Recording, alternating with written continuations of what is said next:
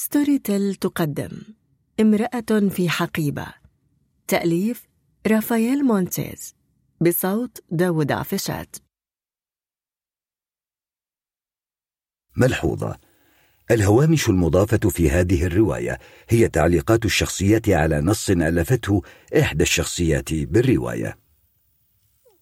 هناك دائما بعض الجنون في الحب لكن دائما ما يوجد بعض المنطق في الجنون.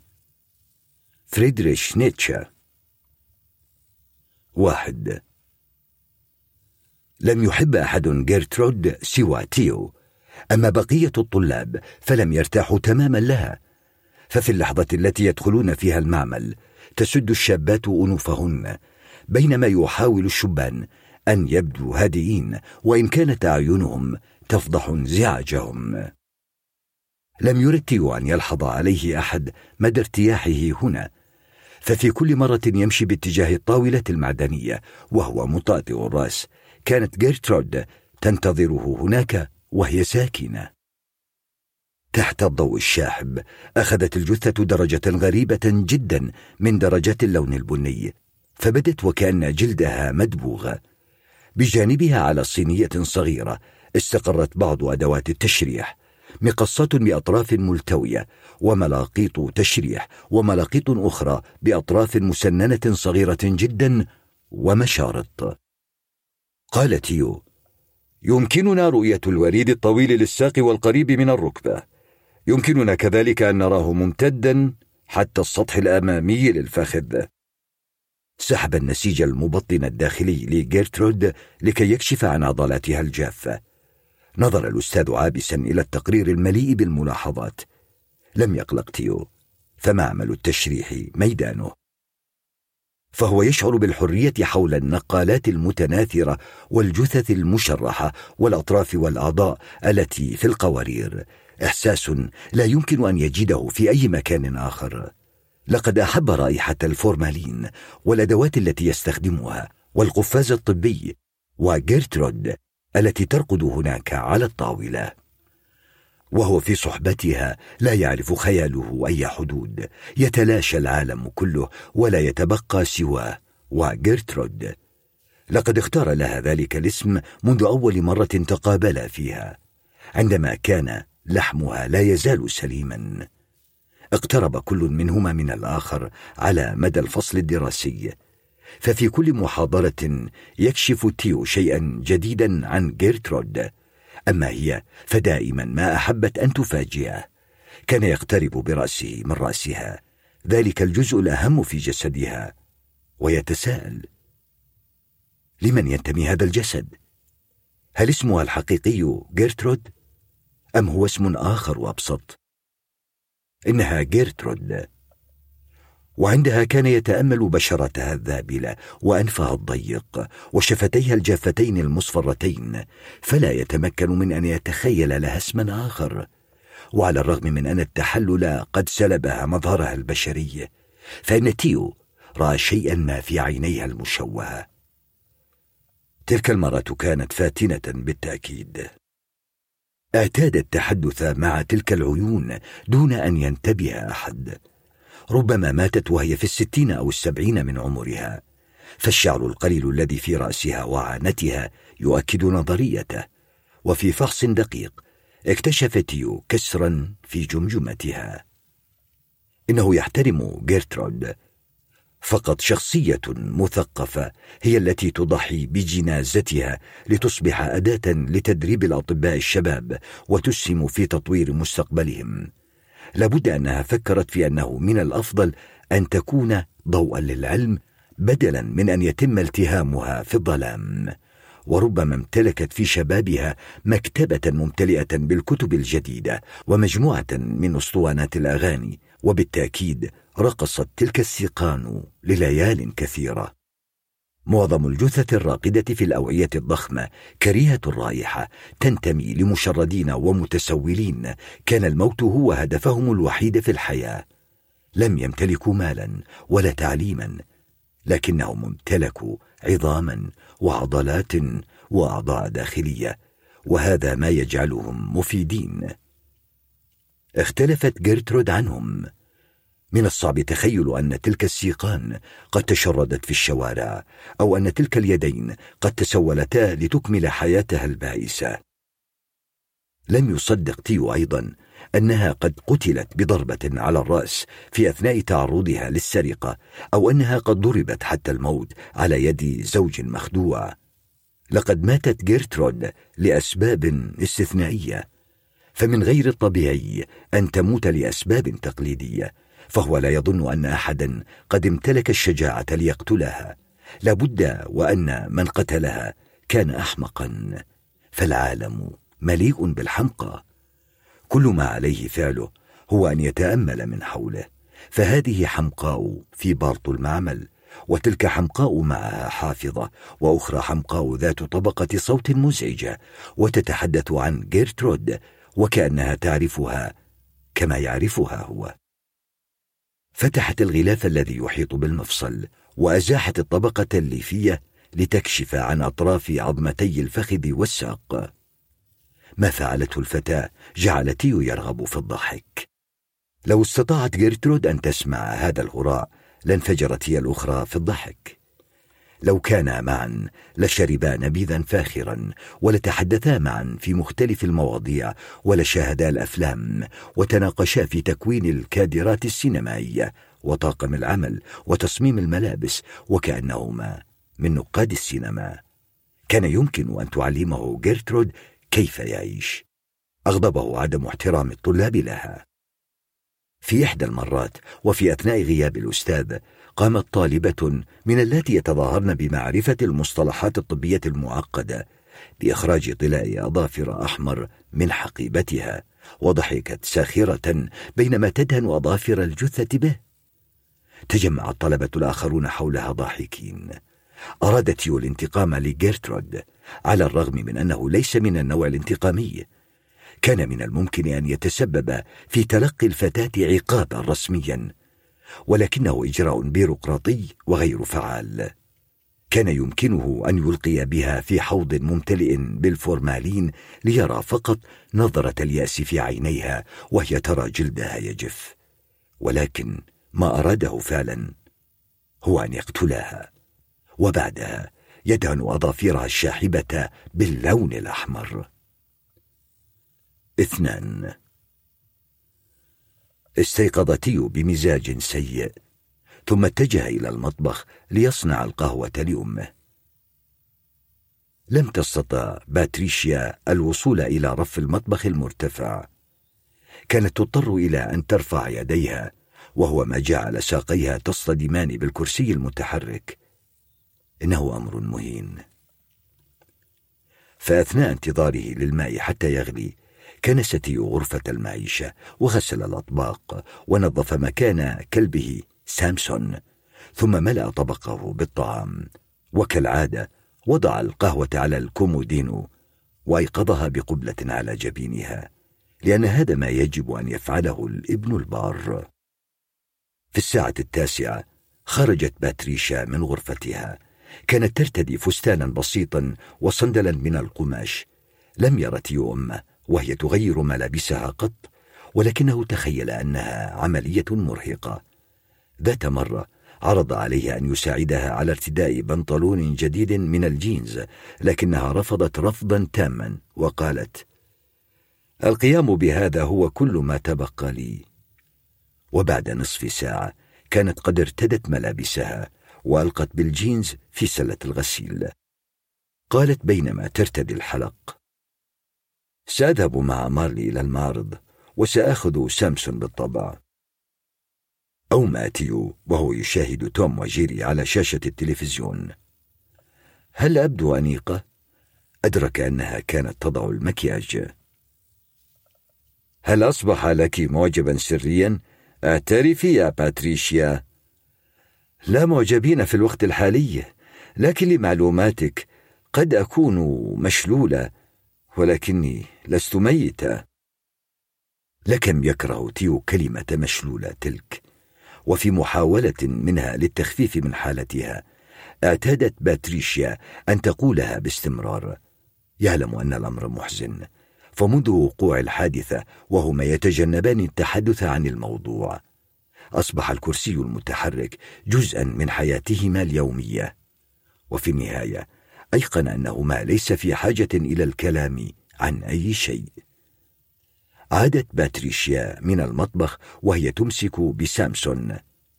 كان كلب الصيد الذهبي يهز ذيله الغزير. انضم إلى الأسرة منذ تسع سنوات عندما كانت تسكن في شقة الدور العلوي البنت هاوس التي تطل على شاطئ كوبا كابانا ليس ممكنا الآن أن يعيش الكلب معهما في شقتهما المكونة من غرفتي نوم. فكر تيو في وضعه في ملجأ. لسامسون فرو جميل وهو من سلالة جيدة. ستتبناه أي أسرة بسرعة. لم يقل تيو هذا لأمه مطلقا فهو يعلم أنه بمثابة طفل لها. ورغم أن هذا الكلام يبدو معقولا فإن أي اقتراح للتخلص منه سيقابل بالرفض التام. رن الجرس. ذهبت باتريشيا لتفتح الباب. مارلي حبيبتي. إنها جارتها وأفضل صديقة وحبيبة لباتريشيا من بين كل معارفها وهي عزباء سعيدة بعزوبيتها وغبية إلى حد ما. هي أيضا بمثابة ممرضة لباتريشيا تساعدها في الحمام وفي تمشية سامسون. وتلعبان الكوتشينة. الورقة معا أيام الأربعاء. لا يعرف تيو من فيهما تعتمد على الأخرى في هذه العلاقة. كان يضحك استغرابا عندما يرى مارلي تقرأ الحظ لأمه في ورقة الكوتشينة. الورق تنبؤاتها بلا شك لا تمت للواقع بصلة. ذات مرة سمح لمارلي بأن تقرأ له الحظ أيضا فقالت له ستصبح غنيا وسعيدا وستتزوج من فتاة جميلة جدا. لم يصدقها. لا يستطيع أن يرى نفسه سعيدا فهو يشعر بأن مصيره هو أن ينسى أن يعيش روتينا مملا يخلو من لحظات السعادة والحزن. حياته هي مجرد فراغ مملوء بمشاعر غير معلنه هو بخير هكذا. قالت باتريشيا ساعة وسنعود. لا تنسى حفل الشواء بعد الظهر اليوم. أي حفل شواء حفل عيد ميلاد ابنتي إريكا. لا أريد أن أذهب أنا بالكاد أعرف الفتاة. ستقابل هناك أشخاصا في عمرك نفسه. أنا نباتي يا أمي. بالتأكيد سيكون هناك خبز بالثوم. يشعر تيو أحيانا بأنه ميدالية ذهبية تفتخر بها أمه أمام الآخرين. هذه هي طريقتها لتعويض ما تحس به من عجز بدني وفكري. أنا لا أطلب منك الحضور. أنا أخبرك بأنك ستأتي. صفعت باتريشيا الباب خلفها ولم يتبق في المكان سوى صوت موسيقى الكرتون. لن يجد هناك خبز بالثوم. لن يجد سوى دم ودهن يتساقطان من اللحم على الشواية ثم على الفحم. والشباب يرقصون على صوت موسيقى الفانك الصاخبة بينما تستمتع باتريشيا بوقتها مع مجموعة من أصدقائها.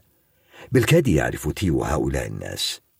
شعر بالندم لأنه لن يبقى في البيت مع توم وجيري. لم يجد وسط زجاجات الفودكا سوى زجاجة مياه واحدة. لن يظل هنا طويلا. سيأخذ تاكسي ويعود إلى البيت وسيقوم أحد أصدقاء باتريشيا بتوصيلها فيما بعد.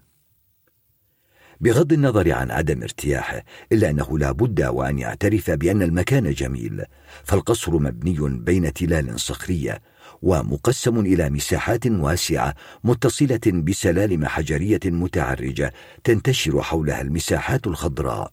ويوجد أسفل السلالم بيت خشبي صغير حيث الحفلة وحمام السباحة ومكان الشواء وطاولات خشبية مثبتة في الأرض. بينما الممرات المتعرجة تؤدي إلى حديقة زاهية الألوان تحظى برعاية جيدة. ويفصل بينها وبين الغابة الخارجية سور أبيض. سأله صوت من خلفه هل تحاول أن تهرب من الموسيقى أم من الناس؟ كان صوتا أنثويا به بحة وثملا قليلا استدار تيو لينظر إليها. كانت شابة صغيرة ربما أصغر منه. قصيرة جدا طولها 148 سنتيمترا على الأكثر. كانت عيناها البنيتان تتفحصان الزهور بهدوء فقال الموسيقى.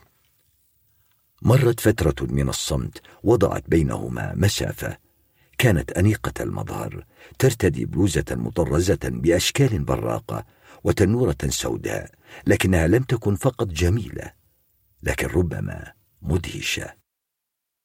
شعرها البني منزاح إلى الخلف على هيئة كعكة غير مرتبة. مع بعض الخصلات ملتصقة بجبينها المتعرق. سألها تيو هل كنت ترقصين؟ نعم ولكنني تعبت. ابتسمت فلاحظ أن أسنانها العلوية غير منتظمة. وجد هذا رائعا. ما اسمك؟ تيو. تيو دورو وأنت؟ كلاريس. اسم لطيف. أرجوك لا تحدثني عن كلاريس ليسبكتور. لم أقرأ لها شيئا. هذه المرأة تلازمني كالشبح. كان مسرورا من تلقائية الفتى ولكنه ظل جادا. لم يكن يشعر بارتياح مع النساء التي يشعرن بثقة من أنفسهن يراهن متعاليات وبعيدات المنال. اقتربت نحوه ووضعت طبق السجق وقطع اللحم الذي كانت تحمله على الدرابزين.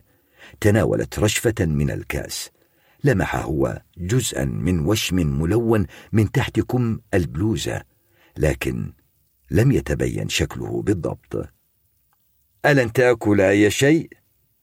أنا نباتي ولا تشرب؟ هذا ماء أليس كذلك؟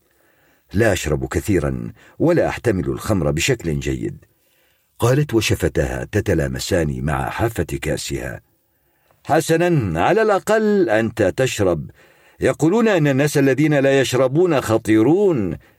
هذه علامة على أنك لست خطيرا. ظن تيو أنه يجب أن يضحك. فضحك. وأخذت كلاريس قطعة أخرى من اللحم من الطبق. فسألها وماذا عنك؟ ماذا تشربين؟ سائل غريب. أظن أنه مزيج من الفودكا وبودرة عصير الليمون. إنه بمذاق الكلور. وكيف تعرفين مذاق الكلور؟ لست في حاجة إلى تناول الأشياء لكي أعرف مذاقها. قالت ذلك بثقة كما لو أن كلماتها لها معنى مطلق فشعرت يو بعدم الارتياح قليلا وأحس في الوقت نفسه أنه مجبر على مواصلة الحديث. نظر إلى ساقيها البيضاوين وأقدامها التي تشبه أقدام باليرينا في صندل بشرايط قرمزية وأظافر قدميها الملونة بألوان مختلفة. لماذا أظافر قدميك هكذا؟ وأظافر يدي أيضا. فردت أصابعها كي يراها. أصابعها طويلة ونحيلة. انحف وادق يدين رآهما في حياته. كانت أظافرها المقصوصة مطلية بألوان عشوائية. ولكن لماذا؟ فأجابت بتلقائية لكي تكون مختلفة. ثم وضعت إصبعها السبابة على فمها. لاحظت أن كلاريس تقضم أظافرها وخمن أن هذا يفسر عدم استواء أسنانها التي تبرز إلى الأمام قليلا رغم أنه لم يدرس طب الأسنان فإنه بحث في الموضوع كثيرا لكي يفهم. جيرترود. ولكن لماذا مختلفة؟ فرفعت حاجبيها. الدنيا مملة ووالداي خير دليل على ذلك. خذ أبي مثلا مهندس دائما خارج المدينة. ساو باولو هيوستن لندن أمي محامية. تجري البيروقراطية في دمها. لهذا السبب من الأجمل أن أكون مختلفة. لا للروتين الثابت. اشربي ولا تهتمي افعلي أشياء غبية ولا تتذكريها بعد ذلك. لوني كل ظفر بلون مختلف عيشي الحياة قبل فوات الأوان. أليس كذلك؟ فتحت كلاريس شنطتها القماش الصغيرة وأخرجت علبة سجائر المينثول. ألديك ولاعة؟ لا أدخن. جمت شفتيها وأخذت تفتش في شنطتها. بدأت الشمس تغيب خلف التلال. شاهدت الظلال تنتشر ببطء. وجدت كلاريس ولعتها أشعلت السيجارة. وحجبت الشعلة عن النسيم بيدها. أخذت نفسا. ونفثت الدخان ناحيته. لا تأكل ولا تدخن وتشرب قليلا. تيو هل تمارس الجنس؟ تراجع إلى الخلف بضع بوصات ليتجنب الدخان الذي يحمل رائحة النعناع. لماذا تراجع؟ لماذا تجعله هذه الفتاة الغريبة يشعر بالخجل هكذا من نفسه؟ هو ليس في حاجة بأن يتظاهر امامها باي شيء. يحب طريقتها اللامبالية في إمساكها بالسيجارة وكيف أنها تقول كل ما يخطر على بالها. قالت أمزح معك لا تنزعج. لكمته على كتفه. كان هذا أول احتكاك جسدي بينهما.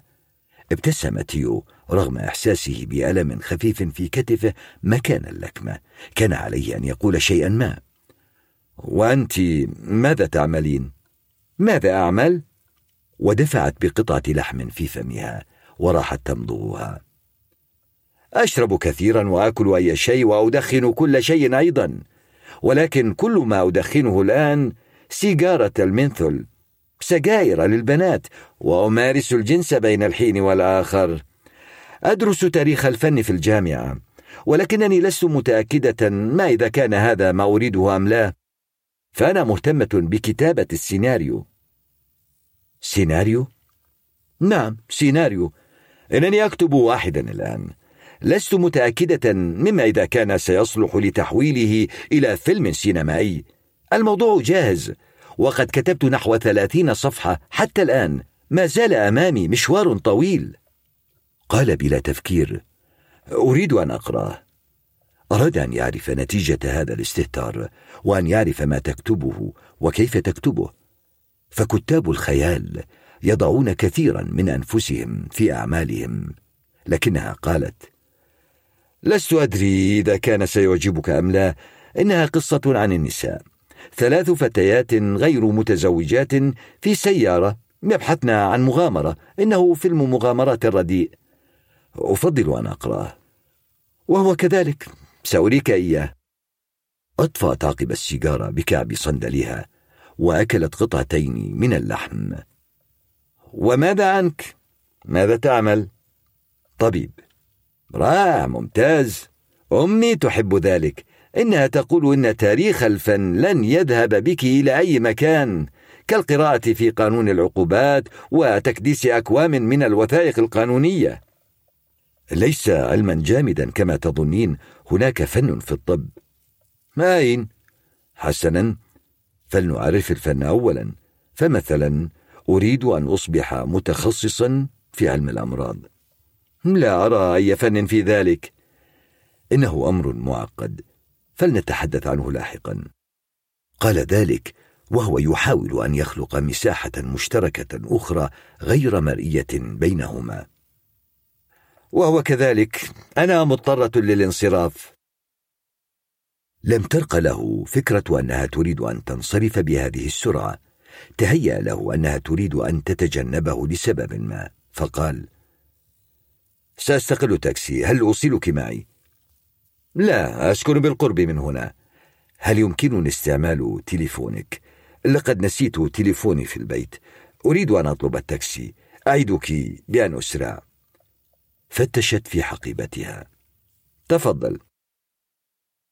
في أثناء المكالمة أخذ تيو يتفحص كلاريس. شعرها منسدل طويل حتى خصرها. التناقض بين طول شعرها وقصر قامتها أعجبه. لا أحد يرد. سأخذ واحدا من الشارع. أعاد لها التليفون وسارا معا على الممر الحجري حتى تشعب إلى اثنين. فقال وهو يشير إلى أحدهما. هذا طريق الخروج. سأذهب لأتناول بيرة وأودع بعض الأصدقاء. ألن تذهب لتودع أي أحد؟ كان يجب أن يخترق عذرا لكنه أراد أن يقول الحقيقة. أفضل ألا أفعل.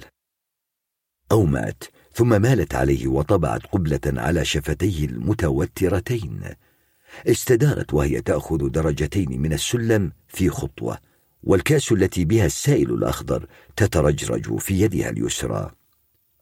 عندما وصلت هيو إلى المنزل شعر بالدوار. أسرع ليحضر تليفونه وأرسل رسالة إلى والدته ثم تفحص بعدها المكالمات الفائتة مستمتعا برؤية رقم آخر مكالمة. استلقى على الكنبة لفترة محدقا في السقف ومسترجعا ما حدث. شيء ما تفجر داخله. شيء لم يستطع تفسيره ولا يريد تفسيره. على الرغم من أنه لا يعرف اسم كلاريس العائلي ولا أين تعيش ولا أين تدرس تاريخ الفن فإن لديه رقم تليفونها. وهذا ما جعل بينهما ألفة من نوع ما. ثلاثة. أرادت يو أن يتصل بها لحظة استيقاظه. ضغط على رقمها والذي حفظه عن ظهر قلب لكن لم يكن يمتلك الشجاعة لكي يكمل المكالمة. كيف سيفسر لها؟ كيف حصل على رقمها؟ سيكون الأمر مثيرا للشفقة وصبيانيا إذا قال لها كيف حصل عليه أدرك الآن كم هي بعيدة عنه لو أنه لم يفعل شيئا سوى أن يمسح رقمها من تليفونه فربما لن يلتقيا مجددا ابدا. كم مرة في الحياة نصادف شخصية مميزة؟ جاء سامسون يمرح بين قدميه. مرر تيو يده على فروه السميك وتركه يلعق يديه ثم أبعده عنه. لا يريد مواساة. غير ملابسه للذهاب إلى الكنيسة. صاحت أمه في المصعد لقد تأخرنا. أخذت نفسا عميقا.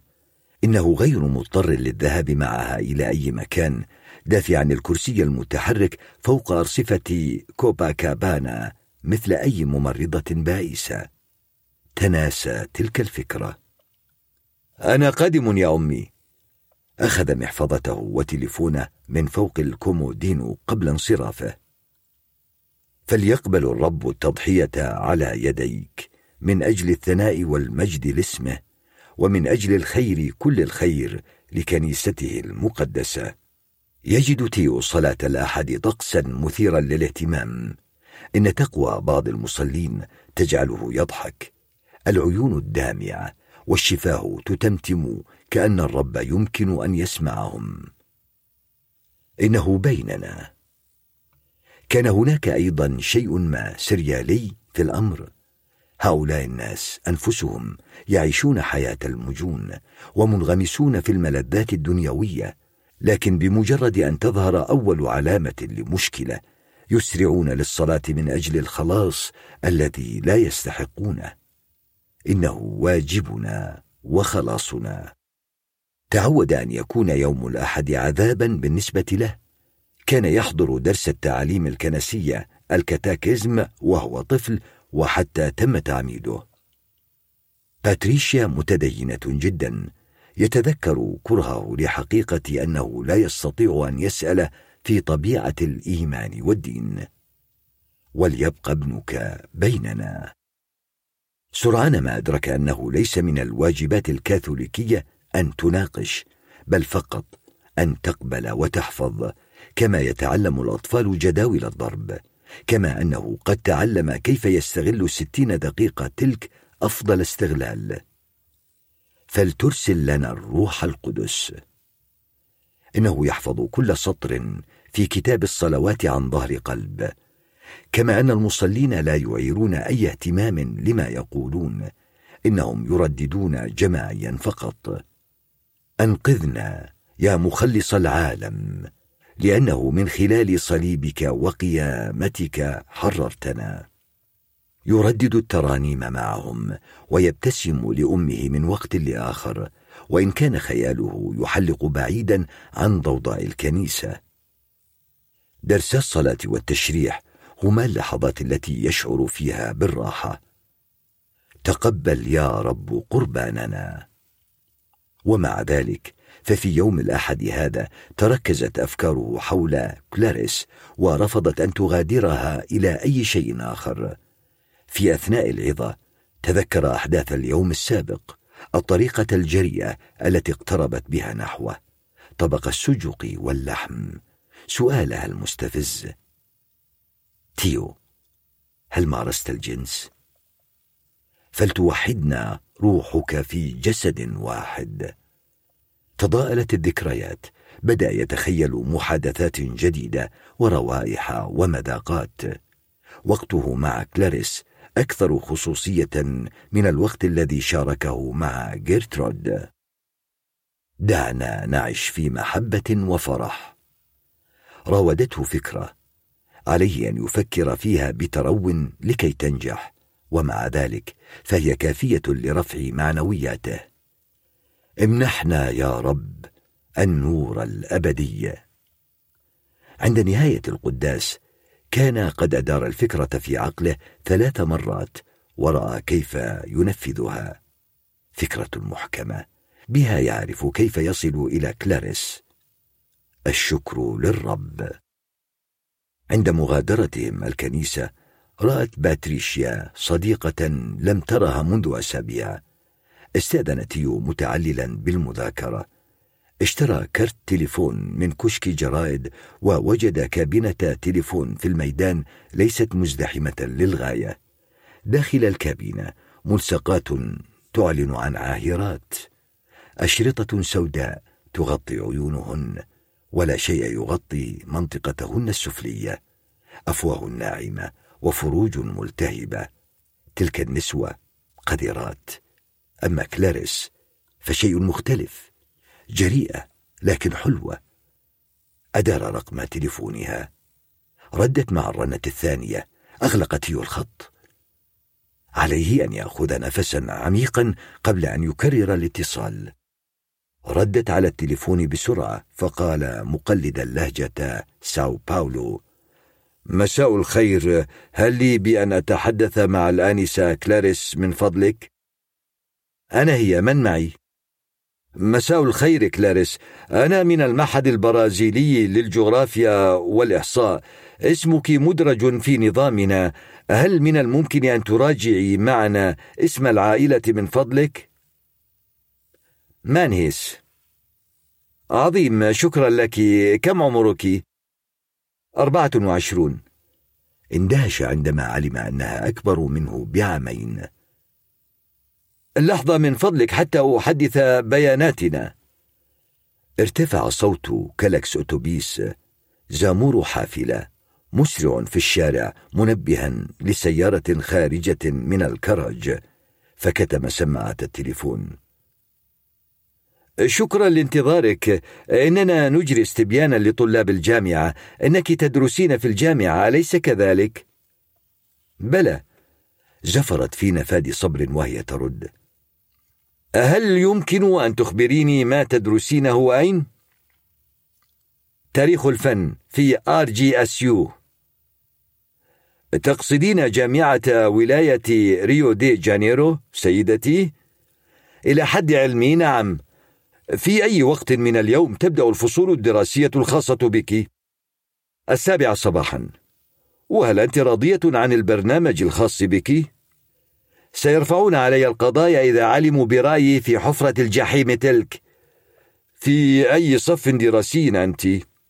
مهلا أتريد أن تعرف تاريخ ميلادي واسم أمي قبل الزواج ولون ملابسي الداخلية أيضا؟ أحس تيو وكأن أحدهم قد سكب دلوا من الماء البارد فوقه. بالطبع لا هذا آخر سؤال. في أي صف أنت؟ الثالث. المعهد يشكرك للمشاركة في الاستبيان. أغلقت الخط دون رد. أعادت سماعة التليفون مكانها وأخذ يقلب المعلومات في ذهنه. ارتسمت ابتسامة عريضة على وجهه. يوم الأحد يمضي ببطء. لا يحب تيو أيام الآحاد لم يكن متعبا فقضى عدة ساعات يبحث في الإنترنت عن كلاريس. اكتشف أن ترتيبها كان الأول في امتحان القبول الخاص بتاريخ الفن بدرجة عالية تكفي لدراستها أي تخصص آخر. ووجد أن ترتيبها متقدم في امتحانات القبول الأخرى أيضا. دائما ما تأتي في مقدمة القوائم. وجد مدونة عن التنجيم تركت بها بعض تعليقات. أما في صفحات التواصل الاجتماعي فإن اسم كلاريس مانهيس صاحب صورة امرأة بشعة بالتأكيد ليست هي. قبل النوم ضبط تيو المنبه ليصحو مبكرا. يجب أن يكون في قسم تاريخ الفن في الساعة السابعة صباحا. كانت السيارة الفيكترا السوداء من بقايا البرستيج الخاص بأسرة أليفار منذ أيام إقامتهم في شقة البينت هاوس في كوباكابانا. فعلى الرغم من اقتصادها في الإنفاق فقد بذلت باتريشيا كل جهدها كي تحتفظ بالسيارة. وصلت يو إلى الجامعة في السادسة والنصف صباحا. كان قسم تاريخ الفن خاليا.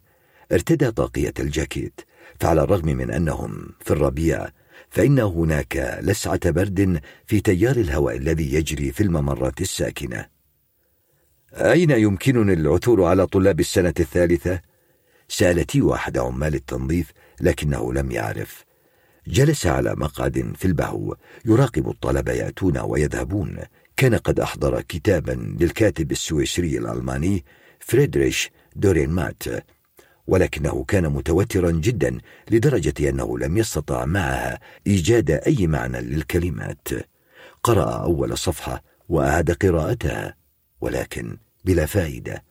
الفتيات الجميلات تمر بشعورهن الغريبة وبشرتهن الرائعة وفي أيديهن أجهزة لابتوب ولكن كلاريس لم تظهر. في التاسعة ذهب تيو إلى المكتب ليعرف بعض المعلومات. وهناك قالت له المرأة ذات المزاج السيء بطريقة مستفزة. إنهم الآن في نهاية الفصل الدراسي وربما أخذ بعض الطلاب الإجازة بالفعل وأضافت بأنها ليس في وسعها معرفة أي شيء. عاد إلى البهو متشبثا بدرب زين السلم الضبابي الذي يربطه بكلاريس. لم يستطع رؤية درجات السلم أمامه فالصعود في غاية الخطورة. خطر له أن يستسلم ويعود إلى كتبه وجثثه. لو أن كلاريس تريده فستحاول بأي طريقة وتجده. فهي من نوعية البنات اللاتي يحصلن على ما يردن. ازداد شعوره بالهزيمة قوة عندما قالت له فتاة بعيون جاحظة. انتهى الصف الثالث من فصلهم الدراسي. أنا في الصف الرابع. ولكن لدينا بعض الدروس المشتركة والصف الرابع انتهى أيضا من الدراسة. لقد جئت فقط لأرى نتيجتي. ليس لدي أدنى فكرة عما تكون كلاريس. شكرها تيو بنفاد صبر. الحمقاء ليست لديها فكرة عمن تكون كلاريس. يا له من أمر سخيف. اتجه نحو الطريق المنحدر أمام الجامعة وهو يفكر في حقيقة أن الناس معظم الوقت لا ينتبهون لمعظم ما يدور حولهم. كان في منتصف طريق عودته إلى موقف السيارات عندما رأى كلاريس تمر أمامه وهي تتحدث مع صديقة لها. بمجرد أن انتهى أثر المفاجأة سار خلفها اعتبر تلك المصادفة علامة على أنه في الطريق الصحيح وهو ما جعله قويا ومفعما بالحيوية. ذهبت كلاريس وصديقتها إلى المكتب. في الخارج كانت السحب الرمادية والشمس تتنافسان على مساحة في السماء. تركت كلاريس المكتب بسرعة وضحكت على شيء قالته صديقتها. حسدت الفتاة الأخرى على ما قالت وكان مضحكا لها. لم يدري ما الذي جعل كلاريس تضحك. ربما كان أفضل حالا مع جيرترود وصمتها. سارت الفتاتان فوق الطريق المنحدر. كانت كلاريس ترتدي سترة خضراء تميل إلى الإصفرار فوق بلوزة مخططة ملونة. أشعلت سيجارة الميثول وظلت تدخنها حتى وصلت إلى المترو. معهما تذاكر بالفعل. اشترى تيو تذكرة لنفسه وأسرع وراءهما. وجدهما على الرصيف. دخل العربة نفسها من خلال باب النزول.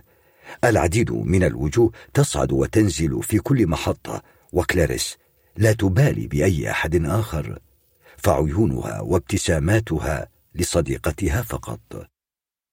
نزلتا في بوتافوغو وأخذتا الأتوبيس الحافلة إلى جاردن بوتانيكو. أوقف تاكسي مستمتعا بشعوره وكأنه في فيلم أكشن وهو يقول للسائق اتبع هذا الأتوبيس. اتبع هذه الحافلة. استمرت الرحلة حتى حديقة ليك بارك حيث نزلت الفتاتان وهما ما زالتا تتحدثان بحماسة. دفع تيو للسائق ولم ينتظر الباقي. الأطفال يتسابقون عبر الحديقة غافلون عن السماء التي تنذر بأنها ستمطر. بينما جلست مجموعة من المربيات يرتدين زيا موحدا على المقاعد يتبادلن النميمة ويلقين بنظرات الإعجاب على الرجال الذين يمرون أمامهم.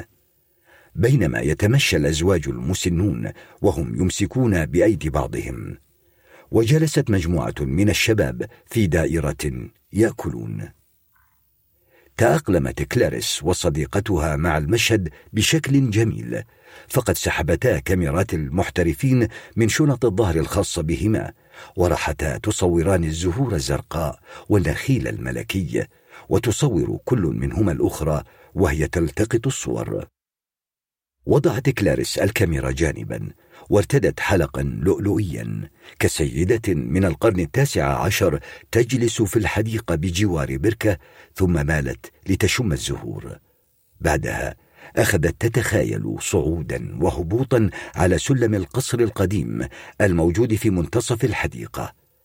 إن لها عيونا كالغزال. بعدها وقفت كلاريس تحت الشمس تشاهد الصور مع صديقتها. انفجرت بالضحك من بعضها وطلبت من صديقتها حذف الباقية. أراد تيو أن يراها أن يحتفظ بها لنفسه بما فيها تلك التي حذفت بسرعة ومن خلف شجرة بعيدة وقف تيو يصور كلاريس أيضا لكن بعينيه محتفظا بالصور في ذاكرته. تناولت الصديقتان تفاحة عند الغروب. مرت عشر ساعات دون أن يلاحظ حتى إنه لم يتناول الغداء. ودعت كلاريس صديقتها وأشعلت سيجارة المنثول. سارت في شوارع منحدرة وانعطفت في زوايا. وعبرت تقاطعات كانت تمشي بخفة. فتاة رشيقة ابتلعها الزحام. انعطفت في شارع ضيق. أخرجت المفتاح من شنطتها. وفتحت باب منزل محاط بجدار حجري عال. انتظر تيو للحظات. ثم كتب العنوان. أخذ تاكسي وعاد إلى الجامعة ليأخذ سيارته من الكراج. عندما عاد حيا أمه بقبلة سريعة. استحم ثم حلق ووضع بعض العطر وارتدى أفضل طاقم في دولابه. قميص بولو أخضر يظهر كتفيه العريضتين. قالت باتريشيا وقد عادت إلى الواقع في فترة الإعلانات. تبدو انيقا إلى أين ستذهب؟ كانت تمسح بيدها على رأس سامسون المستقرة في حجرها فأجاب سأقابل فتاة. سآخذ السيارة. من الرائع أنه لم يلجأ إلى الكذب.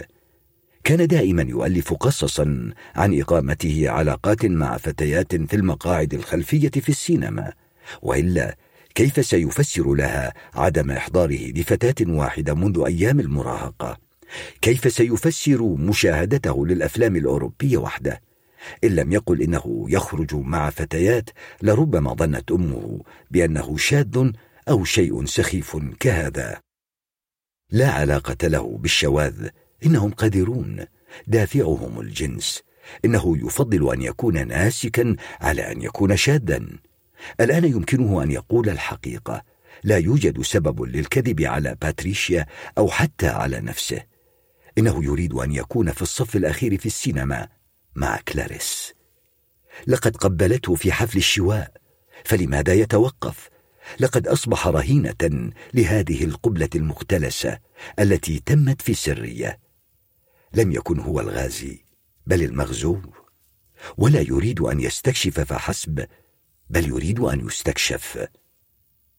أحب كلاريس أقر بينه وبين نفسه. يريد أن يكون محبوبا. كان تيو منزعجا من فكرة أنه لن يقابلها الليلة. ظل في السيارة لأكثر من ساعتين يراقب الأضواء في غرف النوم والظلال تذهب وتجيء من خلف الستارة. توقفت سيارة كورسا حمراء أمام المنزل وأطلقت بوقها مرتين. ظهرت كلاريس أمام الباب فاتنة في فستان أسود. خرج قائد السيارة لكي يرحب بها. يبدو أنه في أواخر العشرينيات تقريبا في الثلاثين. جعلته نظرته الضخمة المستطيلة وملابسه السوداء يبدو أكبر من سنه. أعطته كلاريس قبلة سريعة على خده ودخلت السيارة وبعد دقائق كانا في حي لابا. نزل الرجل من السيارة ومعه حقيبة ظهر ضخمة وسار نحو قاعة كونشيرتو. سيسيليا ميريليس وهو يمسك بيد كلاريس. الإعلان الموضوع على الباب عن برنامج الليلة. أوركسترا سيمفونية الشباب البرازيلي. حفلات كونشيرتو للشباب. سيعزفون الليلة سيمفونية أنتونين دفورجاك التاسع لم يرغب تيو في الانتظار حتى ابتداء العرض فمنظر أعضاء الفرقة الموسيقية بوجوههم الصارمة. والجيتار والتشيلو في أماكنهم لم يثيروا اهتمامه ولم يثر اهتمامه أيضا أن يرى كلاريس وهي تقبل رجلا آخر فقد ضايقه أن يمسك بأيدي بعضهما كفاية. انتهى به الأمر بشراء تذكرة ومن بين رؤوس النساء بتسريحاتهن العالية استطاع أن يحدد مكانها جالسة بجوار صديقتها التي كانت معها من قبل. لم يكن الرجل موجودا. عندما بدأت الموسيقى لمحه تيو بين الموسيقيين بنظراته الضخمة المستطيلة يعزف على جيتار لونه ضارب إلى الحمرة مشحونا بشعور عدائي قوي. لم يعر تيو الموسيقى أدنى اهتمام. رأى على ظهر الكرسي الذي أمامه نملة فسحقها بإبهامه. بعد ذلك ذهب ثلاثتهم إلى مطعم مجاور حيث طلبوا البيتزا والبيرة. بدو وكأنهم لن ينتهوا من حديثهم أبدا. شربت كلاريس بشكل مفرط لا يليق بامرأة. كانت الساعة الثالثة صباحا عندما غادر الرجل الطاولة. اتجه نحو سيارته. نظف نظارته بعصبية بقميصه وأغلق باب السيارة وانطلق بها.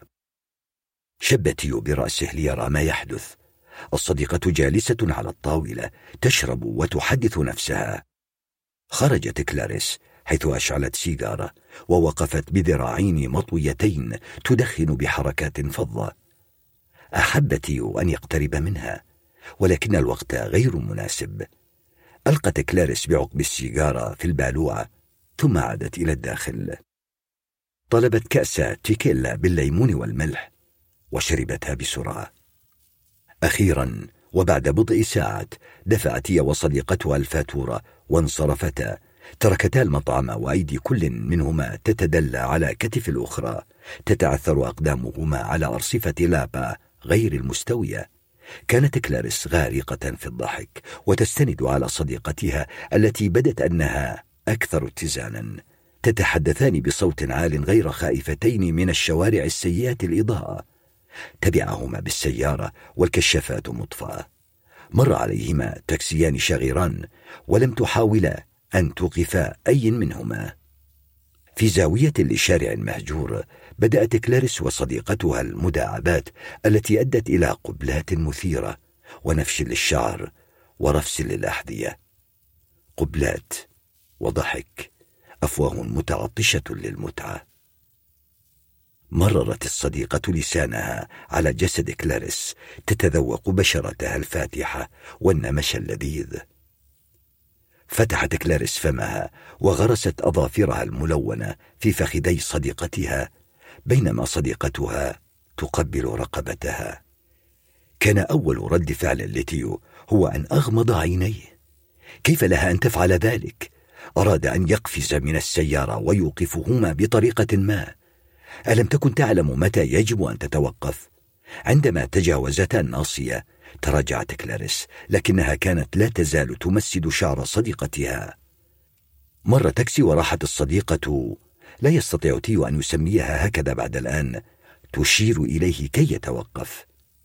قبلت كلاريس بقوة في شفتيها ولوحت لها من النافذة قبل أن ينطلق التاكسي مبتعدا. لم تستطع كلاريس حتى أن تمشي في خط مستقيم. مرت سيارة بسرعة فائقة مطلقة الكلاكس الزامور وهي تعبر الشارع.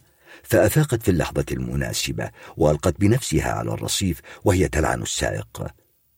وقفت بصعوبة والدم يتساقط من ركبتها المصابة. خطت عدة خطوات ثم سقطت مرة أخرى. وجدت زاوية مظلمة. أمام عتبة بيت قديم تمددت وراحت في النوم فورا. اقترب منها تيو في صمت حتى لا يفزعها. أخذها من ذراعها ومسد شعرها لكي يوقظها. فتحت كلاريس عينيها قليلا. ماذا؟ هيا بنا تعالي معي. ماذا؟ أنت نائمة في الشارع تعالي معي. سأخذك إلى البيت. وافقت وتركته يساعدها على النهوض.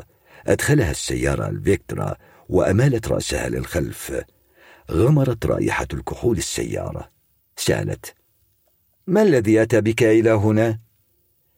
كانت كلماتها مشوشة. فكر تيو في إجابة. ولكن كلاريس عادت للنوم مجددا. عيونها تتحرك بسرعة وكأنها في كابوس. بمن تحلم؟ ركن السيارة أمام منزلها. كان هناك قلة من الناس قد استيقظوا من أجل العمل في صباح يوم الثلاثاء ذاك. كان الضوء لا يزال ضعيفا. أشارت الساعة في لوحة السيارة إلى الخامسة والنصف صباحا. وجد عدة مفاتيح في حقيبتها. فأيقظها قائلا. أي مفتاح هو الصحيح؟ هذا. هيا بنا سأساعدك. خرج من السيارة. احترسي. أمسك بها من ساعدها فشم رائحة عطرها الذي غطته رائحة الكحول. كان هناك نباح على الجانب الآخر من سور المنزل الحجري. وحقيقة أن النباح لم يقترب جعل تيو يستنتج أن الكلاب محبوسة. أدار المفتاح ودخل. لم تكن كلاريس قادرة على المشي دون أن تقع. تنهدت عندما أضاء النور. كان شعرها منفوشا وفستانها مكرمشا. ساعدها تيو لتستلقي على كنبة في غرفة المعيشة. الغرفة واسعة وبها سفرة من الخشب وأثاث وأرفف من كتب القانون وجهاز تلفزيون ضخم. أين المطبخ؟ أغلقت كلاريس عينيها وتدثرت بالبطانية الملقاة على الأريكة. من أنت؟ وماذا تفعل هنا؟ سألته المرأة التي دخلت توا طويلة ونحيفة وتبدو يائسة نوعا ما كانت ترتدي روب خمري فقال تيو أنا فقط أريد المساعدة وهي ليست على ما يرام. جلست المرأة على الأريكة ووضعت يدها على جبين كلاريس لتقيس حرارتها. حسنا إنها سكرانة بالتأكيد. ماذا فعلت بابنتي؟ لم أفعل شيئا حتى إني لا أشرب. لقد وجدتها في الشارع بالصدفة. أين المطبخ؟ لماذا تريده؟ يجب أن نعطيها شيئا حلوا. نظرت أم كلاريس إليه نظرة شك وربتت على خدود ابنتها ولكنها لم تستجب. إنها في حالة سيئة. غالبا هي في غيبوبة كحول الآن. سيفيدها الجلوكوز. هل أنت طبيب؟ طالب طب. ما اسمك؟ تيو. أنا هيلينا أمها.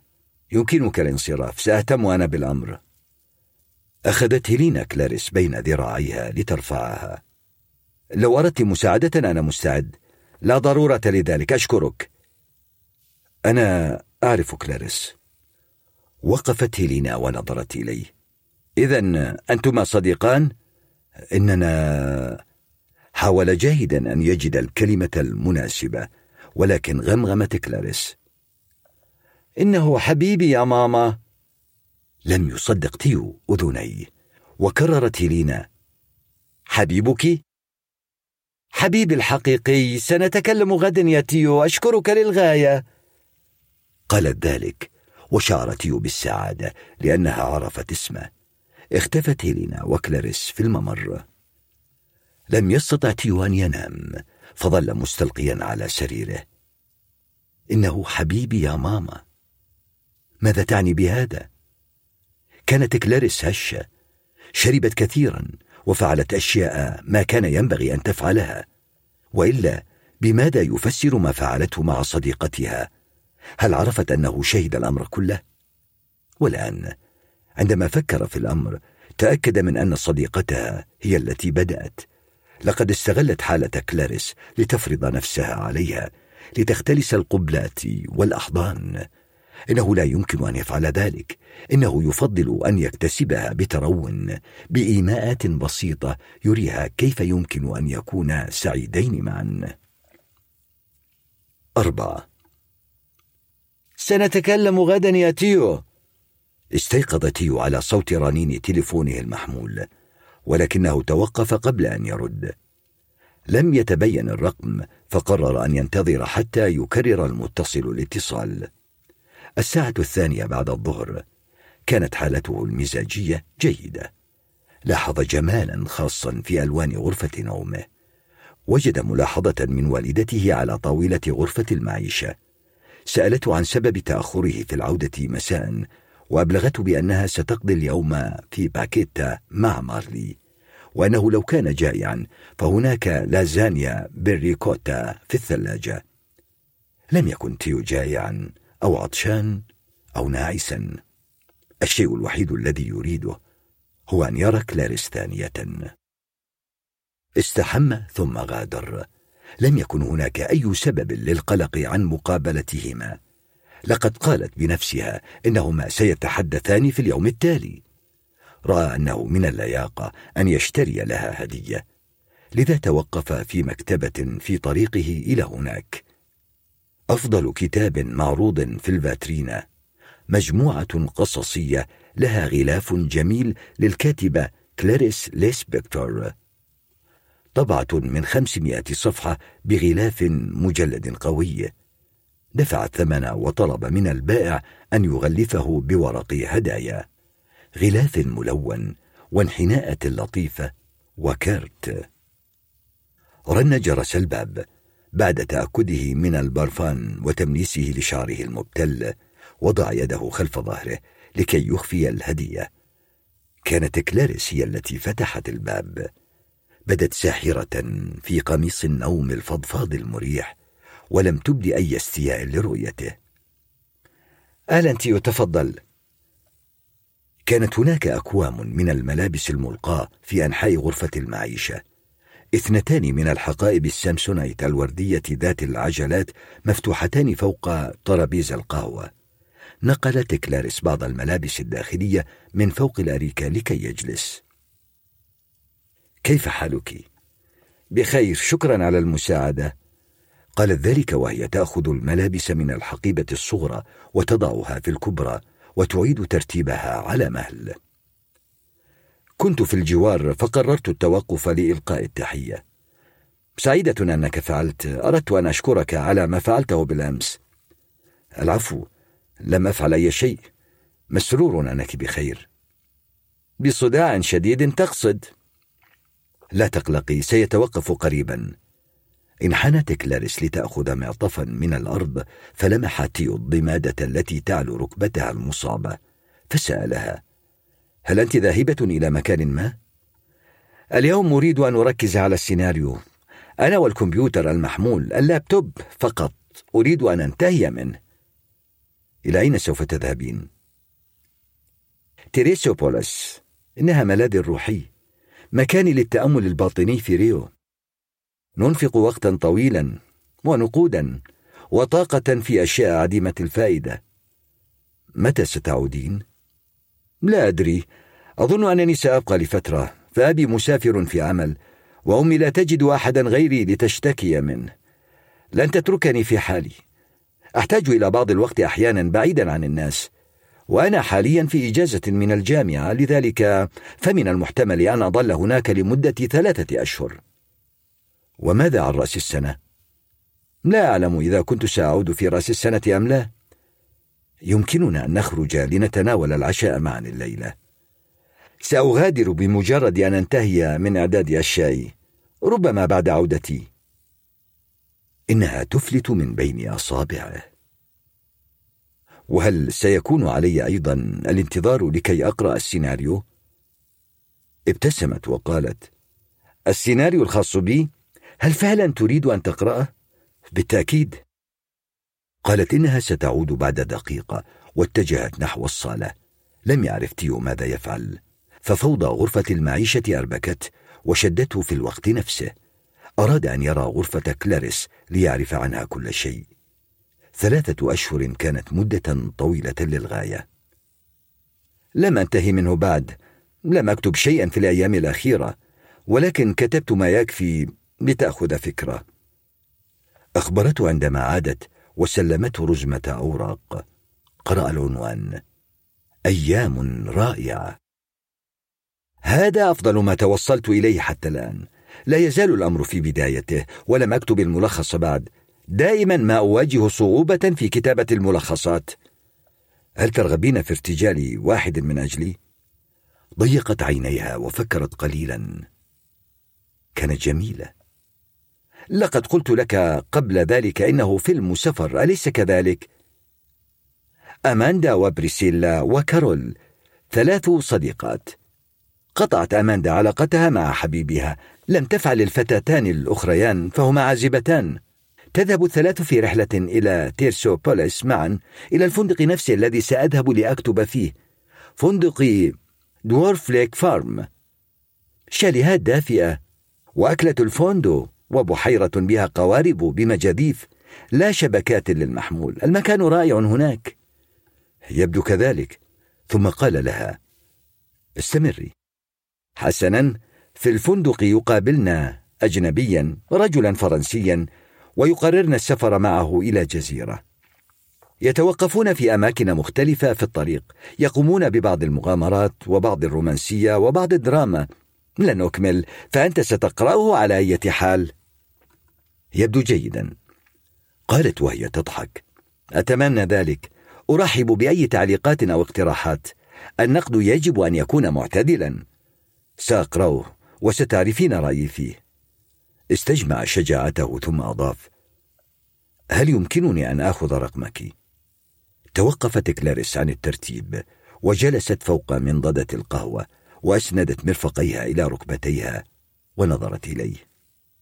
أظن أنك قد حصلت عليه بالفعل. لا. هل أنت متأكد من أنك لم تأخذه يوم السبت؟ فقال محاولا ألا يبدو فظا ما كنت طلبت لأخذه لو كان لدي. لقد اتصلت بي يوم الأحد من معهد الجغرافيا والإحصاء.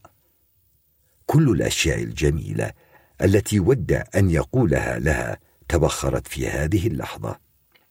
لا أدري عما تتحدثين.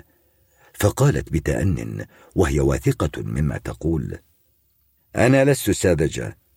لقد تلقيت مكالمة غريبة يوم الأحد. قال الرجل إنه من المعهد صوته وطريقة كلامه يشبهان صوتك وطريقتك إلى حد كبير جدا. وسألني جميع أنواع الأسئلة. ولكن كما ترى اتصلت بالرقم بعد مدة في اليوم نفسه. وأخبرني رجل عجوز بأن الرقم لكابينة تليفون عامه في كوبا كابانا أنا لم والمدهش أن المعهد لديه رقمي ولكني لست مدرجة في نظامه فهم لا يعرفون لقبي ولا تاريخ ميلادي فالرجل سألني عن سني إضافة إلى أني أشك بقوة في أنهم يجرون استبيانات عشوائية في أيام الآحاد. شخص ما أراد أن يخدعني، فاتصل بي ليحصل على معلومات عني. لذلك سؤالي هو: ماذا تريد مني حقا؟ كلاريس أنا أقسم أني لا أعرف عما تتحدثين، ربما خلطت بيني وبين لا، لم أفعل. لقد وجدتني في منتصف الليل في لابا هل تقصد أن تقول إنك قد مررت من هناك مصادفة أيضا إنها مصادفة ودون أن تسألني أين أسكن. أحضرتني إلى بيتي. كنت تعرف أين أعيش؟ لقد أخبرتني به عندما ركبت السيارة. كنت سكرانة. هل تظنين أني قد خمنته؟ لم يعلم ماذا يجب أن يقول إضافة إلى ما قاله بالفعل. هل ما يشعر به الآن هو الخجل أم كراهية الذات؟ كنت تتبعني. لقد أخذت رقم تليفوني. في حفل الشواء. اتصلت بتليفونك من تليفوني. التقطت تليفونها من بين كومة ملابس متشابكة. ها هو رقم تليفونك. تسعة ثمانية ثلاثة ثلاثة اثنان تسعة صفر تسعة صفر. أتريد أن أطلبك لكي تتأكد؟ لا يمكن أن تكوني فعلت ذلك. لقد فعلت. اتصلت بك في الصباح الباكر. بدا صوتك نائما ولكني تعرفت عليه فورا. يوم الأحد اتصلت بي بهذه الرواية المختلقة السخيفة وعرفت أين أدرس. يوم الاثنين تتبعتني وعرفت أين أسكن. لقد تتبعتني إلى لابا ليلة أمس. انظر أنا شاكرة لك جدا على ما فعلته ولكن ألا تظن أن التربص بالآخرين أمر مخيف إلى حد ما؟ أنا لم أتربص بك ولا أدري شيئا عن المكالمة التي تتحدثين عنها. ابتسمت وهزت رأسها. بدت هادئة جدا وهي تكشف له كيف كشفت خدعته. كلاريس من نوعية النساء التي يحتفظن بهدوئهن حتى في أثناء التوتر. قالت سأعطيك قبلة لو أخبرتني باسم عائلتي. ماذا قلت؟ فقالت بنوع من الدهاء قلت سأعطيك قبلة لو أخبرتني باسم عائلتي. عليك أن توافق. أنا لم أعطيك اسم عائلتي ولكنك شاب محظوظ. قد تكون حصلت عليه بطريقة ما. هيا! أيمكن أن تقبلي شخصا ما فقط لكي تثبتي أنك على حق؟ أنا لا أريد أن أثبت أي شيء. أنا أريد فقط أن أريك أن الأشياء التي فعلتها مجنونة نوعا ما. فنحن بالكاد نعرف بعضنا يا تيو بلل شفتيه. الاعتذار سيكون مثيرا للشفقة. لقد سخرت منه كلاريس. قالت ليس عليك أن تفسر. أعرف أن الناس أحيانا يفعلون أشياء لا معنى لها ولا لا تحتاج أن تضع بيننا مسافة. أعلم أنه ليس لطيفا. أعلم أنني أعجبتك. وإذا كان لابد أن تعرف أنت أيضا تعجبني. فأنت تبدو شابا لطيفا ولكن هذه ليست الطريقة التي ستتقرب بها مني. هذا ما يفعله المخبولون نزلاء المستشفيات العقلية وما شابه ذلك.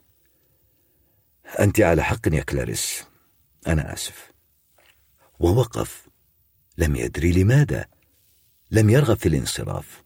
فقال أنت فعلا ذكية جدا وربما هذا ما جذبني إليك. بالقياس بالحالة التي كنت فيها من المدهش هذا الكم الذي تتذكرينه من الأشياء؟ عادت إلى ترتيب حقائبها وكأن كل شيء انتهى. لدي ذاكرة قوية. اذا تتذكرين ما قلته لأمك عندما سألتك من أنا؟ أتتذكرين ماذا قلت؟ قلت إنك حبيبي. شعرت يو بقشعريرة عندما سمعها تقولها مرة أخرى. بدت وكأنها حقيقية. اذا لماذا قلتها؟ لمجرد التسلية. أمي كالصداع في رأسي فهي دائما تشكو ممن أخرج معهم. فهذا يدخن مارجوانا وذاك ليس معه مال. أما ذاك فيدخن مارجوانا وليس معه مال. ولاحظت أنها أعجبت بك. فشعرك أنيق. ولا تنبعث منك رائحة كريهة ولا تدخن. تدرس الطب ومهذب.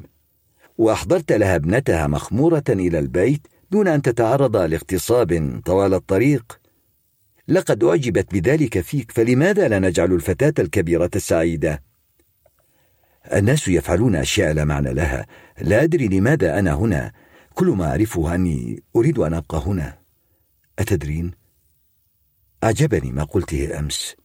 لا أدري لماذا ولكنني فعلت.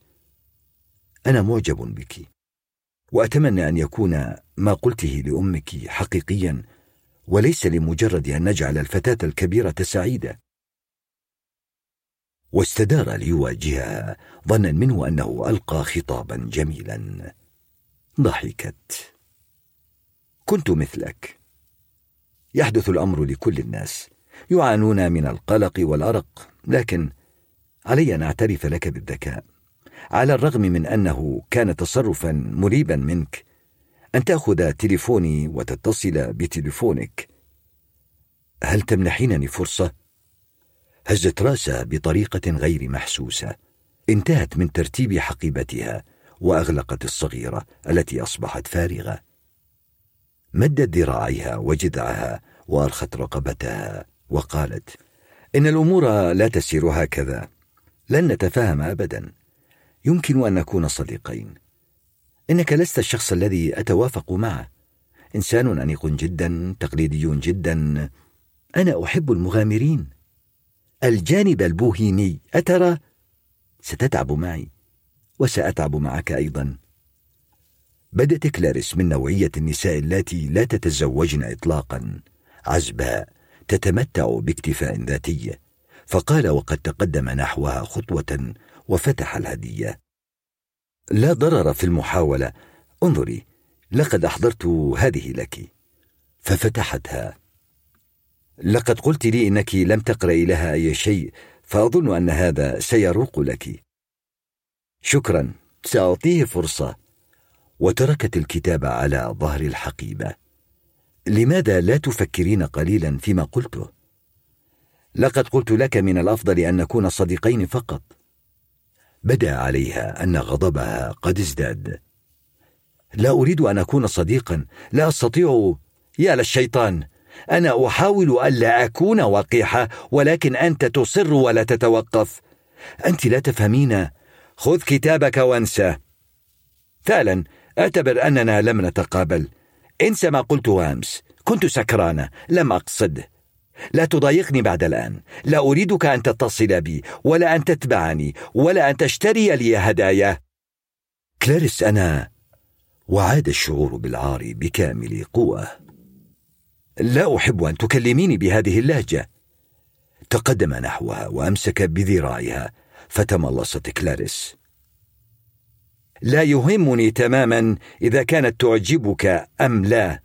هيا انصرف. حاولت أن أكون لطيفه ولكنك لم تفهم. إذا كنت تعاني مشكلات مع النساء اذهب لعاهرة أو شيء من هذا القبيل. الإهانات تتوالى الصوت الحلو نفسه والإيماءات نفسها أيضا ولكنها كانت امرأة أخرى. لم تكن كلاريس الخاصة به. تقدم خطوة أخرى لكي يسكتها. التقط الكتاب وضربها به بعنف على رأسها. كلاريس ضد كلاريس. راح يضربها عدة مرات حتى هدأت. سقط جسدها النحيل على طاولة القهوة والدماء تسيل على رقبتها من الخلف. تناثرت بعض الدماء على بعض القمصان الملقاة على الأرض وتحول غلاف الكتاب إلى لون أحمر داكن. لم تتحرك كلاريس. جس نبضها لم تزل على قيد الحياة. لم يساعده شعور الراحة الذي انتابه على السيطرة على الارتجاف الذي أصاب ساقيه. نظر إلى الباب. شعر وكان احدا على وشك الوصول.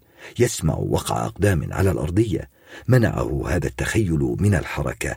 لم يظهر أحد. كان متماسكا ومتعقلا وثابتا. يستطيع أن ينفذ ما يريد. كلاريس الساكنة أثارت أعصابه. فتح الحقيبتين السامسونيت ونقل محتوى الكبيرة داخل الصغيرة. كبس الملابس وأغلق الحقيبة بصعوبة ووضع كلاريس في الكبيرة وترك بها فتحة لكي تتنفس. رتب الملابس التي كانت فوق الأريكة ووضع تليفونها المحمول في جيبه.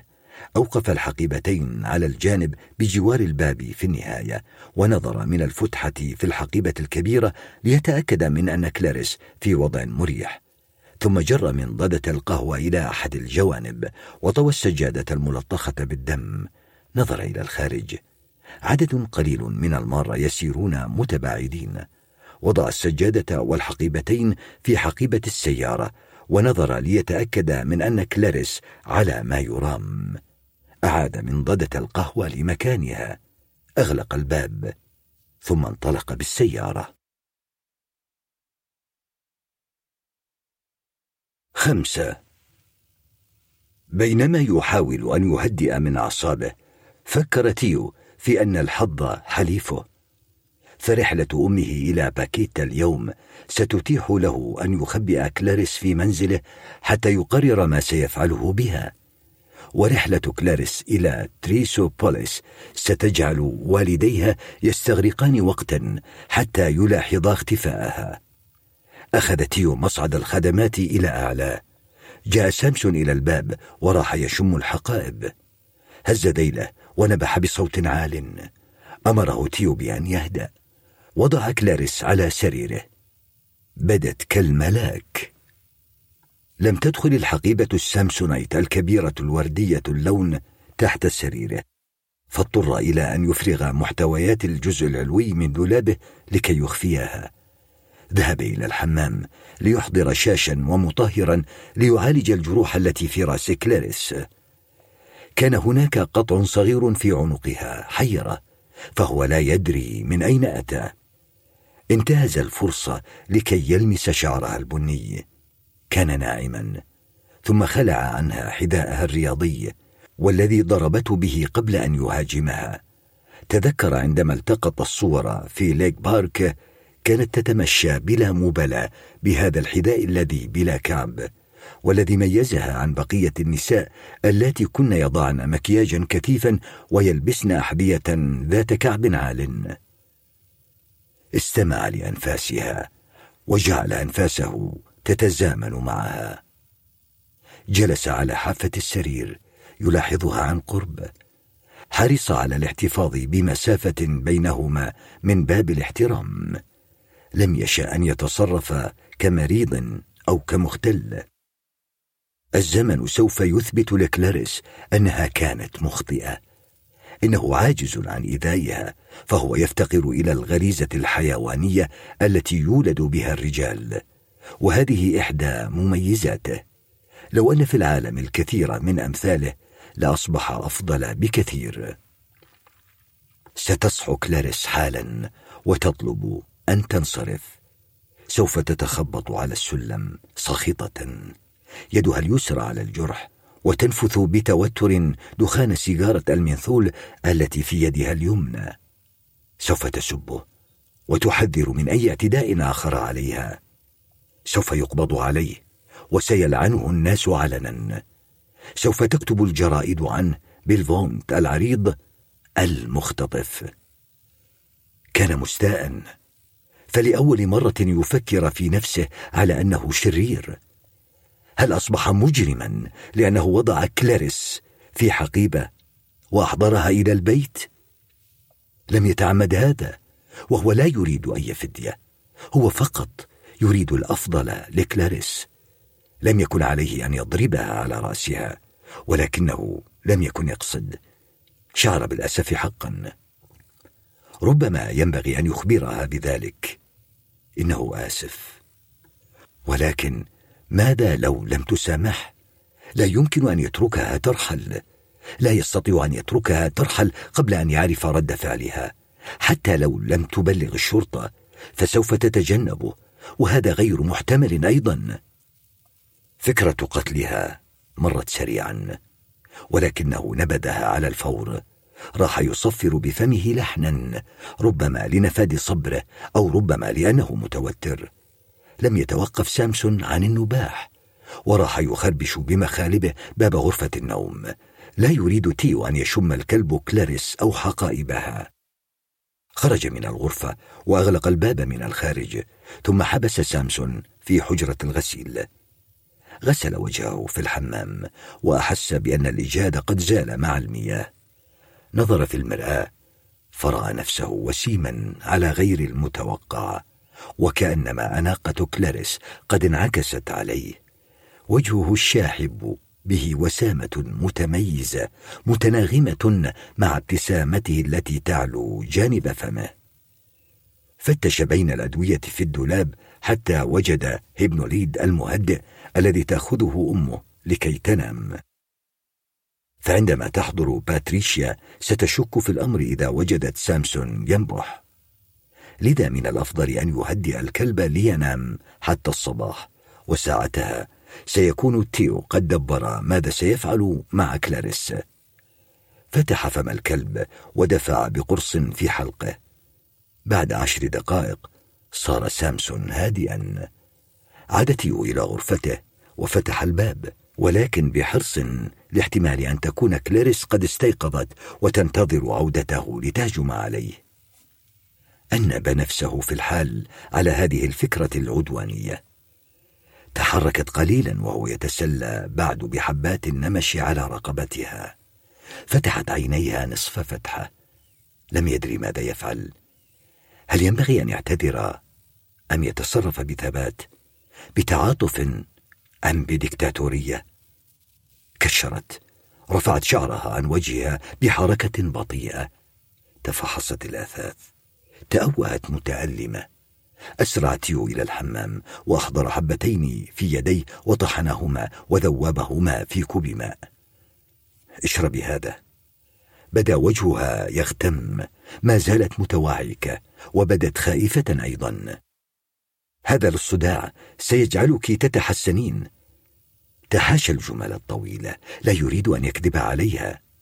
شربت كلاريس وضعت الكوب على الطاولة الجانبية وحركت شفتيها.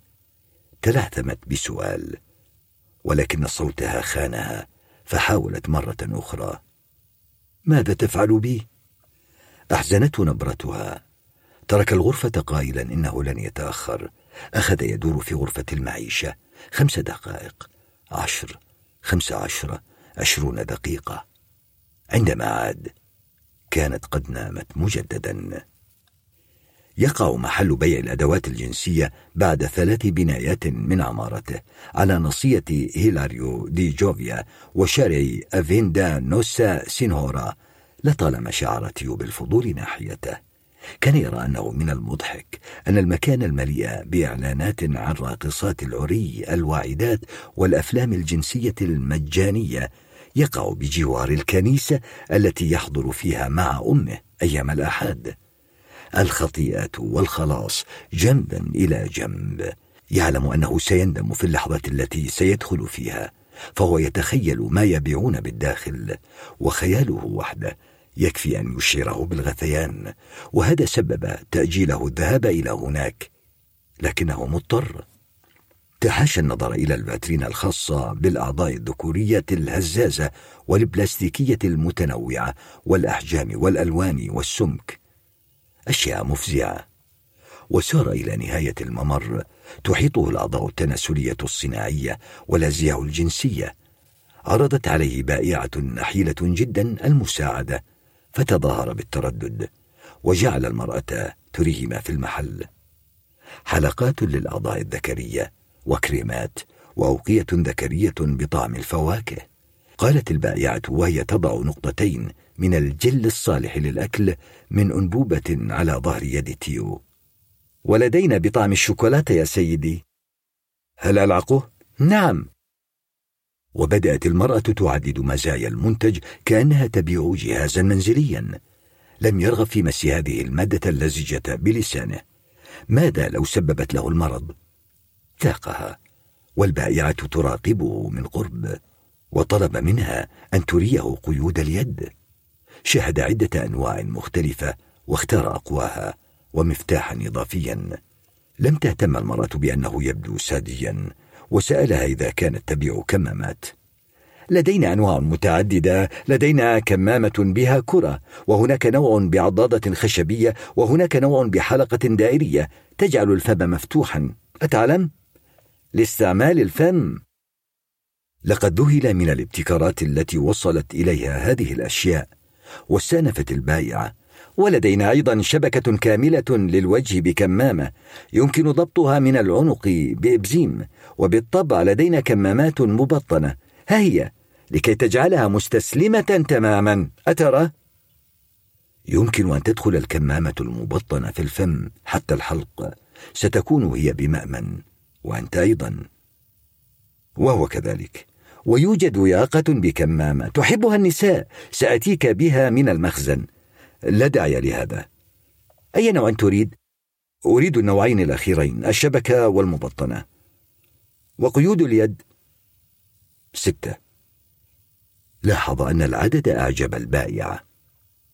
ماذا عن الجل؟ اشترى واحدة لكي يغير اتجاه تفكيرها. وعندما وقف عند الكاشير لاحظ جهازا له عمودان مغلفان بالجلد وقيودا عند الأطراف. ما هذا؟ فاردة أذرع وسيقان مع قيود لليد والقدم. أعطتها لتيو إنها ثقيلة جدا واستمرت. ويوجد أيضا أقفال يمكن ضبطها بإبزيم.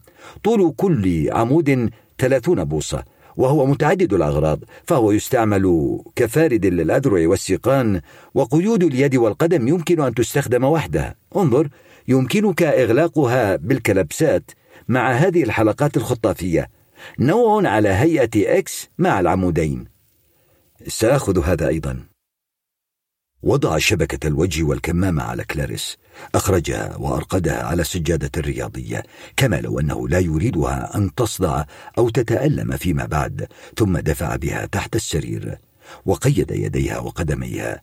غير الملاءات. ورتب غطاء السرير بحيث لا يمكن رؤية القيود.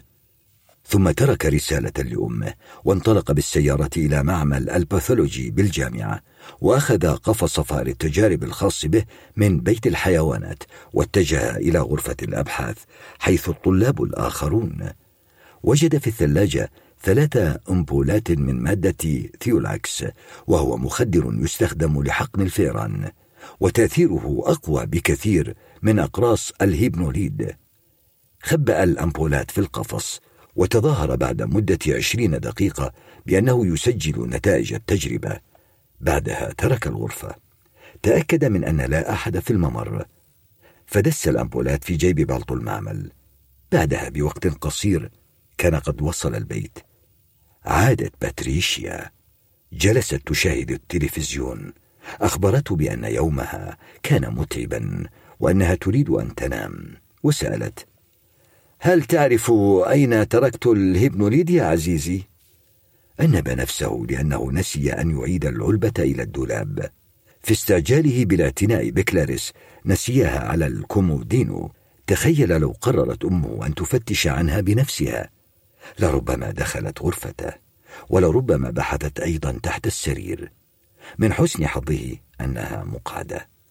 أخبرها بأنه لا يعرف مكان الهيبنوليد أغلقت باتريشيا التلفزيون وقالت إنها ستعود إلى باكيتا في اليوم التالي مع مارلي فسوف تعرض الجارة لوحاتها الفنية في معرض للرسم والأشغال اليدوية.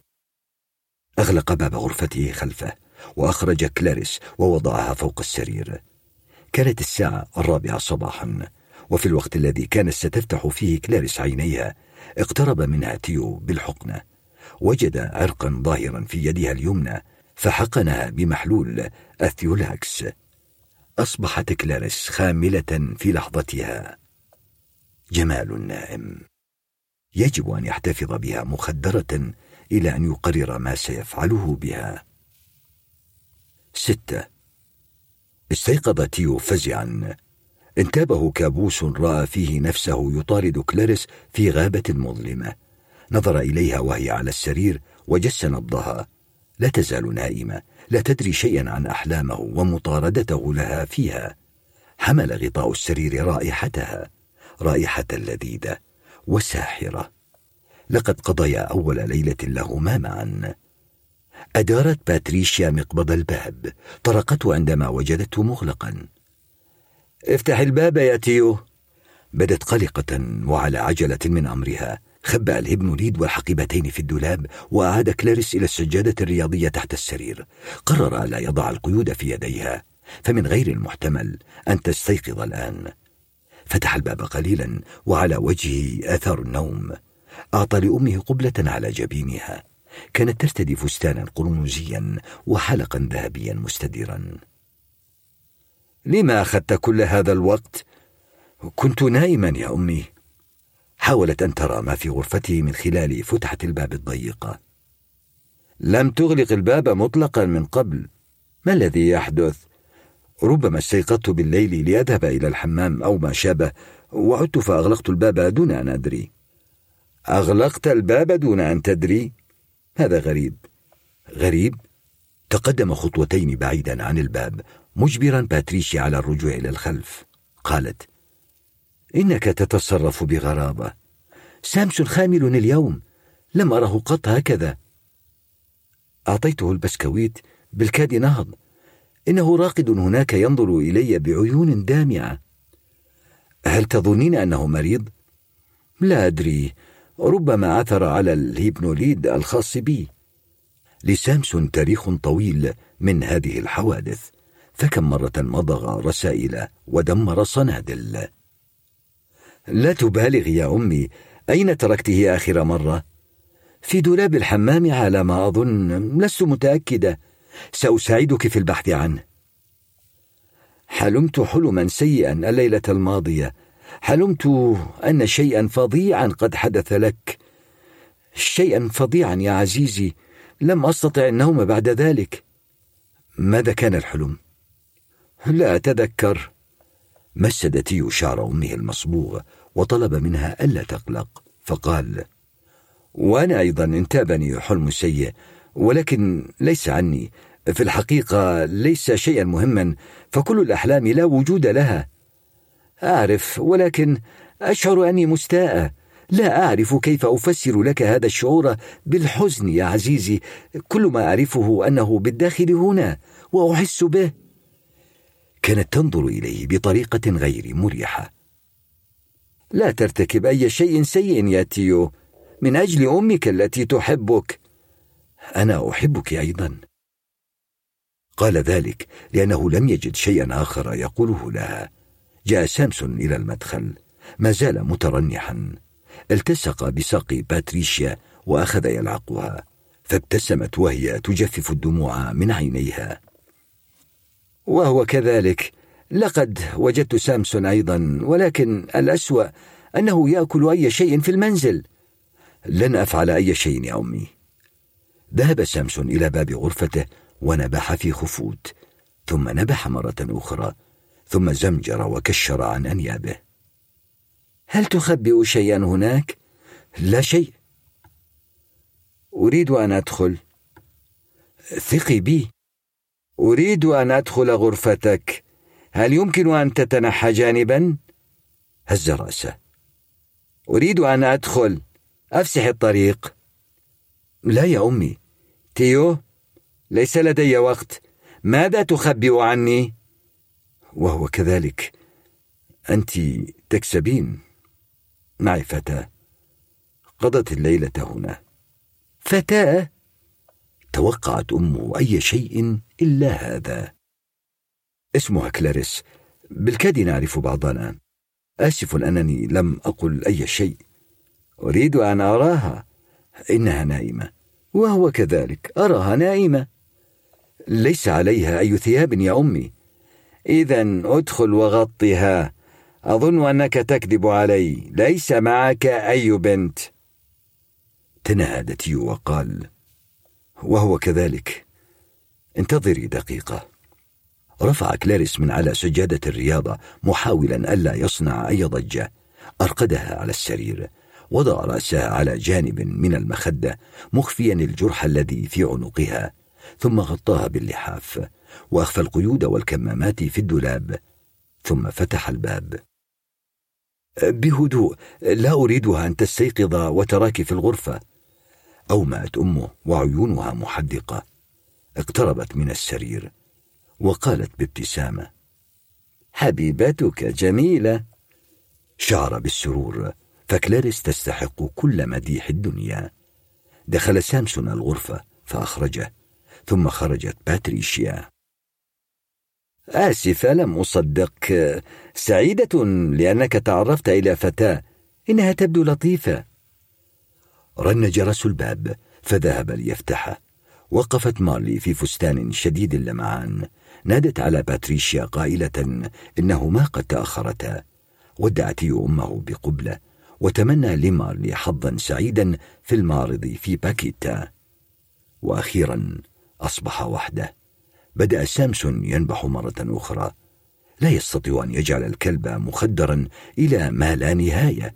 ولا يريد أن يفعل ذلك مع كلاريس. الآن وقد عرفت باتريشيا بأنها موجودة فلا يستطيع أن يدعي بأنها ما زالت نائمة عندما تعود. أحس باختناق في حلقه. فالوقت يمضي سريعا. وضع قرصين من الهيبنوليد في طعام الكلب الذي التهمه بمجرد أن وضع الطبق أمامه. بعد دقائق أصبحت الشقة هادئة وساكنة. استغل الفرصة للاسترخاء. في منتصف اليوم تقريبا فاجأته ضوضاء. تليفون كلاريس يرن في الدولاب بنغمة أغنية الطريق إلى الجحيم. Highway to Hell لفرقة اي سي دي سي ظهر على الشاشة اسمه هيلينا. أغلقه تيو وهو يشعر بالاستياء. ففي هذه الفترة القصيرة من الوقت ارتكب عدة أخطاء خطيرة. نسي أن يعيد الهينيبوليد إلى مكانه. ترك تلفون كلاريس مفتوحا والأسوأ أن أمه ستسأله عن محبوبته وستنظم مواعيد للعشاء وستطلب أن تقابل أسرتها. في محاولة لتهدئة نفسه أخذ يرتب ملابس كلاريس التي كانت مكرمشة في الحقيبة الصغيرة من عجلته بالأمس. وجد الكتاب الذي اشتراه لها. وبجواره سيناريو أيام رائعة. وضع الكتاب في درج الطاولة الجانبية. الدم الذي كان على الغلاف كان مشكلة. البقعة غطت اسم المؤلفة ولم يبق منه إلا ريس ليسبيكتور تحت العنوان. أراد أن تقرأه كلاريس. يعلم أنها أعجبت به ولكنه يشعر الآن بأنها كرهت الهدية. يرى أن كلاريس شخصية طيبة وإن كان الظاهر لا يوحي بذلك. كل علاقة من المفترض أن تكون أخذا وعطاء. تبادل منفعة بحيث يخضع كلا الطرفين للآخر. فوجئ تيو بكلاريس. انجذب إلى جمالها ووقع في فخ تلقائيتها وأدين بقبلتها ذات المذاق الليموني وهو يعلن أنه يمكن أن يفاجئها. فهو رجل له صفات متميزة كثيرة متعلم تعليما جيدا له مستقبل. سيكون أبا ممتازا وللحقيقة لم يفكر في أن يكون أبا من قبل. ولكن الفكرة الآن ليست سيئة وزوجا ممتازا فهو يعرف كيف يعامل النساء. لم يكن وسيما وليس قبيحا أيضا على أي حال فعلى الرغم من أن الجمال مثير فهو ليس الأساس في العلاقات. فقوة التواصل في الأخذ والعطاء في الاستسلام والاكتشاف. يبدو مصطلح التعايش مناسبا. كشف في المعجم عن المصطلح فوجده العلاقة بين كائنين يعيشان في مجتمع. كلاهما يستفيد وإن كان بمعدلات مختلفة بحيث لا يستطيع أن يعيش أحدهما دون الآخر. استند تيو على كرسيه الدوار وتصفح السيناريو. أيام رائعة هو المدخل لفهم أمور كثيرة. كم من الفوارق الدقيقة ستتكشف لدى كلاريس.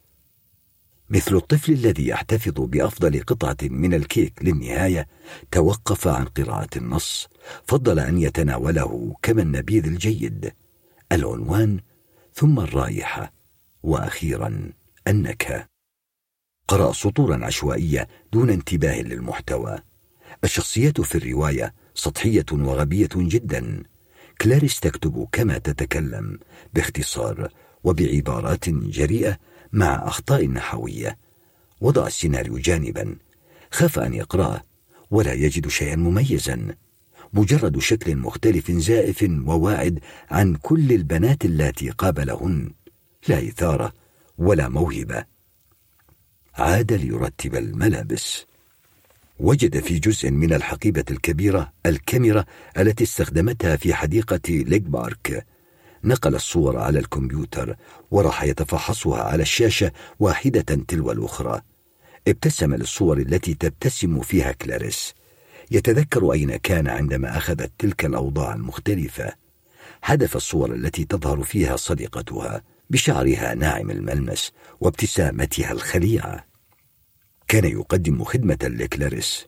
من المؤكد أنها لا تريد أن تتذكر البنت التي فرضت عليها نفسها بقبلاتها الساخنة. من باب الفضول فتح برنامج الفوتوشوب. اختار صورا شخصية له وبالقص واللصق خلق لحظات جديدة. كلاهما يحضن شجرة ويتمشيان في الحديقة ويجلسان على مقعد خشبي.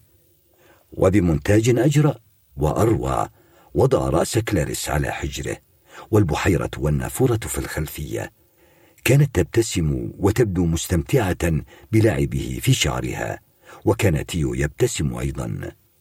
كانت الصورة تبدو واقعية مثل الأصل جعلها خلفية للكمبيوتر. اختار صورا أخرى. الصور الأكثر روعة.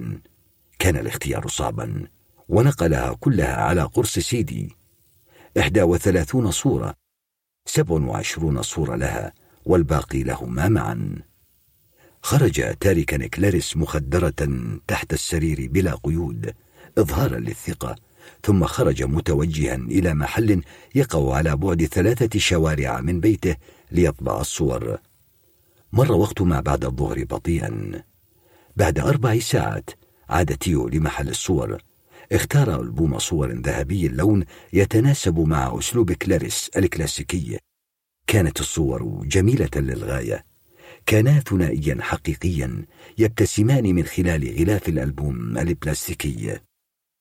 اكتسبت الصور بعدا تنبؤيا لتسجيل لحظات كان سيقضيانها معا. كان متاثرا. ود لو يريها للبائع أو السيدة العجوز التي تسأل عن فلاشات USB. في أثناء سحبه لمحفظته أحس بذبذبات تليفونه. كان تليفون المنزل. هل هي أمه؟ هل عادت من باكيتا؟ هل لاحظت شيئا خطا رد بتوتر. كل ما فكر هو كلاريس. كانت باتريشيا تصرخ وتبكي وتقول أشياء لم يفهمها. طلب منها أن تتكلم ببطء. لا فائدة. بعد دقيقتين استطاع أن يفهم. سامسون مات. سبعة. عندما عاد إلى المنزل وجد تيو الكلب ملفوفا في بطانية. ربت عليه وأمسك بإصبعيه أمام أنفه البارد. لا شيء. كانت باتريشيا في غرفة المعيشة ترتعش على كرسيها المتحرك. تواسيها مارلي التي تثرثر بمجموعة من كلمات التعازي التافهة. لقد أدى الكلب دورا رئيسيا في حياة أمه. إنها تريد أن تشعر بالحب الحقيقي من شخص ما. قالت يو إنه حزين للغاية. وجد في المخزن الخلفي كرتونة كبيرة اعتادا أن ينقلها فيها التلفزيون وضع فيها كلب الصيد الذهبي. قالت باتريشيا دعنا ندفن سامسون بطريقة تليق به. جلس تيو في المقعد ذي الذراعين يراقب أمه وهي تبكي بحرقة وكأنها فقدت ابنها. لا يمكنه البكاء لهذا الحد من أجل أي شيء. ربما كلاريس ولكن عليه أن يبذل شيئا من الجهد. قالت دعنا نفحصه عند طبيب بيطري. أريد أن أعرف سبب موت صغيري. حزنها عليه مفرط. يمكنها شراء كلب آخر. يبدو أحيانا أنها تنسى أنهما لا يعيشان الحياة كما اعتادا. اكتشاف سبب الموت مكلف ويمكن الاستغناء عنه إضافة إلى أنه سيجلب مشكلات.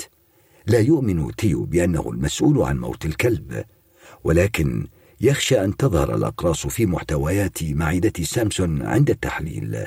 عندما ذهب إلى محل الصور لكي يحضر الألبوم ترك كلاريس على سجادة الجيم تحت السرير وغطى السجادة بملاءة لأن الأرض باردة. وقد امتلأت الغرفة الآن برائحة البول اللاذعة ثوب كلاريس مبلل الآن ومقزز.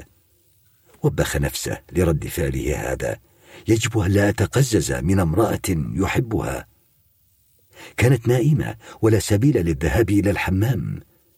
من الخطورة أن يذهب بها إلى الحمام مع وجود باتريشيا ومارلي. من المحتمل أن تتحركا في أي لحظة. وفي هذه الحالة لن تسمح أمه بغلق الباب. رش بعض العطر في الغرفة ورجع إلى غرفة المعيشة ثم قال أعلم أنك تريدين أن تشرحيه. إذا كنت تريدين هذا فأنا معك. جففت باتريشيا دموعها وأعطت لابنها ابتسامة باهتة فاستأنف ولكن هذا مكلف جدا وليس معنا مال زائد لنبعثره. معي بعض المدخرات يا تيو أريد أن أعرف كيف مات سامسون. لقد كان بصحته منذ فترة قصيرة. عمره عشر سنوات يا أمي وكنا نرعاه بشكل جيد. لا يوجد منطق في البحث في الموضوع كثيرا. فشاقت باتريشيا. أظن أنه ابتلع أقراص الهيبنوليد ولن أستطيع لن أستطيع أن أطيق نفسي حتى أتأكد من أني لم أفعل خطأ غبيا. أشعر بأني فظيعة لا تفعلي ذلك. فما حدث قد حدث وما علينا سوى أن ندفنه بما يليق به. أريد تشريح الجثة. ماذا لو كنت أنا السبب؟ كأنك قتلت ابنك. لا أظن أنها أقراص الهبنوليد فكيف سيحصل عليها سامسون من الحمام ويبتلع علبة أقراص دون أثر؟ سنجد العلبة يوما ما خلف أي قطعة أثاث وسيحل اللغز. فقالت مارلي وهي تجلس على جانب من الكرسي ذي ذراعين نعم يا حبيبتي اهدئي. أشك في أن يأكل أقراصا وعلبة من البلاستيك وغيرها. هل تعرفين عدد الأقراص التي كانت بها؟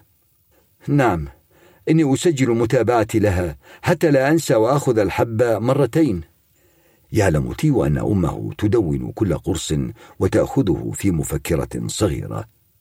وهذا سبب عدم تظاهره بأنه صادف العلبة الضائعة في أي مكان. فقالت باتريشيا سأصلح من هيئتي. أريد أي طبيب بيطري يكون متاحا الآن. في غضون عشر دقائق صارت جاهزة. أخبرت تيو بأنه لا ضرورة للذهاب معها إذا كان لديه شيء آخر فإنها ستأخذ تاكسي. هي ومارلي. حاول تيو للمرة الأخيرة مناقشتها. إذا قمنا بتشريح سامسون فسيفتحون أحشاءه. تعلمين هذا؟ وسيضطرون لحرق جثته.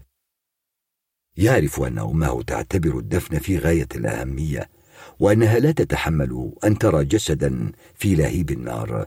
ولكن باتريشيا قالت إنه لا يهم فإذا لم تستطع دفنه فستتقبل حرق جثته.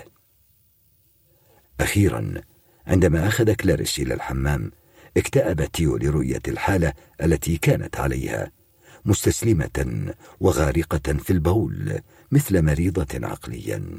فقدت ألوان الحمام رونقها وأحس أن تيار الماء الساخن كان خانقا كان حريصا أن يغلق نافذة الحمام ثم بلل وجهها. أزال الشاش الذي يغطي الجرح في عنقها ووضع الملاقيط والمقص في جيبه. حرص لا يترك أشياء حادة في متناولها. أجلسها على الكرسي البلاستيك الذي تستخدمه باتريشيا ووجهها نحو الماء. وقال لها وهو يضع يدها على سنادة الحائط هيا لن تقعي أمسكي هنا. اخلعي ملابسك المتسخة وخذي حماما جيدا. هناك فستان نظيف على الشماعة وها هي الفوطة لا تتأخري. مفهوم؟ فكر في تقييدها ولكن لم يرى ضرورة لذلك فهي بالكاد تستطيع الوقوف. تدفق الماء على وجهها ثم على ملابسها فأبرز معالم جسدها الممشوق. أغلق تيو باب الدش حتى لا تبتل من شفة الحمام. ترك تيو الحمام مرهقا. في غرفة المعيشة كان يستمع لصوت المياه وهي ترتطم بالبلاط. توقف صوت الدش وانفتح الباب. انتظر خمس دقائق أخرى قبل أن يذهب إليها. كانت كلاريس جالسة على الأرض. ارتدت الفستان الذي وجدت. ثوبا بزهور صفراء مناسبا للبيت. انبعثت رائحة جسدها الدافئ من أثر الدش. جففت شعرها ولاحظ أيضا الوشم على كتفها اليسرى. ثلاث نجوم صغيرة خضراء وزرقاء وقرمزية. في أول لقاء بينهما لمح جزءا من الوشم من خلال البدي والآن كشفت الحمالة الرفيعة لفستانها كل النجوم المتكسرة التي تبدو وكأنما قد رسمها طفل. ابتسم ومد لها يده. أمسكت بمعصمه وضغطت عليه بشدة كأنها تحاول أن تقول شيئا ما. حدقت فيه بشدة. هل كانت تبكي؟ أرقدها تيو على السرير ومر بيده على وجهها وسألها إذا ما كانت على ما يرام. غمغمت كلاريس بكلمات غير مفهومة بلغة غريبة انطلقت من فمها الجاف. ذهب ليحضر تفاحة وسكينا صغيرة من المطبخ. قشرها وأخبرها أن تمضغها ببطء كي لا تنحشر في حلقها. لم تأكل منذ أمس ولا يريد أن يراها تذبل أمامه بسببه. فاهتمام كل منهما بصحة الآخر من أساسيات العلاقة القوية. أعطاها نصف تفاحة. مضغتها. بينما انسابت قطرات من اللعاب على ذقنها ورقبتها. مسحت يذقنها وأخبرها أن تأكل بشكل صحيح. لو لزم الأمر لخدمها للأبد. أحب أن يشاهدها وهي تأكل شيئا فشيئا لذا تحتاج إلى الرعاية. وهو كان جائعا أيضا لذلك أكل النصف الآخر. سرح بأفكاره في حديقة ليك بارك. النباتات الملونة والنزهات في النسيم العليل. تمنى لو أن السعادة تدوم للأبد. ترك كلاريس تأكل بقدر ما تستطيع من السرعة. وأعجب لما فتحت فمها طلبا للمزيد. وأخيرا قالت بصوت حازم أريد أن أنصرف. نحتاج أن نتحدث معا. أريد أن أنصرف. لن أسجنك هنا اهدئي لم تكن كلاريس هادئة بل أتت بحركات تنم على الغضب.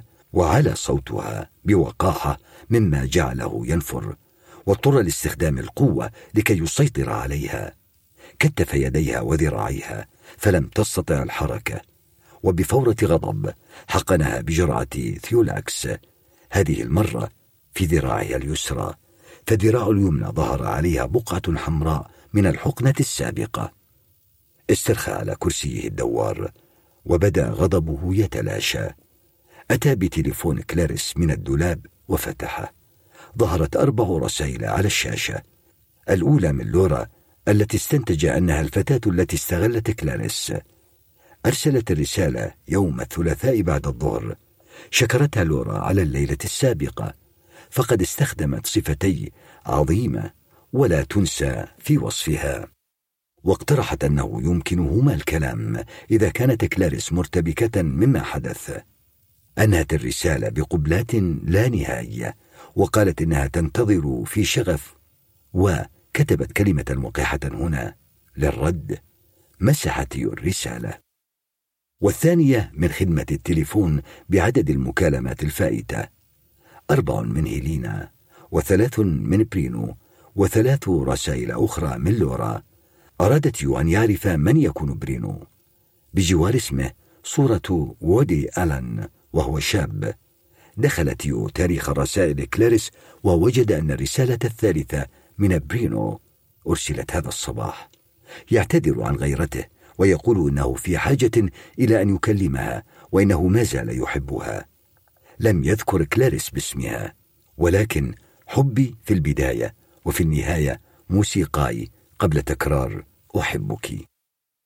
أعادت قراءة موسيقاي. الطريقة التي اختارها برينو ليخاطبها.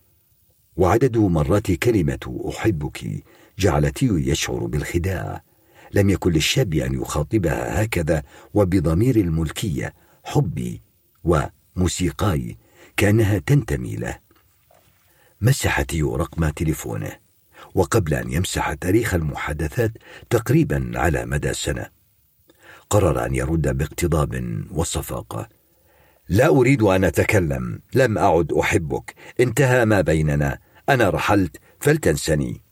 بعد منتصف الليل سمع تيو صوت المفتاح وذهب ليرحب بأمه. عيون باتريشيا متورمة وفي حجرها علبة مناديل ورقية. كانت مثقلة بالإحساس بالذنب. وقالت النتيجة ليست قبل عشرين يوما وأنا متعبة. أريد أن أنام. قرأ الرسالة الأخيرة في تليفون كلاريس. كانت من هيلينا تقول حبيبتي حاولت الاتصال ولكن تليفونك غير متاح. هل ذهبت إلى تريسيوبوليس؟ اتصلي بي في أقرب فرصة. أخبريني إذا وصلت هناك. والدك يسلم عليك. انتبهي لنفسك.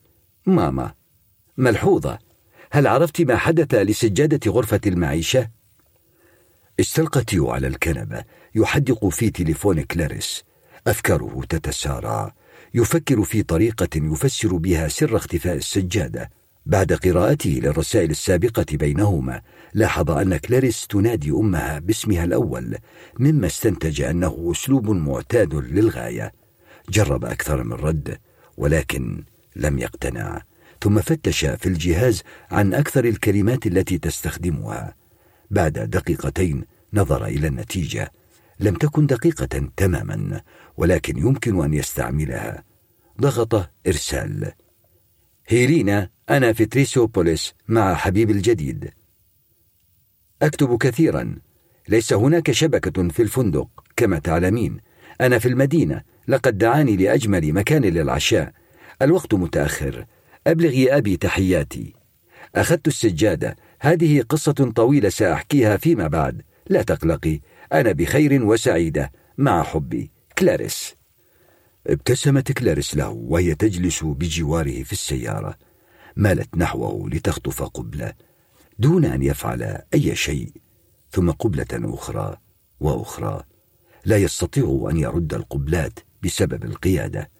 اختفى الطريق السريع من السرعة. الأشجار تمر في لمح البصر على الجانبين. كانت كلاريس تعضه سريعا على خدوده. الأمر لطيف. سنتها البارزة قليلا خدشت جلده. سماها الفأرة الصغيرة. اسم تدليل لم تتضايق منه. في الحقيقة رأت أنه لذيذ. لم يعودوا جالسين في السيارة ولكن على طاولة مع الأصدقاء. كم من الأصدقاء للحقيقة لا يعرف أسماء بعضهم. حكى لكل واحد كيف تلاقيا. القبلة في حفل الشواء وخدعته لمعرفة رقم تليفونها. الكل رأى أنها مضحكة الآن. محاولاته ليتودد لها ومقاومتها له.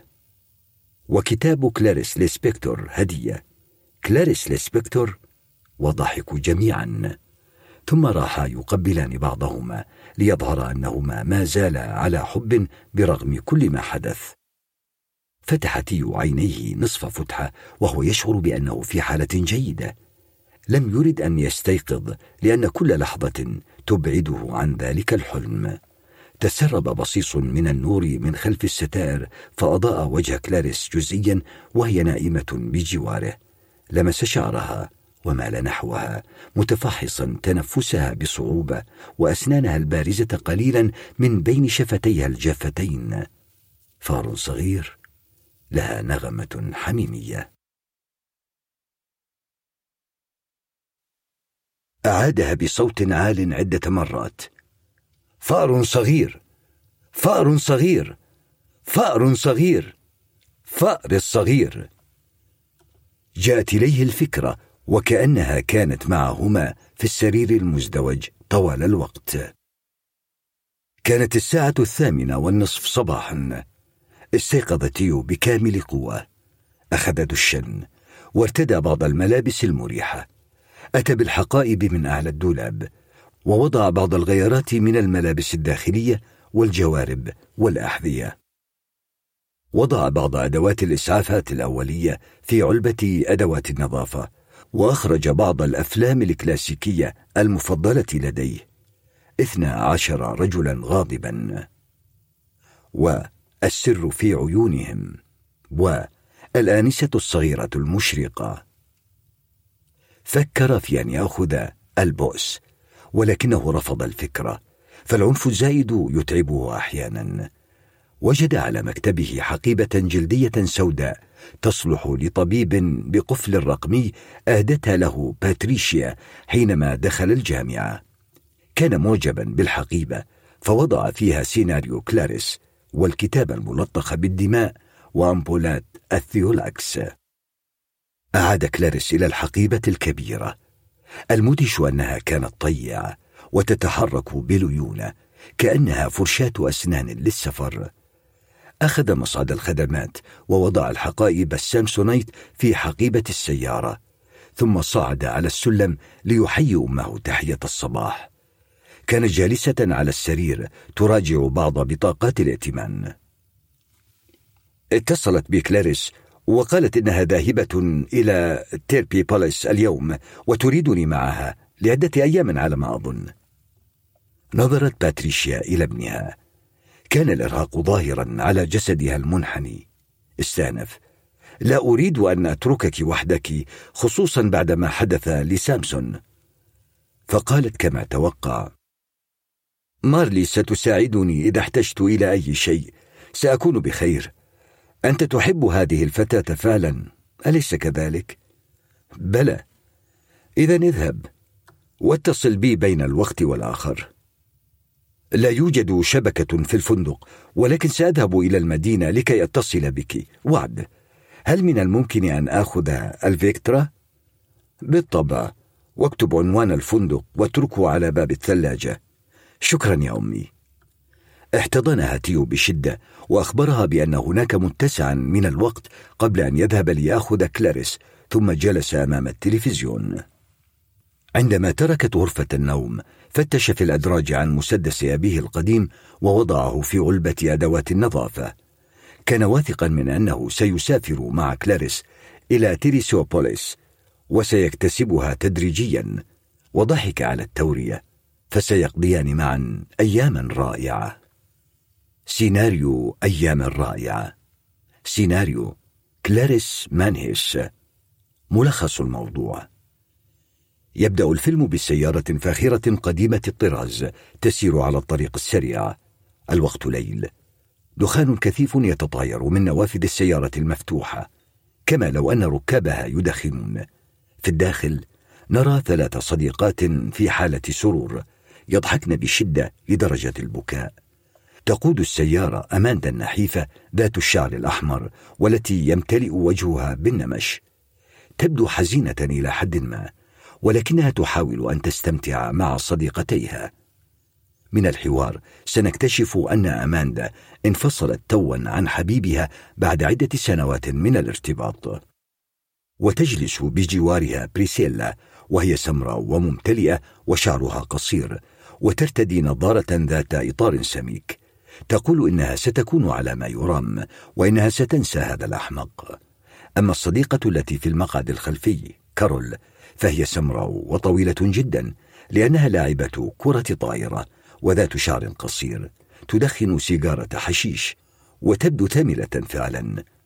يصلن إلى فندق دوورف ليك فارم تعاني كارول مرضا خطيرا اللوكيميا. وتعرف أنها ستموت قريبا. سيكتشف المشاهدون ذلك لاحقا. يتحدثن في الليلة الأولى في أثناء جلوسهن عند البحيرة.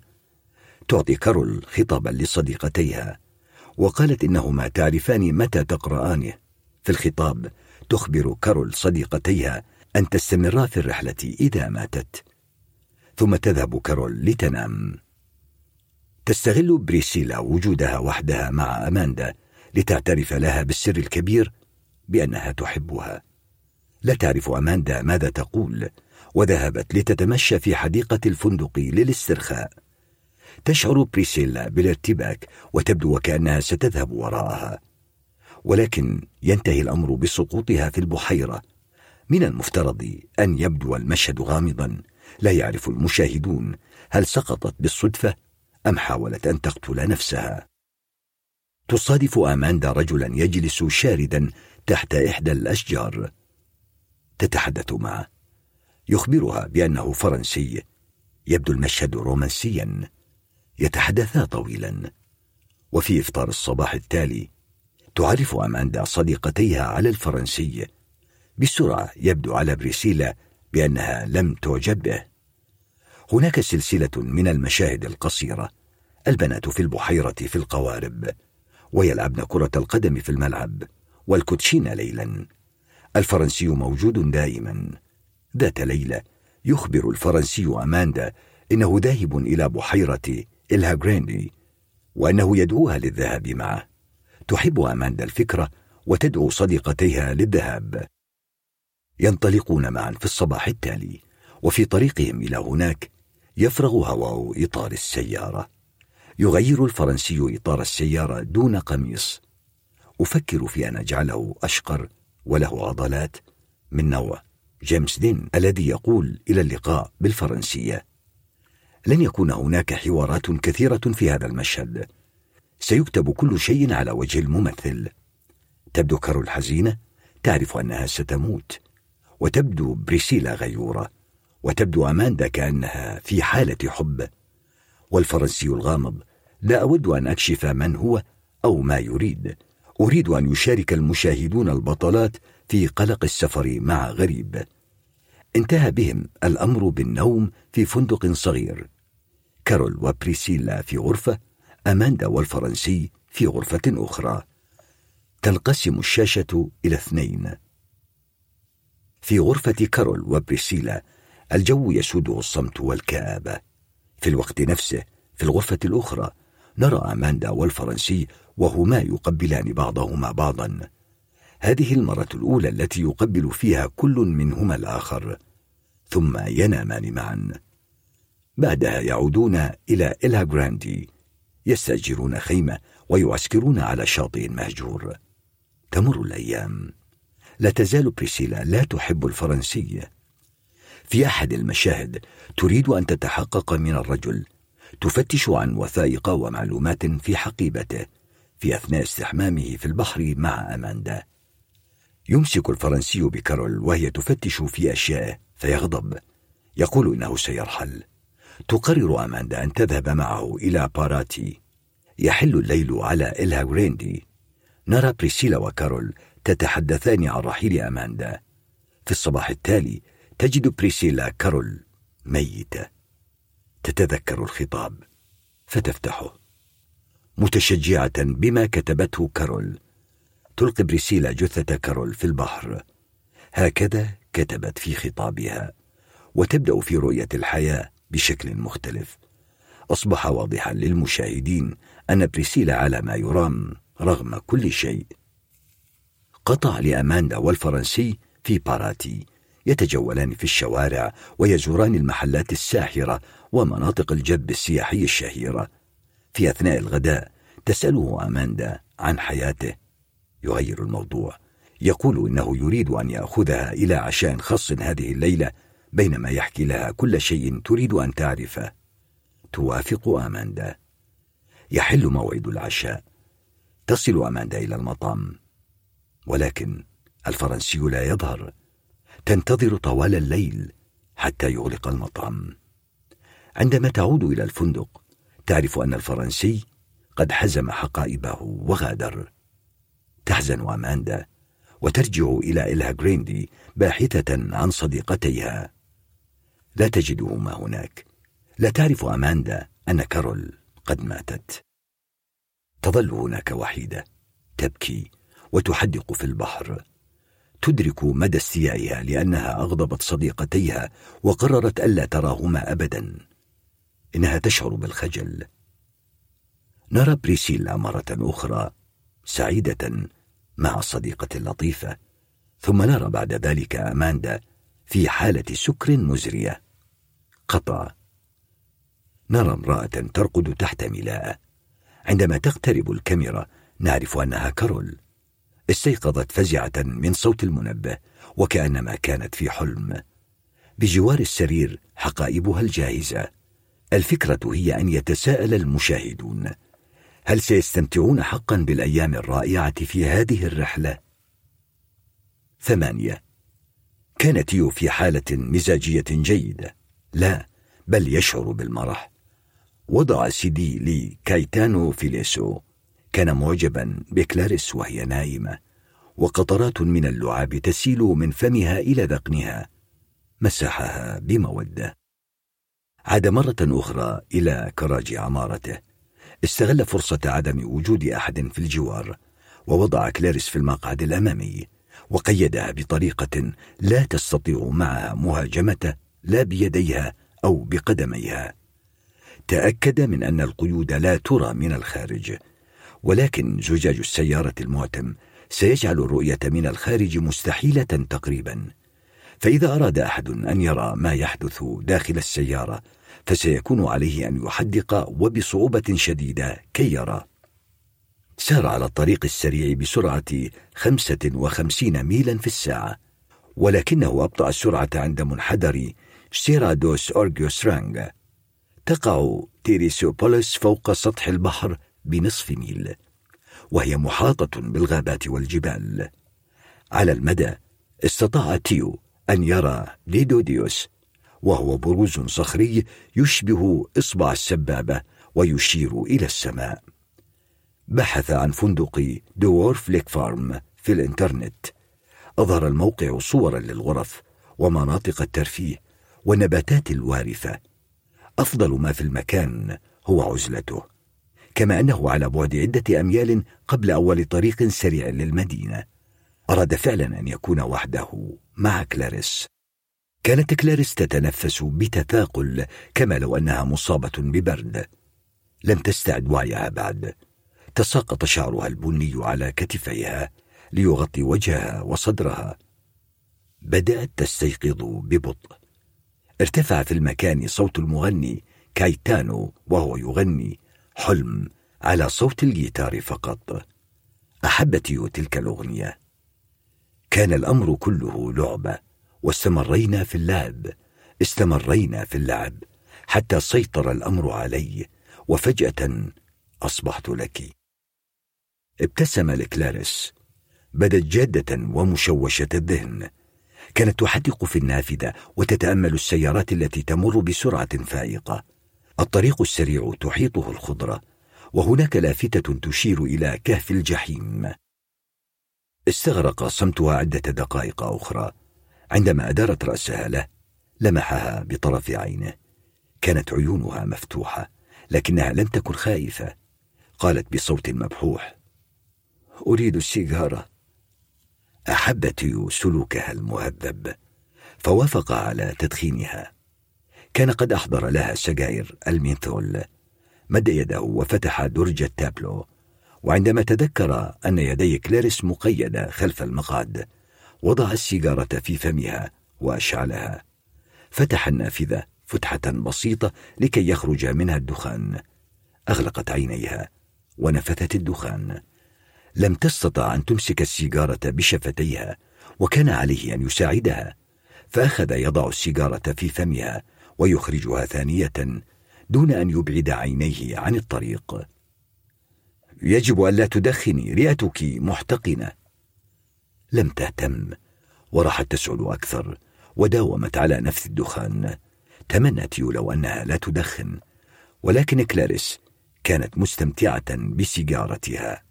سألها ألن تقولي أي شيء آخر؟ بدأت السي دي تعمل مرة أخرى. وانتهت كلاريس من سيجارتها والقى تيو بعقب السيجارة من النافذة ظلت تسأل سالته أخيرا لماذا تفعل بي هذا؟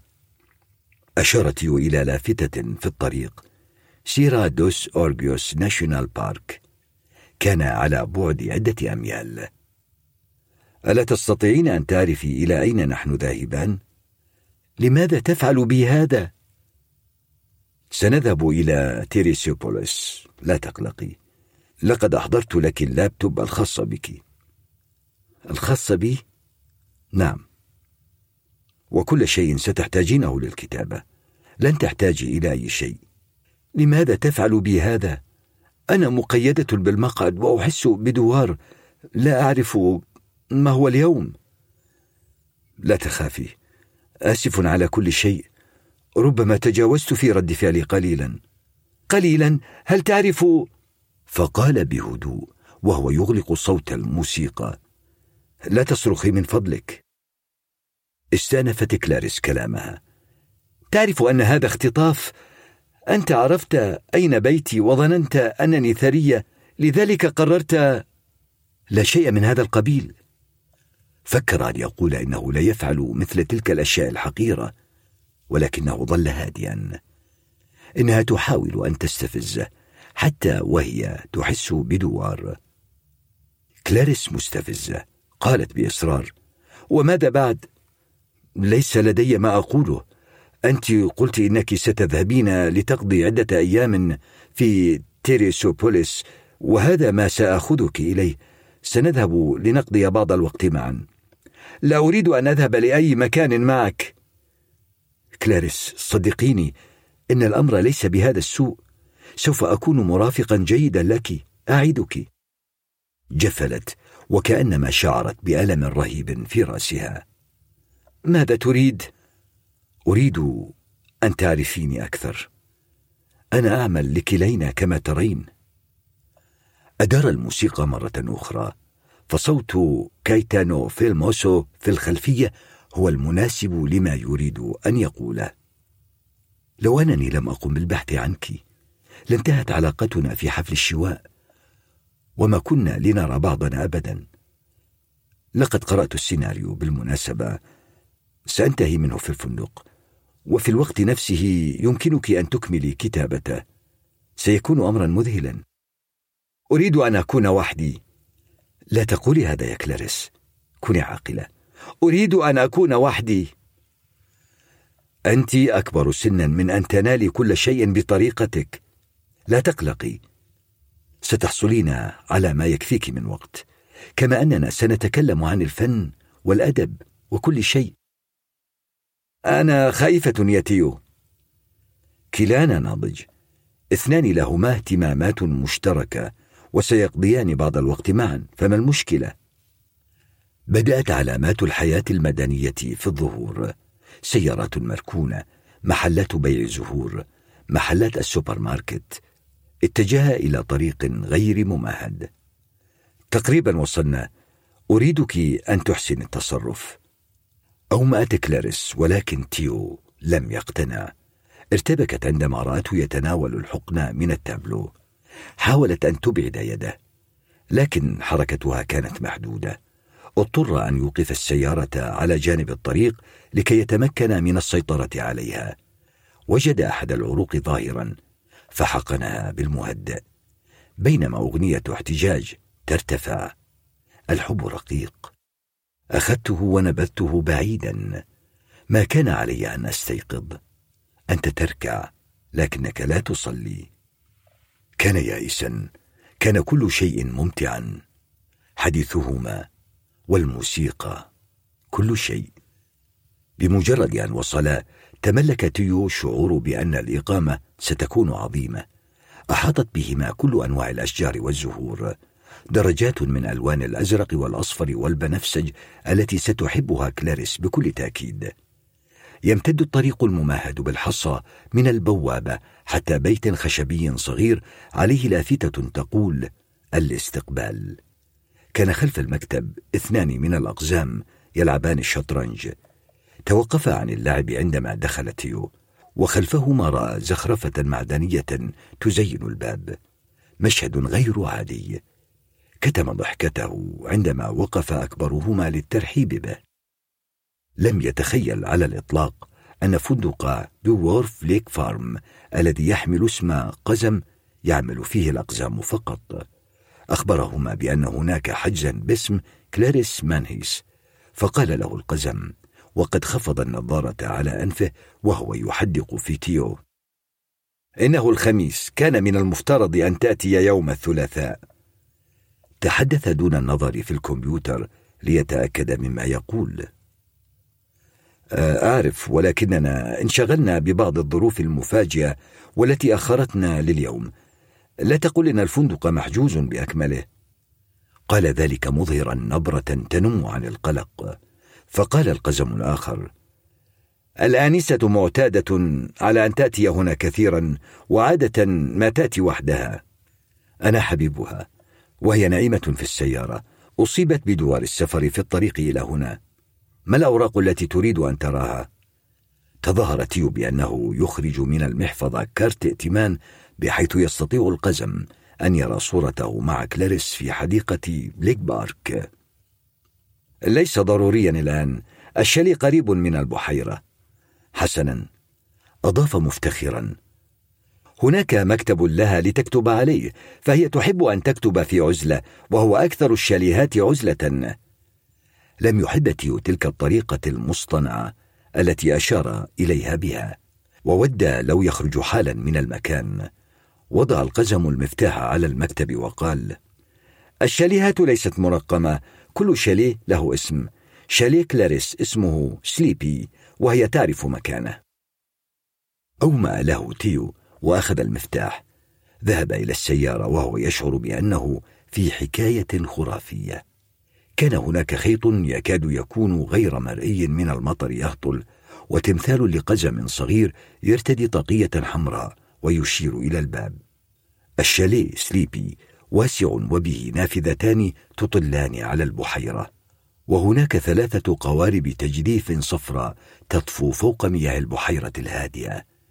الشاليه يقع خلف الشاليهات الأخرى بقليل وتداريه النباتات. حملت تيو كلاريس إلى الداخل بحذر كي لا يصدم رأسها في عمود الباب. وبينما يضعها على السرير لاحظ أن أرجل السرير مثبتة في الأرض. وكان هذا مناسبا جدا له. أخذ بعض الملاءات وبطانية من الدولاب.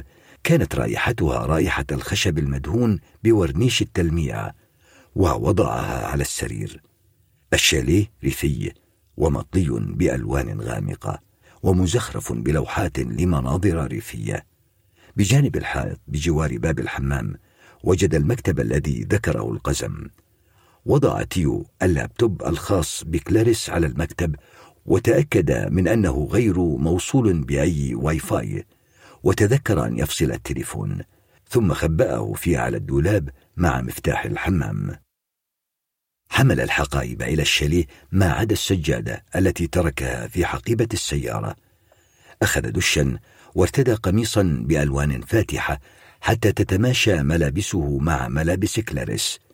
جلس مرتاحا على الكرسي ذي الذراعين أمام المكتب واستأنف قراءة أيام الرائعة كتب بالقلم بعض الملاحظات على النسخة المطبوعة. رأى أن موجز الموضوع مكتوب بأسلوب رديء. السيناريو نفسه أفضل لكنه سيضيف بعض الاقتراحات. ذهب إلى الاستقبال وسأل عن شيء يأكله. لم تزل كلاريس لا تشعر بتحسن. ولكنه كان يتضور جوعا. رجع بصينية بها البسكويت ومربى الفراولة والمشمش محلية الصنع إضافة إلى شوربة بطاطس وبعض نواشف. وضع السيناريو جانبا وعاد للرواية البوليسية التي كان يقرأها. الجرائم الاستوائية الكلاسيكية بقلم أماليا كاستلر. لم يتوقف عن الكتابة عندما استيقظت كلاريس. قالت بصوت أجش توقف عن إفقاد الوعي من فضلك. أو ماتيو في صمت. وضع الكتاب جانبا وأشار إلى الصينية على الطاولة الجانبية.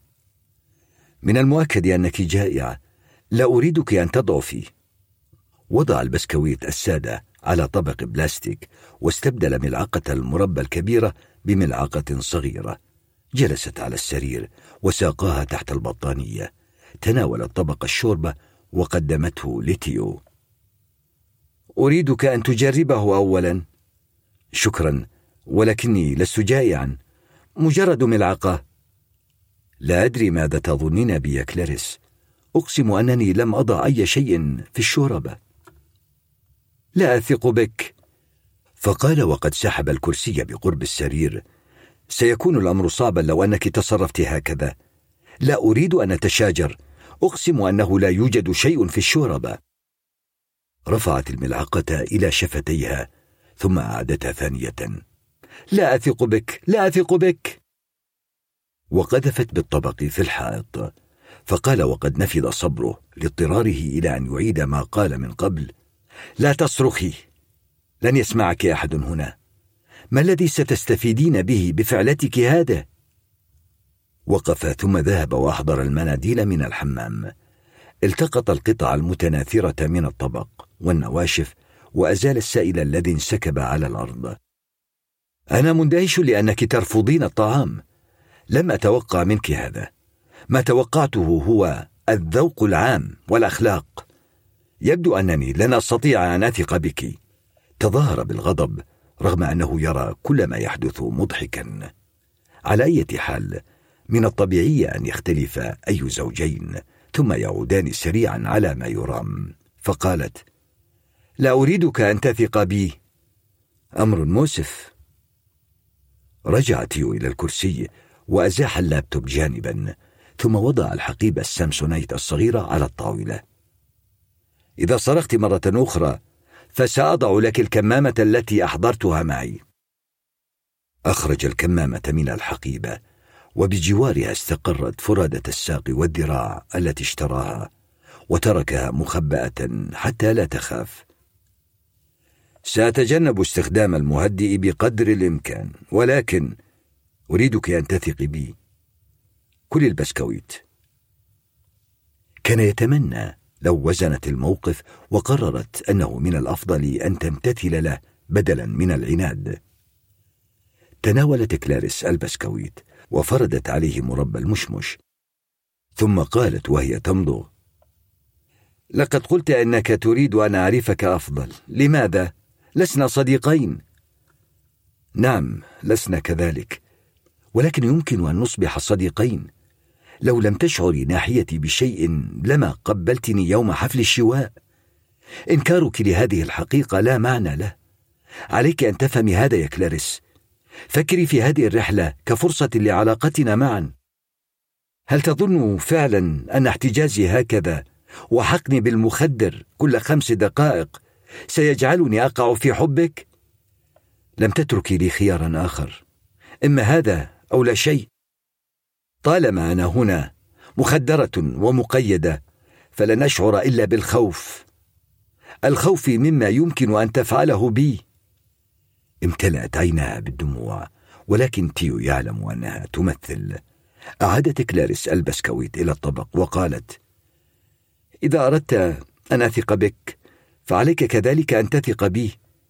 أعدك بشيء واحد لن أخبر أحدا بما فعلته بي لا الشرطة ولا والدي ولا أي أحد. لا تتحدثي هكذا إنك تسيئين لي. ثق بي لن يحدث شيء. وسنصبح صديقين وسيتعرف كل منا على الآخر تدريجيا. يمكنني أن أساعدك يمكن أن نرتب للخروج معا وأن نتحدث وسأعرفك على صديقاتي سيكون كل شيء رائعا. بدت متوترة لكنها بدت مقنعة فقال أظن أن هذه الرحلة ستجعلك تغيرين رأيك فينا نحن الاثنين. فقد كوني مهذبة ولكن ماذا لو لم ينفع هذا؟ هل ستقتلني؟ لست بقاتل.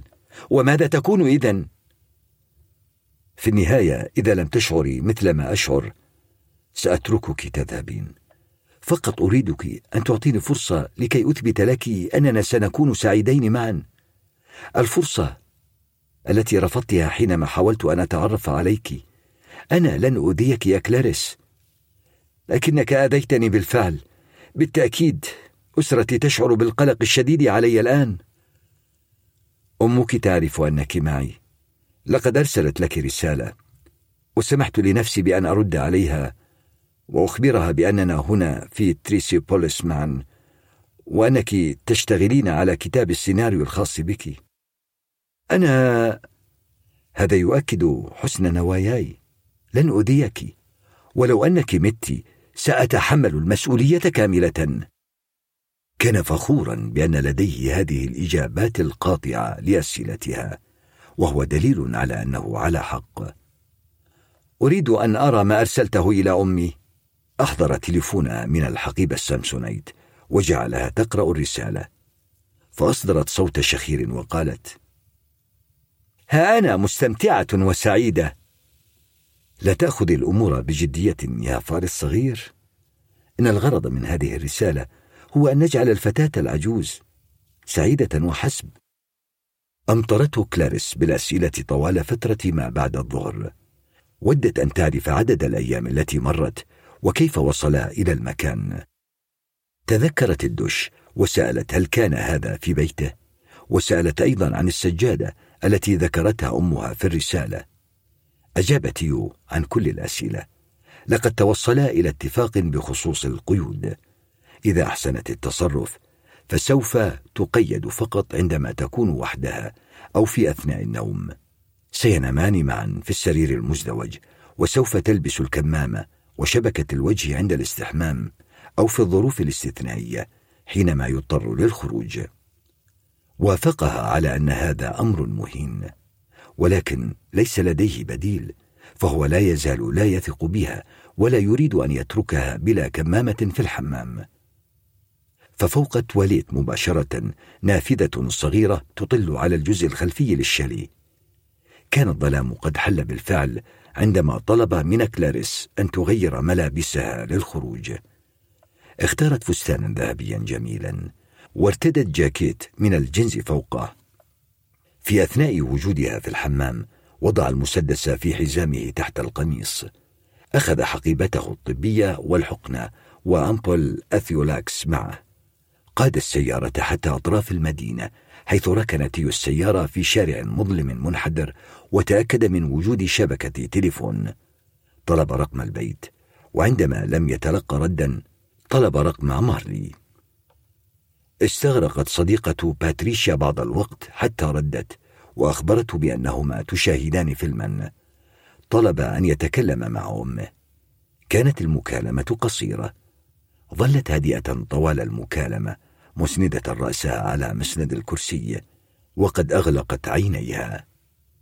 قبل أن يغلق الخط أكد لها أنه لا توجد شبكة في الفندق وأنه لا يدري متى يعود. ودع أمه بقوله وأنا أحبك أيضا. أراد أن يظهر لكلاريس أنه من أسرة محترمة ثم أعطاها التليفون وأخبرها بأن تطلب البيت. بيتي؟ نعم. فالرسالة فقط لن تكفي لتهدئة أمك. افعلي ما أطلبه منك. قولي إنك معي وأن الرحلة عظيمة وإنه لا يوجد شبكة في الفندق. يمكنك أيضا أن تقولي إنك ستتواصلين من خلال الرسائل وإنك ستقللين من اتصالك بالعالم الخارجي لكي تستطيعين التركيز. واترك الصوت مفتوحا. وافقت وطلبت الرقم. لا تفعلي أي شيء سخيف من فضلك. لا أريد أن تنتهي الليلة بمأساة. قال ذلك وقد سحب المسدس من حزامه ووضعه على ساقيه. أدارت وجهها كأنها لم تره. بدأت يدها ترتعش. ردت هيلينيا بسرعة وقالت أهلا من معي؟ لم تجبها كلاريس. أخذت هي التليفون منها وأغلق الخط. ما المشكلة؟ أنا كانت عيونها محمرة وممتلئة بالدموع الحقيقية والتي وجدها أكثر جمالا مختلفة عن دموع التماسيح التي كانت تذرفها من قبل. فهذه الدموع الحقيقية جعلتها انسانا حقيقيا. فلكي تبكي أمام شخص آخر فهذا يعني أن هناك نوعا من الحميمية بينكما. هو شخصيا لم يبكي قط أمام أي شخص آخر. اهدأ يا فأر الصغير. من المهم أن تنجز هذه المكالمة. مسحت كلاريس دموعها. هيا حاولي مرة أخرى. أريدك أن تتماسكي. أخذت نفسا عميقا ونظرت إلى المسدس. لن أستعمله إذا طوعتني لن أستعمله أعطاها التليفون. ارتفع صوت رنينه في السيارة.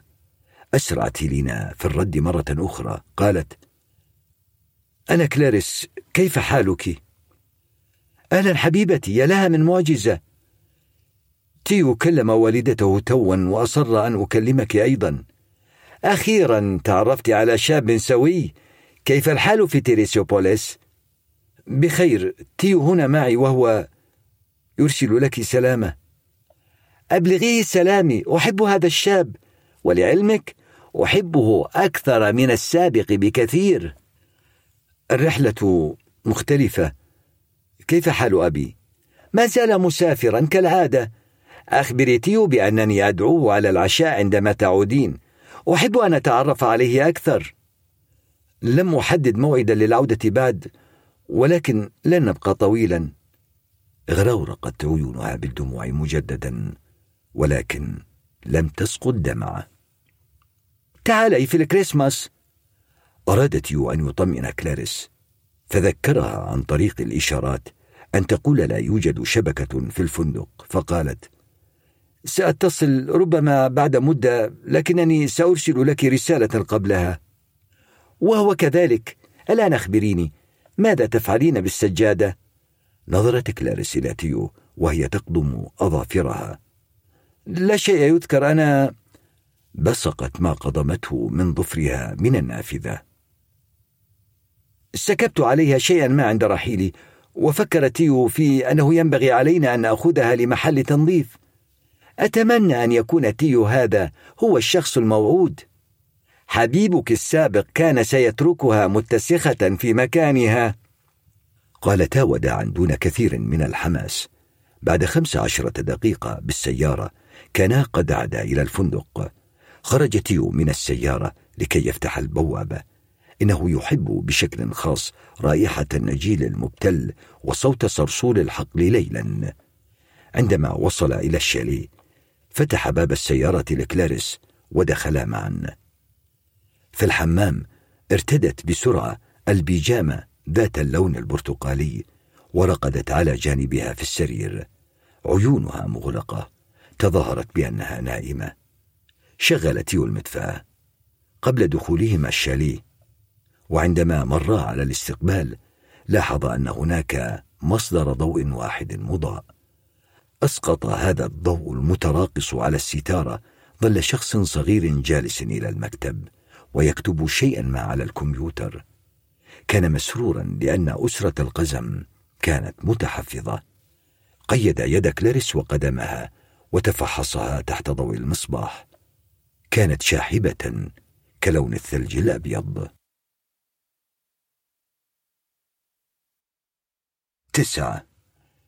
يقدم الفندق وجبة إفطار شهية غنية بالعصائر والزبادي والقهوة والفواكه والحبوب والكيك المرصوصة على الطاولة كنظام البوفيه المفتوح.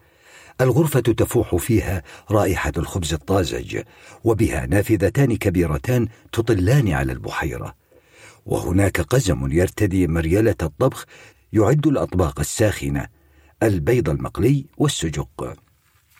أخذ تيو كابتشينو وبعض الخبز المحمص والشوفان واختار طاولة في زاوية تواجه الأشجار بحيث يصبح مستحيلا أن يسمع أحدهم كلاريس إذا صرخت. تناول تيو الخبز المحمص بسرعة وعلى الرغم من أن الشاليه بعيد جدا فوق المنحدر لم يحب تيو أن يتركها وحدها. عاد إلى الشاليه بالكرواسون وشوكولاتة أعاد توصيل التليفون وطلب منها أن تكلم الاستقبال قبل الأكل. فطالما كانت كلاريس نزيلة منتظمة للفندق سيبدو الأمر غريبا لو أنها لم تتصل حتى لتقول أهلا. تحدثت كلاريس لأكثر من عشر دقائق مع رئيس الأقزام اسمه جاليفر وشرحت له أنها تعكف على كتابة سيناريو ولا تريد أن يزعجها أحد في أثناء إقامتها. ابتهجت يو. لقد تصرفت كلاريس بشكل جيد ولم يكن في حاجة إلى إظهار المسدس وامتدح رزانتها وتركها تأكل في صمت. كان يقرأ في روايته البوليسية عندما قالت إنها تشعر بالغثيان. أرجعي رأسك إلى الخلف ولا تخفضيه إلى أسفل. سينتهي الأمر سريعا. أومأت كلاريس ورفعت كوبا من الشوكولاتة الساخنة إلى فمها ونجحت في أن تأخذ رشفتين. أحست بغصة. انحنت وسألت ثم تقيأت على الملاءة شوكولاتة وكرواسون. بدأت تبكي مرة ثانية. أحست بالشلل من تلك القذارة على بيجامتها أخذها من ذراعها وطلب منها أن تغسل وجهها في الحمام ثم قيدها في مسورة الحمام. الرائحة لا تطاق. ترك الشلي واتجه نحو الممر الحجري حيث قابل قزمة يبدو أنها عاملة نظافة. كانت تحمل أكياس مخدات بين ذراعيها. فقال أقيم في شاليه سليبي وأريد تغيير ملاءات السرير والمناشف.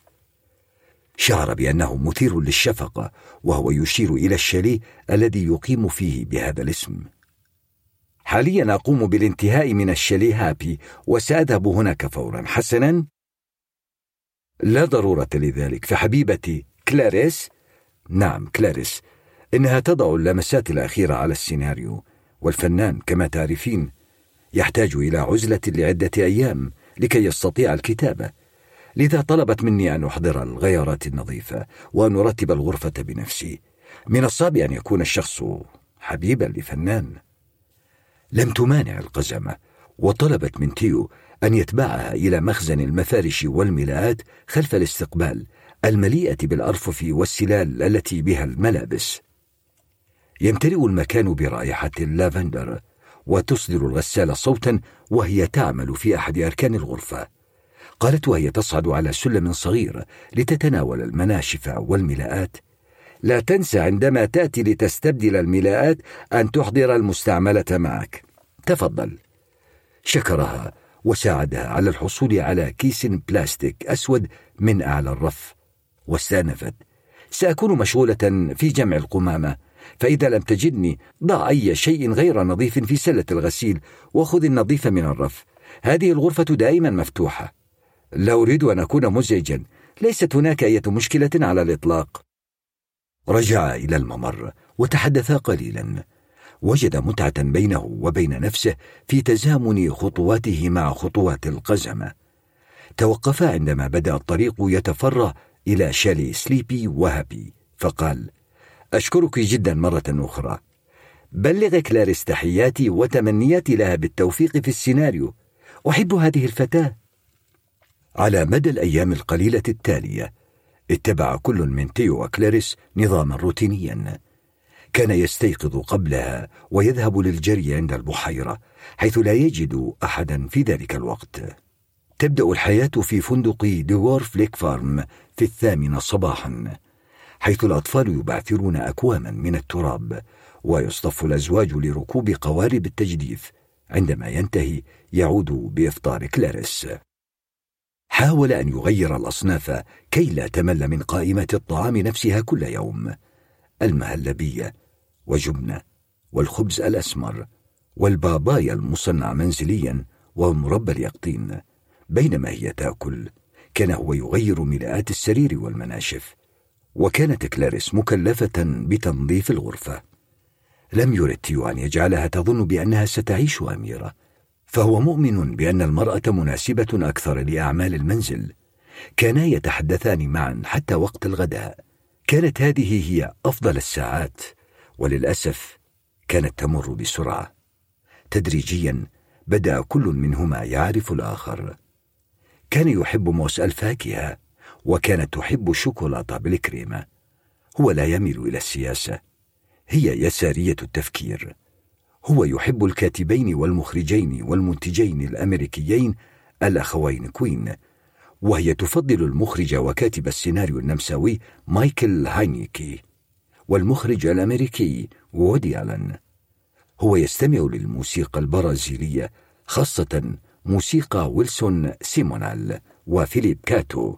وأغاني الملحن والمغني كايتانو فيلوسو وخورخي بن جور وهي تحب كل شيء ولا سيما موسيقى البوب الأمريكي والروك الإنجليزي.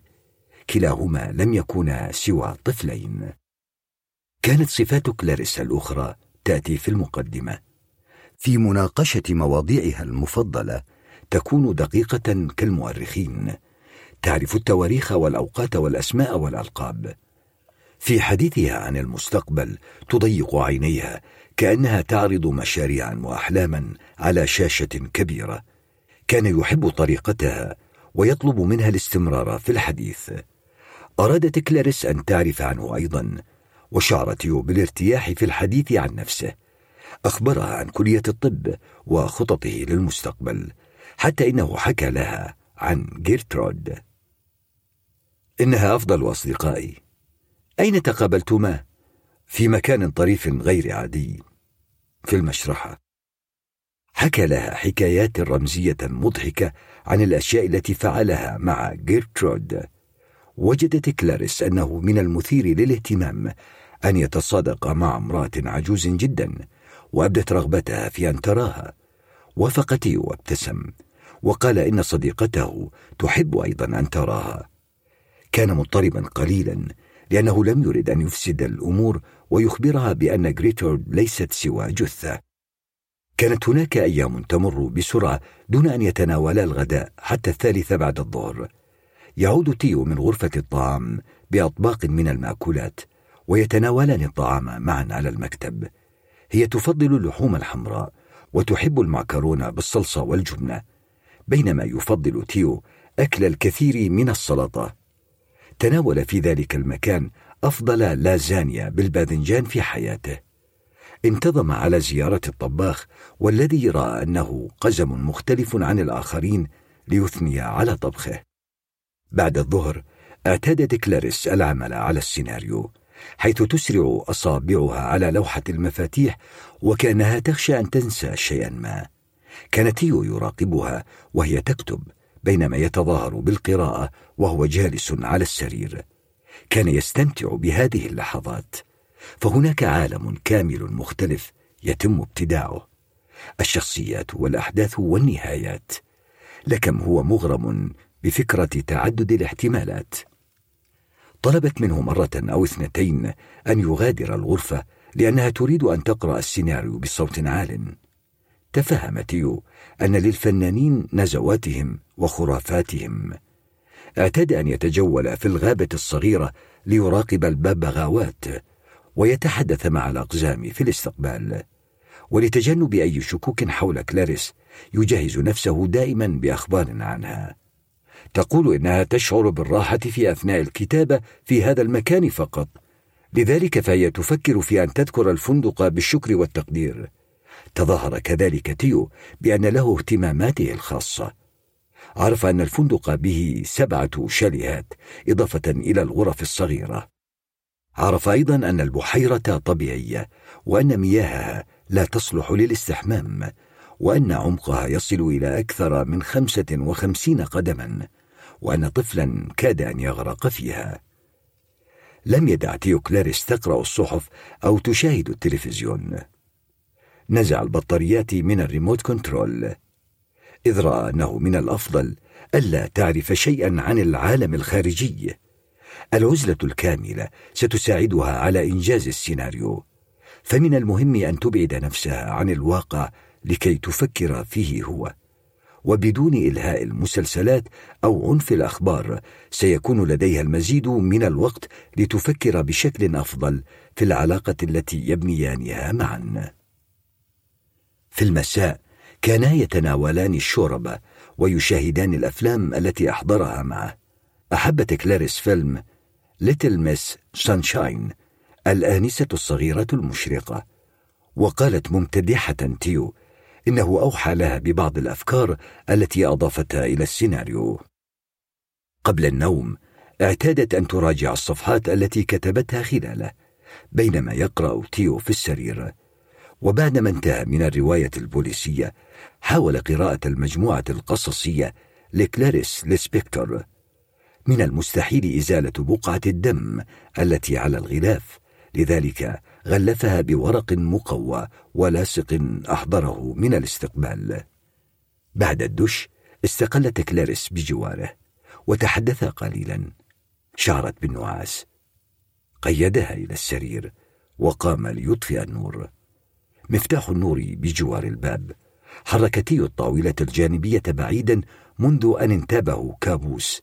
فيه استيقظت كلاريس في منتصف الليل وبدأت تهشم رأسه باللمبة. اشتريت لك هدية. أخبرها وهو يريها حقيبة الهدايا. ذهب إلى المدينة واشترى لها منتجات نظافة شخصية. وأهمها معجون الأسنان لأنه لم يتبقى أي شيء من معجون الأسنان معهم. كما استغل الفرصة واتصل به لينا وباتريشيا لاحظ أن الاتصالات بين كلاريس وأمها تحدث بعد فترات طويلة للغاية من عدم التواصل التام. كان هذا هو التفسير الوحيد الذي استطاع التوصل إليه ليبرر حماس هيلينا عندما اتصل بها. ساعد كلاريس لتجلس. فك القيود والكمامة وأعطاها الفستان. رآه في فاترينة أحد المتاجر. ألوانه زاهية وقماشه ناعم. باهظ الثمن ولكنه أراد أن يراها فيه فطلب منها أن ترتديه. اليوم هو الثلاثاء. مضى أسبوع على وجودهما معا. إنها تمطر بشدة في الخارج. عادت من الحمام غاية في الجمال. يعلم أنها أحبت الفستان حتى ولو كانت مرهقة. كل النساء يحببن الهدايا. تمتمت كلاريس بكلمات. أشكرك. قالتها بطريقة فاترة ضايقت ألا تعرفين أنني أشعر بالسعادة الحقيقية معك؟ ماذا عنك؟ لم تجب. فأخذ بيدها. لا أحب أن أراك هكذا يا فار الصغير. أعلم أن كل هذا سخيف ولكن عليك أن تفهمي. الأيام القليلة الأخيرة لم تكن بهذا السوء أليس كذلك؟ بدأت تتكلم وبدت كل كلمة كأنما تتطلب مجهودا. ليست المشكلة فيك. تركته وأغلقت باب الحمام قليلا لكي تغير وترتدي البيجامة أراد أن يسألها عما تعنيه ولكن الكلمات وقفت في حلقه. اعتلت كلاريس السرير.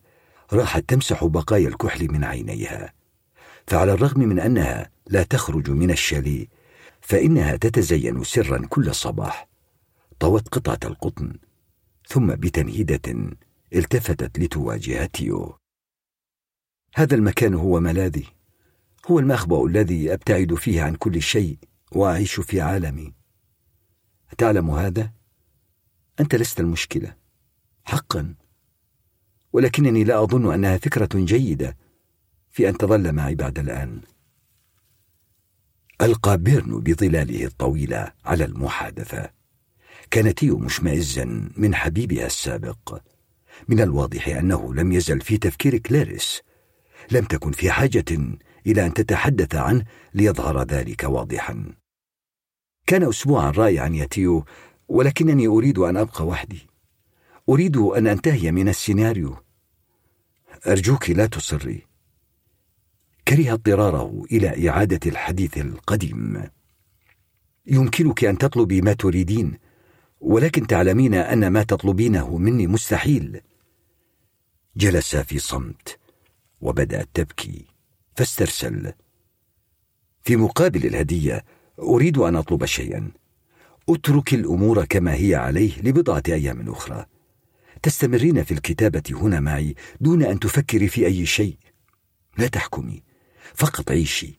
صدقيني سيكون الوضع رائعا. أغلقت عيونها وجففت الدموع بقطعة القطن ثم ذهبت إلى الحمام لتزيل أحمر الشفاه وتلملم شتات نفسها. يوم السبت بعد الظهر ارتكبت كلاريس خطأ اجتماعيا ولأول مرة يراها تيو محرجة. كانا في الشالي يشاهدان فيلم 12 Angry Men 12 رجلا غاضبا. قالت إن أمها ستحب الفيلم وسألت تيو متى شاهده لأول مرة. كان فيلم أبي المفضل ابتسمت كلاريس ونهضت وذهبت إلى الحمام وقالت أنت لا تتحدث عن أبيك كثيرا أليس كذلك؟ ثم أدركت أن السؤال غير مناسب. آسفة أنا هزت رأسه وعندما رأى كلاريس تقف في مدخل الحمام هكذا شبه نائمة وترتدي تيشيرت واسعا عليه صورة أبيض وأسود لمغني فرقة البيتلز الإنجليزي جون لينون وممسكة بفرشاة الأسنان. رأى أن الوقت قد حان ليتخلى عن تحفظه ويتكلم معها. أبي ميت مات في حادثة سيارة وأصيبت أمي بشلل نصفي بسببها. في حديث آخر تكلم عن حالة باتريشيا ولكنهما انتقلا إلى موضوع آخر. حدث ذلك منذ ست سنوات. كان أبي قاضيا بالمحكمة العليا. كنا نسكن في شقة بنتاوس في كوبا كابانا تطل على البحر. كانت له ولأمي علاقات اجتماعية كثيرة ويدعيان دائما إلى حفلات فاخرة ونزهات في اليخوت. اسم عائلتي أفلر جويمريس. هل يذكرك هذا بشيء؟ لم تظهر أي رد فعل فأكمل. كان هذا حديث الصحف. والداي عائدان من رحلة في الجنوب في سيارة أبي الباجيرو الفيكترا التي أركبها هي سيارة أمي. هل كنت معهما؟ لا كنت في البيت بسبب الدراسة. تردد فهو لم يتكلم مع أحد عن هذا. لا باتريشيا ولا حتى جيرترود. في ذات الوقت كانت الشرطة تحقق في قضية فساد وجريمة منظمة لجماعة في السلك القضائي. المتورطون كثيرون محامون وقضاة ونواب عموم. وقضاة المجلس الأعلى بالطبع. من المفترض أن النائب العام قد اتصل بأبي وقال إن مخططهم اكتشف. تم القبض على أناس كثيرين والجميع كانوا في حالة ذعر وكان هو واحدا من الشخصيات المهمة. لا أحد يعرف بالضبط ماذا حدث. كان أبي يقود السيارة عندما تلقى المكالمة في مكان ما قرب سانتوس. كانت أمي تجلس بجواره.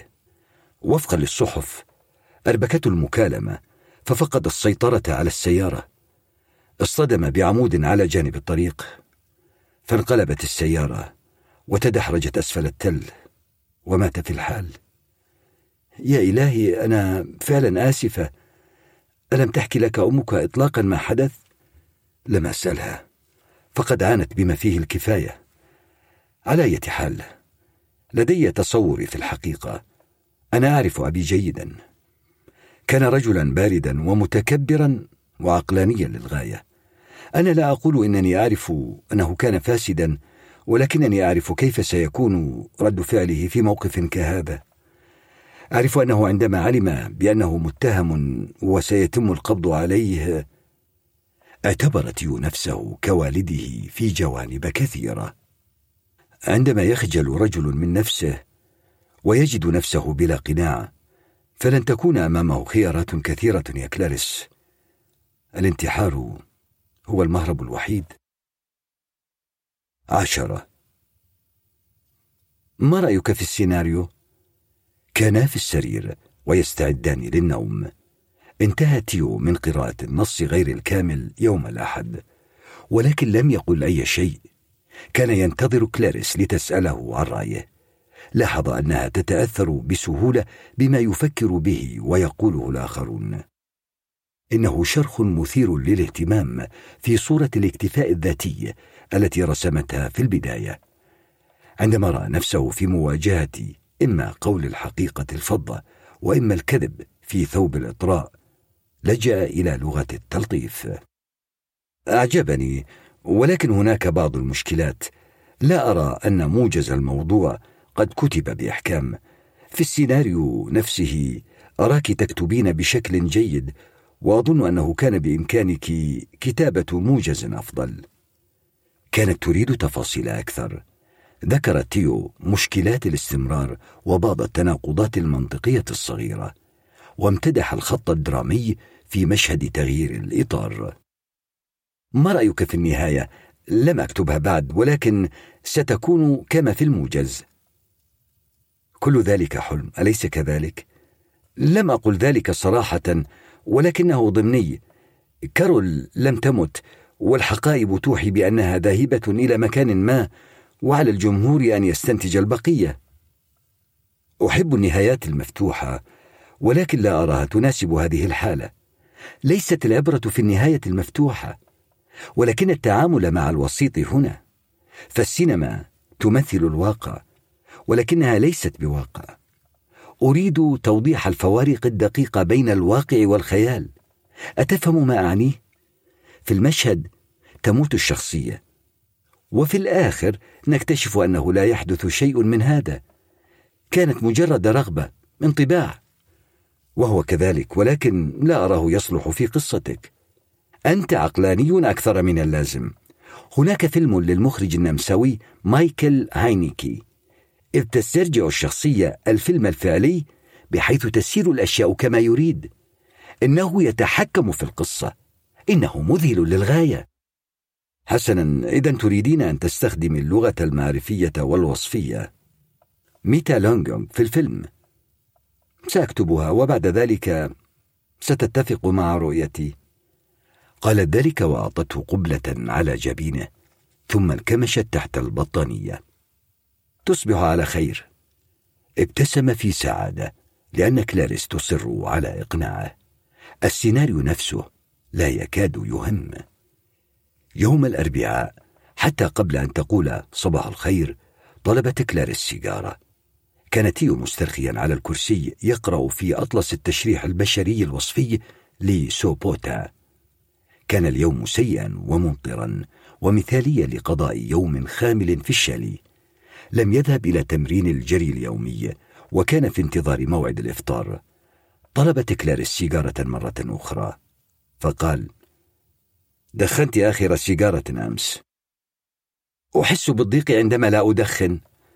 سأحاول أن أشتري السجائر لك عندما أذهب إلى المدينة يا فارس الصغير. ركز على الكتابة مرة أخرى لأنه لا يريدها أن تشعر بأنها مسؤولة عن الموقف. قرأ دراسة عن العلاقات بين الرجل والمرأة ومنها عرف أن النساء لا ينجذبن للرجل الذي يخضع بسهولة لرغباتهن. إنهن يحببن الرجل الغامض الذي لديه اكتفاء ذاتي. لقد حاول بكل قوة ألا يبدو متذللا. سألته بعد عدة دقائق. لماذا تسميني فارس صغير؟ مجرد لقب. بسبب أسنانك. أسناني أحبها. أرجو ألا تكون هناك مشكلة. لا لا توجد مشكلة. يعلم أنها لا تمانع. أراد أن يسألها سؤالا مباشرا ولكن بطريقة خفية. هل لك أية ألقاب أخرى؟ أغلقت كلاريس عينيها. كما لو كانت ستنام. كان يأمل لو أنها فسرت كلمة موسيقاي التي قرأها في رسالة حبيبها السابق. لم يجد مفرا من أن ينتهي بهما الأمر إلى التحدث عن برينو فهما معا منذ أكثر من أسبوعين ولم يذكر اسمه ولو مرة. في اليوم السابق ذهب تيو إلى المدينة وتحدث لنصف ساعة تقريبا مع باتريشيا التي كانت مكتئبة وقلقة وتريد أن تحصل على نتائج تشريح طلبها. كانت مكالمته مع هيلينا أقصر. أخبرته بأنها تريد التحدث مع ابنتها المرة القادمة التي يتصل بها فيها. أحس تيو بأنه مضغوط. برينو يكرر محاولاته ليعود إليها مرة أخرى. الشاب مزعج جدا. لقد أرسل لها أكثر من ثمان رسائل. ورسائل لورا. لم يعد متأكدا إذا كانت كلاريس مهتمة بالرجال أم النساء. الأمر مربك للغاية تبدو كلاريس أكثر ارتياحا معه يوما بعد يوم. تبدي ملاحظات بسيطة تخبره عن آرائها في بعض الأشياء وعن أفكارها في السيناريوهات. أحب بوجه خاص إيماءاتها والطريقة التي تربط بها شعرها في عجلة وذلك الشعور بالتفوق الذي ينبعث منها وضحكتها المتميزة ولسانها الملامس لأسنانها.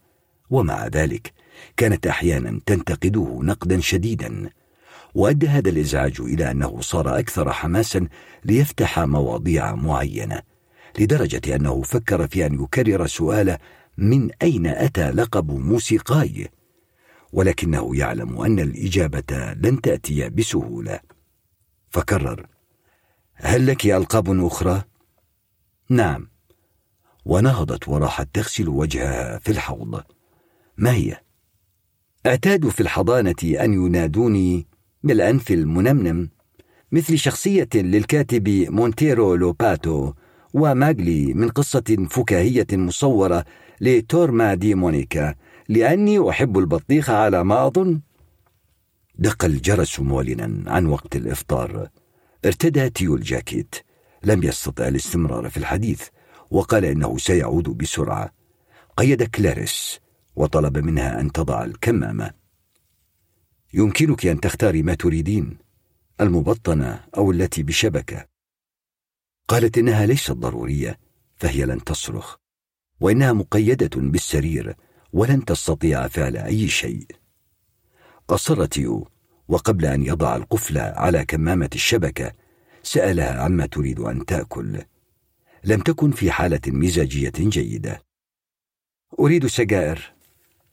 توقف المطر وهو ما جعل تيو لا يريد العودة سريعا إلى الشالي أراد الجلوس لكن كل المقاعد كانت مبتلة فقرر أن يتمشى. في الأيام التي تصبح فيها كلاريس في حالة مزاجية سيئة يتجنب تيو أن يكون قريبا منها. كان يشك أن لديها نوعا من الاضطراب ثنائي القطب. لكن هذا لم يمنعه من أن يشعر بالارتياح. فمنذ أن كان صغيرا وهو يشعر بأنه لا ينتمي وكأنه مخلوق يعيش بين بشر يضحكون بسهولة. أناس ليس لديهم شيء لا طموحات فكرية ولا أفكار سامية. صدم عندما أدرك أنه من الطبيعي أن تتأثر مشاعره بالكريسماس وأن يتصل بأصدقائه القدامى في أعياد ميلادهم وأن تري جيرانك بأن مولودك ذا الثمانية أشهر تعلم أخيرا أن يقول دادا. شعر بخيبة الأمل من طبيعة الحياة التي تقلد ببساطة شديدة في المسلسلات المسائية. كان صعبا عليه أن يتأقلم مع كل هذا والواقع لم يبدو مستعدا لأن يقدم أي تنازلات. وعندما بدأ أخيرا بالشعور بالثقة في نفسه جاءت كلاريس لتضيف معنى لكل شيء حوله أو لتحطم المعنى الذي وضعه لنفسه. لقد أعادت ترتيب مكانه في العالم. ما زال تيو ينظر بازدراء إلى الجنس البشري. ولكن الآن على الأقل ما يشعر به نحوه هو نوع من الشفقة النزيهة.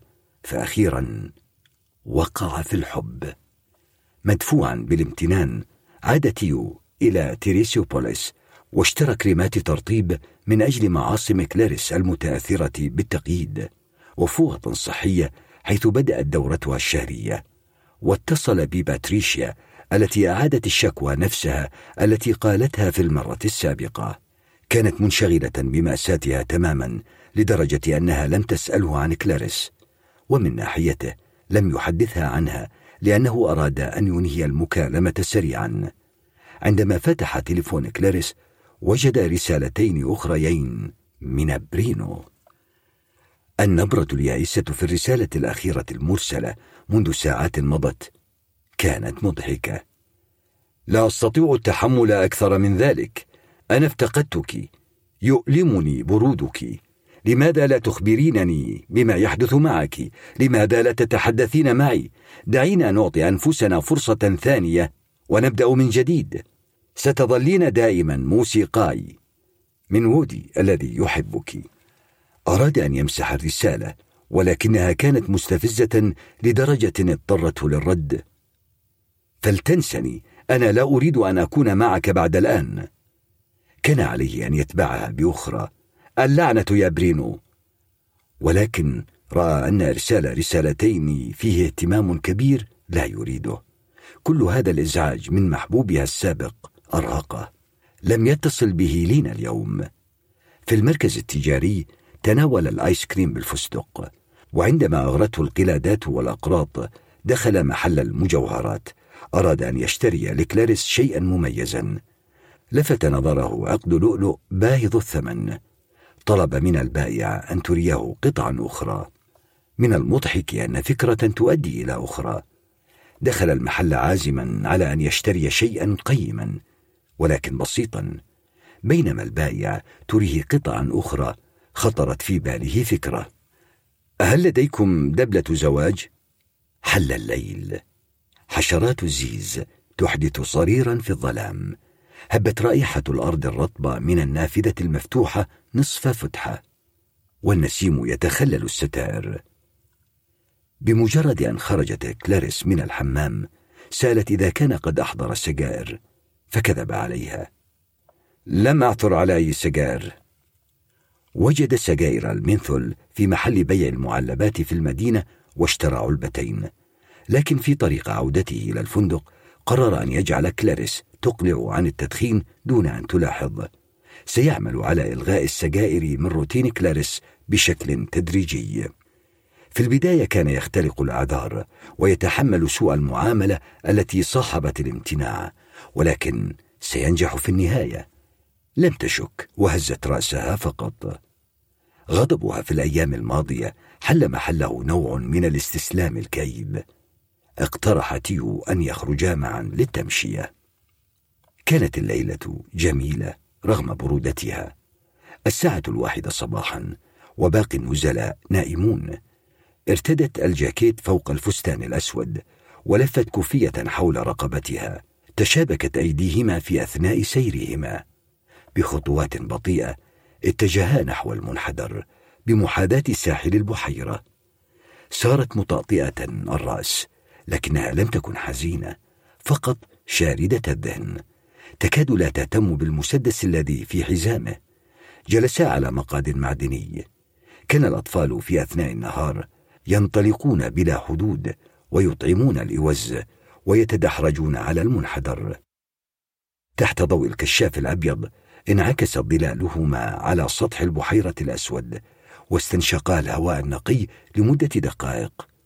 ابتسمت كلاريس له وأسندت رأسها على كتفه وقالت آسفة على الطريقة التي عاملتك بها بالأمس. لقد كنت أشعر بأنني لست على طبيعتي. لست على طبيعتك؟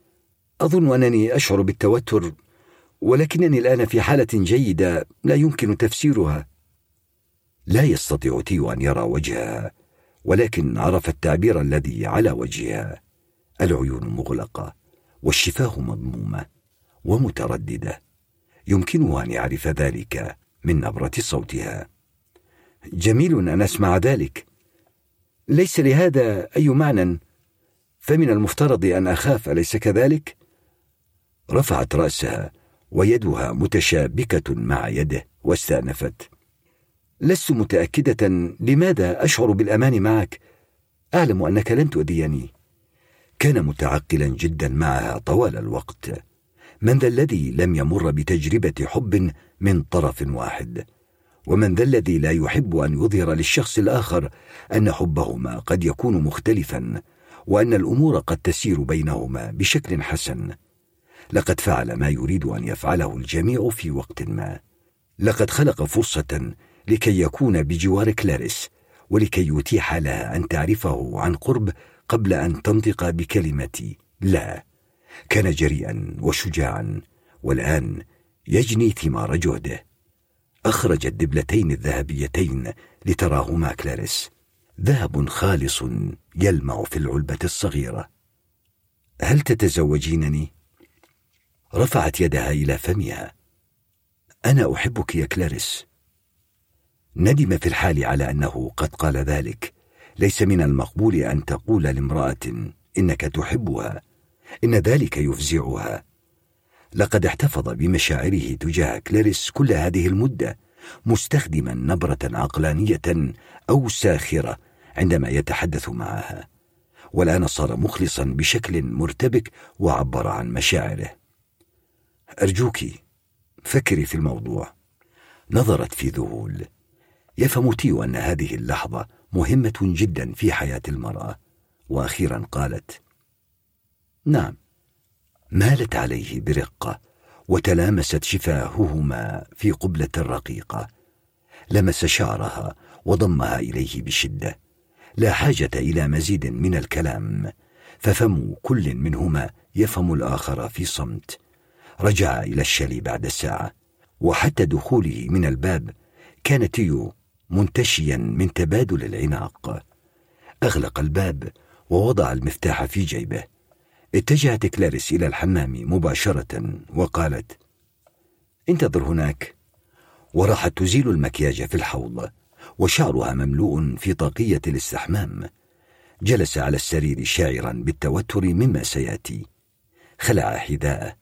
ووضع المسدس في درج الطاولة التي بجانب السرير. لم يفكر في أنه من المناسب أن يرتدي البيجامة.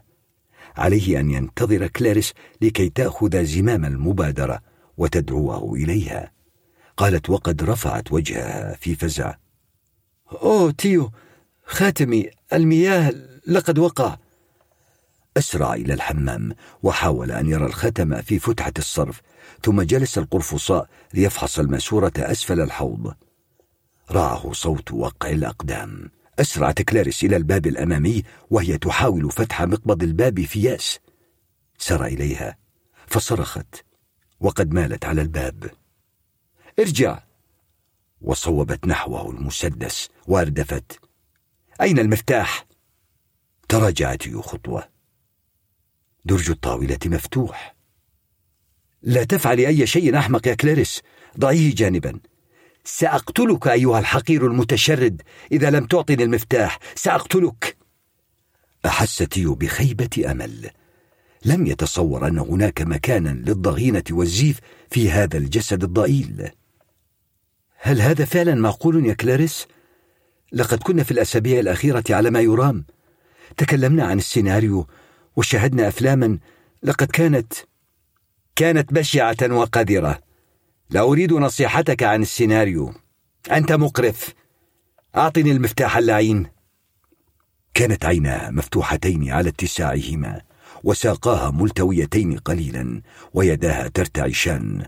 وطاقية الاستحمام جعلتها تبدو رهيبة إلى حد ما. الكراهية على وجهها والخوف أيضا. لن أعطيك المفتاح يا كلاريس.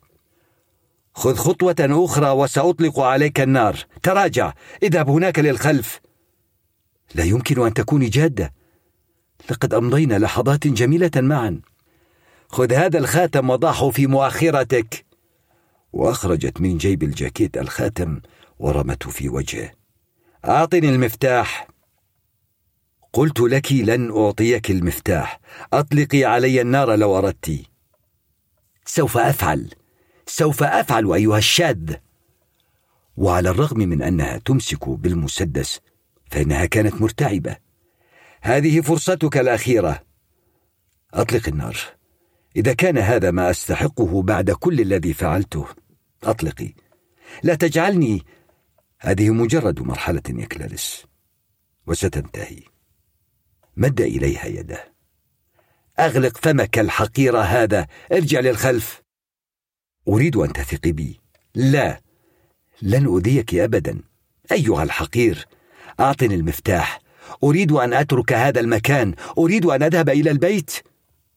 ابتسم لها. ليس هكذا تجري الأمور. أعطني المفتاح وإلا نسفت وجهك. لا تمتلكين الشجاعة. وتحرك تيو نحوها. وتقدم بخطى محسوبة رافعا يديه. ضغطت كلاريس على الزناد. مرة اثنتان ثلاث أربع خمس مرات. لفت أسطوانة الرصاصات ثلاثمائة وستين درجة. ولا شيء. تقدم تيو بخليط من الإثارة والغضب. صفعها.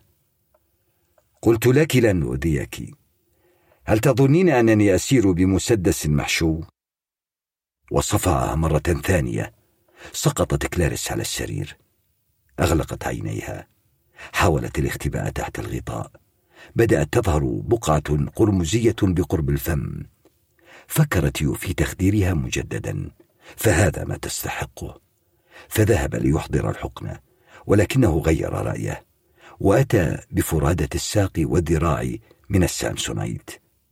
أخذت تئن وتتوسل أن يسامحها بينما يضع عليها الكمامة. ليس لديه ما يقوله. شدها من شعرها وقيد رجليها ويديها بالآلة. أغلق القفل والإبزيم وسحبها بكل ذلك إلى أرضية الحمام الباردة وترك المصباح مضاءً. ستقضي كلاريس الليلة هناك مصلوبة تفكر في الحماقة التي ارتكبتها. أحد عشر بمجرد أن أنارت الدنيا في الخارج ذهب تيو ليخرج كلاريس من الحمام. سار متأبطا ذراعها إلى السرير فقد كان جسمها كله متيبسا.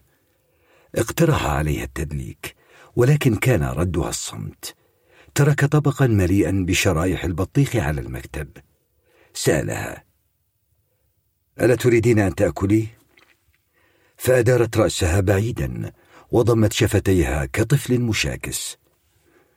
خلعت يو حذاءها ودلك قدميها المتيبستين. كلما لمس كلاريس شعر بوخزة في يده. دهش من هذا الإحساس الذي سببته له كلاريس. حاول أن يبتسم لكنه ما زال ساخطا. لو أن المسدس محشو لكان الآن ميتا. من الواضح أن عقلها ليس سليما. أحس بخيبة الأمل وكذلك بالازدراء لضعفها سألها. ألن تتكلمي معي؟ على مدى الأيام التالية رفضت كلاريس أن تأكل أو تتواصل. كانت تقبل المياه فقط دون أن تشكره بينما تقضي وقت ما بعد الظهر على اللابتوب تعمل على السيناريو. حاول تيو أن يتركها على حريتها فهو يعرف أنها لن تصمد طويلا. فلطالما تسامح الأزواج وبينما هو مستلق على السرير أخذ يراقبها وهي جالسة على الكرسي ذي ذراعين أكتافها المنحنية وذراعاها المعروقتان وحسها المتلبد ونظرتها الميتة تقريبا. أصبح الموقف لا يطاق. حاول أن يتلطف معها ولكنها أصرت على العزلة.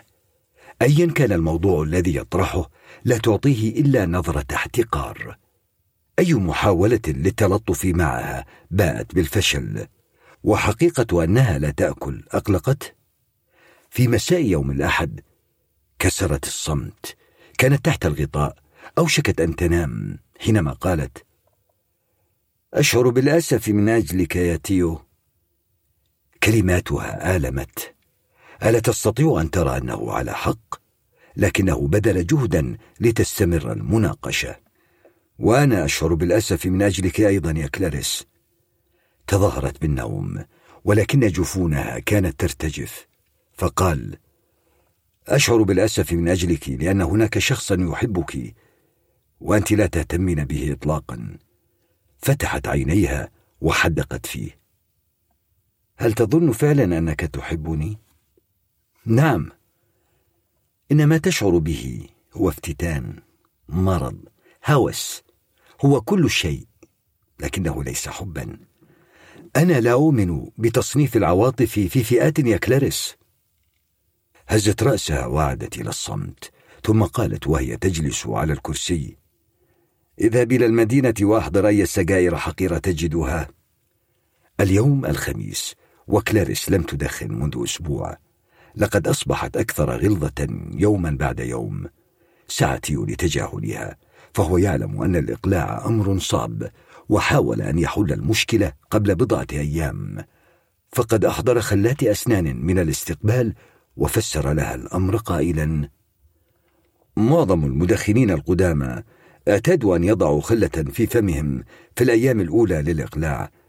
من المهم استبدال السجائر بشيء ما تضعينه في فمك. ألقت بالخلات على الأرض لكن فيما بعد أخذت بنصيحته. شيئا فشيئا بدأ الإدمان يذهب. أعادت. اذهب إلى المدينة واحضر أي سجائر حقيرة تجدها.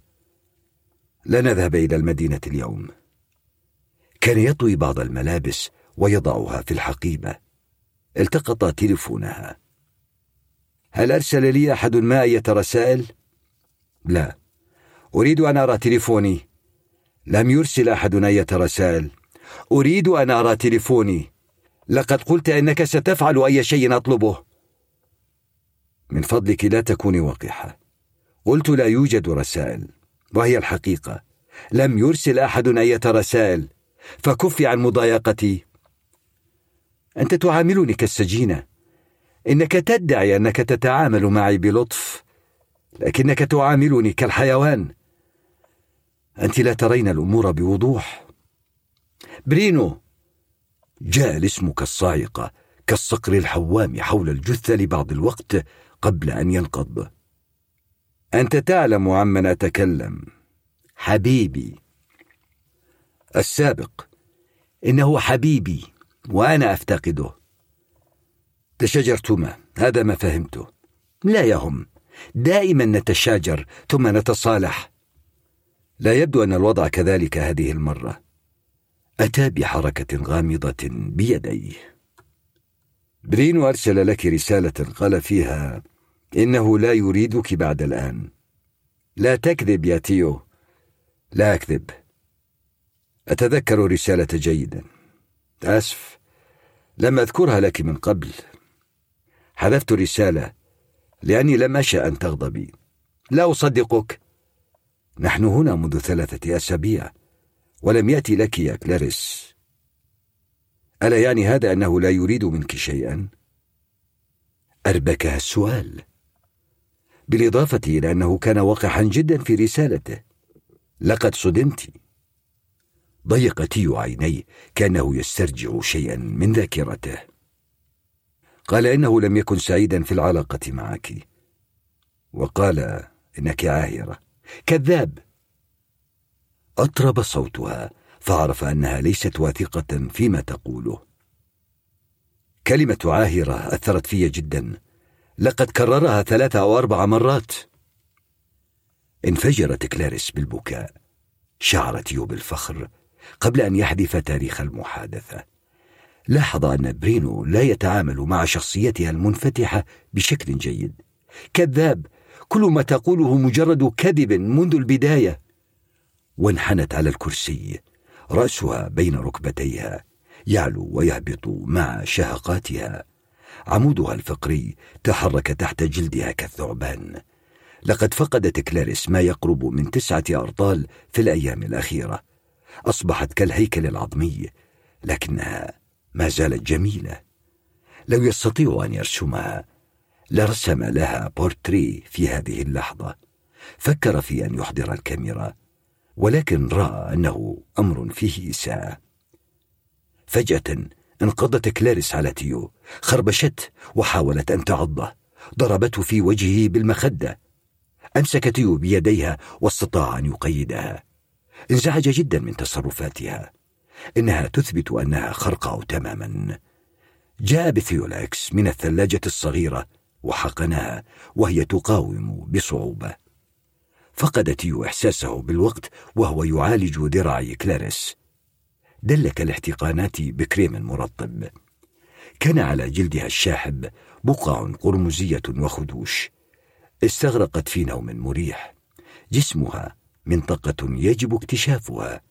فذراعاها المقيدتان أعلى رأسها جعلتاها تبدو مثيرة مع بروز فخذيها البيضاوين من البيجامة. يعلم أن هذه الأفكار حتمية فذهب ليأخذ دشا. كان الوقت بعد منتصف الليل عندما دق شخص الباب. ثلاث طلقات سريعة. نهض من على السرير ونظر إلى كلاريس. لم تزل نائمة. أزاح ستارة النافذة الجانبية. السماء سوداء بغيوم داكنة تشق القمر. الإنارة في عمود الإنارة بجوار البحيرة ضعيفة. لا تظهر إلا صورة ظلية للزائر. لم يكن قزما. تناول المسدس من الحقيبة غاضبا من نفسه لأنه لم يشتري ذخيرة. من؟ لم يتلقى إجابة. من؟ وضع المسدس في وسطه وفتح الباب. لم يأخذ وقتا طويلا حتى يتعرف على الشاب الطويل من قاعة كونشيرتو سيسيليا ميرلس يرتدي الجينز وقميص بولو أخضر وجاكيت جلد ونظارة بإطار مستطيل ماذا تريد؟ نظر برينو إليه من أعلى إلى أسفل بطريقة بلهاء من أنت؟ أنت الذي طرقت على بابي بعد منتصف الليل انظر أريد أن أتحدث مع كلاريس هل هي هنا؟ هل لديك فكرة عن الوقت الآن؟ أريد أن أتحدث معها. إنها دائما تنزل في هذا الشاليه فكر تيو في قول إنه لا يعرف عمن يتكلم لكنه لم يرد أن يتصرف كجبان أو خنوع. هي نائمة. كيف وصلت إلى هنا؟ لا يهم. أنا حبيبها. لاحظ تيو أن رائحة الكحول تنبعث من فم برينو. وكان يهز رأسه وعيناه كأنهما ستخرجان من محجريهما. لا نتركك تزعجها بعد الآن. نحن معا الآن. انصرف. لن أحدث ضجة. أريد فقط أن أتكلم معها أتوسل إليك. لقد تكلمت بما فيه الكفاية في هذه الرسائل الوقحة هل رأيتها؟ أرتني إياها كلاريس. لم تعرف كيف تجعلك تفهم أنها لا تريدك بعد الآن. إن كل شيء انتهى. أرجوك أنا لا أعرف ماذا يحدث.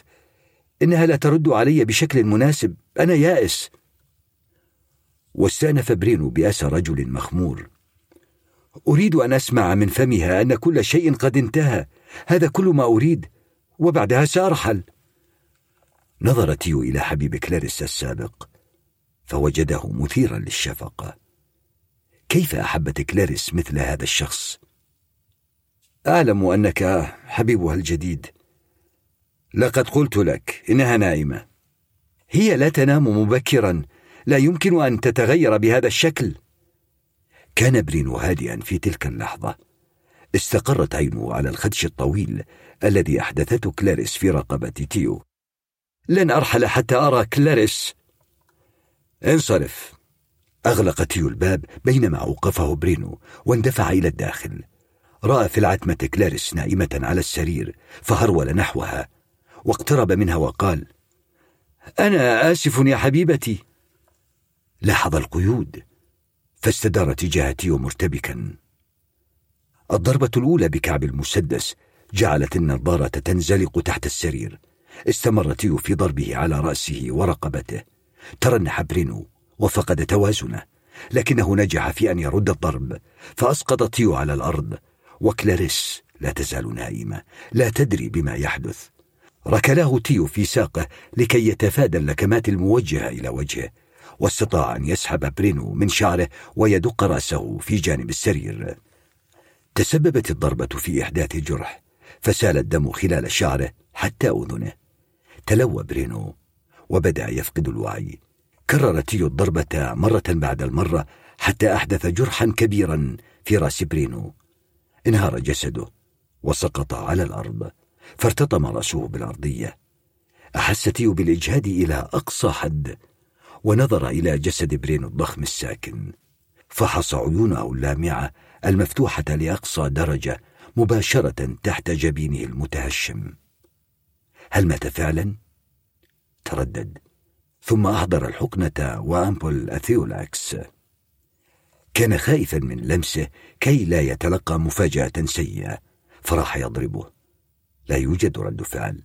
وبسرعة ممرضة محترفة حقن برينو بجرعة من الثيولاكس في ذراعه الهامدة. ثم بأخرى وأخرى وأخرى. أربع جرعات. لا يوجد احتمال بأنه ما زال على قيد الحياة. أخذ تيو يذهب ويجيء لقد قتل شخصا وها هو الجسم يستلقي هناك بشعا وأحمر. ماذا يعرف عن برينو؟ إنه حبيب كلاريس السابق ويعزف الجيتار. فتش في جيوبه. تليفون قديم مغلق ميدالية بها ثلاثة مفاتيح محفظة في جيب الجاكيت بها مئة وعشرة ريالات برازيلية. وبطاقة ائتمان ورخصة قيادة منتهية. توضح أنه في السادسة والعشرين كان مع الرخصة تذكرة حافلة مستعملة من ريو دي جانيرو إلى تيريسوبوليس. هل يعرف أحد أنه جاء من أجل كلاريس؟ هل رآه أحد من النزلاء؟ لا وقت للتخمين. يجب أن يتخلص من الجسد. فبركة الدماء تنتشر الآن. وتهدد بأن تصل إلى طرف من طرفي الملاءة تمنى أن تظل كلاريس نائمة لعدة ساعات أخرى. فتح باب الشالي وذهب إلى السيارة. لم يرتدي سوى قميص فقط ولكن لا يهمه البرد. أحضر السجادة من حقيبة السيارة وفردها على أرضية الشالي أرقد عليها جسم برينو ونظف الدم. فكر في أن يلفها في السجادة ويرميها في البحيرة. قرأ كثيرا في الروايات البوليسية عن كثير من المجرمين الذين يقومون بذلك. ولكن في العالم الواقعي فإن الغازات المنبعثة في أثناء عملية التعفن تجعل الجثة تطفو فوق السطح. ربما بعض الأحجار ستجعلها تستقر في القاع لكنها مجازفة. خطر على باله أيضا أن يحفر حفرة في الغابة ولكنه تخلى عن الفكرة فهو لم يتعود الحفر وربما أيقظ شخصا ما في أثناء الحفر ثم وصل لقرار نهائي. ترك الشلي واتجه نحو مخزن المفارش والملاءات. سار بخطوات سريعة متسترا بالليل. أدار مقبض الباب في صمت وتحسس في الظلام مفتاح النور. مد يده ووصل لكومة من الشنط البلاستيك السوداء على الرف العلوي ثم ذهب إلى المطبخ الذي بجوار غرفة الطعام متمنيا ألا تكون مغلقة. لم تكن كذلك. وجد سكين تقطيع وفي طريق عودته رأى مقص تشذيب منسيا في حوض زهور بجوار شاليه باشفل أخذه معه أيضا. لبس القفاز وبدأ العمل. نزع ملابس برينو وتركه عاريا على السجادة. من السخرية أن كلاريس كانت مقتنعة بهذا الضئيل. وضع الملابس المكرمشة في حقيبة بلاستيك وبسرعة وضع النظارة ومتعلقاته في أحد جيوب حقيبة الطبيب. كان قلقا. فهذه أول مرة يستكشف فيها جثة طازجة. اهتز جسد برينو عندما شقت السكين جلد رقبته. مع القطع الطولي راح الجلد الذي ما زال دافئا ينشق بسهولة تاركا تجويفا خلف السكين. تذكر تيو معمل التشريح ولحظاته مع جيرترود ومتعته في التشريح. كلما وصل إلى جزء من الجثة رأى الكتب التي درسها أمام عينيه رسومات التوضيح أصبحت حقيقية. كان عليه أن يجلس القرفصاء لكي يعمل في التجويف الصدري. عندما وجد القفص الصدري بدأ يقطع بالمقص. عندما انتهى رفع عظم الصدر فاستطاع أن يرى الأعضاء التي بداخل القفص الصدري. ما زال القلب ينبض بشكل ضعيف. بدأ تيو يهدأ رويدا. وجد رائحة الدم المؤكسد لذيذة. ثم بدأ يتصرف بحركات محسوبة مثل الراقصة التي تتدرب على تحريك جسمها. بدأ يعرق بغزارة وعندما مسح العرق من جبينه نظر إلى كلاريس. لو أنها استيقظت فهل تتحمل رؤية حبيبها السابق وهو جثة ملقاة هناك؟ يعلم أنها لا تستطيع فحبها لبرينو بدني فلو رأت المنظر فلن يكون هناك حب ولا ألم. فقط اشمئزاز. جلس القرفصاء ليشق الحجاب الحاجز ويخرج الأحشاء المنغمسه في الدهون الصفراء. انزلقت الشفرة فاخترقت القفاز وأصابت إصبعه الإبهام. قرف. تدفقت السوائل من الأمعاء المقطوعة. بعدما غسل يديه ضمد إصبعه بسرعة. ذهب إلى كلاريس ولمس وجهها مثارا بالوضع. ارادها أن تستيقظ لترى برينو مجرد جيفة فهمس. افيق يا كلاريس أراد أن يقضم شحمة أذنها ولكنه قاوم الرغبة. بصرف النظر عن إيجابية الصدمة لم يرغب في أي مخاطرة. لبس قفازا جديدا وبدأ في تقطيع الأعضاء. قطع المفاصل. ضحك لنفسه عندما سمع صوتا غريبا للسيقان لما انفصلت عن الخاصرة.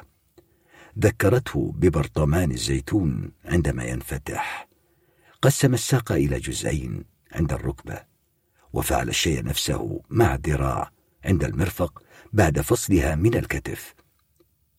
مرت ساعتان. لم يتعود تنفيذ مثل هذه الإجراءات بمثل هذه الأدوات البدائية. بدأ ظهره يتعب ولكن الجزء الأسوأ لم يأت بعد. فصل الرأس عن الرقبة نشر عند أسفل الرقبة. انفصلت العضلات وإن كانت بعض الأربطة صعبة. بدأت الشفرة تفقد حدتها مما جعل المهمة مرهقة. استمر تيو في النشر لف الرأس في الاتجاه المعاكس حتى انفصل. غطى الدم وجه برينو. وانفتح فمه لأقصى حد فظهر فراغ مظلم دون لسان.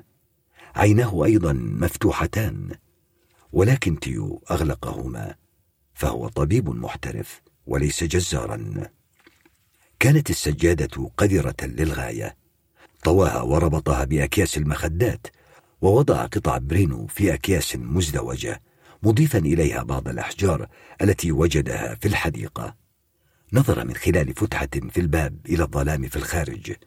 رأى أن العملية تحتاج إلى مشوارين إلى البحيرة. كل مشوار ثلاث دقائق لكي يلقي بالأكياس في البحيرة.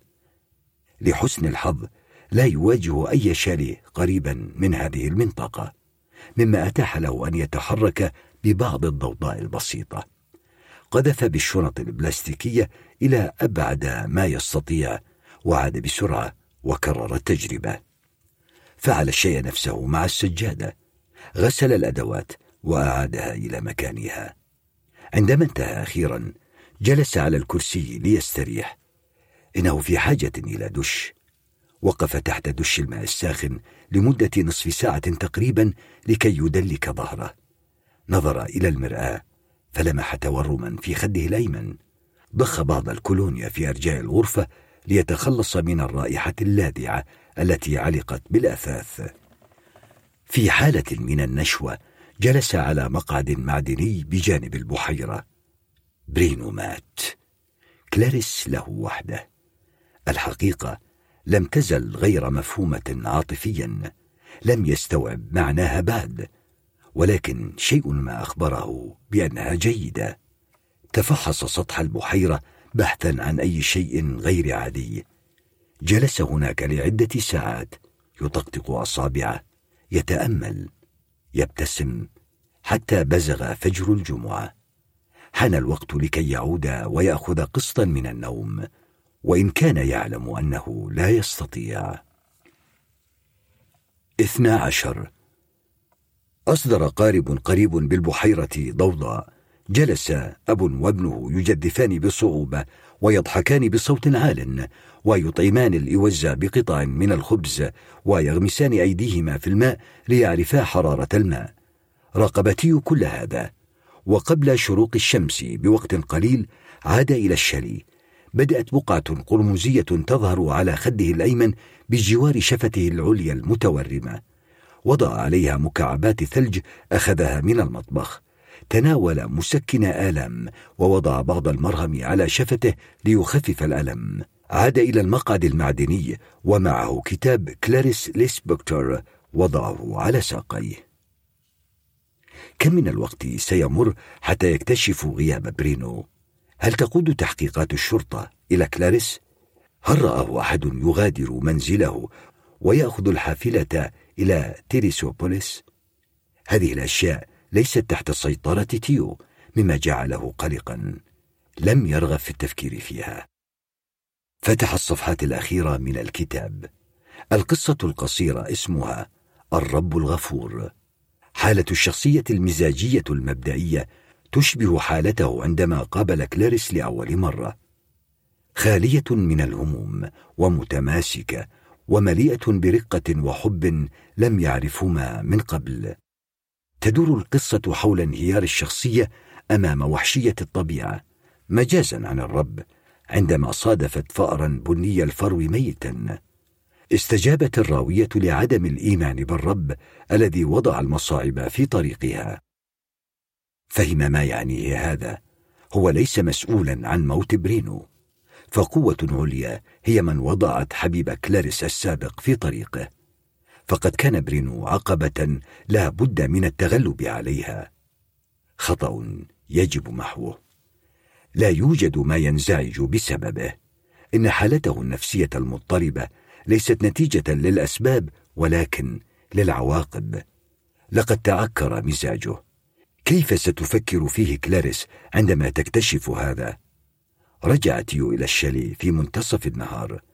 كانت كلاريس مستيقظة. سألته بمجرد أن نزع الكمامة. ماذا حدث لوجهك؟ وقعت في أثناء تمشية هذا الصباح. كنت نائمة. غالبا ما يحدث لي هذا هذه الأيام. فتح اللابتوب واعتذر لعدم تناوله الإفطار. رأى الأمر غريبا أنها تلقت تبريره للكدمات بشكل سلبي. هل فعلا صدقت؟ نظر في الغرفة. كل شيء كما كان من قبل. أو على الأقل يبدو هكذا. قالت وقد رفعت يدها إلى شعرها وهزته بطريقة جميلة. أريد موعدا. موعدا؟ إلى متى سيستمر الوضع على هذا المنوال؟ لا أعرف يا كلاريس. فضيقت عينيها. الكريسماس أوشك وسترى أمي الأمر غريبا لو لم أعد في الكريسماس. لا تسأليني عن موعد. يجب أن أتناول العشاء في البيت مساء الكريسماس. الكريسماس بعد ثلاثة أسابيع. إذا ثلاثة أسابيع. لقد أخبرتني أنك لا تعرفين إذا كنت ستعودين في الكريسماس أم لا. اقتربت منه بخفة وطوقته بذراعيها فشعر بنهديها من تحت بلوزتها. أرجوك أتلت السرير من خلفه وأخذت تدلك كتفيه. رائحتها جميلة. كان قادرا تقريبا على نسيان ما فعله. قالت دون أن تتوقف عن تدليك فقرات ظهره بحركة دائريه يا إلهي أنت فعلا متوتر يا تيو. حبيبي السابق كان مثلك. لا يمكنه الاسترخاء. تصلبت أكتافه. استأنفت. فكرت فيما قلته لي. أظن أنك على حق. لقد انتهت علاقتي ببرينو. لم أعد أحبه. أخشى فقط أن أقلب الصفحة. سعيد لسماع أنك وصلت لهذا القرار. أظن أنه كان يخونني. كانت له نزواته مع طالباته في تعلم الجيتار. لو أن علاقتنا تعني له شيئا لكان جاء ورائي ولكنه لم يأتي. هل جاء؟ لم يأتي. تاملته كلاريس. هل هذا شبح ابتسامة يرتسم على شفتيها؟ إنه متأكد من أنها تعرف إنها تعرف وتلعب عليه إنها تتحدى عقليته. فقال أريد أن أخرج. ماذا حدث؟ وضع تيو القيود والكمامة على كلاريس. لديه تقلصات في ساقه. صفع الباب وقال إنه سيذهب إلى المدينة ولن يتأخر. لم يكن يرغب في الخروج فاليوم هو الجمعة وهو متعب. صوت كلاريس خانق والفندق خانق وطابور الناس الذين في انتظار قوارب التجديف خانق. ذهابه إلى المدينة هو متنفسه الوحيد. في أثناء وجوده هناك تناول الغداء وتسوق. في الكافيتيريا طلب عصير جوافة. وشاهد أخبار ما بعد الظهيره على التلفزيون الذي على الحائط. لم يجد شيئا عن اختفاء برينو مما جعله أكثر هدوءا. كلاريس سجينة على السرير ولا يمكن أن تصل إلى الباب دون أن تفك القيود. برينو في قاع البحيرة ويبدو أنه من أسرة غير مؤثرة وإلا لانتشر الخبر في كل مكان. جلس بجوار حديقة مزهرة وأغلق عينيه. إنه في حاجة إلى أن يكلم شخصا ما شخصا غير كلاريس. فاتصل بأمه. لحظة يا بني أنا فقط أقوم بكتابة وصفة طبخة ما. سمع في الخلفية صوت رجل يقول فنجانان من خل التفاح فنجانان من القشدة تفاحتان طازجتان رطل ونصف. وبعد ثلاثين ثانية توقف تشغيل التلفزيون. أهلا كيف حالك؟ بخير وأنتِ؟ ظهرت نتيجة تشريح سامسون. وجدوا آثارا من دواء في معدته. سامسون مات من جرعة هنبوليت زائدة. فقال وقد شعر بالندم. لا تلومي نفسك فأنت لم تكوني تعرفين أنه سيتناول علبة دوائك. لم تفهمني. سامسون لم يأكل علبة دوائي. شخص ما هو الذي أعطاه المنوم؟ ماذا قلت؟ شخص ما أعطى الهين بوليد لسامسون إنه لم يأكل العلبة. من الذي قد يفعل شيئا كهذا؟ أشك في شخص واحد. شعر تيو برغبته في إغلاق الخط ولكنه قاوم الرغبة ووضع التليفون على أذنه. كلاريس هي الشخص الوحيد الذي كان هنا في الآونة الأخيرة. كلاريس إنها لا تستطيع أن تفعل مثل هذا الشيء. لكن ليس هناك تفسير آخر. من المؤكد أن باتريشيا فكرت في الموضوع على المدى الأيام القليلة الماضية فقال ماذا عن مارلي؟ مارلي هل تظن أنها قد تفعل مثل هذا الشيء لسامسون إنها تعلم كم أحب هذا الكلب. معها مفتاح الشقة وتعرف أنك تأخذين هيمبوليد. ولكن ما الدافع؟ حسنا وكلاريس أيضا ليس لديها دافع. وأنا كنت معها طوال الوقت. لا أعرف كيف أفكر. كان ذلك عندما خطر لتيو أن أمها تشك فيه لكنها كانت تعتمد عليه في رعايته لها. ولا يمكن أن تتهمه فقط دون عقاب. فقال ليست كلاريس متأكد. عندما تعود أريد أن أتحدث معها. فأنا قوية الملاحظة كما تعرف. أريد أن آخذ فكرة عن شخصيتها. قالت مارلي لباتريشيا إنها حالة خاصة. ومنذ ذلك الحين اعتادت أن تستخدم الجدل في تبرير أي فكرة طائشة تخطر على بالها. لا أريدك أن تواجه كلاريس. لا. لدي لباقة بما يكفي. فربما هذه الفتاة لا تليق بك. إنها تليق بي جدا يا أمي. تتذكر الكابوس الذي انتابني قبل سفرك مباشرة؟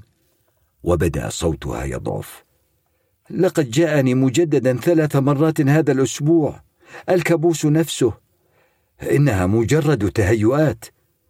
أنا خائفة يا تيو شخص ما سمم سامسون وفي هذه الكوابيس أنت تموت مسموما. هذا شيء فظيع. قال لها وداعا متظاهرا بأنه غاضب. أفسدت المحادثة مزاجه أكثر. لم يضايقه صوت كلاريس ولم يضايقه الشالي. بل إنه العالم.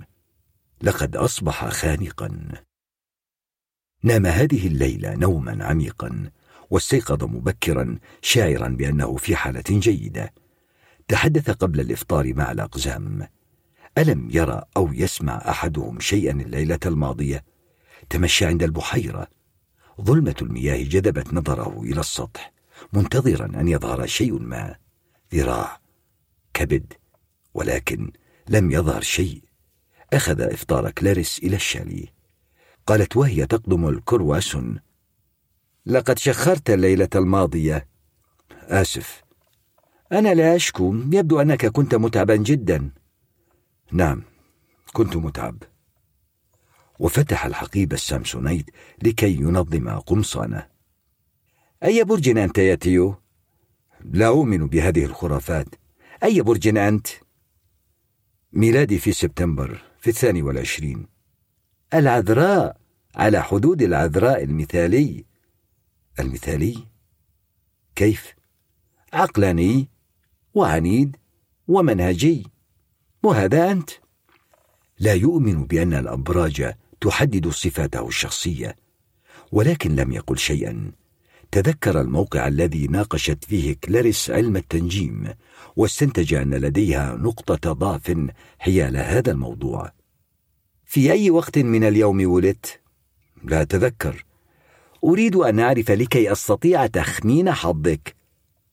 وأي برج أنت؟ شعر بأنه لا يريد أن يتحدث عن نفسه. الحمل بالتأكيد. ولماذا بالتأكيد؟ اندفاعية ومستقلة ومخلصة وغالبا مخلصة جدا ومتقلبة المزاج أيضا. ولكن ينبغي ألا أقول لك عيوبي هكذا. كانت تتكلم بابتسامة كبيرة ووضعت اللابتوب جانبا. أريد أن أنام قليلا. لقد كنت تشخر بصوت مرتفع. انتهز تيو الفرصة ليقرأ السيناريو على اللابتوب الخاص بها. رأى أن القصة تتطور واستطاع أن يحدد التغييرات التي قامت بها كلاريس. لقد أخذت بنصيحته في نقاط كثيرة وهذا جعله سعيدا. أيقن بأنها لن تستطيع الكتابه بعد ذلك إلا بملاحظاته. شيئا فشيئا بدأت عصبيته تزول.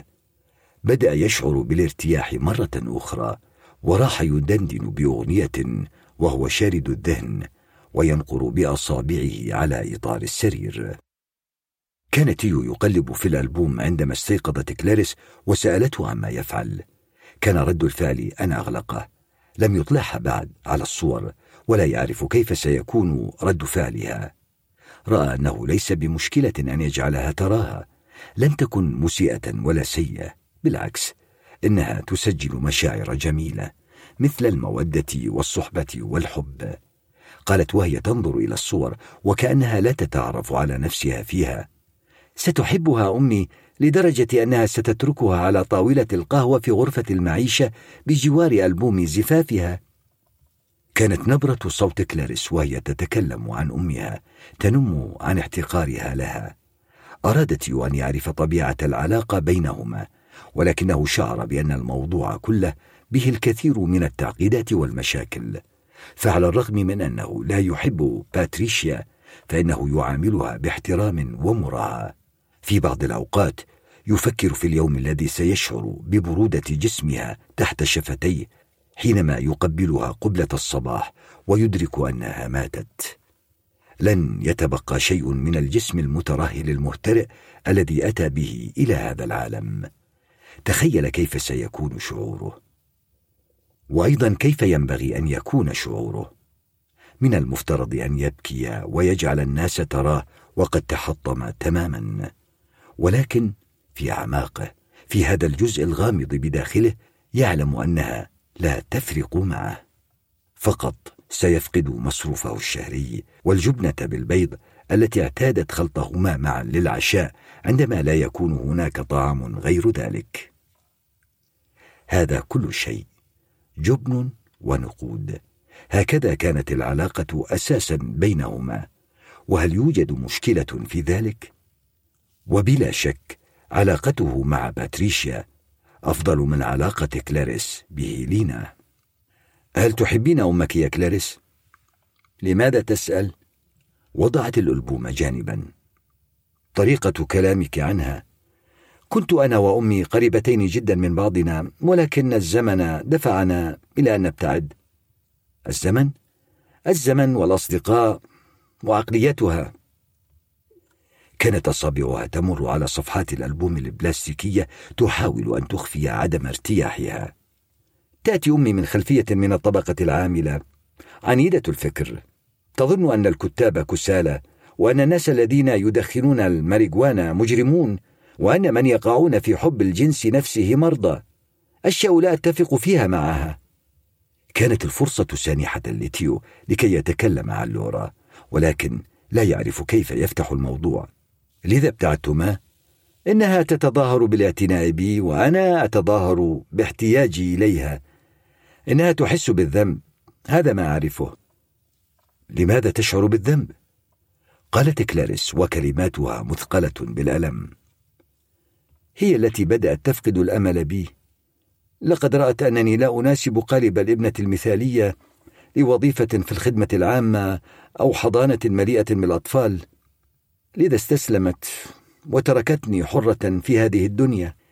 كان تيو كتوما بخصوص وعده لهيلينا بأنه سيجعل كلاريس تتصل بها. عرف الآن أنها لن تفكر في أي شيء لو أن ابنتها لم تتصل بها لعدة أيام. كان خوفه الرئيسي من أن هيلينا قد تذكر شيئا عن اختفاء برينو. أكملت كلاريس. أعلم أنه ليس ذنبها. فأنا امرأة من هذا العالم. فنجمي ينتمي لبرج القوس أي أنه لا فائدة من محاولة السيطرة علي أنا لا أنتمي لأحد. تعلم هذا. ولن أفعل. ابتسم تيو لكنه انتبه إلى أنها تلمح لشيء ما. حديثها جعله يفكر. سيطرت على عقله مجموعة من الأفكار الجيدة والسيئة أدت إلى إدراكه لحقيقة واحدة. لن يتمكن من أن يدع كلاريس. تبتعد عنه ثلاثة عشر.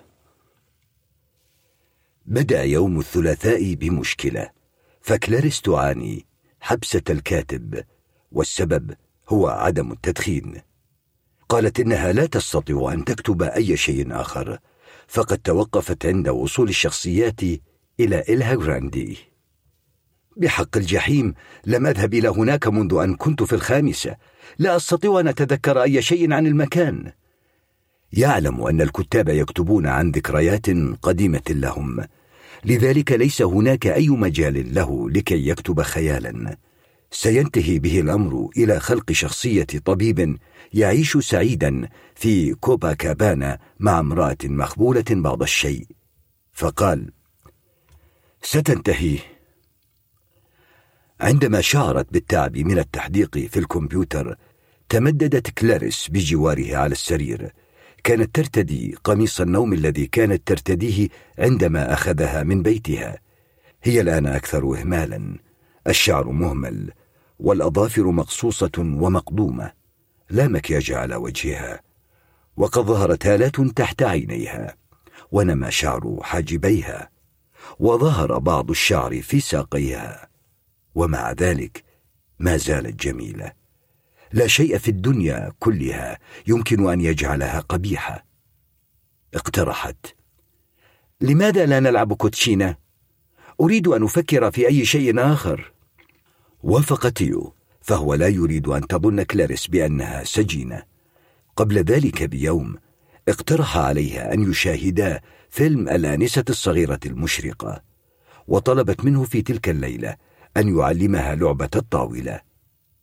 كان يوما ممتعا وبهيجا مع خلفية ريفيه لتيريسوبوليس وضع تيو عليها القيود والكمامة وذهب إلى الاستقبال ليحضر كوتشينة كان جاليفر رئيس الأقزام يتحدث في التليفون فأشار له أن ينتظر. أحب تيو جاليفر فهو شاب هادئ جاد بعض الشيء ولكن متزن. إنه يتفادى النظر إليه طويلا إذ كان ينظر إلى أصابعه الصغيرة التي تبدو كالدود. استغرب تيو عندما سمع جاليفر يقول في التليفون أفهم ما تقولينه يا هيلينا. يجب أن تأتي للإقامة في فندقنا مرة أخرى. اتفقنا؟ فلم يعد أحد منكم يأتي سوى كلاريس. وأطلق ضحكة خافتة. أكمل. لا أدري لماذا لا أستطيع التوصل إلى الشاليه الذي تقيم فيه لكنك محظوظة فها هو حبيبها يقف أمامي.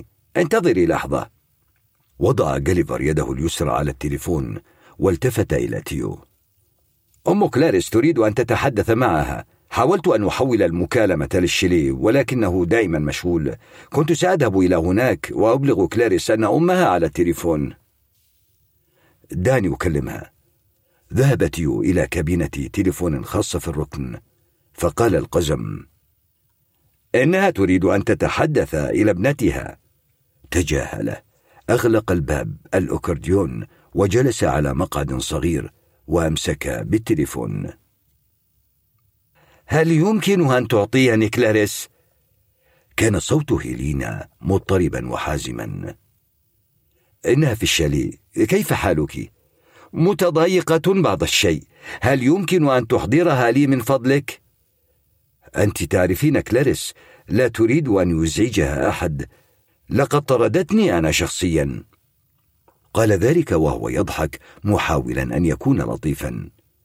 أريد أن أتكلم معها. هل هي بخير؟ استيقظت اليوم وهي تشعر بالضيق لأنها لا تستطيع إكمال السيناريو ومع ذلك فإننا نقضي وقتا ممتعا. حدث أمر مروع. جفلت يو وأمسك التليفون بإحكام. قالت اختفى برينو. برينو؟ حبيب كلاريس السابق. بالتأكيد ذكرته لك. آه نعم. عازف الجيتار. اختفى منذ يوم الخميس. ماذا تقصدين؟ غادرتنا الشرطة توا. يريدون أن يتحدثوا إلى كلاريس. إلى كلاريس؟ أظن أنهم يحققون مع كل واحد كان قريبا منه. كان صوت هيلينا حزينا ومريرا متوترة من زيارة الشرطة وحاول تيو ألا يظهر في وضع المدافع أو الخائف. قطعت كلاريس علاقتها معه منذ شهر تقريبا. شيء رهيب أنه اختفى. ولكني أرى ألا تخبريها الآن. إنها تنهي أياما رائعة ضم يده اليسرى وبدأ يطرق بها برفق على الكابينة. شيء من هذا القبيل قد يؤثر على علاقتنا. لا أريد لكلاريس أن تفكر في هذا الشاب مرة أخرى. الشرطة تريد أن تتحدث معها. إنها تصر على ذلك. يمكنها أن تتحدث مع الشرطة بعد الإجازة. قد لا نحضر إلا في العام الجديد. عودا قبل الكريسماس. أريد أن أذهب إلى تيريسبوليس وأتكلم معها. لست في حاجة إلى ذلك. كل شيء سيكون على ما يرام. أنا لن أزعج كلاريس بمثل هذا الأمر. وأنا على يقين من أنهم سيجدون الشاب. سوف تتصل بها الشرطة على تليفونها أو تليفونك.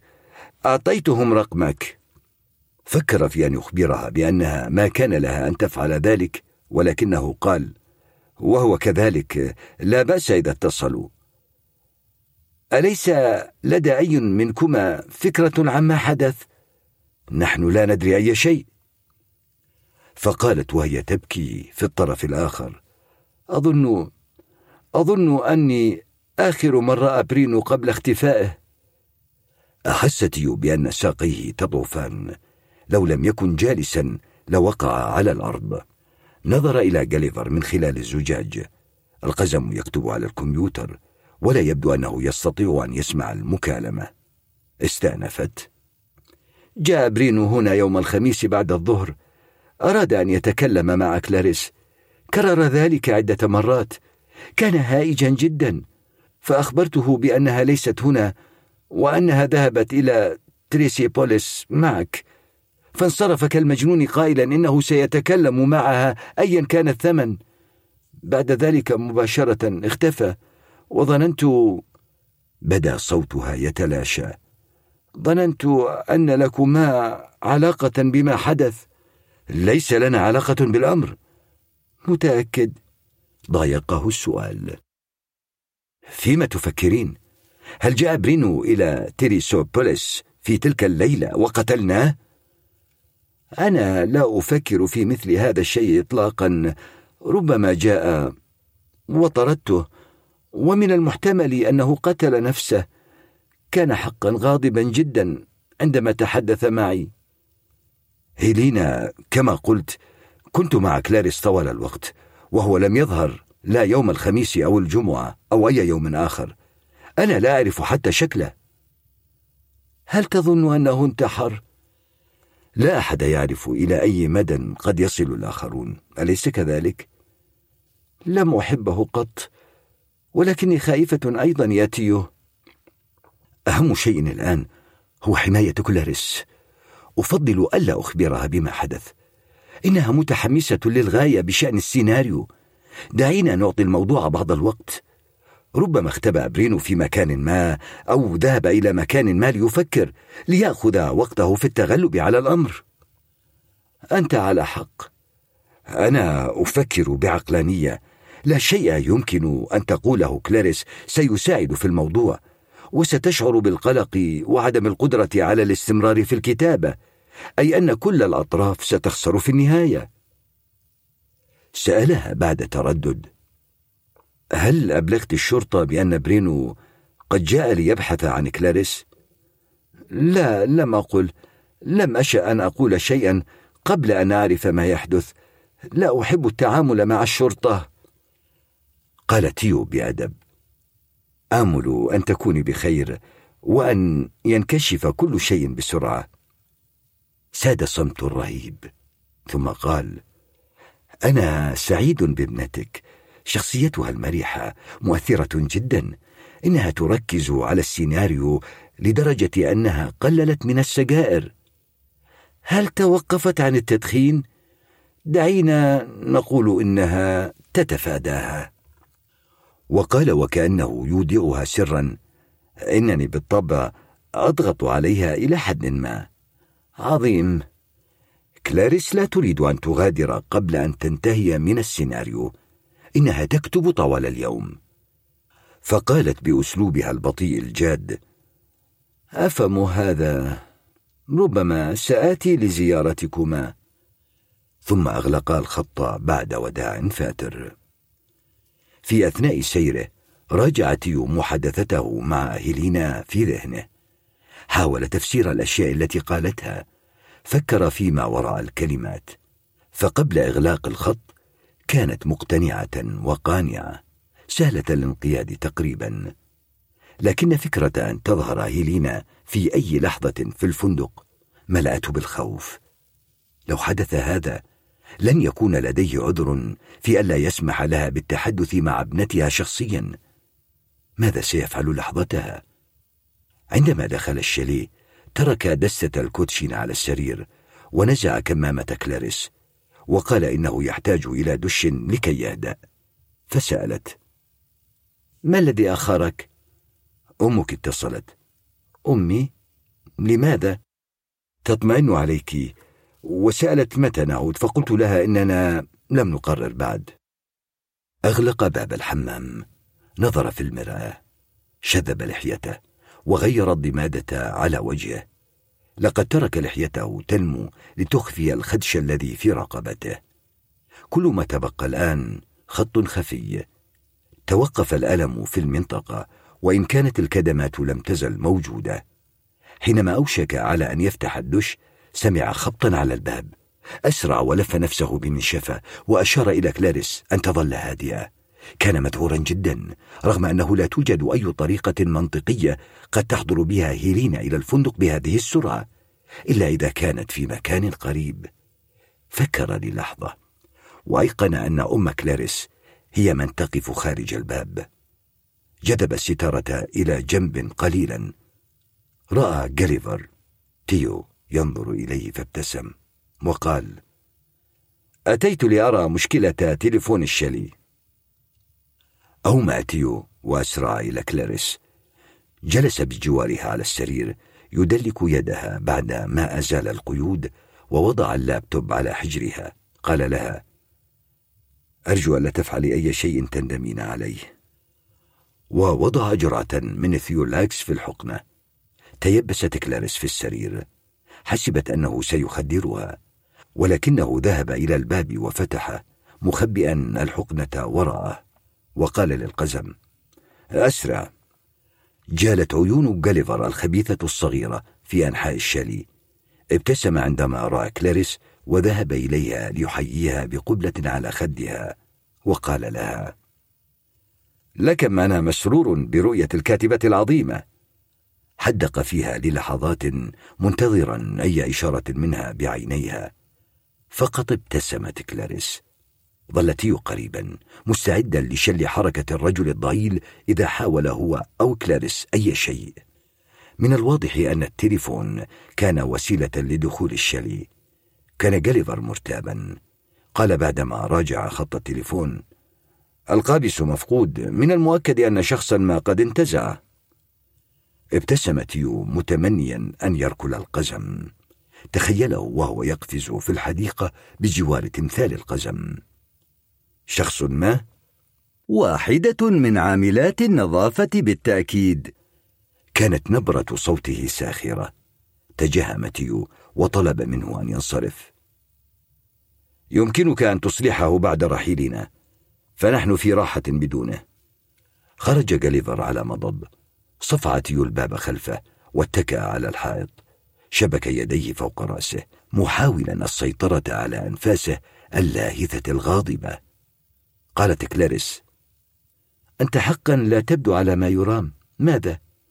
اسكتي أعطاه الصمت فرصة لقليل من الراحة ثم قالت لماذا لا نرحل؟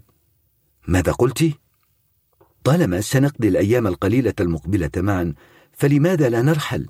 يمكننا أن ننام في فندق ثم نواصل إلى إلها جريندي أو باراتي أظن أنه سيكون مناسبا للسيناريو لو أني سرت في رحلة الشخصيات نفسها. كانت فكرة ممتازة وفوجئ تيو بأنها جاءت منها. والحق يقال إنه لم يعد يتحمل الإقامة هنا. هناك شيء في الجو اختناق غير معروف. أراد أن ينسى الأقزام. ينسى هيلينا. ينسى برينو. ويفكر فقط فيهما هما الاثنين. يعودا لما اعتادا أن يكونا عليه. تناسبا كاملا. أكملت. إذا ما رأيك؟ لست متأكدا. شيء ما يبقيه في الشاليه. ماذا سيظن جاليفر لو أنهما رحلا بعد الواقعة السخيفة المتعلقة بخط التليفون؟ كان عليه أن يتحكم في نفسه ولكنه لم يهتم. عاجلا أم آجلا؟ سيرحلان. ارتياب جاليفر قصير مثله. أعدا أغراضهما في بضع ساعات. بينما كانت كلاريس في الحمام رتب تيو الحقائب وأخذ أمبولات الثيولاكس من الثلاجة الصغيرة وضعها هذه المرة في حقيبة أدوات الزينة مع السرنجة لتكون في متناول يده. قام بتسوية الحساب واصطحب جاليفر إلى الغرفة ليؤكد له أنهما لم يستهلكا شيئا من الثلاجة. كانت كلاريس في السيارة مقيدة ومكممة. انطلقا ساعة الغسق تقريبا في الساعة الثامنة مساء. اقترحت أن يقضيا الليلة في لوكاندا على الطريق بلافتة من النيون تقول موتيل ويندرلاند أربعة عشر. الإضاءة معتمة والمرايا على الحوائط والسقف يعكس بعضها بعضا في تسلسل لا نهائي. السرير المزدوج مغطى بملاءات بيضاء تنبعث منها رائحة مسحوق الغسيل والسجائر على الطاولة الجانبية يوجد تليفون لاسلكي وريموت كنترول للتلفزيون 25 بوصة. قالت كلاريس وهي تمشي بيديها على الملاءة ليس سيئا للغاية. أرجو أن يغسلوا هذه جيدا. تبعها تيو بالحقائب تركها على كرسيين بجوار الباب. في الحمام تحقق من أن التواليت يعمل بشكل مناسب وتأكد من حنفيات الدش. ستارة الدش البلاستيكية مزينة برسومات الفراولة. لم يتخيل نفسه في مثل هذا المكان. كانت كلاريس ترتدي فستانا بفتحة صدر واسعة. به فيونكات صغيرة عند الأكمام. استلقت على السرير. وابتسمت له فقال وقد نظر بعيدا لا توجد مناشف. فكر في أن يتصل تليفونيا بالاستقبال ولكنه قرر أن يحضرها بنفسه. فقد أصبحت مشاركة غرفة مع كلاريس أمرا غير مريح لا يمكنه تفسيره. هل كان يتجنبها؟ أم يتجنب نفسه؟ لم يعد هناك وقت للتفكير في مثل هذه الأشياء. قيدها. وانصرف. يا إلهي يا إلهي سأتأخر. كان هذا صوت الرجل الذي في الاستقبال على التليفون عندما دخل تيو. نظر الرجل في ساعته بعيون قلقة وأغلق الخط. ماذا تحتاج؟ مناشف أنا آسف. نسيت أن آخذها لأعلى الرجل الذي سيتناوب معي لم يأتي بعد. ليست هناك مشكلة. نظر تيو إلى تمثال المحارب الذي يمسك برمح بجوار الباب. عندما وصلا ركن السيارة في كراج الفندق وصعدا في المصعد الخلفي الذي يؤدي إلى الاستقبال مباشرة. للجدران مظهر العصور الوسطى مطلية بشكل سيء لتوحي بالصخور الباهتة. ويؤكد برجان منخفضان محاولة فاشلة بمنح المكان تصميما معماريا مميزا. من المفترض أن تبدو كقلعة ولكنها ليست كذلك. عندما سلمه موظف الاستقبال المناشف تذكر أن يسأله. هل في الغرفة واي فاي؟ لا. شكرا. فوق كل باب يوجد لمبة حمراء استطاع تيو أن يفهم المغزى بسرعة. عندما يضاء الضوء فهناك ثنائي في الغرفة. صعد لبابين أو ثلاثة ولكن لم يسمع أي أنين. عندما حضر بالمناشف وجد كلاريس تشاهد التلفزيون. رجلان وامرأة يمارسان الجنس على طاولة المطبخ في وضع لا يبدو مريحا. فك القيود ووضع اللابتوب على السرير. هل تستمتع بأفلام البورنو يا تيو؟ أشاح بوجهه بعيدا. لا يحب أن يتكلم في الأمور الحميمية حتى ولو معها. فك سوسة الحقيبة واختار كتابا عشوائيا. فقالت أنا أستمتع بها. هل تصدق أن معظم النساء لا يمارسن العادة السرية؟ لقد قرأت هذا منذ عدة أيام في مجلة. إنهن يخجلن منها. أراحت نفسها على السرير وأغلقت التلفزيون. هل تخجل أنت من ممارسة العادة السرية بين الحين والآخر يا تيو؟ اسكتي. هذا أمر طبيعي. أنا لقد استغرقت في الحمام منذ عدة أيام أكثر من نصف ساعة. أراهنك بأنني أعرف ما كنت تفعله في الداخل. نظرت كلاريس إليه من أعلى إلى أسفل بشكل عدواني. أحس تيو بالارتياح للمسافة التي بينهما. أراد أن ينهي المحادثة ويتحدث في مواضيع أقل إحراجا. إنه يمارس العادة السرية إذا تطلب الأمر ولكن لا يفكر في امرأة بعينها. فمنذ أن قابل كلاريس وهو يتجنب التفكير فيها إنه يرى ذلك فعلا غير محترم أن يكون عاريا وممسكا بقضيبه المنتصب وكأنه غول أو حيوان مطلق العنان. سألت. لديك عشيقات أليس كذلك؟ أريد أن أقرأ كتابي. أحاول أن أتكلم. ما المشكلة في أن تخبرني إذا كان لديك عشيقات أم لا؟ مر بعيونه على الصفحات واحدة أليس لها اسم؟ ليتيسيا كم استمرت العلاقة بينكما؟ ليس طويلا كم؟ عدة أشهر لم يكن يكذب لقد كانت له علاقة مع ليتيسيا منذ مدة طويلة كان في الخامسة عشرة وزملاؤه يتحدثون عن البنات ومؤخرات البنات والقبلات. أرادت يو أن يكون واحدا من المجموعة أيضا. كانت ليتيسيا تعيش في ساو باولو ممتلئة قليلا وفقيرة إلى حد ما وتعتمد على الآخرين. بدت مثالية له في ذلك الوقت. تلاقيا على الإنترنت دردشا حول الأفلام والموسيقى والمواضيع اليومية. تظن أنه مميز أكثر ذكاء من الآخرين والذين كانوا عظاما بالنسبة له. لم يستغرق تيو طويلا حتى أدرك أن ليتيسيا تشعر نحوه بشيء ما. كان يقوي أوهامها ليس لأنه دنيء ولكن لأنه أراد أن يحب شخصا ما أو حتى ليتظاهر بأنه يحب شخصا ما. كان شيئا جديدا بالنسبة له. على مدى خمسة أشهر ترسل ليتيسيا له رسائل على تليفونه تسأله أين هو وكيف حاله وفيما يفكر. رغم أنهما لم يتصلا جسديا فهما لم يتقابلا وجها لوجه فيبدو أنها تريد أن تسيطر على حياته. أرادت أن تشاركه أسراره وتعطي النصيحة وتتقرب. لم تكن مقتنعة بأن تظل صديقة على الإنترنت فالنساء دائما يطلبن المزيد. رد فعل تيو الطبيعي أنه تراجع تجاهل الرسائل وصارت ردوده مقتضبة. اعتذر بأنه ينام مبكرا حتى توقفت تماما. أصرت كلاريس. لماذا انفصلتما؟ لم تكن العلاقة مجدية بيننا. هل خنتها؟ أنا لا أفعل ذلك. الرجال يفعلون ذلك دائما.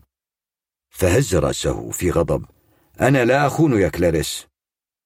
وعاد إلى كتابه. خرجت من الحمام وذهبت إلى السرير عارية تلف منشفة بيضاء على رأسها. كان تيو شاردا وعندما رآها بهذا الشكل انزعج. دائما تغير كلاريس ملابسها خلف أبواب مغلقة. حاول أن يتصرف طبيعيا.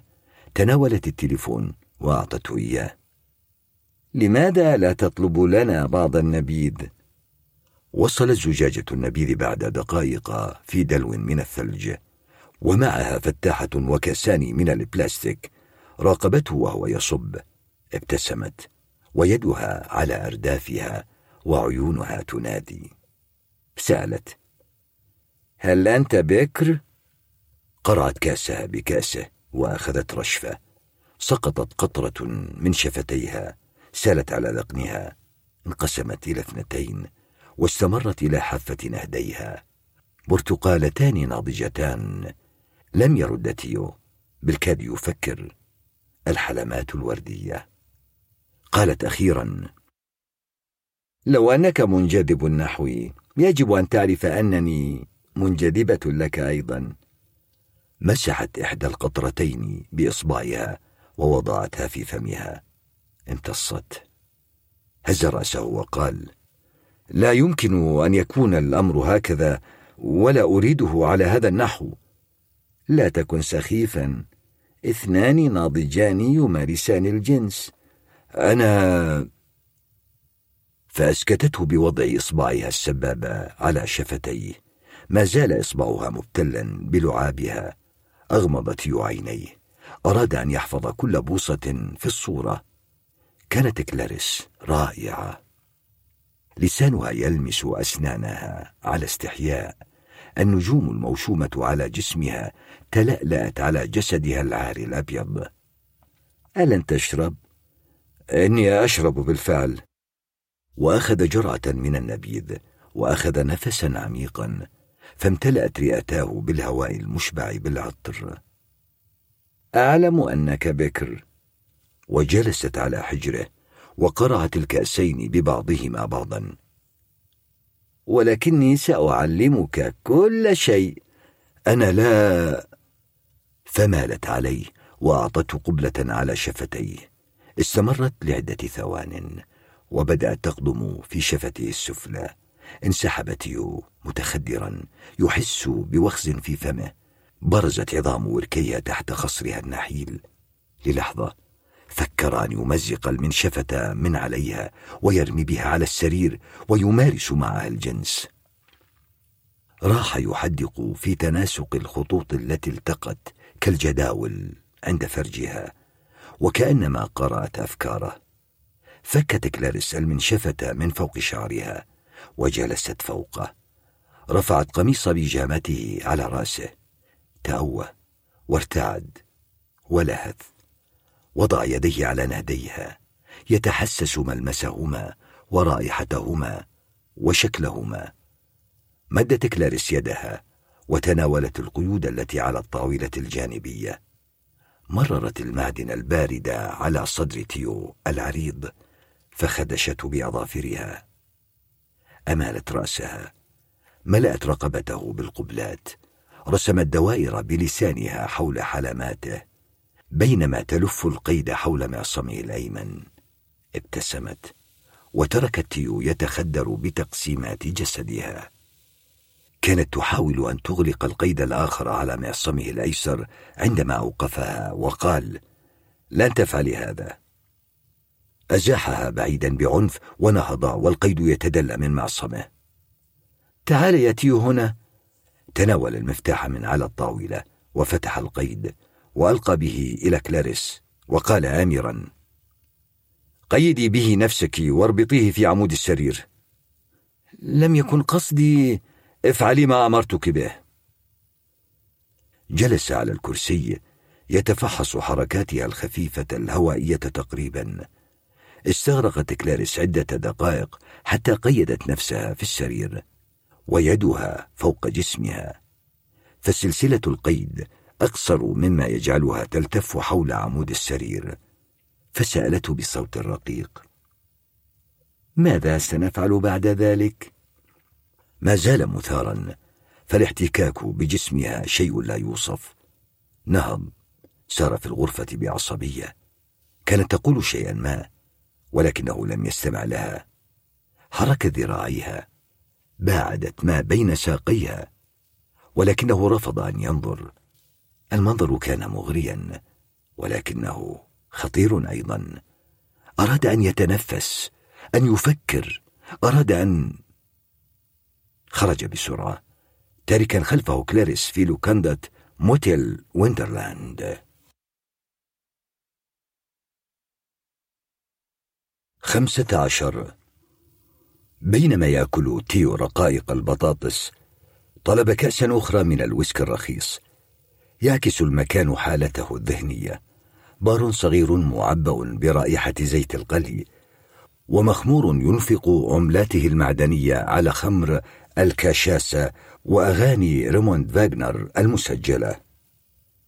أزعجته دعوة كلاريس. جعلته يتخيل صورا فاحشة ومؤلمة. معظم الرجال كانوا لينتهزوا الفرصة في الحال. شعر بالفخر بنفسه. ولكنه شعر بأنه أحمق أيضا. أعلم أنك بكر. قالتها وكأن الجملة مكتوبة على جبينه. إنها جرح مفتوح. كلاريس جذابة لكل الرجال. ماذا لديه ليقدمه لها؟ لقد قدمت الدعوة وهي تعلم أنه لن يقبلها. إنها ذكية. داهية بطريقة بدائية. لقد كان سجينا. قريبا جدا من السعادة ولكن القضبان القوية منعته من الوصول إليها. كانت كلاريس بين يديه عارية في سرير الفندق ولكنها لم تكن له كلية. كانت لديها أجزاء لم يتمكن من الوصول إليها على الإطلاق. في نهاية اليوم هو الذي كانت يداه مقيدتين. تجرع الويسكي وطلب الكاشاسة قلب الكاس الصغيرة بسرعة واحدة اثنتان ثلاث جرعات. اهتز تليفونه في جيبه. ظهر على الشاشة اسمه هيلينا. وضعه على الطاولة وانتظر حتى يتم تحويل اتصالها إلى البريد الصوتي. رفرفت فراشة حوله بسرعة طارت بطريقة جميلة وهي تقترب من اللمبة. رفرفت بأجنحتها الصفراء الصغيرة المليئة بالبقع البنية وأخذت تدور في الهواء. ابتلع الكأس الخامسة وأحس بأن الكحول تنزلق في حلقه. بدأت الفراشة النشيطة تجعله يشعر بالغثيان. فكر في أنه قد يلقي برقائق البطاطس إلى الطبق المزيت الذي على الطاولة أو على الفراشة ليحرمها من لونها الأصفر أو البني. ويحولها إلى لون بيج لون القيء وضع يده على الكأس الفارغة مجهزا نفسه للهجوم. وفي حركة سريعة استطاع أن يصطاد الفراشة داخل الكأس. بدأت تتخبط وأجنحتها تنقر على زجاج سجنها. وضعت يحافة الكأس على الطاولة بحيث يستحيل هروبها. هكذا كانت حياته. اثنان وعشرون عاما. لا مفر. طلب مزيدا من الويسكي. ما لم تفهمه كلاريس هو أن وجودها بقربه يكفيه تماما فهو لا يريد مداعبات أو قبلا أو ممارسة الجنس. كل ما يريده منها هو أن تكون له كألبوم صور على الطاولة. إنه يحب أن يرى الفراشة في ذعر من المريح أن يشارك ما يشعر به مع كائن ما. لا يمكن أن تقبل الفراشة فقدان حريتها. لم تتوقع أن تسجن في كأس على صوت فقاقيع الحب. زاد الحفيف وأخذه على أنه إجابة. كانت كلاريس تحت سيطرته ولكن لم تكن فعلا تحت سيطرته. لذلك كانت القيود والكمامات والثيولاكس عديمة الفائدة. أراد أن يفاجئها. يفاجئها كما فاجأته بكلمات موحية ونظرات غير متوقعة ومداعبات. أراد أن يحدث فارقا. هل يستطيع أن يفعلها؟ رفع الكاس وأطلق الفراشة لتؤدي ألعابها البهلوانية في الفضاء. أصفر وبني. فوجئت الحشرة بحريتها. والآن أحبت. ها هي الطريقة الناجحة. المفاجأة والامتنان. يسيران يدا في يد. أحبته الفراشة وهو أحب الفراشة لقد امتلأ بالشجاعة ويريد أن يظل هكذا. حلقت الفراشة إلى أعلى بعيدا عن متناول تيو. انتظر حتى تقترب منه ثانية ولكنها لم تشعر بالامتنان ناحيته. تتنقل هنا وهناك وتصفق بأجنحتها وتتجنبه انتظر تيو حتى حطت على طاولة مجاورة. ثم دهسها بقبضة يده. عاد إلى غرفة الفندق. خيال كلاريس النحيف بدا وكأنه مرسوم في الظل ذراعها فوق رأسها وساق تعلو الأخرى والرأس مائل قليلا. وضع غير مريح للنوم ولكنها كانت نائمة. داعب بطنها ملمسها ناعم وبها نمش صغير. جذبها نحوه. فارتد جسدها إلى الخلف فتحرك هو إلى الأمام. تبدل نفسها بشهقات قصيرة شدها من شعرها وبدأ يتشممها. استسلم للشهوة. أثاره ما تحت الإبط ما تحت إبطيها رائع ومستسلم له. أنت سكران يا تيو صفعها. لا ليؤذيها ولكن ليخبرها بأن تهدأ. لتبتلع كلامها. أتى بالكمامة من الحقيبة ووضعها عليها. ما زالت يدها مقيدة في السرير. السيقان والبطن. بدأت أوركسترا من صلصلة المعادن. خلع قميصه. ونزع عنه البنطلون. ورمى بثيابه على الأرض. إنسان سوقي. صفيق. شعور جيد. خفض رأسه ومرر لسانه الساخن على فخذها تاركا آثارا من لعابه. عضض في جسدها كأنه يريد أن يقطع منه جزءا. الشهوة الجنسية تأتي مع شيء من الألم. هكذا تعلم من الأفلام التي شاهدها. فرك أنفه وفمه وعيونه في جسمها مستكشفا ونافخا ومتنفسا ومتحسسا. وضع يديه على خصرها حلماتها شفتيها. كل شيء صغير ورقيق. إنها لوليتا الخاصة به. كان يترنح بسبب الكحول التي شربها. خلع ملابسه الداخلية. وقف قضيبه المنتصب في عش من الشعر. اسف لأنه لم يهذبه. ولكن يا للجحيم. مال فوق. فتح ساقيها بالقوة. تراجعت بتشنج. أحمر الجلد. انتفخت الأوعية الدموية. خشخش القيد مع عمود السرير. أحس لأول مرة بالتبادلية. التفا حول بعضهما بعضا. غرقا في العرق. يرج العنف عمود السرير. احتك شعر صدره بالكمامة في فمها. تروح كلاريس وتجيء كما المكبس. يلهث تيو يختنق يستمر. إنه يسيطر يغتصب يفاجئ. وصل للذروة وأفضى بتأوهات مكتومة. واستلقى على ظهره ليستريح. نزع كمامة كلاريس وقبلها من شفتيها. وفك القيد أيضا. خفضت رأسها ودلكت معصمها من اثر القيد وحدقت في الباب. ثم انفجرت في البكاء ووجهت اللكمات للمرتبه تضربها بذراعيها وساقيها. انزعج تيو طلب منها أن تتوقف ولكنها لم تستجب. صارت كأنها في نوبة صرع.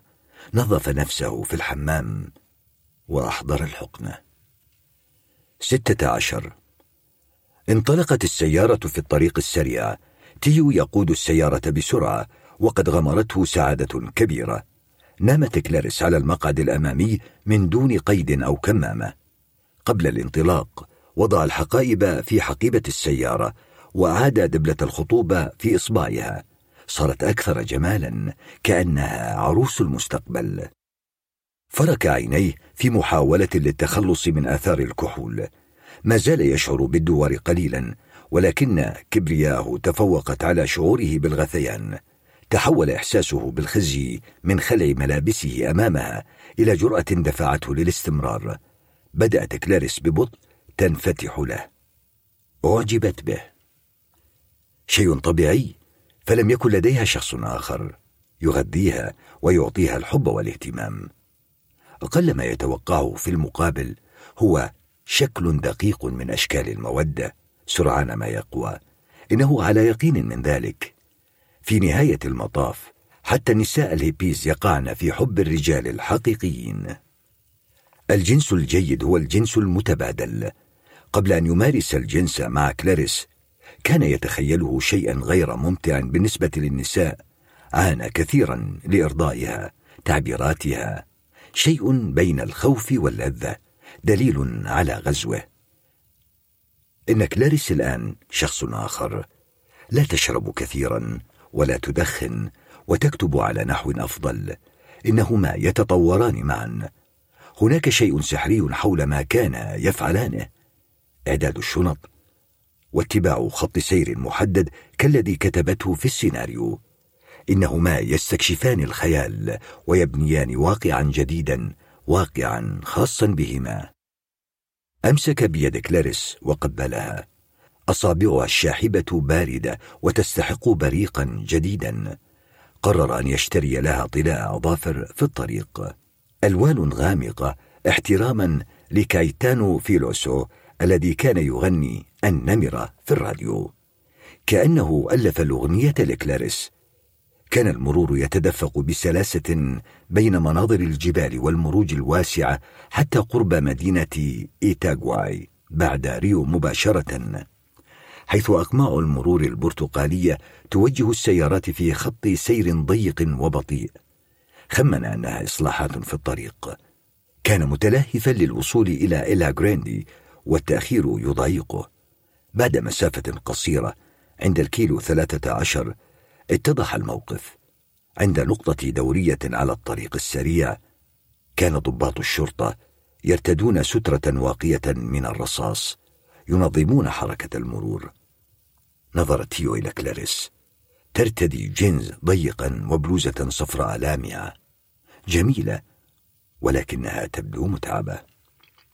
أمسك يديها ودفسهما بطريقة صفيقة بين فخذيها ليخفي آثار التقييد التي في معصميها.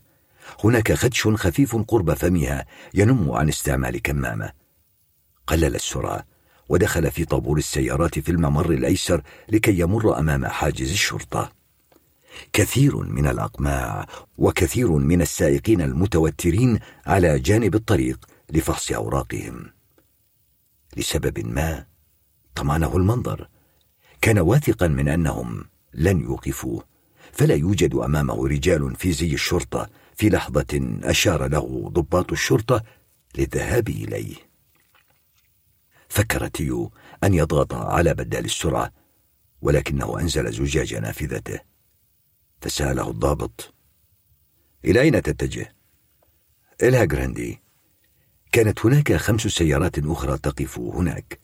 أرسل بعض قائدي السيارات إلى نقطة الشرطة فسأل تيو هل حدث شيء ما؟ رخصة القيادة وملكية السيارة من فضلك أخرج محفظته وحاول ألا ترتعش يده وابتسم هل أنت في إجازة؟ اخترقت عيون الضابط السيارة واستقرت على كلاريس قبل أن يعود إلى الأوراق نعم أنا وخطيبتي ذاهبان لنقيم في معسكر. الثواني تمر وأعصابه مشدودة. نظر الضابط إلى كلاريس مرة أخرى. فقال تيو إنها تأخذ أقراصا منومة آه، لأنها تصاب بدوار من السفر بالسيارة. هل يمكنني النظر في حقيبة السيارة؟ عندما خرج تيو من السيارة انثنت ساقه تحت وزنه فاتكأ بحذر على غطاء السيارة. حاول أن يتذكر الوقت الذي أعطى الثيولاكس فيه لكلاريس. أربعة خمس ساعات. من الممكن أن تستيقظ في أي لحظة وخصوصا إذا سمعت أصواتا غريبة. ألقى الضابط نظرة سريعة داخل الحقيبة مما طمأن تيو نوعا ما. فليس معه رخصة للمسدس ولا يعرف كيف سيبرر الأدوات التي اشتراها من محل الأدوات الجنسية. تخيل أن الحقيبتين السامسونايت ستقنعان الضابط بأنهما زوجان ذاهبان إلى إلها جراندي في إجازة. هذا كم كبير من الحقائب. كم من الوقت ستقضيان هناك؟ أنت تعرف النساء يبالغن. لن نقيم طويلا لأننا يجب أن نعود لنقضي الكريسماس مع الأسرة. ماذا في درج التابلو؟ سؤال الضابط جعل تيو يحس بأنه سيغمى عليه. ففي درج التابلو توجد حقيبة أدوات الزينة التي فيها أمبولات الثيولاكس والحقنة. تقدم أمام الضابط وفتح باب السيارة الأمامي وانحنى داخل السيارة على بعد بوصات قليلة من كلاريس أخرج حقيبة الزينة وأراها للضابط الذي ألقى عليها نظرة عابرة. ثم لفت انتباهه حقيبته الطبية التي خلف المقاد هل يمكنك فتح هذه الحقيبة لو سمحت؟ أدار الأرقام على الحقيبة حتى وصل لرقم الفتح وتصبب عرقا فمسح جبينه في قميصه. للحظة فكر أن يعترف بأنه قد قتل برينو ويخبر الضابط بمكان الجثة وما الذي اضطر أن يفعله. فتش الضابط الحقيبة وأخرج نظارة برينو. هل هذه لك؟ لم يدري تيو كيفية التعامل مع الشرطة ولكن خطر في باله أنهم ربما وزعوا نشرة عن برينو بصورة حديثة. لو كان كذلك فالنظارة ستكون أسهل التفاصيل للتذكر. لماذا لم يتخلص منها؟ إنها لخطيبتي. ومن هذا؟ لحسن الحظ أن برينو لا يلبس نظارة في صورة الرخصة في محفظته. صديق قرأ الضابط برينو سانتانا كافالكانت. بمجرد أن سمع تيو الاسم يخرج من فم الضابط تصور نفسه في السجن. رأى كلاريس في ثورة الغضب تشير بإصبعها إليه في المحكمة. تكرر من الذي يلبس الكلبشات الآن؟ فشرح تيو. ترك محفظته عندنا سنقابله في إلها جراندي هل هذه هي اللحظة التي سيسمع فيها؟ أنت مقبوض عليك؟ أم أنه من السابق لأوانه تورطه في عملية الاختفاء؟ قال الضابط وهو يشير إلى نقطة الشرطة. تعال معي من فضلك. يمكنها هي أن تنتظر في السيارة. أحس تيو وهو يتبع الضابط بأنه ذاهب إلى موته بقدميه. فعلى الرغم من أن شمس ديسمبر تسطع في السماء فإنه شعر وكأن الجو غائم ومظلم. حاول أن يسجل تفاصيل هذه الدقائق فهي اللحظات الأخيرة في حياته كرجل حر. فما المستقبل إلا زنزانة وقضبان. حتى ولو أنه قال الحقيقة وأنه فعل ذلك من باب الدفاع عن النفس سيدينه هؤلاء القضاة البلهاء. ليس من السهل دائما تجنب الأشياء العافنة في حياتك. تلوى تيو في الكرسي وتصبب عرقا غزيرا كالمجرمين.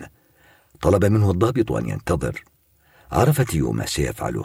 في هذه اللحظة سيتحقق من أن النظارة التي في حقيبته الطبية هي نفسها التي في نشرة الشرطة ويتأكد من أن اسم الرجل المفقود هو برينو سانتانا كافالكانت لا مفر. سوف تؤخذ كلاريس بعيدا عنه. ربما تشهد لصالحه في المحكمة. ستقول عاملني معاملة حسنة.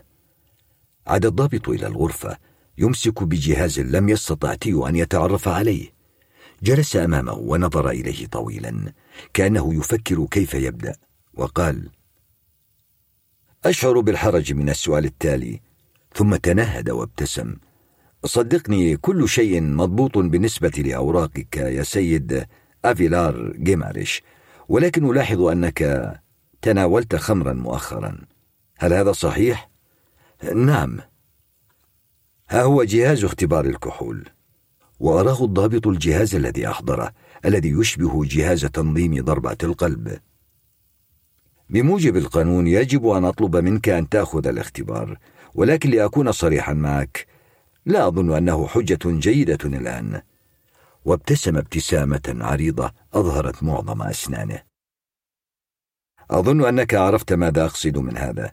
نحن نبحث عن مهربي المخدرات الذين يسافرون على هذا الطريق. ليس المواطنين الذين يحترمون القانون ويشربون بيرة بين الوقت والآخر. وأعطى تيو أوراقه. ولكن في سبيل أن ننسى كل ذلك وللالتفاف حول البيروقراطية أريد أن أعرف إذا كان بإمكانك المساعدة بأي شكل. فقال تيو غير مصدق حظه لدي بعض المال هنا.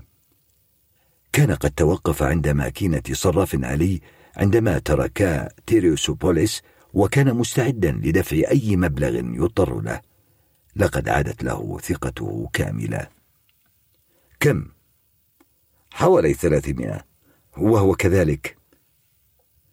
انتقلت النقود من يد إلى يد بحذر الأطفال وهم يتبادلون الملاحظات في الفصل. هل يمكنني أن أنصرف الآن؟ أعتبر أن كل شيء نسي. أغلق تيو باب السيارة سمع وداعا من خلال الزجاج ولم يلتفت للرد. تمنى فعلا لو أن الضابط نسي كل شيء بما في ذلك اسم برينو والنظارة والصورة التي في حقيبته الطبية. ترك الفيكترا في موقف سيارات مغلق بجوار ميناء مانغراتيبا ودفع أجرة تركها هناك لشهر.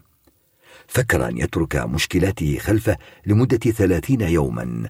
أراحته من الإجهاد الذي حل به جراء مقابلة الضابط في نقطة الدورية على الطريق السريع. سأل عامل الموقف عن معديات الركاب إلى إلها جريني. لا يوجد اليوم الكثير من المعديات. ولكن هناك واحدة ستغادر خلال ساعة. استغل الوقت في سحب نقود من الصراف الآلي وشراء طلاء أظافر لكلاريس. اشترى أغلى صنف باعتباره جيدا واشترى بعض الصحف من كشك الصحف من الحكومية والخاصة وبحث فيها عن أي شيء يتعلق ببرينو. لم يجد شيئا. وسأل البائع عن صحف اليوم السابق ولكنه لم يجد منها أي شيء. عاد إلى السيارة قبل انطلاق المعدية بعشر دقائق. ما زال اليوم صحوا مع سطوع الشمس التي تحرق الرؤوس بلا أي صعوبة فتح الحقيبة السامسونايت في المقعد الخلفي ووضع فيها كلاريس. لقد أصبح بارعا في ذلك ودفع لصبي معه عربة صغيرة لنقل البضائع ليأخذ الأمتعة إلى الرصيف. كان الصبي ثرثارا وفضوليا. الحقائب الوردية يا سيدي للمدام؟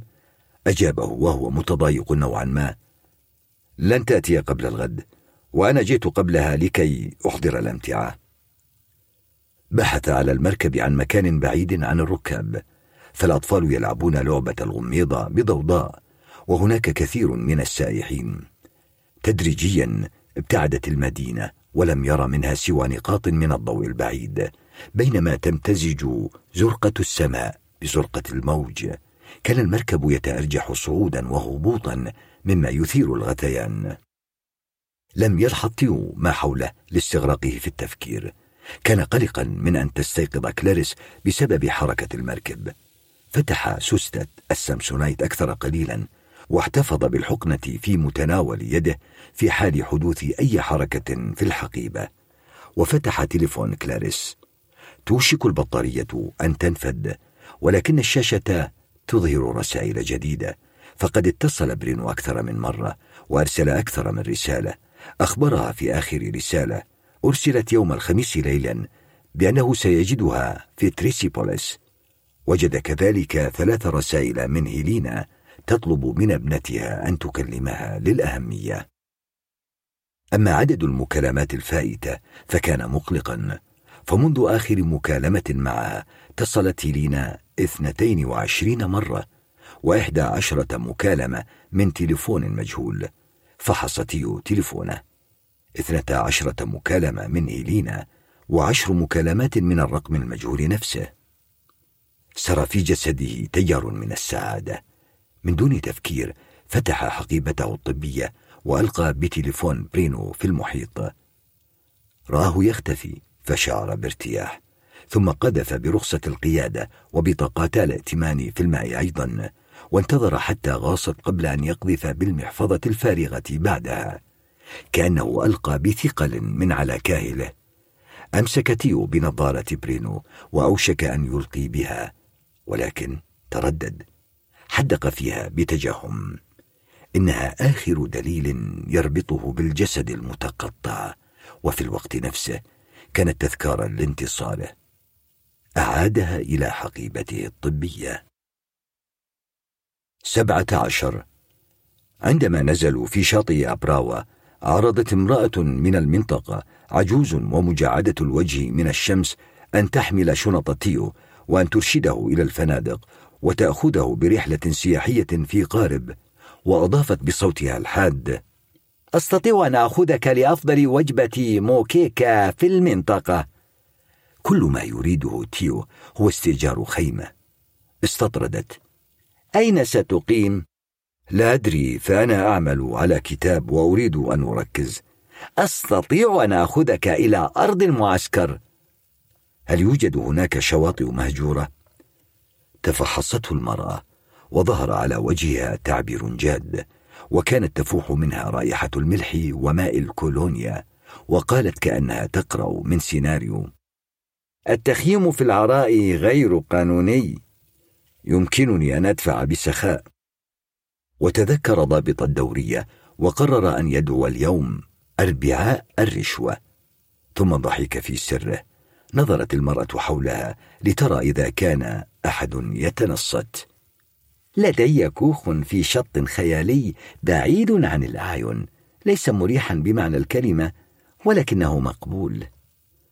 لا يهمني الراحة. هل فعلا بعيد؟ لا يوجد هناك إلا هو. صدقني مجرد رمال ومياه صافية. من خلفك الغابة والجبال لا أحد تقريبا يذهب هناك. غير الكشافة مدمني السير على الأقدام. أريد أن أمكث شهرا. كم سيكلفني هذا؟ تمتمت المرأة بسعر باهظ. ثم ابتسمت. نصف المبلغ سيذهب إلى حراس المنطقة لكي لا يضايقك أحد. كان عليه أن يسحب مبلغا كبيرا من مدخراته ويقتصد في الإنفاق في الشهور القليلة المقبلة. ولكن كلاريس تستحق ذلك. من الأفضل أن تذهب إلى السوبر ماركت قبل أن تذهب هناك لكي تشتري ما يلزم. وهو كذلك. وعليك أن تتوقف عند ماكينة الصرف واحمر وجهها مضيفة. فالدفع هنا مقدما. سحب تيو النقود واشترى البقالة وذهب إلى الصيدلية. اشترى عقدا به أحجار كريمة من محل أشغال يدوية ليعطيه لكلاريس في الكريسماس حاول مرة أخرى أن يحصل من كشك الصحف على جرائد اليوم السابق ولكن دون نجاح. جلس في كافتيريا ترتفع بها الموسيقى وطلب عصير الماراكويا. يقال إنها تهدئ الأعصاب رغم أنه لا يشعر بتوتر أو غضب.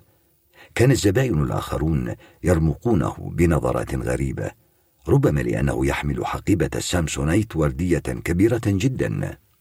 رتب أن يقابل المرأة على الرصيف بعد نصف ساعة. فكر في أن يرسل بطاقات معايدة لأمه ولهيلينا بمناسبة الكريسماس ولكنه قرر أن يتصل بالتليفون بدلا من ذلك. أدار رقم منزله وأخبر أمه. أنا في إلها جريندي. فوجئت باتريشيا وسألته متى سيعود. استأجرنا غرفة لمدة شهر. كلاريس ما زالت تكتب السيناريو. وجزء منه يحدث هنا. سنعود في أوائل يناير. لم يذكر أنهما سيذهبان إلى باراتي بعد ذلك. السنة المقبلة؟ نعم. سيكون أول كريسماس نقضيه بعيدا عن بعضنا بعضا. أنا رجل يا أمي وأنا أتقدم في السن. لا تقولي ذلك. لقد وضعت شجرة عيد الميلاد لنا. نجحت في عدم كسر كرات كثيرة هذا العام. كانت تتكلم باشتياق شديد، لكنها اصطنعت ضحكة. لم يقل تيو شيئا. أريد أن أعتذر عما قلته في آخر مكالمة. ما كان ينبغي أن أتهم حبيبتك. هل كل شيء على ما يرام بينكما؟ نعم. ألم تقلق أسرتها لغيابها هذه المدة الطويلة؟ أمها اشتكت من عدم حضورها الكريسماس معها. لكن أظن أن هذا الوقت لنا معا سيكون أمرا جيدا لعلاقتنا. شعر بأن كلامه بصيغة الجمع سيكسبه المزيد من المصداقية. هل ستتصل بي مرة أخرى؟ أخشى أنني لن أستطيع فنحن على شاطئ ليس فيه شبكة. سأفتقدك يا بني قالتها بنبرة كئيبة أزعجت. ورغم ذلك قال لها إنه سيفتقدها أيضا. وتمنى كل منهما أمنيات طيبة للكريسماس وعيد الميلاد قبل أن ينهي المكالمة.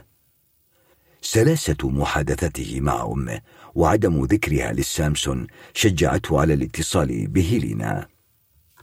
ردت هيلينا بطريقة فضة أحبطت تيو فشرب بقية العصير وأشار إلى الجرسون بأن يحضر له كوبا آخر.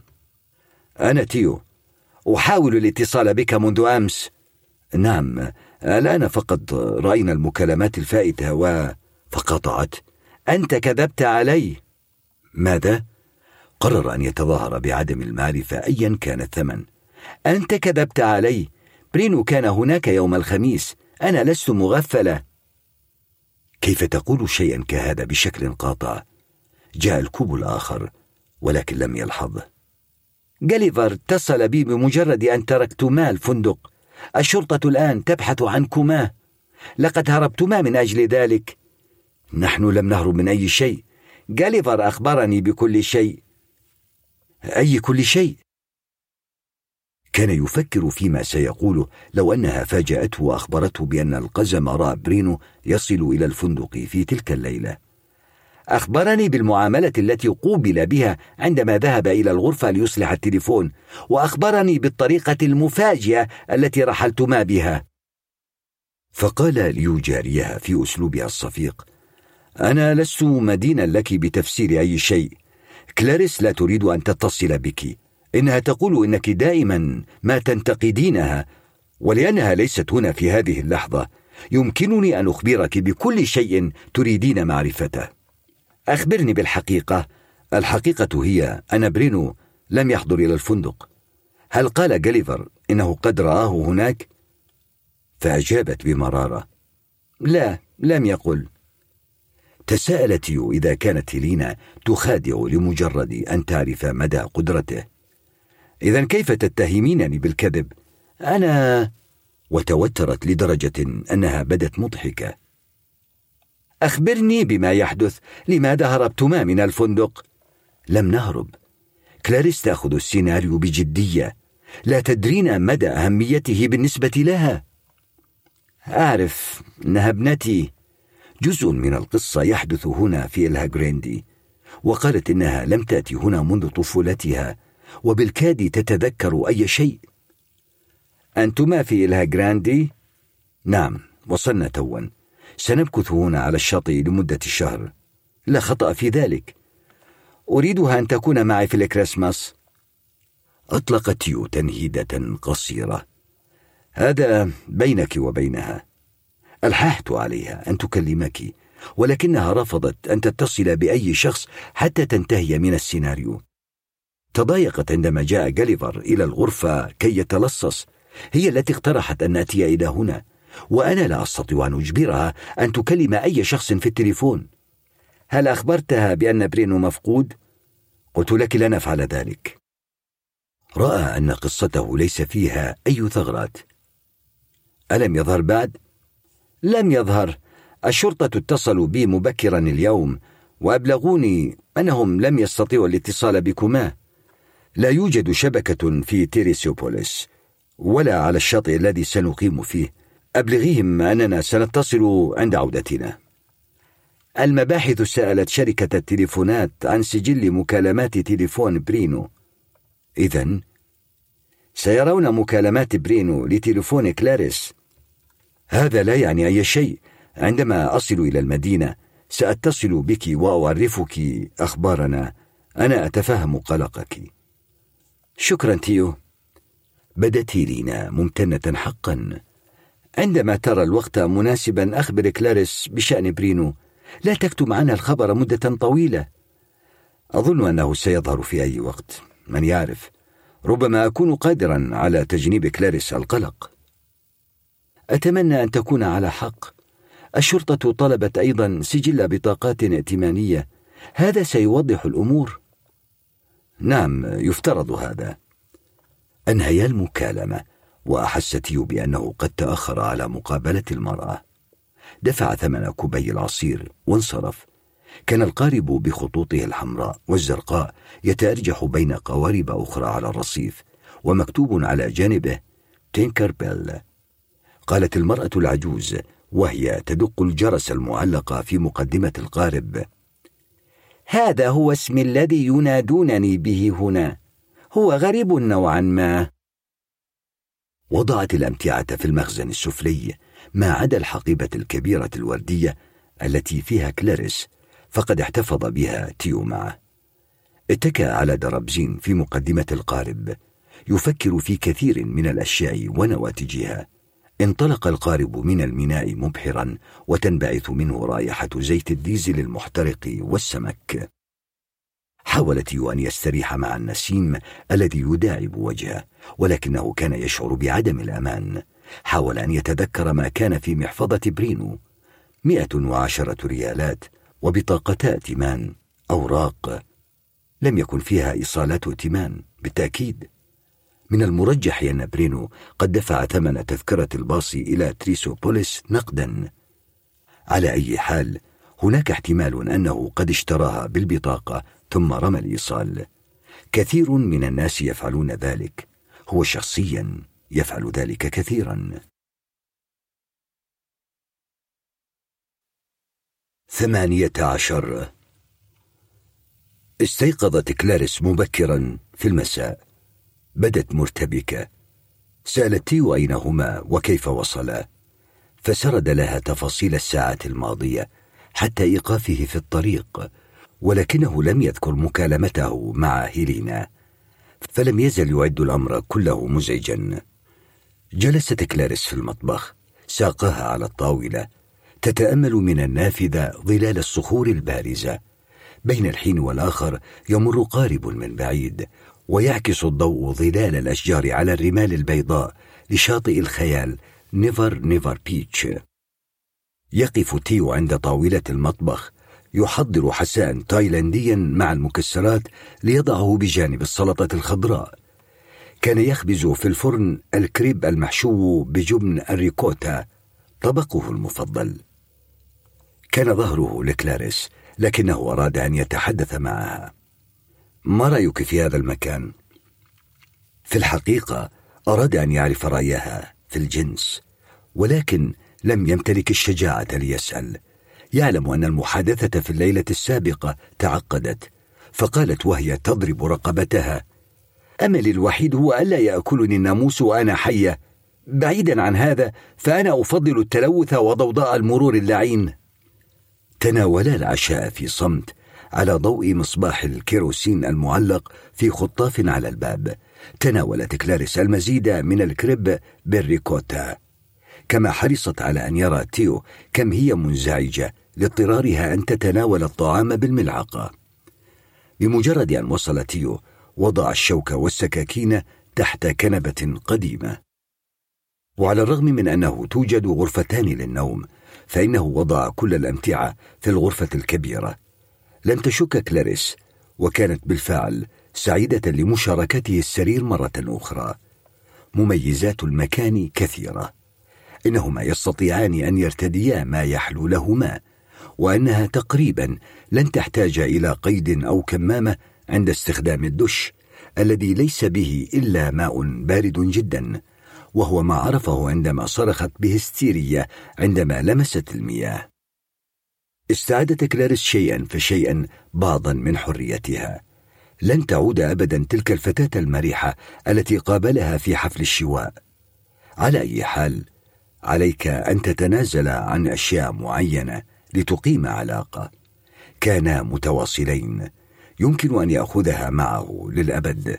لا يمكن أن يعيش أو يموت من دونها. مرت الأيام حارة. شعر تيو بنوع من التعب اللذيذ. كانا يتمشيان هو وكلاريس ميلين أو ثلاثة كل صباح بعد تناول بعض البسكويت ويتسلقان الصخور وهو ما يستغرق أكثر من عشر دقائق. ويجلسان على القمة يتأملان الأفق والصخور الضخمة التي على المنحدر خلفهما.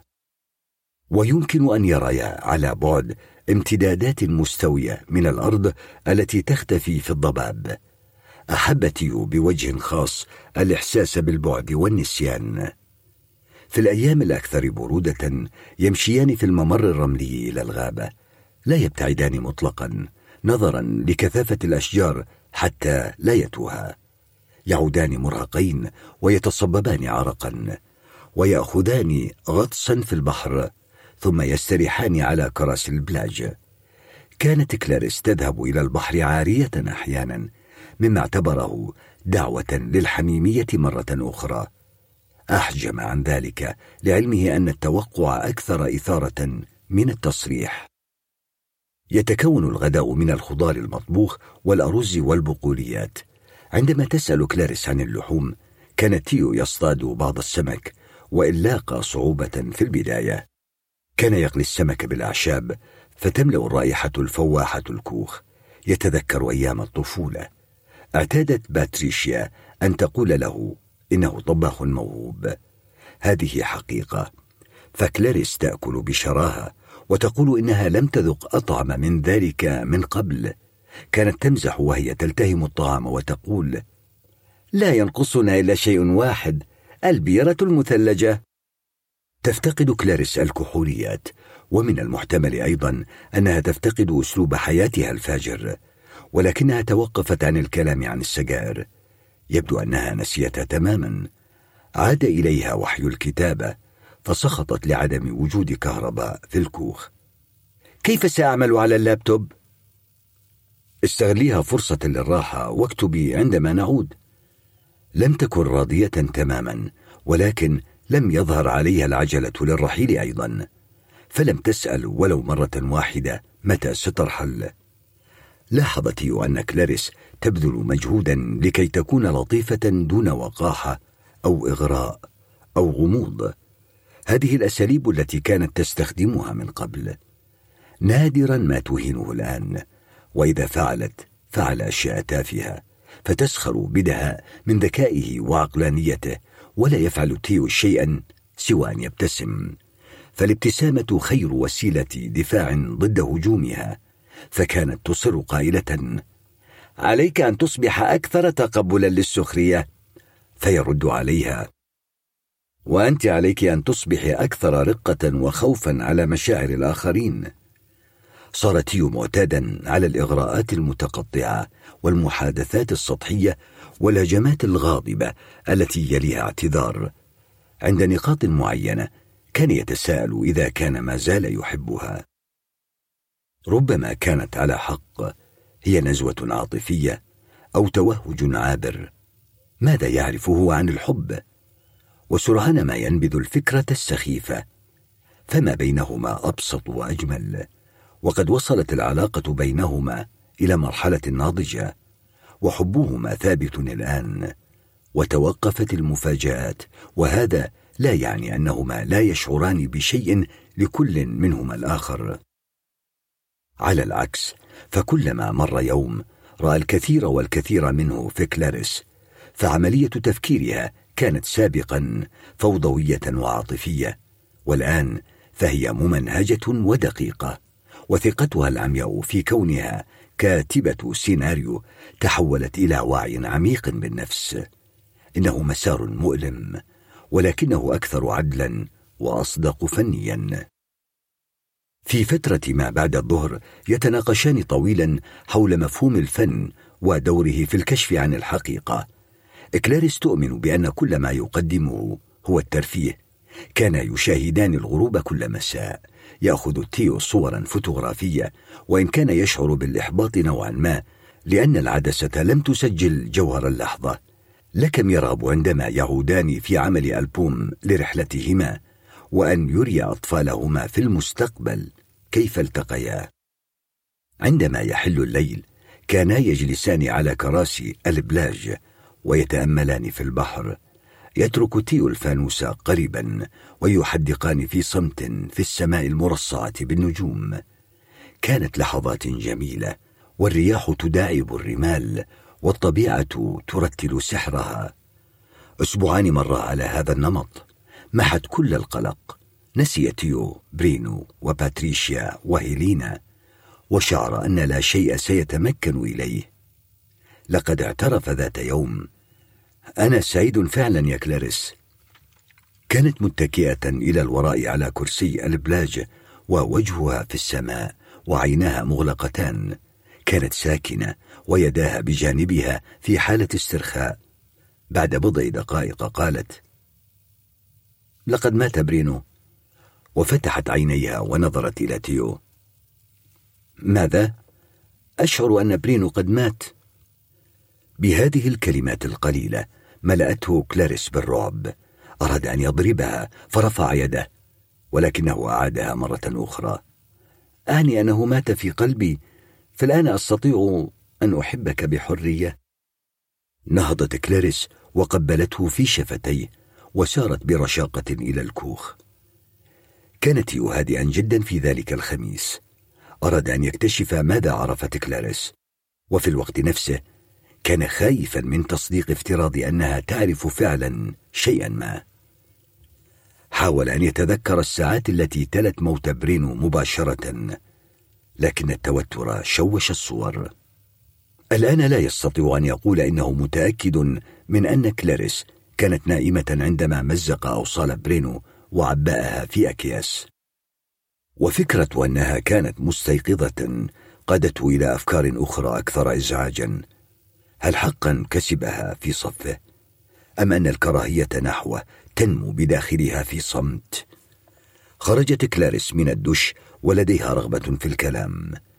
لقد استيقظت وهي تريد أن تتكلم في مواضيع مثيرة للجدل. سألته عن رأيه في الحكم بالإعدام والإجهاض. لم يجب. فأعادت السؤال. فاضطر إلى أن يقول لا أفكر في هذه المواضيع. ولكن لك رأي. أليس كذلك؟ أنا ضد الحكم بالإعدام. فابتسمت. وأنا أيضا. ماذا عن الإجهاض؟ لا أدري. هذه قضايا معقدة. لا يشعر بالراحة في الحديث عن أشياء يفهمها بالكاد.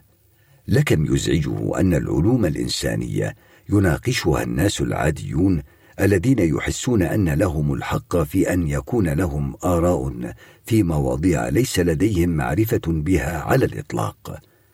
كان قد سمع في المنزل حوارا بين باتريشيا ومارلي عن كيف يعاقب السياسي الفاسد. رأت مارلي أنه يجب أن يشنق أو ماذا يفعل مع المرأة التي تجهض جنينا ناقص المخ.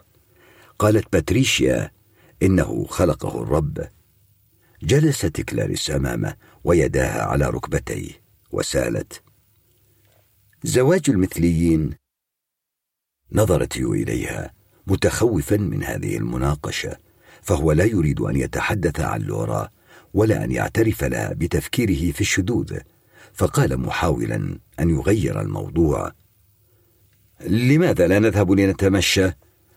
قل لي أولا إنها تنم عن الشخص هل أنت مع زواج المثليين؟ نعم ولكن أشعر بعدم الارتياح حين أراه تشعر بعدم ارتياح؟ كثير من الرجال يثارون عند رؤية امرأتين تقبلان بعضهما لا هل قبلت امرأة أخرى من قبل؟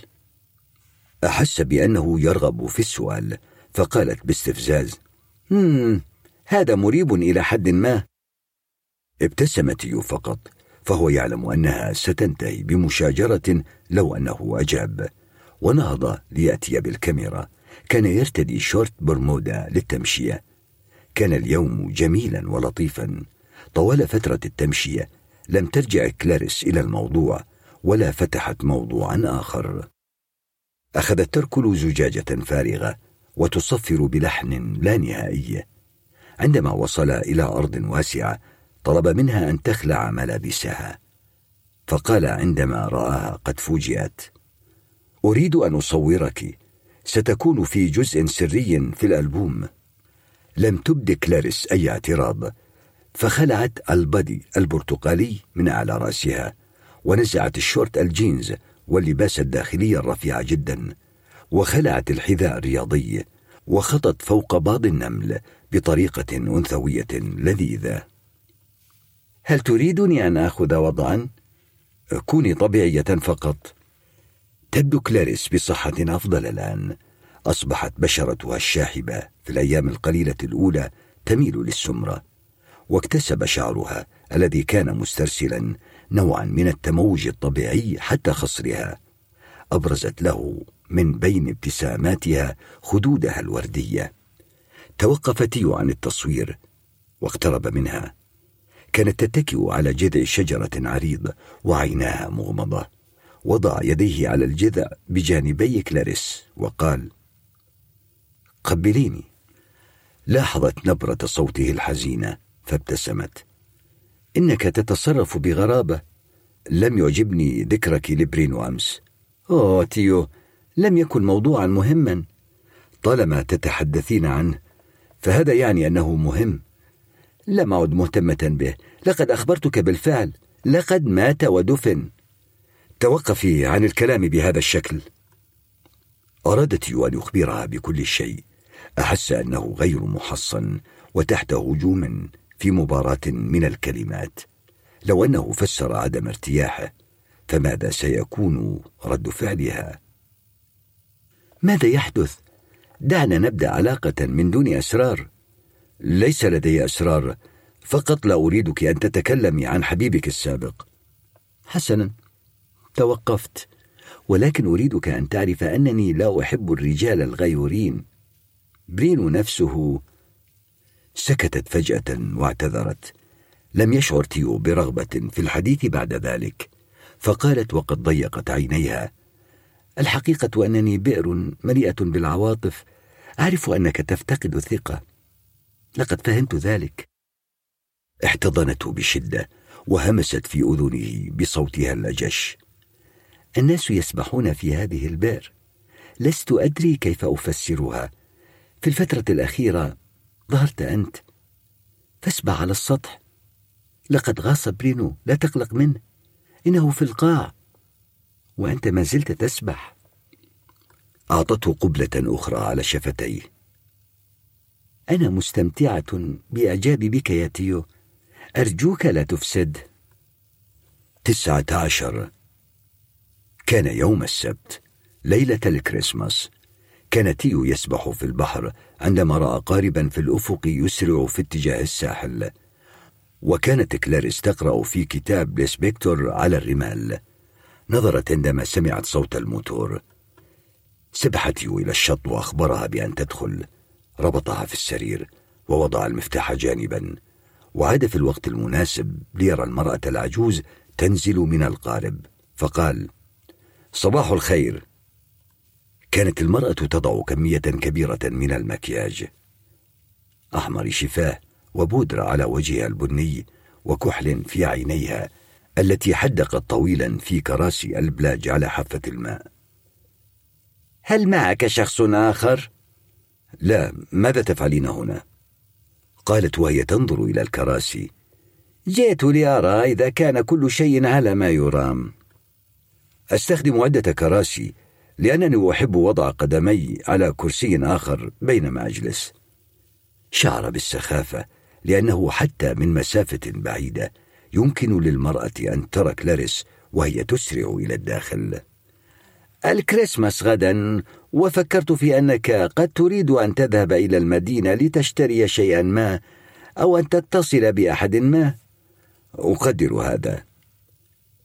فتيو يريد أن يشتري رطلا من شرائح اللحم الرقيق من أجل كلاريس التي تشكو دائما من عدم وجود لحوم الحمراء. وكذلك بعض مستلزمات عشاء الكريسماس. كان سيطبخ معكرونة التاليريني بالصلصة السادة والزيتون التشيلي أكلته المفضلة. سأذهب لأنشف جسدي وأغير ثيابي. أومأت المرأة وهي تنظر إلى تيو بعينين صغيرتين مفعمتين بالحيوية. لها وجه غليظ بارز الخدين وحواجب كثيفة وأنف يشبه الفراولة الضخمة. ظهرها به انحناء بسيط جعلها تبرز إلى الأمام بشكل مخيف. قالت بابتسامة سآتي معك. لا داعي أفضل أن تنتظريني في القارب فضول المرأة جعل تيو يتخيلها ميتة وممزقة قطعا في كيس البلاستيك. لا نتأخر. عندما اتجه نحو الكوخ سمعها تجر قدميها خلفه وتتأرجح. انتظري في القارب اللعين لو سمحتي. تراجعت مرتعبة ترفع ذراعيها مستسلمة. كما تحب. استدارت عائدة وهي تبدو منكسرة. لاحظ تيو أن ساقيها ترتعشان ربما من الخوف أو من كبر العمر. ارتدى ملابسه منفعلا. نظر من الشباك ليتأكد أن المرأة ملتزمة بمكانها. طلب من كلاريس أن تضع الكمامة. لا ضرورة لذلك. لن أصيح أصر من فضلك افعلي ما أقول. الثقة عامل أساسي. ضعي الكمامة. أخذ محفظته وتلفونيهما هل نسي أي شيء؟ وجد تحت الكنبة سكينا متوسطة الحجم فدسها في حزام الجينز. ما زالت كلاريس تتكلم وهي مقيدة في السرير. كان من الممكن أن أصيح عندما رأيت القارب رأيت المرأة تأتي ويمكنني أن أصيح الآن من المؤكد أنها ستسمعني. لن تفعلي ذلك. لن أفعل لأنني لا أريد. إنك تفكر في أن تجعلني سعيدة. أريد أن أعطيك فرصة. سأجعلك سعيدة. إذا لا كمامة. إننا في مكان مقطوع وليس لدي سبب لكي أصيح. منذ تلك الليلة توقفت عند منتصف الجملة وشعرت بالخجل فجأة. أحس بالسعادة لأن كلاريس ذكرت تلك الليلة. كان مثارا ولا يريد أن يظهر ذلك. حسنا لا كمامة. فابتسمت. شكرا يا حبيبي. تسمر تيو في مكانه. هذه هي المرة الأولى التي تدعوه فيها بحبيبي. أراد أن يتحدث عن تلك الليلة ولكن المرأة كانت تصيح ليسرع عندما وضع قدميه على الرمل أحس كأنه يطير. لقد تلذذ بكلمات كلاريس ويمكنه أن يتلذذ بها طوال الطريق حتى المدينة لولا قلة ذوق المرأة العجوز المتطفلة. سألته فجأة. معك شخص في الكوخ أليس كذلك؟ ابتعد عن الساحل. المرأة تقود القارب بسرعة فائقة. قال لها لا أدري عما تتحدثين. لم ترد عليه. أعطته ظهرها ويدها على عجلة القيادة. رأيت شخصا يجري عند وصولي. أنت تتخيلين أشياء.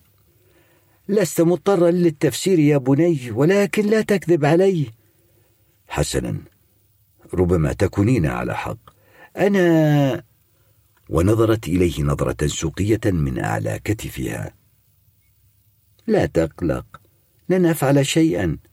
فقد دفعت لي ما يكفي لكي لا أطرح أي أسئلة. أقول ذلك للا شيء. كانا على بعد أقدام قليلة من بعضهما بعضا وقد أزعجته نظرتها بشكل مرعب. تململ على مقعده في مؤخرة القارب إنها تعرف أن معه شخصا آخر على الشاطئ. ولن يمر وقت طويل حتى تسأله من هذا الشخص وكيف جاء إلى هنا؟ وماذا أيضا؟ يمكن أن يقودها الفضول إلى الاستفسار عن سبب تحمله المتاعب في سبيل إخفاء شخص ما. قبضت يو على السكين في يده المهتزة دون أن يدري ماذا يفعل. تسحب بحذر. هما الآن في وسط البحر. والساحل يبدو كنقطة سوداء فمنحه ذلك شعور بالأمان والقوة. كل ما يحتاج إليه هو أن يطعن المرأة العجوز في رقبتها ثم يلقي بها في البحر وسينتهي كل شيء في أقل من دقيقة. سيواجه صعوبة في قيادة القارب لكن سيتدبر الأمر. أحدث وزنه صريرا في لوح خشب في قاع القارب أفزعه الصوت لكنها لم تنتبه لشيء لأنها لم تلتفت. رأى أنه لا بد من حوار يبرر اقترابه منها. في اللحظة التي قرر أن يتكلم معها مرت سلسلة من الأسئلة في ذهنه. ضخامة الأسئلة أكبر من اتساع البحر الذي أمامه. ومع ذلك دون قصد سأل تيو السؤال الرئيسي. السؤال الذي جعلته إجابته يتقهقر إلى الخلف وتخور قواه. ويرمي بالسكين في الماء قبل أن يعود بسرعة إلى مكانه في مؤخرة القارب لولا هذا لكان قد ارتكب جريمته الثانية في القتل. ولكن قوة ما خفية أرادت أن تسير الأحداث على هذا النحو. اشترى المستلزمات من المدينة وقرر أن لا يتصل بأحد. ثم عاد بعد ساعة قليلة وهو لا يزال منتشيا من تلك اللحظة التي على القارب كان سؤال تيو. إذا تنكر بيل ما اسمك الحقيقي؟ وكانت إجابة المرأة العجوز بابتسامتها الخالية من الأسنان. جيرترود. صباح الكريسماس استيقظ تيو منزعجا من كابوس ما. ومثل كل الكوابيس المزعجة بدا الكابوس واقعيا للغاية. رأى فيه جيرترود. ليست جيرترود الخاصة به المؤدبة جدا. وغير القادرة على إقلاق نومه. المرأة العجوز الشبح. رأى كلاريس أيضا وكانت تقهقه بصوت عال. استرجع نبرة صوتها ونغمته بدقة ولكنه أدرك أنه لم يسمع كلاريس تضحك إطلاقا بهذا الشكل. أغمض عينيه وراح يجمع الخيوط معا في ترتيب منطقي. جلس. هذه خدعة كبيرة تريد الإيقاع به. وفيها كل واحد من هؤلاء.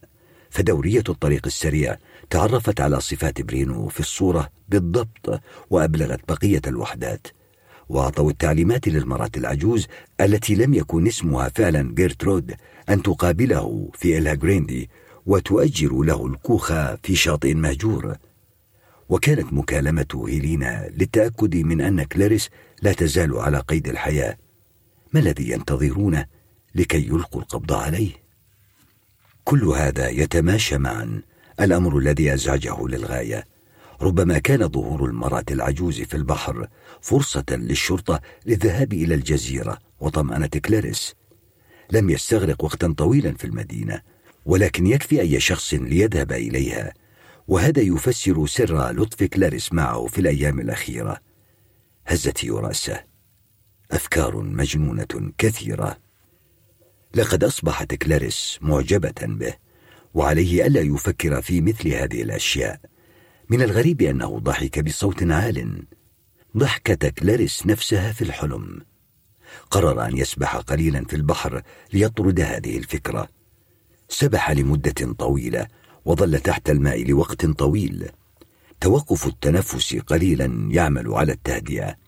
أمضى فترة ما بعد الظهر يفكر في الترتيبات.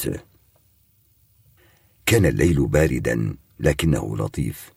عد تيو طبقه المفضل الذي امتدحته كلاريس من الرائحة فقط وفتح زجاجة من النبيذ الإيطالي وارتدى قميصا رسميا ووضع الكولونيا.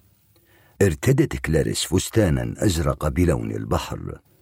اعتبره تيو موضة قديمة عليها إلى حد ما وحلق نصف دائري من اللؤلؤ. لم يتحدثا كثيرا وشربا زجاجة النبيذ كلها على العشاء.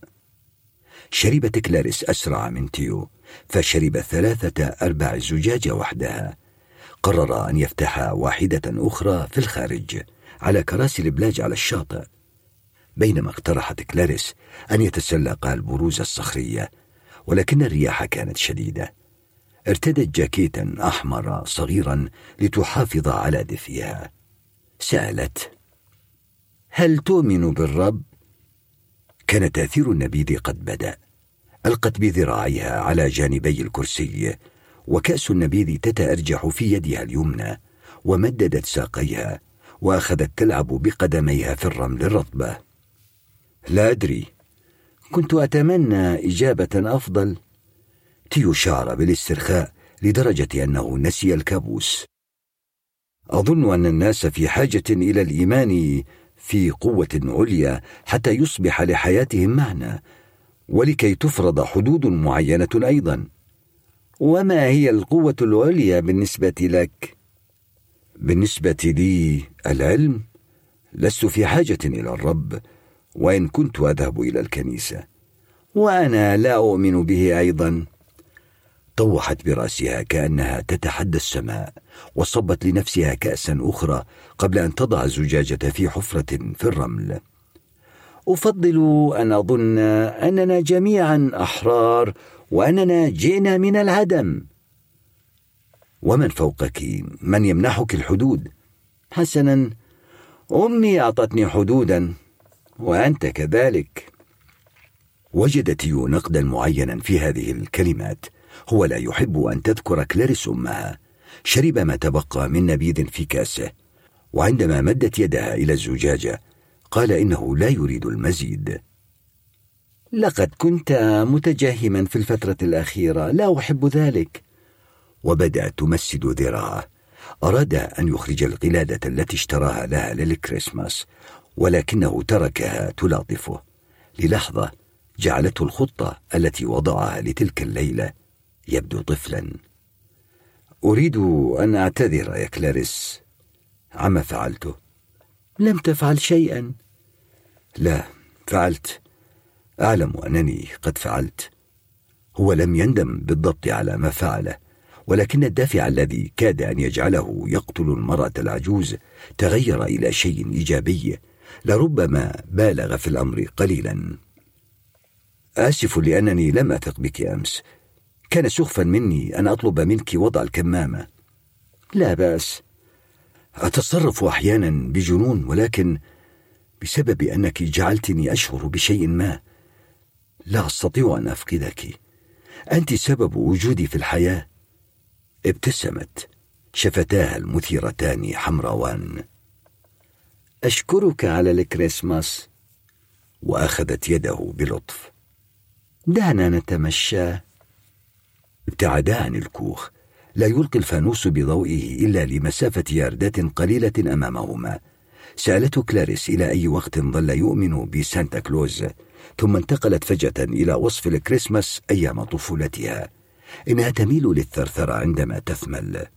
إجابات تيوفاترة لم يعد يستطيع فهم ما يحدث معه فالأمر سخيف للغاية. في السابق تملكته الرغبة في كلاريس بقوة لم يعرف أنها موجودة فيه. الآن يشعر بأنه ضائع وقنوط وأحمق يحمل الفانوس وكأنما وزنه طن. هيا دعني أحمل عنك هذا. ونقلت الفانوس إلى يدها اليمنى وطوقت خصره بذراعه اليسرى. تساءل في أي لحظة تحول من الحامي إلى المحمي. مع موت برينو أم مع شكه لينا. حفيف الأوراق ينغم صوتا دقيقا جدا. تمشيا لدقائق عدة وهما ينقلان الخطو بحذر وبطء بين فروع الشجر المتشابكة والمستنقعات الصغيرة. كان القمر بدرا. كانت الضربة على رأسه عنيفة فوقع على ركبتيه. ترنحت البقعة المضيئة مرة أخرى فراح يئن ويعض في الأرض رأى الجاكيت الأحمر والضوء ثم رأى كلاريس تطوح الفانوس في الهواء وتضربه به على رأسه. أخذ يعوي من الألم حاول أن يقوم ولكنها ضربته مرة أخرى. مزق المعدن وجهه وجرى الدم أسفل خديه. توسل إليها كي تتوقف ولكن تلاحقت الضربات. شعر بأن جسمه يضعف. والظلام يخيم. عشرون. جاء الصوت من داخله. خبطات مؤلمة شلت تفكيره. لم يعد قادرا على الكلام أو الرؤية أو الحركة. تخدر جسده بأكمله. وهو أمر جيد. ويعني أنه لا زال له جسد. البقية فراغ مظلم. ثم بعد ذلك ضوء تصارعت القوى تأثير عدم الحركة والرغبة في الهروب. يريد أن يهرب من الضربات.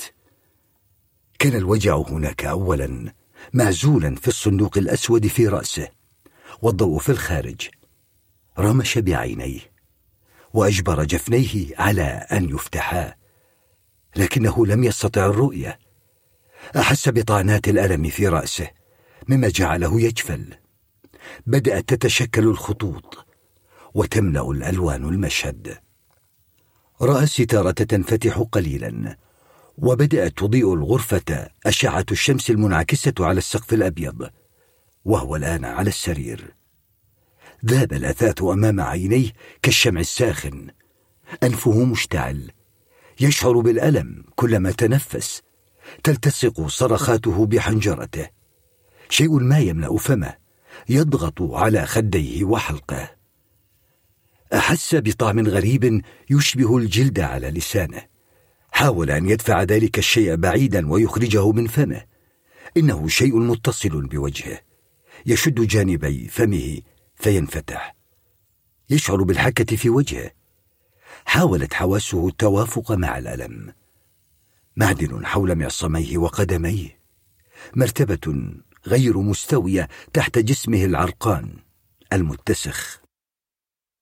تذكر ضوء قوي من فانوس وشبح في الظلام امرأة مليئة بالكراهية. كلاريس في الجاكيت الأحمر. أين هي؟ امتزجت صورة كلاريس مع حركة فتح الباب. ظهرت كلاريس أخرى الأحمر والظلام الرحمة. جلست بجواره. لمست يداها البارده جبينه وخيل له أنه قد سمع كلمة عرق. لم يكن يهذي إن كلاريس تقول شيئا ما. رأى شفتيها تتحرك كأنه يشاهد تلفازا مكتوم الصوت. أجبر ذهنه على الهدوء. سمعها تقول آسفة لست جيدة في هذا. عاد الألم في منتهى القسوة. اندفعت الضوضاء إلى دماغه. رأى الإبرة تخترق ذراعه الملفوفة بشريط مرن. سحبت كلاريس الحقنة بغلظة. قالت بابتسامة لم أجد الوريد من أول محاولة. أراد أن يصرخ. عيناه مثقلة ودماغه تلف. رأى شبح كلاريس واقفا وهي تمرر يدها على خديه في مداعبة حذرة. تصبح على خير يا فأر الصغير. كان الوقت ليلا عندما استيقظ تيو وهو يلهث. كان فزعا واستغرق وقتا حتى أفاق. التنفس يضغط على صدره ويزيد من إحساسه بالغرق. مر تيار كهربي في جسده محدثا رد فعل لا ارادي اندفعت أردافه إلى الأمام وارتجفت أقدامه وتقلصت بطنه. أراد ماء وطعاما وحماما. مثانته منتفخة. معجزة أنه لم يبلل نفسه. حاول أن يحرك ذراعيه. ولكنه لم يستطع. معصماه مقيدان بإطار السرير الخشبي ويداه مرفوعتان فوق رأسه. فتضغطان على كتفيه. فيحدث لوحا كتفيه صوت طرقعة خافت. القيود تكتف ذراعيه المخدرتين بأحكام مع مساحة أربع بوصات فقط لحرية الحركة.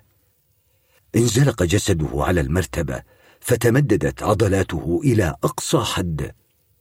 يشعر بالوخز من أطراف أنامله حتى أسفل رقبته. لوى ذراعيه ليرى الجروح في كوعيه. يغطيهما الدم الجاف. تمزق القميص الذي ارتداه مساء الكريسماس. وظهرت حلمته اليسرى. حاول أن يجد وضعا أفضل. أحنى رأسه على لوح السرير وحاول أن يستخدم ساقيه لرفع جسمه إلى أعلى. لكن الجاذبية أثرت على جسمه. انهارت قدماه وتواثبت مؤخرته على المرتبة. وأصدر عموده الفقري صوتا.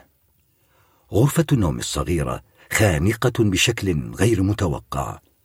النوافذ مغلقة ومغطاة بستائر مرسوم عليها أشكال نمطية من الطيور الزرقاء المراتب من الفوم الأصفر.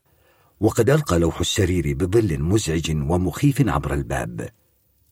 كلب الخزف الصيني الذي على الطاولة الجانبية ينظر إليه في شفقة. توجد تحت عتبة النافذة عربة يد.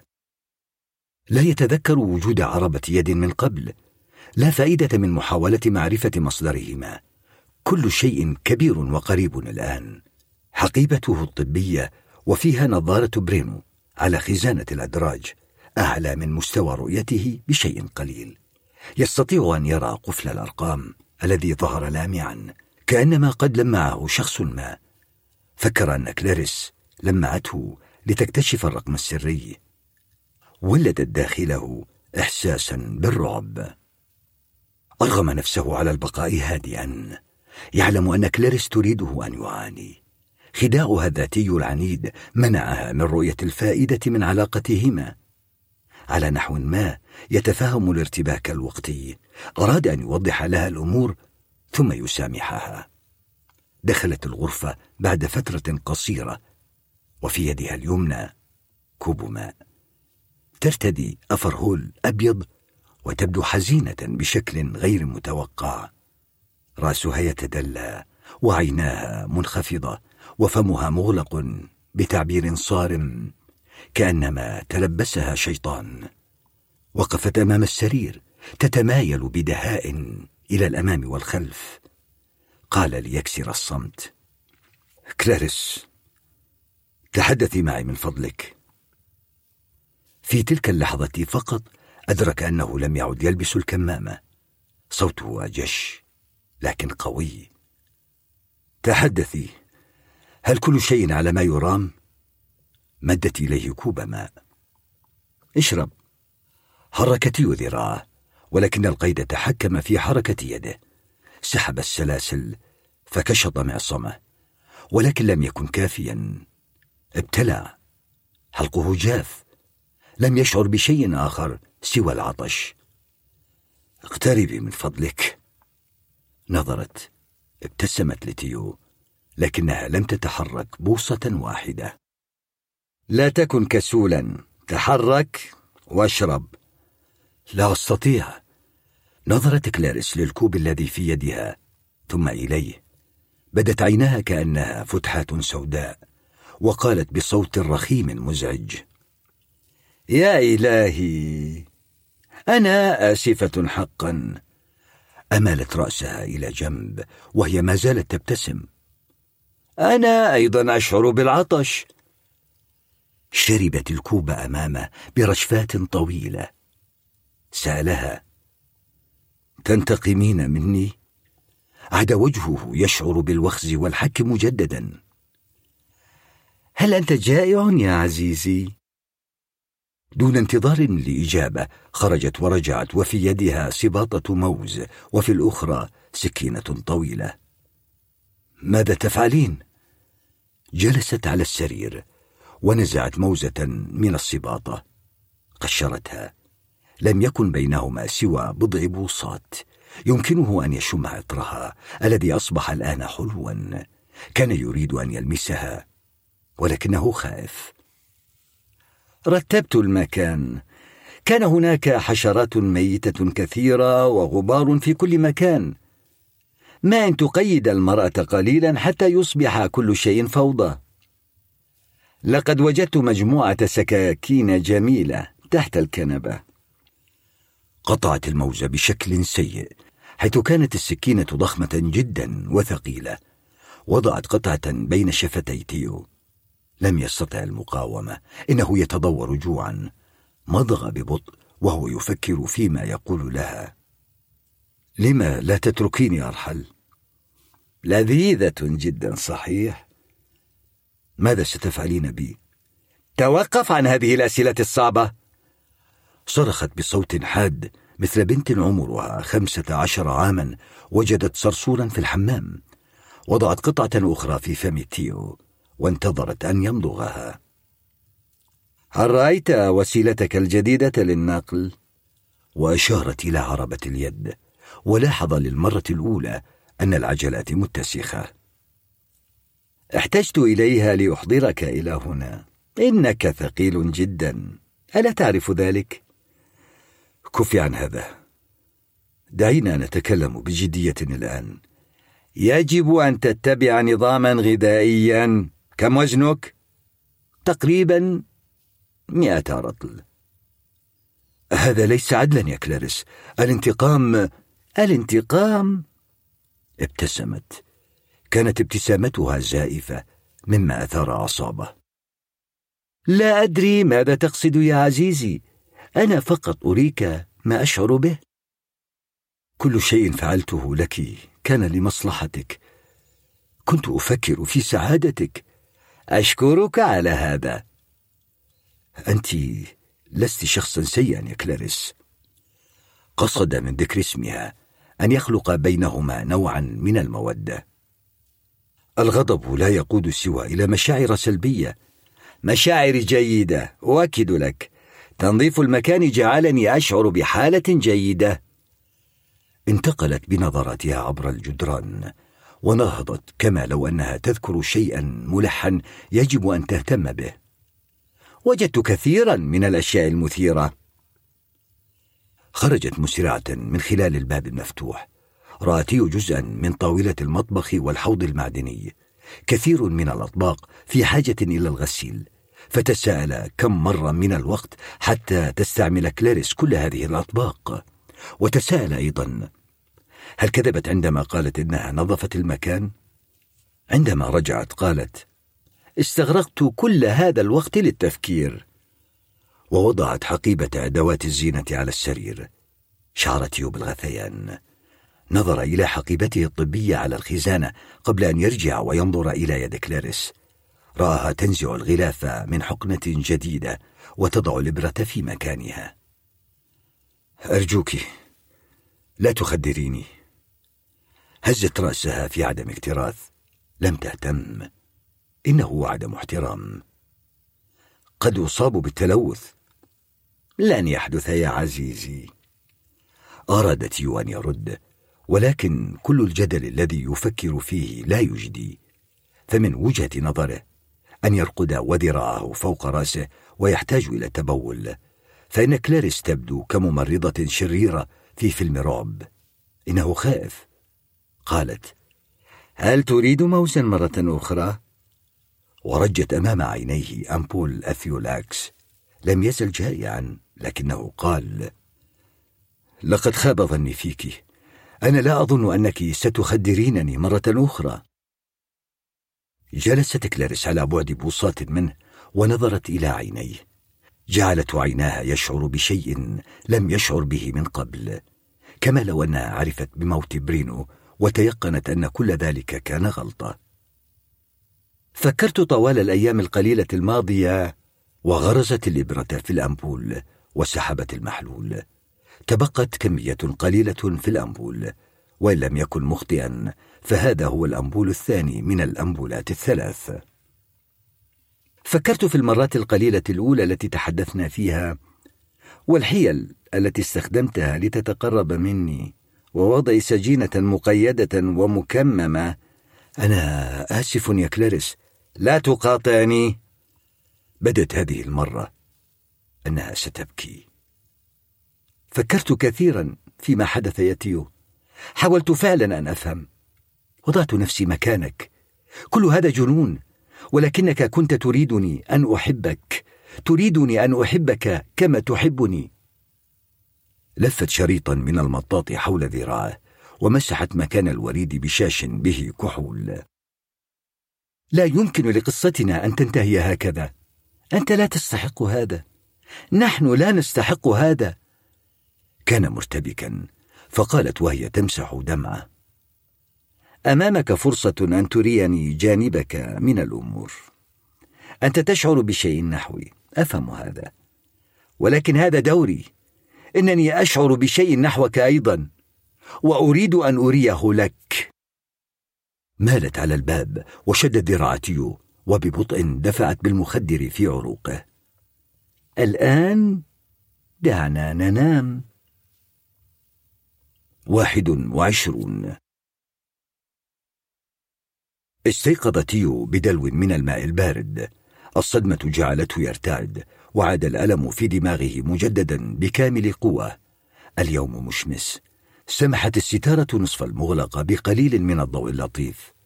بعض الأشعة سقطت على السقف قريبا من رأسه. يغرق في عرق بارد. يصيح. عندما خف الألم رأى كلاريس عند الباب. تضحك طويلا بصوت مجلجل وهي تمسك بالدلو الفارغ. يا إلهي إنك تبدو خائفا. هزت رأسها بجدية كشفت هذه الحركة التي كانت جذابة سابقا عن شذوذها. كانت كلاريس تتلاعب به وظهر أنها تستمتع بذلك. رجعت إلى الغرفة بالدلو مملوءا بالماء وهي تمسك به بلا مبالاة بيديها الرفيعتين.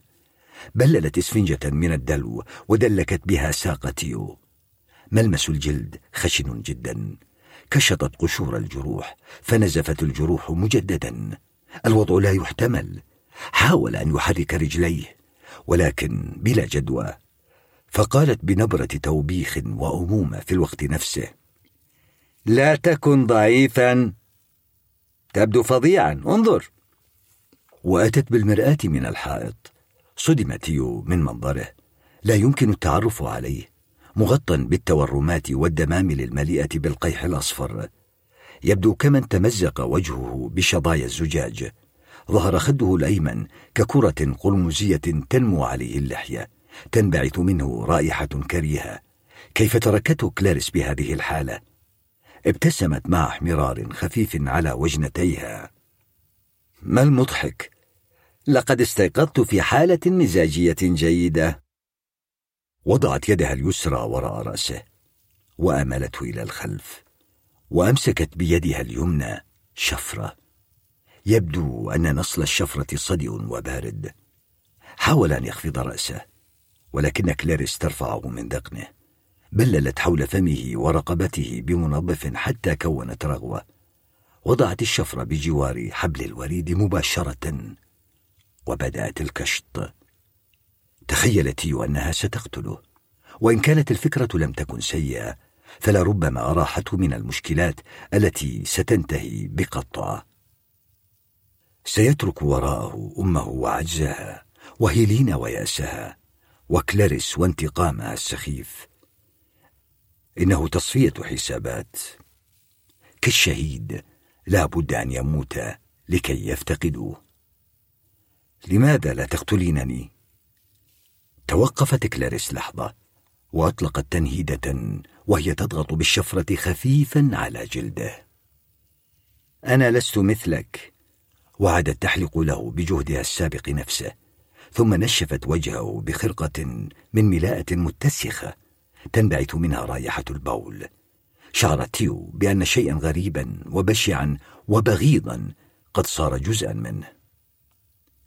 دعيني أخذ دشا. أنت أفضل هكذا.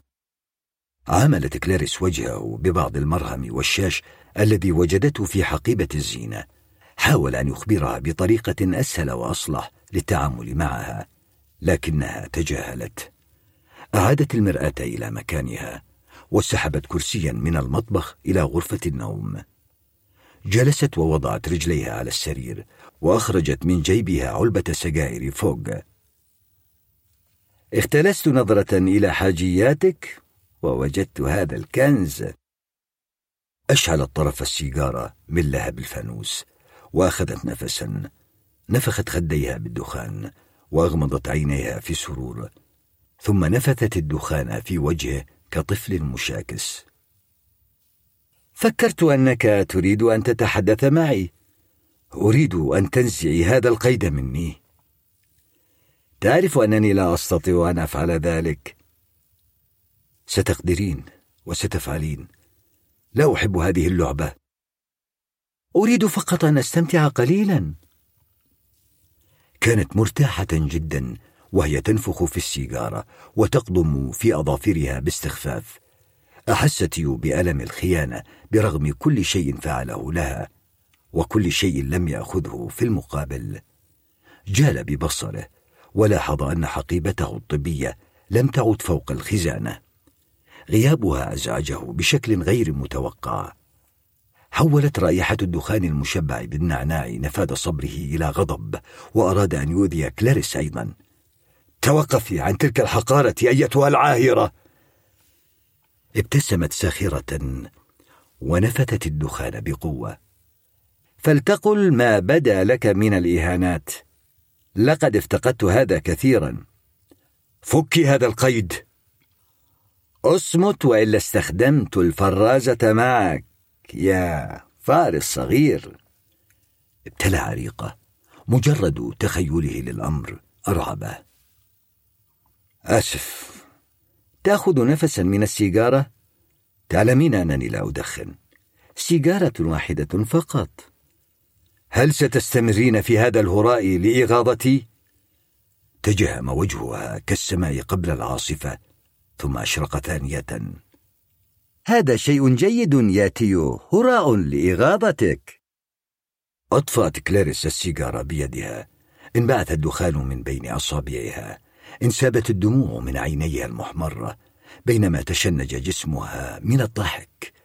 حاولت أن تسيطر على نفسها. أخيرا كتمت ضحكتها وثبتت عينيها الميتتين عليه وقالت بتعبير لا يوصف العاهرة ستقوم بعمل الهراء لإغاظتك حتى تبكي من اليأس. لمست حلمته بطرف السيجارة فصرخ أنت محظوظ لأنه لا يوجد هنا شبكة تليفون. عندما تأتي المرأة العجوز سنسلمك للشرطة. وسيفعل فيك المساجين ما يفعلونه في المغتصبين أبناء العاهرات. بعدما أحضرت كلاريس الكمامة ووضعتها عليه رأت أن الموقف عبارة عن خليط من السخط والغضب. مغتصب لو يستطيع لقتل كلاريس في لحظتها لقتلها ورمى بأشلائها في البحر من دون أي ندم. ولربما استمتع بذلك. لم ترجع إلى غرفة النوم طوال فترة ما بعد الظهر. رآها تتحرك ذهابا وإيابا بالدلو والمكنسة. صورة كلاريس كربة منزل مريحة للغاية.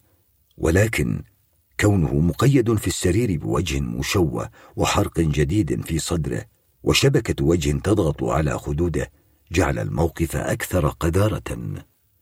لم تتوقف كلاريس. بعد تبادل الإساءات اعتذر وتوسل إليها أن تنزل ذراعيه إلى أسفل فهو لم يعد يشعر بمرفقيه ناهيك عن أصابعه. لقد قدح ذهنه في جدل معها ليقنعها بأن تحرره ولكنه يؤمن أن قراره نفسه بأنها ستصل إلى هذه النتيجة بنفسها وستخطو إلى غرفة النوم لتفك القيد وستعتذر وتقول إنها لم تكن تعرف كيف كانت تفكر وستعطيه قبلة على شفتيه وستخفف الجو بكلمات فاحشة. وصلتي الاستنتاج بأنها تعامله بهذا الشكل لأن الحميمية تولد الاحتقار. لا تفعل ذلك من باب الشر ولكنها تنفس عن الغضب المتزايد.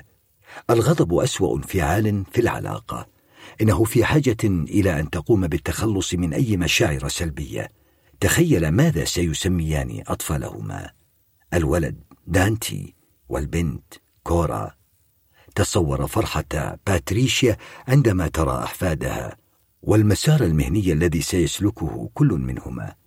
هل سيهتمان بالفن كأمهما أم بالعلم كأبيهما؟ من الغريب أن يفكر في مثل هذه الأشياء وهو لم يزل متضررا من أفعال كلاريس لكنه يعرف كيف يفصل بين انفعالاته. إنها مثل كل النساء لا تبتسم في لحظة إلا لتنفجر بالبكاء في اللحظة التالية. إنه في حاجة إلى الفهم. لم يكن مع جيرترود أي صراعات ولا حب أيضا. كلاريس هي الوحيدة التي استطاعت أن تبعده عن روتين الجامعة والبيت والمشرحة. وهو لا يريد أن يعود إليه. لو استطاع لعاش على الطريق للأبد كما أنه لا يرغب في أن تبادله كلاريس الحب. وجود حب من طرف واحد أفضل من عدم وجود الحب نهائيا. في وقت لاحق بعد الظهر سمع كلاريس تكتب على اللابتوب بنشاط. ربما السيناريو وكل ما قدمه لها من عون في الإبداع يجعلها ترى أن انتقامها غير عادل. سره أنها قد عادت لتكتب مرة أخرى لأن غضبها سيتسرب إلى عملية الإبداع. عندما سمع الإنذار الذي يحذر من أن شحن البطارية أوشك على النفاد كان الظلام قد حل في الخارج. لا سبيل إلى إعادة شحنها. سمع تيو صوت إغلاق اللابتوب ووقع أقدام تدخل غرفة النوم المجاورة وانسياب ماء في الحوض. ثم ساد الصمت. عندما ظهرت كلاريس في الممر راح يئن ويتوسل إليها أن تفك الكمامة. فقالت بينما تفك الإبزيم أتمنى أن تحسن السلوك. إنها غير مريحة. أليست كذلك؟ أريد استخدام الحمام. كانت ترتدي فستانا أزرق يناسب جسمها الجميل ويظهرها امرأة ناضجة. أدرك أنه لم يخبرها بذلك من قبل. النساء يحببن المجاملات رغم أنها قد لا تكون مهيئة للمديح في هذه الظروف. كرر من فضلك أريد استخدام الحمام. نظرت إليه بضجر لا أستطيع أن أفك قيودك قبل أن تأتي هذه المرأة العجوز. آسفة.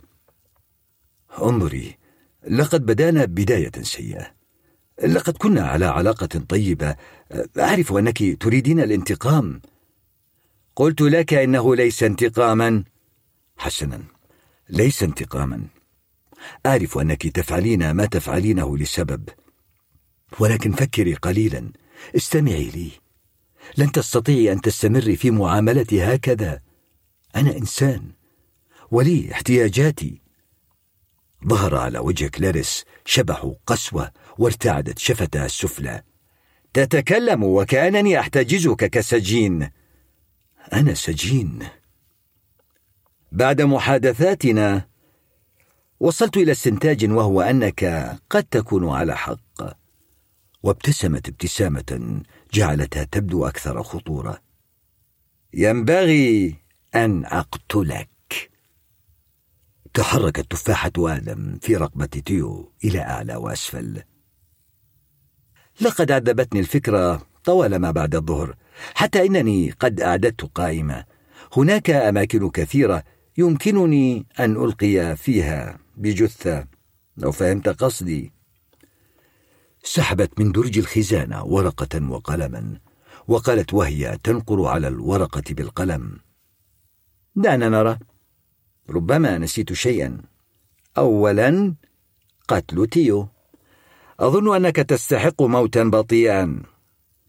استبعدت نحر رقبتك بالسكين واستبعدت أيضا المسدس طالما ليس لدينا ذخيرة. ما رأيك في الغرق؟ لا تكوني مجنونة. لا. اذا لا. شطبت بالقلم. ما رأيك في الدفن حيا؟ إنها فكرة جيدة وإن كانت تتطلب مجهودا لحفر حفرة عميقة. لست مستعدة اليوم ربما غدا. هل ستقتلينني فعلا؟ راحت تقرأ. ثانيا شرح الأمر للمرأة العجوز. كيف هي؟ هل هي حمقاء؟ أم علي أن أفكر في عذر جيد؟ كفى. فكرت في أن أقول لها الحقيقة ولكن لا أظن أنها ستتفهمها. بالنسبة إلى ثالثا ورابعا تفسير الأمر لأمي وللشرطة. هل تظن أن هناك من سيسأل عنك يا تيو؟ أم أن أمك ستشعر بارتياح للتخلص من ابنها المريض؟ أيتها العاهرة؟ نظرت إلي. حقا؟ أنت لا تفكر فعلا في أنك مريض؟ هذا الألبوم الخاص بنا نحن الاثنين. هو مرض نفسي بمعنى الكلمة. انتظرت منه إجابة. ثم هزت رأسها ها قد وصلنا إلى خامسا. أشياء نفعلها مع تيو. وهذه كانت فكرة جهنمية. وابتسمت وهي تمرر لسانها فوق أسنانها الأمامية. دعنا نفعل شيئا. يثبت بأنك غير طبيعي. لن أفعل أي شيء. حل محل ابتسامتها تعبير عدم رضا. انصرفت سريعا وعادت وهي تحمل الألبوم وآنية فخار ثقيلة. وضعتها فوق الخزانة ونزعت الصور من الألبوم ومزقتها بعنف ثم ألقت بالقاصة في وجه تيو. هذا كله كذب. عالم خيال لشخص شاذ. ماذا تظن ما يجب أن نفعل به؟ نظر إلى كلاريس في ذعر وابتسم. أحس بوداعة نظرتها حينما يتواصل جسداهما. كيف لهذا الإحساس الجميل أن يتحول إلى شيء خسيس وشيطاني؟ أراد أن يبكي ولكن لا دموع. راقب في صمت وكلاريس تلتقط الصور التي جمعتها وترمي بها في الآنية ثم أخرجت الولاعة من جيبها. وجدت النار طريقها إلى الصور وهي تتلوى وتنكمش وتسود في ثوان. اختفت الصور في الدخان السام المنبعث من الآنية. راقبت كلاريس عرضا للألعاب النارية. صفقت بيديها بابتهاج. تحول الجمال إلى وحش. ألقت ببقية الصور في النار وأخذت تقلبها. تنفخ في كرات اللهب كأنها فقاقيع وتقلد صوت طقطقة النار. بوب بوب بوب. اختنقت الغرفة من رائحة الورق المحترق. وقفت ممسكة بالآنية وتحدق في الجمرات التي لم تزل متوهجة. وقفت في الممر واستدارت. عاما جديدا سعيدا يا تيو جاءت المعلومات كضربة له. هذا يعني أنه سيظل سجينا لمدة أسبوع مخدرا معظم الوقت وحسبها ثلاثة أو أربع ليال على الأكثر. وهذا يعني أيضا أن المرأة العجوز ستأتي لأخذه خلال أسبوع.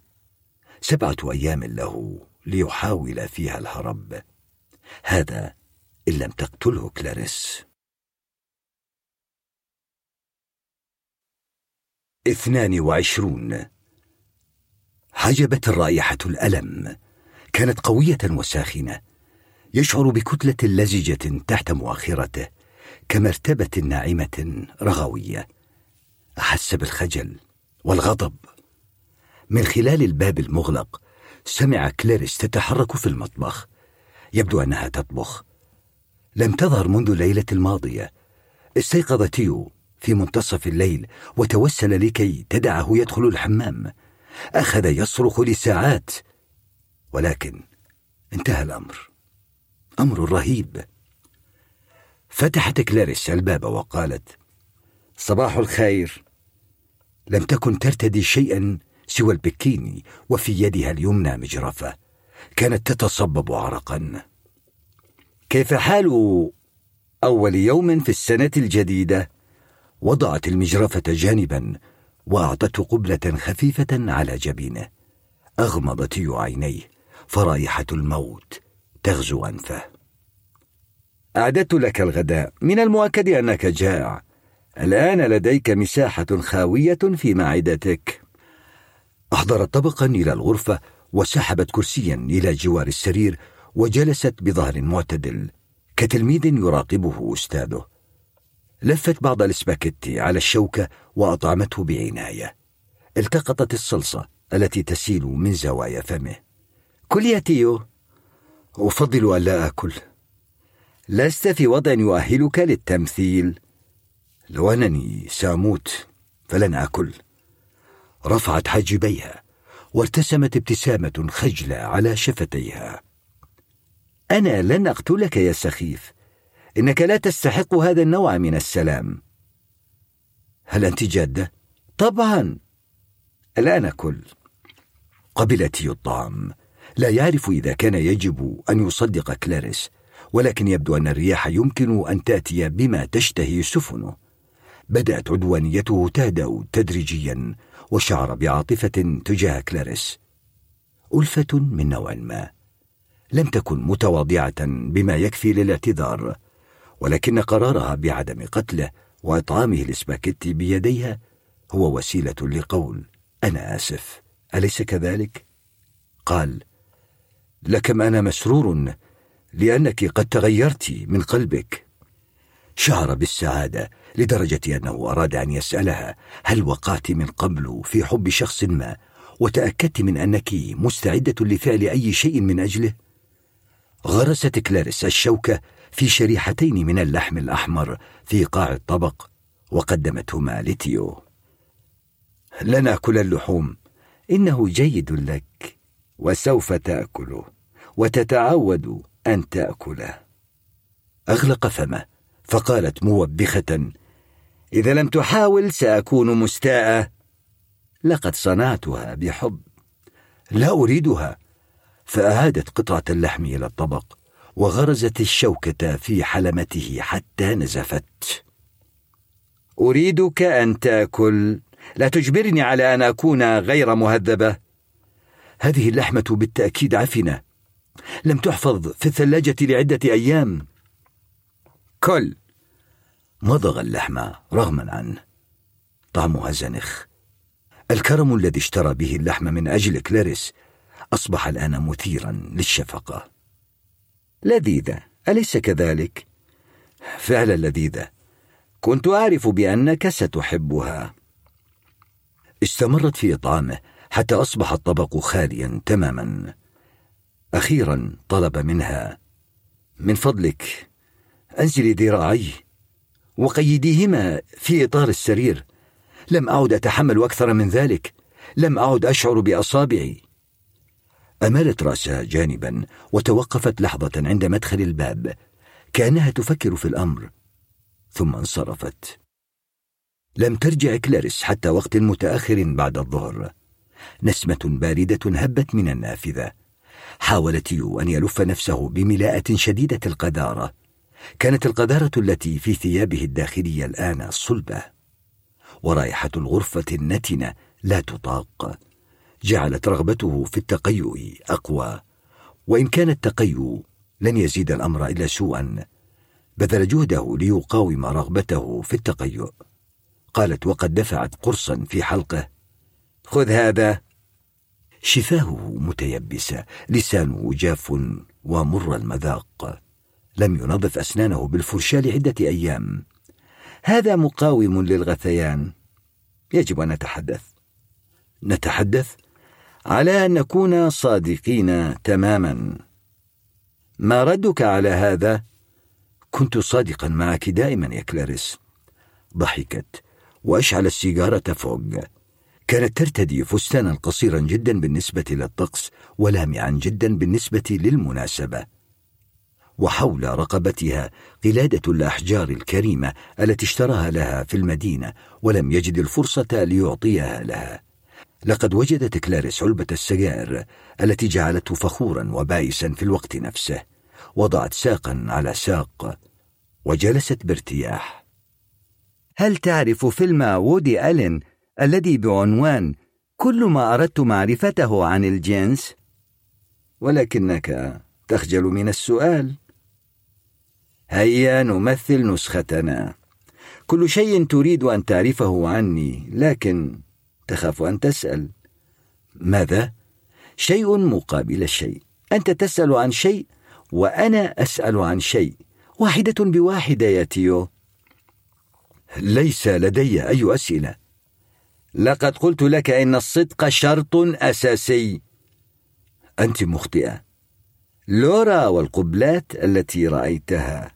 لم نتكلم عن هذا بتاتا. هذا في الماضي. أفضل ألا أعرفه. إنك تشبه أمي أحيانا. إنها أيضا تفضل أن تتظاهر بأن أشياء معينة لم تحدث. أشياء معينة مؤلمة. نفخت في وجهي الدخان. مثل رؤيتي. أقبل امرأة أخرى. تيو لا يطيق لورا. إنه بالكاد يتحامل على نفسه ويفكر فيها. وبدأ شعوره بالاشمئزاز يتزايد. فقالت كلاريس إنها ليست غلطتها. أنا أحب النساء. العبارة طعنت تيو في الصميم. لكلاريس مهارة في جرحه حينما تريد. وما رأي أمك في هذا؟ الأمر يضايقها بالطبع. الآن ظهر الألم في صوتها. لا أعرف إن كنت أود الحديث في الموضوع أم لا. غرق الاثنان في صمت كئيب. تيو أيضا لا يعرف إذا كان يود الحديث فيه أم لا. فاكتشاف أن ابنتها الغالية تحب شخصا من الجنس نفسه خيبة أمل شديدة والأسوأ. ثم أضافت أخيرا لكنني لا أعرف كيف أخفي طبيعتي. حرية كلاريس المستهتره جذبت تيو في البداية. إنه أمر لا يمكن تصوره بالنسبة إلى شخص مثله. يحسب كل خطوة قبل أن يخطو ويزين كل كلمة قبل أن يقولها. لم تكن تخجل من كونها هكذا واراد هو ألا يخجل من أن يكون هكذا أيضا. هل أمسكت بك أمك وأنت تفعلين شيئا من هذا القبيل؟ أمسكت بي مع فتاة من المدرسة. كنا مخمورتين وذهبنا إلى غرفتي لنمارس الجنس. وجدت البنت مختبئة تحت سريري. فظيع. الفظيع ما حدث بعد ذلك. قالت وكأنها ما زالت تعيسة بسبب ذلك. أخذوني إلى طبيب نفسي. هل تصدق ذلك؟ في القرن الحادي والعشرين. يظنون أنه يمكن علاجي. أتمنى ألا تكوني مثلية يا كلاريس. فما زال عندي أمل. في أنك تحبينني. عقدت شعرها إلى الخلف. للمرة الأولى يلاحظ بعض الخطوط الدقيقة على وجهها. علامات صغيرة تنم عن العمر. هل تظن فعلا أنه يمكنك أن تفوز بهكذا؟ نبرة صوتها بدت آمرة وربما تأملية. أدرك أن الأمر ما زال جديدا للغاية بالنسبة لها. لم يكن هناك طريق آخر. الثقة بي كانت حماقة. كنت في حاجة إلى المحاولة. ما كنت سأمسك بك إلى الأبد. شيئا فشيئا كنت ستصبحين حرة مرة أخرى. جئنا إلى هذه الجزيرة لأرى كيف سيكون رد فعلك. أرى الآن أن رد فعلي كان جيدا. خلق دخان السجائر غمامة رقيقة بينهما. نهضت وأغلقت النافذة. ثم أحضرت مفاتيح القيود من المطبخ. أدارت المفتاح في القيد الأيمن وصوت المعدن أعلن التحرير. لا تحاول أي شيء. وأنزلت ذراع تيو ببطء وقيدتها في إطار السرير. لم يكن في حالة تسمح له بالهجوم. عضلاته المنتفخة ارتعشت وخارت قواها سريعا. آسفة. لا أحبك بالطريقة نفسها التي أحببتني بها ووضعت المفاتيح على الطاولة الجانبية. لا يعرف تيو ماذا يقول. فقول أحبك مبتذل جدا حتى بالنسبة له. يريد أن يقول شيئا غير عادي ومثير ولكن لا يستطيع التفكير في أي شيء. غادرت كلاريس الغرفة وعادت بعد لحظة ممسكة بحقيبته الطبية. الآن جاء دوري لكي أسأل ما الرقم السري؟ ارتعب تيو وفكر في برينو ونظارته اللعينة. من فضلك فلنسهل الأمور على كلينا. كلاريس أنا كنت لطيفة للغاية معك وأنزلت ذراعيك. قل الرقم السري. إنه لأمر مزعج ألا تعرف ماذا تقول. إنها تصر بطريقة جعلته لا يمتلك قوة للمقاومة. لقد جربت كل طريقة يمكن تخيلها لكسرها ولم أفلح.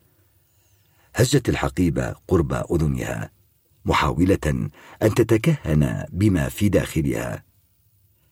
إنها أشياء مؤلمة يا كلاريس. وضعت الحقيبة على السرير ومالت عليه وأمسكت بما صمي وضغطت عليهما بقوة. نفسها جميل وإن شابه رائحة الدخان. أريد منك أن تخبرني الآن أو سأرفع ذراعيك مجددا. أغمض عينيه وشعر وكأنه في حلم. بنى بيتا من كروت حمراء عريضة حوله أشجار والشمس مشرقة وساطعة ثم نفخ في الكروت فهدمها بنفخة واحدة. الرقم هو صفر سبعة صفر ستة. وفتح عينيه. أرجوك لا تفعلي أي شيء. ثلاثة وعشرون. ابتسمت كلاريس وهي تدير الأرقام. فتحت الحقيبة وعثرت على نظارة برينو. لن ينسى تيو شكلها أبدا. اتسعت عينها في ارتباك وفتحت فمها مشدوها. تحسست أصابعها النحيلة الطويلة النظارة كأنما يمكن أن تحولها إلى شيء آخر. فجأة بدت مسحورة أو جريحة. شحب وجهها وتيبست حبالها الصوتية وانتفخ وريدها في جبينها. قبضت على أصابعها. كادت أن تحطم النظارة. ضربت الهواء بقبضتها. إن نظرة الخيانة العميقة التي حلت مكان شعورها بالتفوق جعلت تيو يشعر بالسيادة. توسلت. فسر. كان الصمت مطلقا. بينما جعل هو دقائق الهدوء تمتد. لم يشعر برغبة في شرح أي شيء. والآن بينما ذراعه تتدليان بجانبه لم يشعر بأي التزام في أن يكون لطيفا. ماذا تفعل هذه النظارة هنا يا تيو؟ لقد مات برينو. قالها بطريقة عادية كأنه يقتبس سطرا من رواية. رمشت كلاريس. كأنها تحاول حماية عينيها من شيء ما. بدأت في البكاء. لم يفهم تيو كيف يمكن أن تمتلك القدرة على أن تفكر في برينو بهذا الشكل بعد كل الذي مر به معا. لقد دمر رد فعلها شيئا مميزا في علاقتهما. تمنى لو أنه يستطيع أن يقول شيئا يضع حدا لمعاناتها لكنه يعلم أن هناك لحظات في الحياة تكون ضرورية. بجانب ذلك كان على يقين من أنها فعلا كانت تعرف. إن كلاريس تبكي لأنها أحست بضرورة أن تبدو حزينة. بدا الأمر كأنهما في مسرح خشبة المسرح والأضواء والجمهور ينتظر أداء دراميا لقد قتلنا برينو. لم يظهر عليها الاندهاش كما توقع. أفعلنا ذلك؟ نعم. ألا تتذكرين؟ أنت كاذب. فعلنا ذلك معا يا كلاريس. كان سيقتلنا وجد تيو ذلك مسليا وخصوصا رد فعلها. أسقطت كلاريس النظارة ثم وقعت على الأرض حيث تكورت كالطفل الرضيع. دفنت وجهها بين يديها وأطلقت صرخة مدوية. أنا لا أتذكر لا أتذكر. ضغطت على صدغيها بشكل مرعب. أحمر وجهها بشدة وبدت كما لو أنها ستنهار أمام عينيه. تمنى تيو لو تحرر من قيوده ليحتضنها لكنه يعلم أنها ستوقفه لو حاول أن يقترب من المفاتيح التي على الطاولة. أعلم أنه سوء حظ ولكن لا أحد يعرف. كاذب! مريض نفسي! أخذت كلاريس ترميه بالشتائم دون توقف ضغطت على شفتيها واهتز جسدها وشهقت بطريقة محزنة كأنها طفل متعب. فقال لها بهدوء كفى توقفي عن البكاء. على أحد منهما أن يحافظ على هدوئه لكنها صرخت أحب برينو. فضحك تيو لقد حاول اغتصابك. جعلته الكذبة يشعر بأنه منحرف نوعا ما. ولكن الأمر لم يكن غير حقيقي بشكل كامل. فعلى أي حال ذهب برينو إلى تريسوبوليس بدون دعوة ولم يكن في حالته العقلية السليمة. كان من الممكن أن يؤذي كلاريس لو لم يتم إيقافه. قال تيو أخيرا وعلى وجهه ابتسامة زائفة. لقد ساعدتني في دفنه. بدأت الأضواء تخفت ووقف الجمهور ليقدم التحية بتصفيق متحمس جدا. حاول أن يصفق ولكن سلسلة القيود قصيرة جدا. بالكاد تلامست أطراف الأصابع. حاولت كلاريس أن تقف. ذراعها كغصنين صغيرين ترنحت في اتجاهه. الآن يستطيع تيو أن يحتضنها ويقول لها إن كل شيء سيصبح على ما يرام. مد يديه ودعني يلمس جلدها الذي لا بد وأنه ساخن جدا إثر هذه الإثارة. لم يتوقع أن يتلقى صفعة قوية على وجهه. أفقدته توازنه. ترددت الضجة مرة ثانية كأنها صرير في لوح في الأرضية. من الأنانية أن تجلده كأنها تستطيع أن تلقي بجزء من المسؤولية عليه. ارتعبت يو من موقفها حتى إنه لم يحاول المقاومة. تركها تضربه في صمت حتى وإن كان الضرب يؤلمه. تمزق جلده. انفتحت البثور في وجهه مجددا واضطر أن يغلق عينه اليسرى عندما سقطت فيها نقطة دم. كل هذه الضجة من أجل هذا المقرف عازف الجيتار الذي تدخل في حياته بطريقة غير مناسبة اطلاقا. لم تكن كلاريس في الواقع منزعجة بسبب موت برينو بل من المحتمل أنها قد استراحت.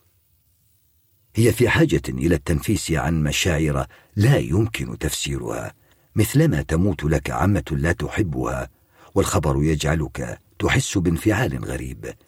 إنها تحتاج إلى أن تصب غضبها على أي شخص. إنها تصب غضبها عليه. تناولت كلاريس المسدس من درج الخزانة. أمسكت به في ارتباك بيد ترتعش. الماسورة موجهة إلى تيو مباشرة. شدت الزناد عدة. لم تتذكر أنه غير محشو. إن كلاريس التي أمام تيو ليست هي المرأة التي قابلها في حفل الشواء ولا هي كلاريس التي قضى معها أوقاتا سعيدة في تيريسوبوليس وأمضيا معا تلك الليلة التي لا تنسى في الفندق. ولا حتى كلاريس التي انتقمت منه بحرق الصور ونفخ الدخان في وجهه. إنها شخص آخر. هائجة بشكل مزعج وبعينين مغرورقتين وجامدتين. إنها كلاريس بلا روح. ثم صوبت المسدس نحو رأسها هي متكئة على الحائط لكي تظل واقفة. إنها ترتجف بشدة. يبدو أن السلاح ثقيل على يدها كأنما استنزفت قواها. رمقت تيو بنظرة شيطانية وقابلها بتعبير ينم على عدم الفهم والندم. ضغطت على الزناد دون تردد. أحبطها صوت ضغطة الزناد دون طلقة.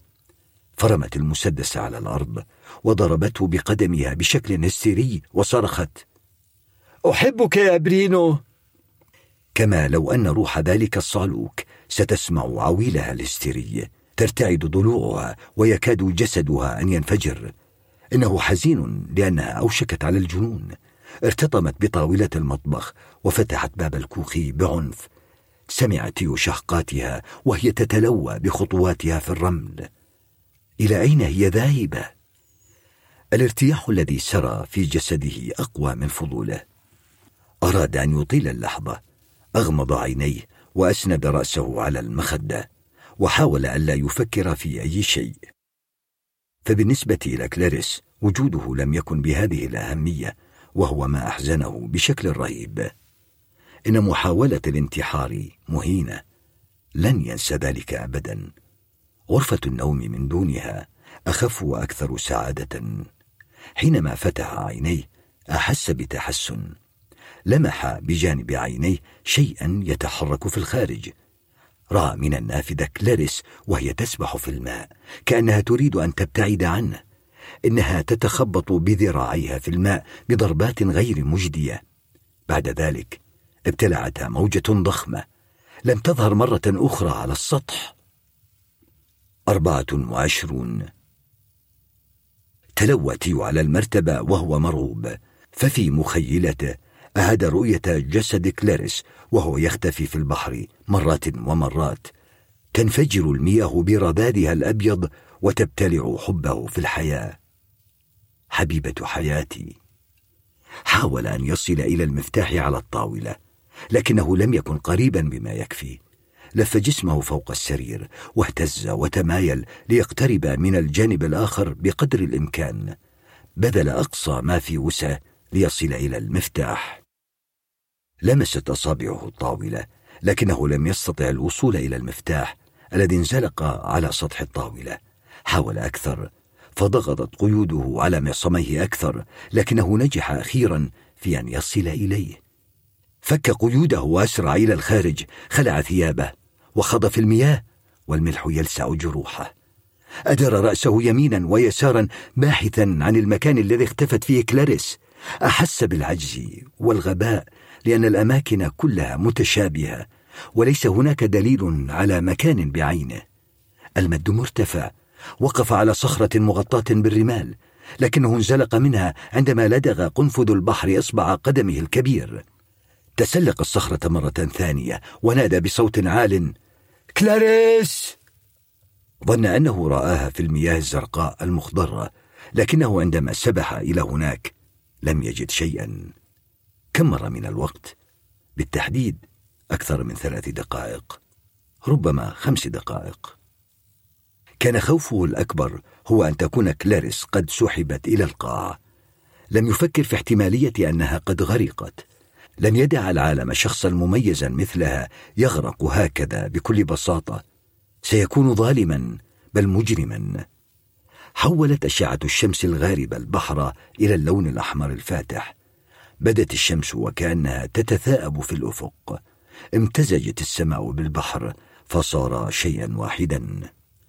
استمر تيو في السباحة بصعوبة كبيرة مع تيار ظل يجذبه إلى أسفل. غاص تحت الماء وفتح عينيه. روعة الطبيعة جذبت انتباهه. اضطر إلى أن يسبح عائدا إلى البر. الرياح الباردة نفدت إلى عظامه. شعر بالبرد. شعور غريب انتابه عقله ما زال يفكر بطريقة منطقية بينما استسلم جسده لردود أفعال لا إرادية. أحس بالاعياء كل تفكيره مأساوي. رأى كلاريس كانت قريبة من منطقة صخرية بدت عالقة في وضع صعب بين صخرتين شعرها غطى وجهها. ذراعاها ملقيتان بجوارها وتتحركان إلى أعلى وأسفل مع الموج بشكل مخيف. باستثناء ذلك فقد كانت ساكنة تماما. ودون تردد القى تيو بنفسه في الماء والألم يمزق صدره وذراعه اليمنى. دفع بساقيه ورفع ذراعيه عاليا في الهواء كأنه يريد أن يتأكد من أن كلاريس ستتذكر أنه قام بعمل بطولي وأنقذها. عندما وصل إلى الصخور لم يجد مكانا ليتشبث به فالبرد والتعب جعلا رؤيته مشوشة. اضطر إلى أن يتشبث بذراع كلاريس ويعلو فوق جسدها. تمزق فستانها وعندما أصبح فوقها رأى دما. جسدها كله مليء بالسحجات والكدمات كانت كلاريس واعية. ولكن في حالة اضطراب أخذت تلهث ويبدو أنها قد ابتلعت كمية كبيرة من المياه. أخذ قلبها يدق بسرعة. ابقي هادئة. مزق فستانها. لم تكن ترتدي شيئا تحته. حاول أن يقبلها ولكن الأمواج القوية قذفت بهما إلى الصخور. الدم يتدفق من جرح في مؤخرتها والتي تحولت إلى قطع من اللحم. اهتزت وغمغمت بكلام غير مفهوم. فكر في أنها قد نادت برينو ولكنه لم يأخذ الموضوع بصفة شخصية. احتاج لأن يحلل حالة كلاريس. كلاريس الخاصة به. وكل ما يشعر به من ندم ناحيتها. يستطيع إنقاذها وكان فخورا بثقته تلك. بحركة سريعة رفع أردافها وربط فستانها حول مؤخرتها ساعد هذا الإجراء في إيقاف تدفق الدم. أصبح قادرا على حملها. أمسك بها من تحت إبطيها وسبح ولكنها كانت أثقل من الطبيعي. تطلبت جهدا فوق طاقته. عليه أن يجد وضعا آخر. وضعها على كتفيه وسبح. رغم أن الثقل كان على رقبته وظهره مما جعله يغوص أحيانا. ويبتلع ماء مالحا فيفقد توازنه للحظات. كادت كلاريس أن تنزلق من فوقه أكثر من مرة وبالكاد تمكن من البقاء فوق المياه. أدرك بأنه ما زال بعيدا جدا عن الشاطئ ففكر في كم هو مثير أن يموتا معا غارقين بين ذراعي المحيط الأطلنطي المغريتين. ذراعا المحيط الأطلنطي المغريتان لقد استخدم كاتب ما هذا التعبير في إحدى الروايات. خفف من قبضته على ذراعها مستعدا لتركها اولا ولكن لمست قدمه الرمال فشعر بالحيوية وعادت له ثقته في نفسه. رفع كلاريس فوق الماء مرة أخرى مثبتا قدميه في الرمل ثم حملها بين الأمواج المنكسرة والزبد. لم تزل شاحبة وتسعل تعلق شعرها الطويل بصدر تيو الذي شعر بأنه الأمير الوسيم الذي أنقذ حبيبته.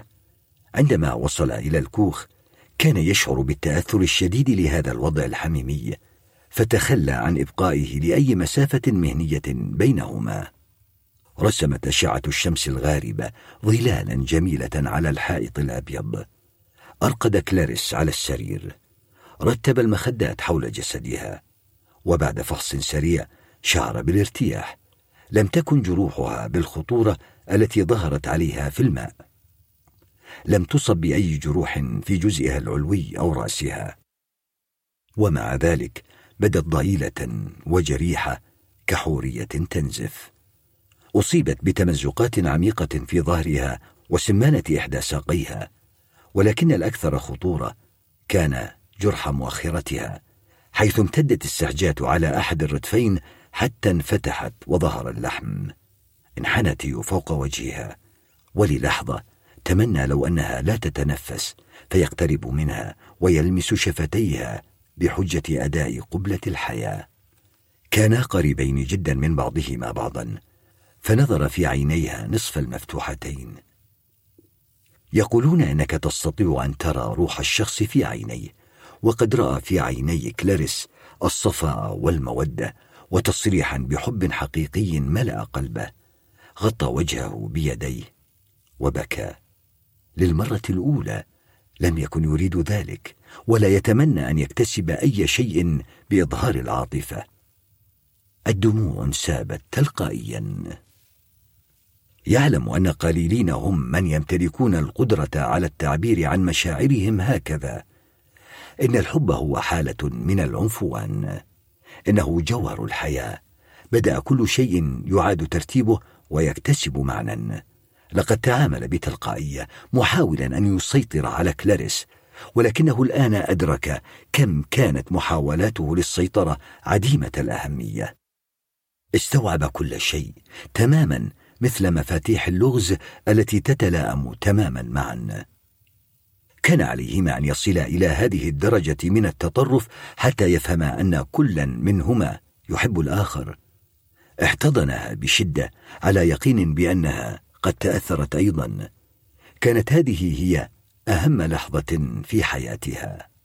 إنه متأكد احتضنها وبكى على كتفها. استمرت كلاريس في السعال والتنفس بصعوبة لكنه سمعها بوضوح تقول أحبك وأنا أحبك أيضا يا كلاريس. أنت أميرتي. قبلها قبلات عدة خفيفة ثم قبلة نهائية طويلة أوقفتها عن الكحة. سأضطر إلى تخديرك. لن تؤلمك. أنا أعلم ما أفعل. ستكونين بخير. لبس قفازا طبيا ثم أحضر بعض الشاش من حقيبة الزينة. نظر إلى كلاريس بجدية محاولا أن يغرس فيها الثقة. حقنها بثيولاكس. ارتعش جفناها ثم أغمضتهما. اتى تيو بسكينة الطهي ووضعها فوق لهب الفانوس. لو أن كلاريس مستيقظة لأصيبت بالرعب منها. ولذلك أراد أن يطمئنها في حالة أنها ما زالت تسمعه. لا تقلقي. فك الفستان الذي ربطه حول الجرح الرئيسي. اشتد النزيف فاضطر أن يضغط بالشاش على الوريد الصغير المفتوح. نظف كلاريس وحرص على ألا يؤذيها. شفتاها رقيقتان. لكم يحبه ماتيو. الجرح الذي في ردفها الأيسر عميق لدرجة أنه وصل للنسيج تحت الجلد وعر ألياف عضلة الأرداف. تمزقت العضلة وتمزق الجلد. تمنى ألا يكون هناك كسر في العظام.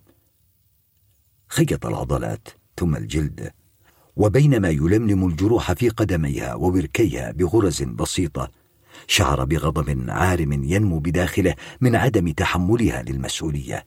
عندما أصبحت هي المسيطرة انفصلت تماما عن الواقع.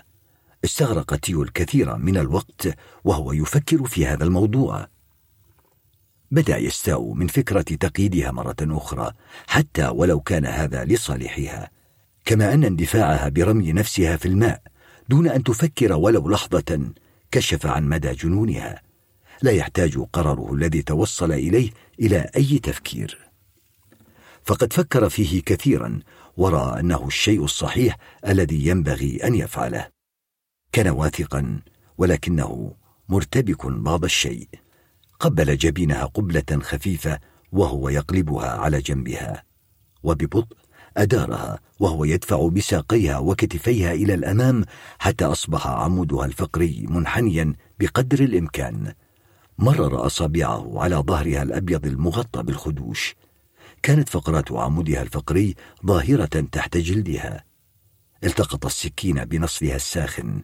وغرسها في ظهر كلاريس بين الفقرتين القطنيتين الأولى والثانية. شعر بالمقاومة لذا غير الموضع ليزيد من الضغط. انفتح القطع أكثر منفرجا كالفم الواسع المبتسم. غاص النصل بين الفقرات حتى انبعثت رائحة لحم يحترق. ظل تيو يراقبها لا يريد أن يخاطر بحياتها. ترك المقبضة من الأرهاق. ارتعدت السكين في لحمها وبدأ جسمها يسترخي. ركع بجوار السرير باحثا عن وضع أفضل حتى انتهى من تمزيق العمود الفقري لكلاريس. خمسة وعشرون. اتسم الليل بهدوء نسبي وقبل الساعة الخامسة بقليل استيقظت كلاريس لفترة وجيزة وهي تتنفس بصعوبة وتعاني حمى شديدة. تعامل تيو مع الموقف بمخفضات الحرارة والمضادات الحيوية وثيولاكس. علم تيو أن التجربة قد نجحت ولكنه كان متلهفا لكي تستيقظ كلاريس لدرجة أنه لم يستطع النوم. غير ملاءات السرير الملطخة بالدم ونظف الفوضى التي في الغرفة الأخرى. أعاد نظارة برينو في حقيبته الطبية وأخذ دشا سريعا ليتخلص من تلك الرائحة الفظيعة العالقة به.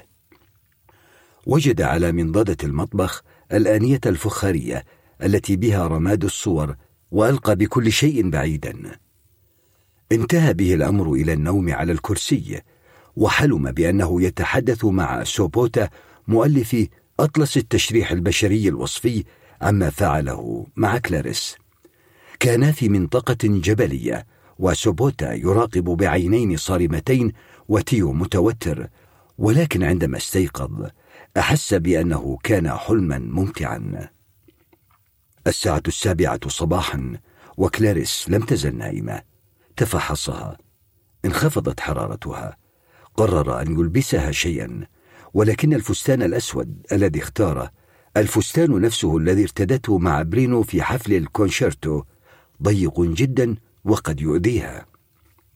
أخذ وقتا ليختار بين اثنين آخرين واختار أخيرا الذي عليه نقوش الزهور البرية. من الرائع أن تعود مسيطرا مرة أخرى.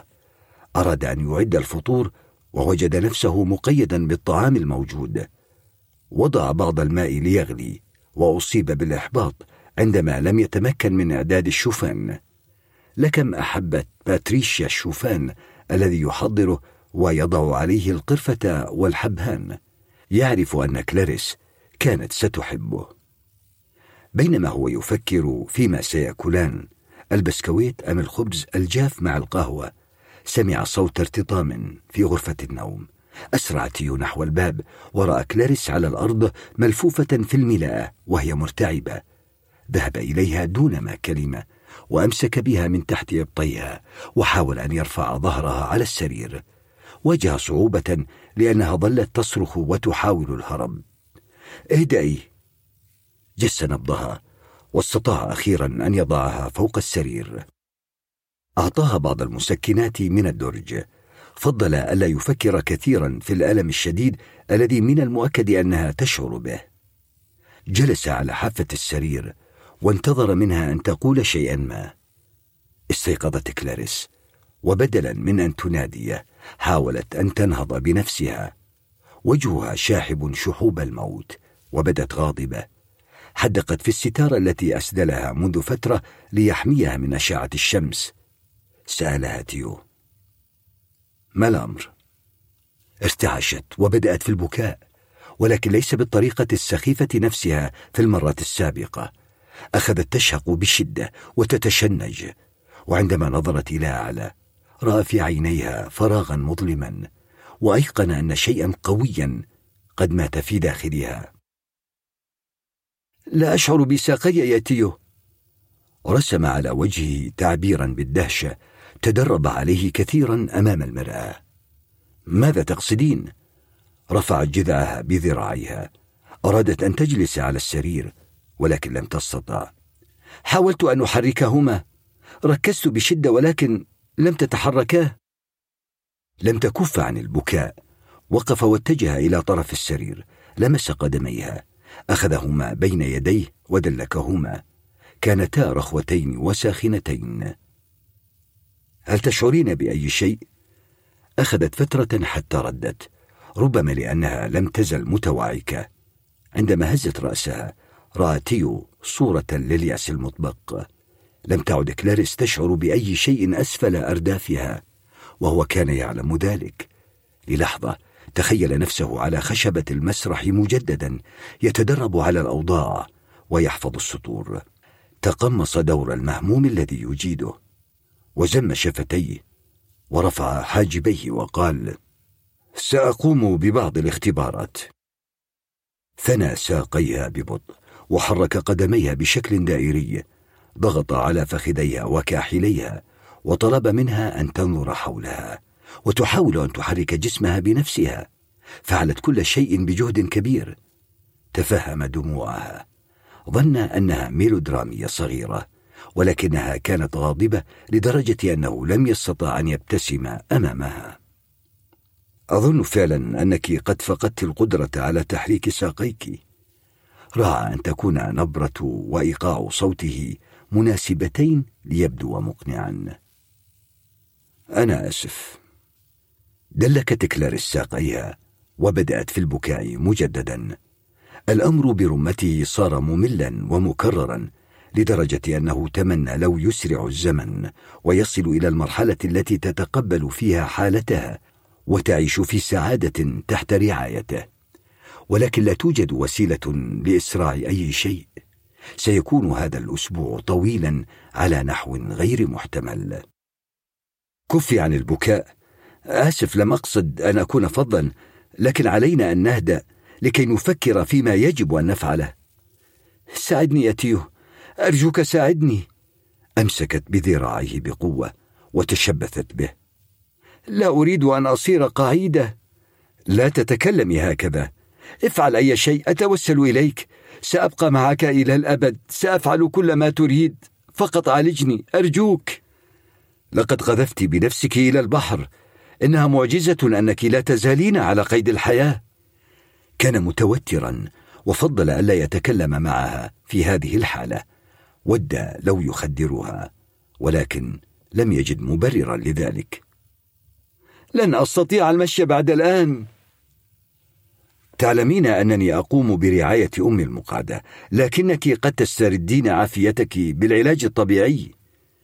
قال ذلك وهو يعلم تماما أن العلاج الطبيعي لن يفيدها. أريد أن أمشي الآن. فتحت كلاريس عينيها لأقصى مدى وحدقت في ساقيها. كما لو أنها بذلك ستجبرهما على الحركة مجددا. وفي الوقت نفسه انتفض جذعها فجأة إلى الأمام ومال رأسها قليلا وتقيأت. ضغطت بيديها على بطنها وانتحبت. ذهبت ليأتي بملاءات نظيفة. أحس بالارتياح عندما خرج من الغرفة وتعمد أن يتأخر عند حبل الغسيل. كأنه يبحث عن الملاءة الأكثر جفافا. لم يجد سوى واحدة. لا يمكنه سماع بكائها في الخارج مما خفف من إحساسه بالاختناق من الأماكن المغلقة. وقبل أن يعود إلى غرفة النوم وضع كرسي مطبخ تحت الدش وقال لكلاريس تحتاجين إلى دش بارد. كانت متعرقة بعد أن تقيأت المسكنات حركتها ضعيفة تقبض بيديها على أسفل ظهرها. سحب تيو الملاءة وحاول أن يرفعها بقدر ما يستطيع رغم أنه لا يوجد شيء كثير ليفعله إذ إنها كسولة كالقطة الراجدول رفعها وأجلسها على الكرسي بحيث لا يحدث ضغطا على الضمادة في ردفها الأيسر. فتح الماء البارد وشطف جبينها. ساعدها على خلع ثيابها. للمرة الأولى لم يتأثر بعريها. شعور عادي لقد أعجب بها وأحبها ويريد أن يظل هكذا للأبد حتى لو كانت مريضة أو قذرة أو أي شيء آخر. إنه يكره الإحساس الذي شعر به في ليلة الكريسماس.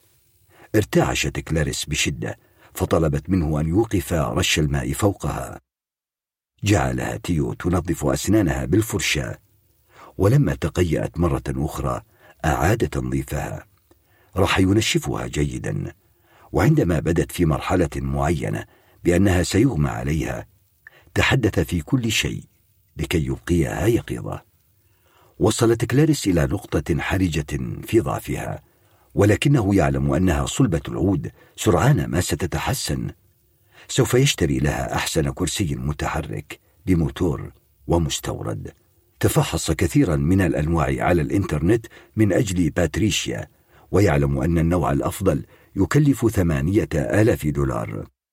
كرسي بأربع عجلات مزخرفة يناسب شخصية كلاريس المرحة في السير على الأرض. تقيأت للمرة الثالثة وفكر في أنه لن يخرج أبدا من الحمام. لكن عزاءه الوحيد كان في أنه لم يتبقى شيء في جسدها الضئيل. بعدما شطفها مرة أخرى أخذ تيو يفكر في الغداء. بدت كلاريس مرهقة تماما على الرغم من أنها أصبحت نظيفة للغاية. تركها في الحمام وراح ينظف الملاءة مرة ثانية. رش عطرا ليحجب الرائحة الكريهة وسألها بعد أن عاد إلى الغرفة. هل أنت بخير؟ بدت عينا كلاريس المغرورقتان خاليتين من التعبير. أريد أن أبقى وحدي. هز كتفيه ونهض. لا يرغب في تركها. ومع ذلك اتجه نحو الباب. أشارت إليه كلاريس أن يرجع. أرجوك قل إن هذا قابل للعلاج. لا أعرف لا أريد أن أكذب عليك. ما الذي حدث بالضبط؟ حاولت أن تغرقي نفسك. ومن المؤكد أن الأمواج قد دفعت بك تجاه الصخور. هناك جرح عميق في ظهرك وآخر في مؤخرتك. وحقيقة انك لا تشعرين بشيء في وركيك إلى أسفل هو إصابة في عمودك الفقري والجرح الذي في ظهرك يؤيد ذلك. لكنني لم أستطع رؤية شيء. كنت تنزفين بغزارة وكل ما فعلته هو أنني قد خضت الجروح. أومأت كلاريس برأسها كأنها تتخيل المشهد. أضاف أظن أن الصخرة كانت حادة جدا. كيف تخلصت من القيود؟ أنزلت يدي إلى أسفل ونجحت في التخلص من القيد. أنت فعلا محظوظة يا كلاريس. لقد أنقذت حياتك. أنقذت؟ خلا وجهها من أي تعبير وهو ما أزعجه بشدة. لم تسقط أي دمعة الآن. أريد أن أموت وأنت لن تمنعني إلى الأبد. صفع تيو الباب وراءه وخرج. وقف تحت الدش وترك الماء ينساب على وجهه. الإعجاب الذي أحس به تجاه كلاريس تحول إلى قلق. إنه غاضب جدا ويعلم أنه لو عاد إلى غرفة النوم لانتهى الأمر بإهانتها. لم يكن غضبه عاديا كان ساخطا. هو ساخط على كل شيء. فكر في الأشياء التي قالها لها والأشياء التي قالتها له. لم تزل كلاريس تكن شعورا للشاب الميت الذي ما زال حيا في تفكيرها. أكدت تصرفاتها بأنها ليست سليمة العقل. تقديم اللحم العفن وحرق الصور وتعذيبه بعنف. يجب حماية كلاريس من نفسها. تفهمت أنها قد عانت ولكنه غير نادم على ما فعله لها ولا حتى لثانية. ففي النهاية كل ذلك لصالحها ستة وعشرون. تمشى تيو حتى الغرفة وهو يتناول ساندويتش. كلاريس نائمة وإن كان لديه إحساس بأنها تغمض عينيها فقط. قرر ألا يفرض عليها أي شيء بالقوة. الدنيا مظلمة جدا في الخارج. لا يوجد قمر. لم ير ضرورة لغلق باب غرفة النوم بالقفل. أكل الساندويش رغم أنه ليس جائعا واستلقى في الغرفة الأخرى ليقرأ قليلا. وبينما يغمض عينيه فكر في أنه يستحق أن ينام حتى ساعة متأخرة في اليوم التالي ولو حتى لبعد التاسعة. حلم بأشياء غريبة بأشكال غريبة تخص الحيوانات وتتحدث مع أشياء غير حية. رأى الكثير من الدماء وكذلك ألوانا من الأبيض والذهبي. استيقظ بشعور قوي بأن كلاريس قد ماتت. تخيل جسدها معلقا فوق السرير وحول رقبتها الملاءة التي أحضرها من حبل الغسيل. أراد أن يسرع إلى الغرفة الأخرى ولكنه سيطر على نفسه. فالإيمان بالأحلام شيء سخيف ولو أنه استمر على هذا المنوال لانتهى به الأمر إلى الجنون لبس الشبشب وذهب لينظف أسنانه. نظر إلى نفسه في المرايا. وجد أن وجهه في حالة أفضل وجروحه قد تحسنت. ربما اختفت تماما مع موعد حضور المرأة العجوز ثانية. أزاح الشفرة التي استخدمتها كلاريس. لا يدري من أين أتت بها. ربما كانت في البيت والقصافة. وجد مكانا جديدا خبأ فيه السكاكين وكل الأدوات الحادة لمجرد الحرص. وجد ماسورة سميكة في المطبخ بارزة من فتحة في الحائط خلف آنية واسعة. سحب الآنية ودس كل شيء قد يشكل تهديدا في الماسورة كانت كلاريس غارقة في النوم. الشمس حامية رغم أن الساعة ما زالت السابعة صباحا. أسدل الستائر كلها. كان متأكدا من أنها تظاهرت بالنوم الليلة الماضية لكي تتحاشى الحديث معه. تخيلها مشنوقة بالملاءة ولكن تصوره هذا أحبطه. صنع بعض القهوة. لم يرغب في تحضير الإفطار. لذلك فقد عاد إلى غرفة النوم. سحب الملاءة التي تتغطى بها كلاريس وسكب القهوة فوقها. الثلاث ملاءات الأخرى في حاجة إلى الغسيل. واحدة متسخة بالقيء والأخريان بالدم. لم يعد هناك أي شيء آخر يمكن أن تشنق به نفسها. وعلى الرغم من حالتها فإنه لا يريد أن يستهين بما هي قادرة على فعله. ما زال الوقت مبكرا لذا قرر تيو أن يذهب للسباحة. درجة الحرارة مناسبة. ظل تحت الماء لفترة طويلة والشمس جعلت جسمه يشعر بالنشاط. تمشى بعيدا عن الكوخ. أخذت الأمواج تضرب كاحليه. بدأ الأمر لطيفا. بعد أن سار لمسافة كافية استدار وعاد أدراجه. بدأت أفكاره تفقد قوتها ووجد نفسه يدندن بأغنية حزينة وإن كان لا يحبها. حالته المزاجية تعلو وتهبط. فكر في الحروب والمذابح وزحمة المرور والفساد والرصاصات الطائشة وشعر بالنعمة لأنه في ذلك الفردوس وباله خال من المآسي التي لم يعد قلبه يستطيع السيطرة عليها. فكر في برينو في يده الجيتار ولا يوجد في جيبه بنس واحد. شعر باليأس. برينو مثله. ليس له وجه ودود كما أنه كان يرتدي نظارة مستطيلة تظهره أكبر من سنه. بأمانة لم يفهم تيو ما الذي رأته كلاريس في برينو جسديا. لقد أدرك أنه أخطأ حين احتفظ بالنظارة. من الواضح أنه قد صدم لأنه لم يفكر في هذا الأمر من قبل. لقد رأت الشرطة النظارة عندما وصل إلى إلها جراندي وحاولت كلاريس الانتحار بسببها. أسرع إلى الكوخ وأخرجها من حقيبته الطبية. فسوء حظه كله نبع من ذلك الشيء ولربما يتحسن حظه إذا تخلص منها. كسرها إلى نصفين وسحق العدسات تماما. كانت سميكة جدا. كان برينو أعمى حرفيا. وفي تلك اللحظة أحس بأن ثقلا قد انزاح من على كتفيه. شعر وكأنه يسبح في الفضاء. ذهب إلى البحر وقذف بالنظارة إلى أبعد ما يستطيع. مشى فوق الرمال متثاقلا وهو يضحك بلا سبب. سبح قليلا قبل عودته إلى الكوخ. كانت كلاريس مستيقظة. مر على الباب نصف المفتوح. نظر وأومأ لها برأسه دون أن يبطئ من خطواته. أخذ دشا وارتدى ثيابه. لم تكن كلاريس في حالة مزاجية جيدة ولا هو شعر بأنه سيتقبل منها أي شيء خصوصا بعدما قالت. طبخ شوربة البطاطس للغداء. عندما دخل غرفة النوم أبعدت ناظريها عنه. من الواضح أنها كانت تتجنب النظر إليه. وضع طبق الشوربة والملعقة على الطاولة الجانبية وانصرف. قضى فترة ما بعد الظهر في غرفة المعيشة يقرأ سلامة مريض الجراحة يجب أن يكون منتجا وذكيا.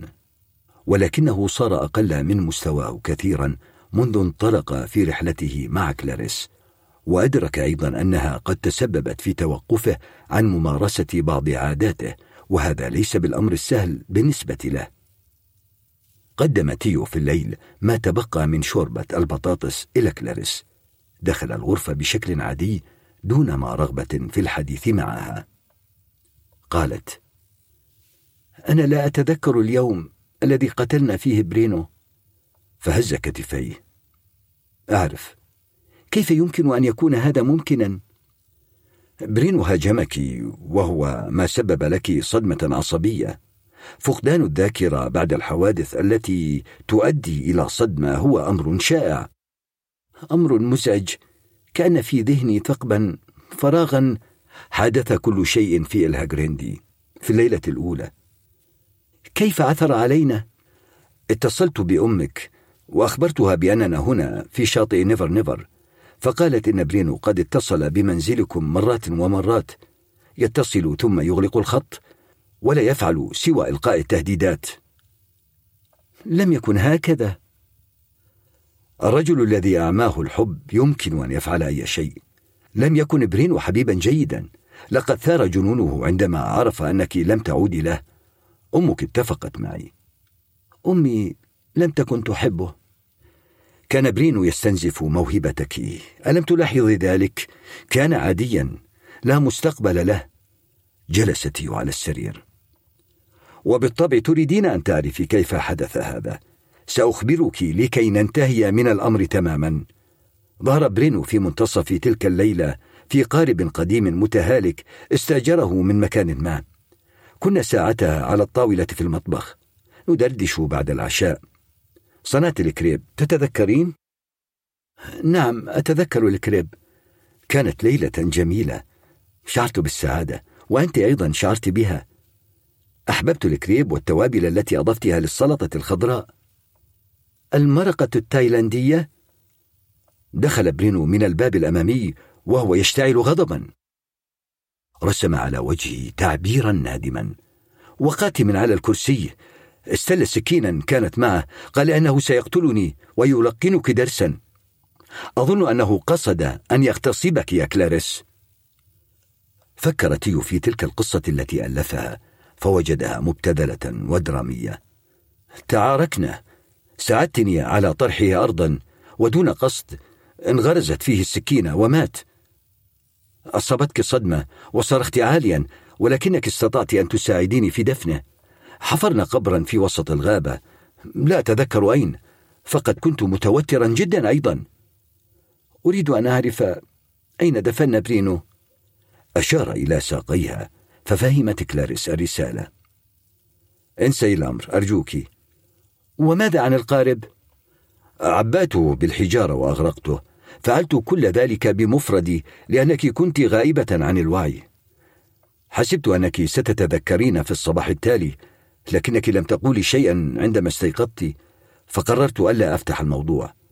ثم اكتشفت بعد ذلك أنك نسيت كل شيء.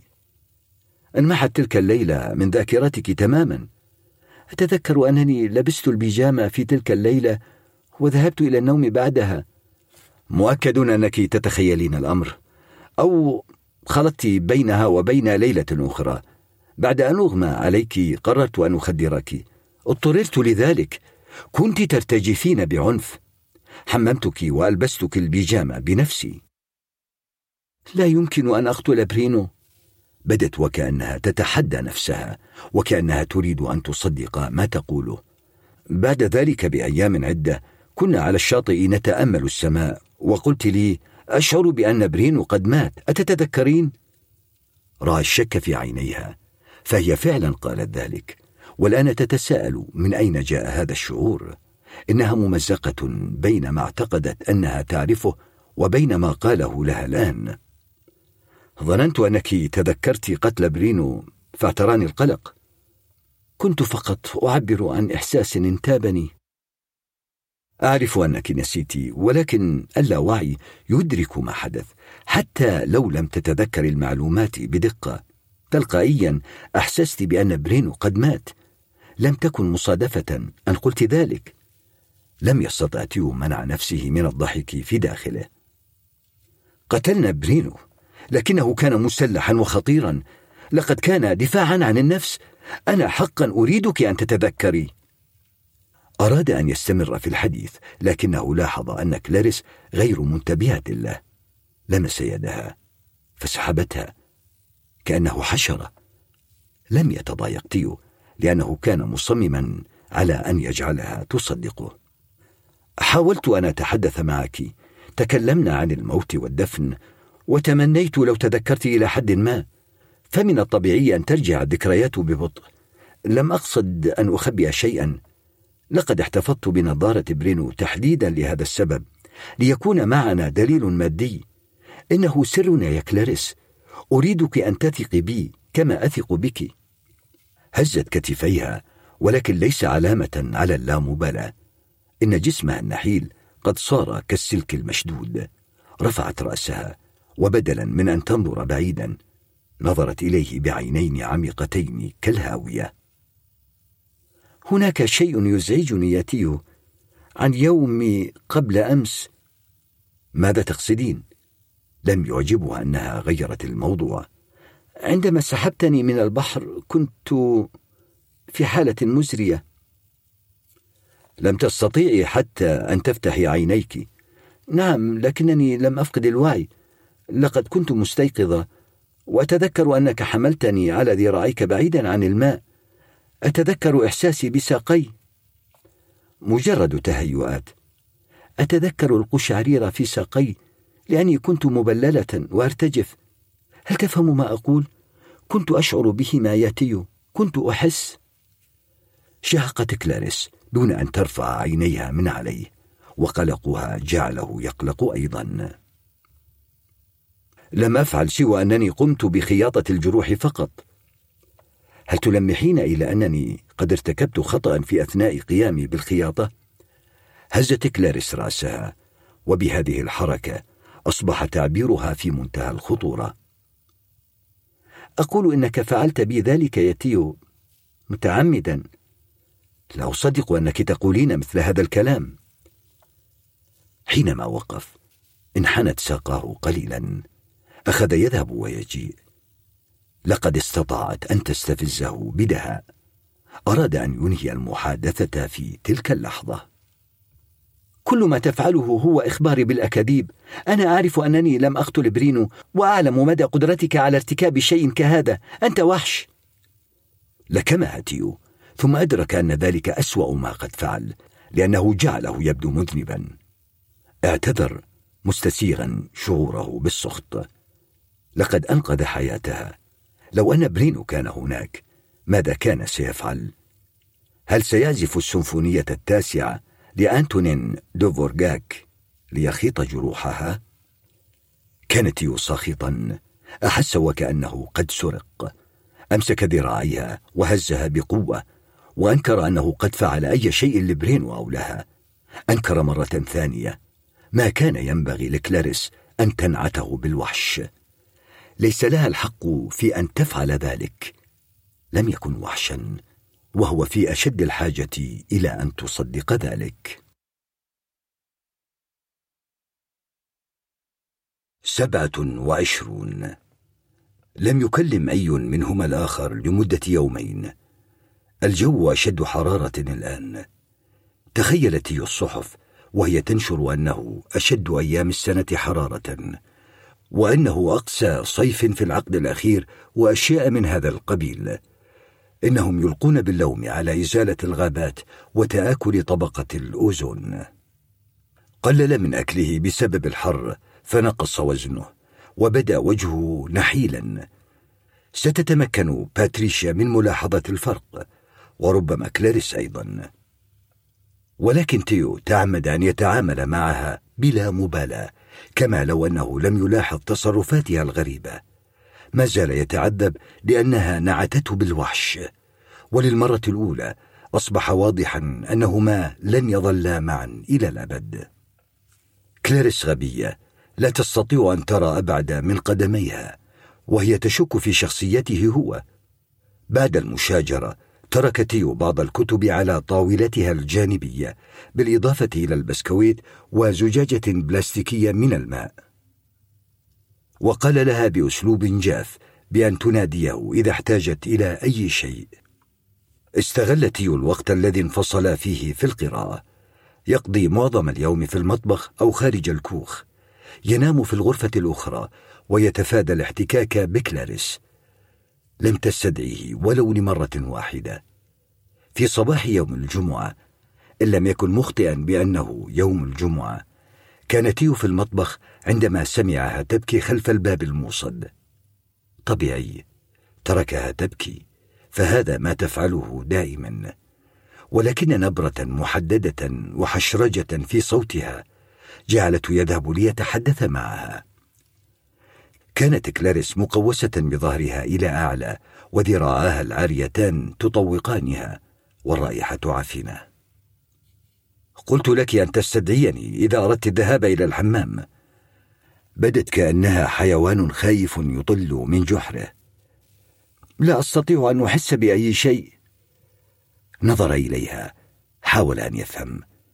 كان صوتها كئيبا. عندما ألقت ببصرها على المرتبة المبتلة فهم أخيرا لكنه شعر بعدم الارتياح فلم يقل شيئا. الجرح الذي في عمودها الفقري جعلها لا تتحكم في الرغبة في الذهاب إلى الحمام. انتقد تيو نفسه على نسيانه للتفاصيل. لابد أن تلبس كلاريس. حفاضات. سخن الماء في وعاءين لأنه لا يريد أن يبلل رأس كلاريس بماء بارد. شطف شعرها ودلك صدغيها ومرر أصابعه على رقبتها ودلك التشنجات التي في أكتافها حتى وصل إلى كاحليها. عندما لمسها أدرك كم يحبها. اشتعلت حرب الصمت جنونا. أراد أن يقول شيئا ما يكتم الحزن الذي ينمو بداخله. سيعود المالك في غضون يومين. لم يشأ أن يقول إنه ما يجب أن يغادر ولكنه رأى أن كلاريس مغرمة بالأرقام. ظلت هادئة وتركته يدلكها. أنفاسها هادئة غير موجودة تقريبا. فاعتقد تيو أن كلاريس تنتهي. سألها إذا كانت تريد أن تجلس في الشمس. الجو ممتع والنسيم منعش. ردت عليه بلا وطلبت أن تعود إلى السرير. لم يصدق تيو أنها فعلا تفضل السرير. فالغرفة بها طاقة سلبية كبيرة ولكنه توقف عن محاولة فهم نزواتها. قلب المرتبة وأرقدها فوق السرير. لو أنه ترك الغرفة في تلك اللحظة فسيفقد آخر فرصة لتحقيق السلام معها. لا أريد أن أتشاجر معك. دعني بمفردي. أرجوك لا أتحمل أن تلوميني على كل ما حدث. لم أطارد برينو هو الذي ابتعد يا تيو. لا أريد أن أسمع. سحب كرسيا فهو لا يريد الاقتراب منها. أنا لست شخصا سيئا يا كلاريس. آسف لأنني قيدتك. هناك أوقات أحسست فيها بأنك أحببتني. أود لو أن شيئا لم يحدث ولكنني لا أستطيع أن أفقدك. لقد أخبرت أمي عنا وهي تتلهف لزيارتك لنا لنتناول العشاء وأظن أن أمك أيضا تحبني. كل شيء على ما يرام. لكنني أريدك أن تريديني ولا أعرف كيف أفعل ذلك. أنا ضائع. ولكنك تصرين على إيجاد أي خطأ فيما أفعل بصرف النظر عن أي صعوبة. هذه مشكلتك. أنت الذي أقحمت نفسك في حياتي. ولكنني تأسفت توا. لا أهتم بما تفعله لي فأنا محجوزة سجينة ومخدرة بهذا القرف. وبدأت في البكاء من جديد. تستطيع أن تضربني وتقيدني وتقتلني. فأنا مشلولة ولا أبالي بما قد يحدث لي بعد الآن. لقد أنقذت حياتك. هيا أعطني رمقته بنظرة شرسة. ظنت أنها ستأكله حيا بدت كقط بري جائع. أنت لست في حالة عقلية سليمة وتريدين أن تلقي باللوم علي. أعلم أن الأمر فظيع ولكنني لم لم أكن أريد أن تتعرضي للأذى. وليست غلطتي أن برينو قد طاردنا بالسكين. إنه السبب في كل ما حدث. كانت كلاريس مائلة إلى الأمام. كل ما تبقى منها هو ما يراه أمامه. وحتى لو أن فرصتها في الشفاء بعيدة. إلا أنه يريدها حقا أن تشفى. أشعر برغبة في تدمير نفسي بسببك. أنا حقا خائفة من نفسي. أنا إنسانة أسوأ مما كنت عليه. بسببي أراد أن يدير الدفة باتجاهها. هل نسيت أنني وجدتك مخمورة؟ راقدة على عتبة باب في لابة بعد تقبيلك لمثلية المقززة. كنت ترمين بمستقبلك في مقلب قمامة وأنا انتشلتك منه. لم تسألني حتى إذا كنت أريد ذلك أم لا. كنت تعيشين في الوهم يا كلاريس. برينو كان غيورا وجاهلا. عازف جيتار فقير. أمك لها حق في ألا تحبه. لقد أحببت برينو. توقفي. أنت ساعدتني في القضاء عليه وعلى الرغم من ذلك تحاولين إلقاء اللوم علي وأنت تعلمين في قرارة نفسك أنك ساعدتني. نحن في هذا معا يا كلاريس. كان لمحادثاتهما حدة معينة الشيء نفسه. تنعتينني بالوحش. وترفضين الاعتراف بكل شيء فعلته لك. السيناريو كان سيئا. بفضل محادثاتنا صار الآن أفضل. ويمكن أن يثير اهتمامك شخص ما. لا أتحدث عن السيناريوهات ولكنني أدعم محاولاتك الفنية دائما ودائما أهتم بصحتك أيضا. ربما تجاوزت قليلا في منعك عن التدخين لكنني لم أفعل ذلك لكي أؤذيك. أنا لم أفعل أي شيء أضرك به يا كلاريس. لم أحضر أي ذخيرة للمسدس لأنني عاجز عن إيذائك. تركتني مشلولة. الحقيقة هي أنك تظنين أنك فوق الجميع وأنك لا يمكنك أن تهزمي وأنك قادرة على كل شيء. ربما الآن تشعرين بالندم. لا أظن. لدي أم قعيدة وأعلم أن هذا تغيير مروى. ورعايتها تمثل تنازلا مني ومن حياتي ولكنك لست أي أحد. لمس ذراع كلاريس كانت باردة برود الموت. أحاول أن أكون الرجل الأفضل. لا يعنيني إذا دخنت أم لا أو إذا كنت تمشين أم لا. أريد أن أعتني بك. أريدك أن تكتب السيناريوهات وأن نذهب معا لنشاهد العروض الأولى لأفلامك. أؤمن بأنك موهوبة وحالتك هذه قد تكون ميزة. ربما أعطت لنصوصك صوتا اصيلا. تيو أنا لا أريدك أن تقولي أي شيء. في خلال اليومين سنكون في باراتي. لك مطلق الحرية في أن تعيشي حياتك لو أردت وأن تجدي شخصا آخر. لديه إرادة أن يتعايش مع حالتك. أحس بمدى قسوة الكلمة. إنها فعلا متعبة. عبء لا يتحمله أي فرد. وقف تيو وتيقن أنه قال كل ما يمكن أن يقال. عندما غادر الغرفة لم يتذكر تعبيرات وجه كلاريس ولكنه أحس بأنه قد ترك اثرا. من الواضح أنها ستريد صلابة العلاقة المستقرة. ليس لديها موهبة كبيرة. ولم يتبق منها إلا القليل وتحتاج إلى شخص ما كي يشجعها.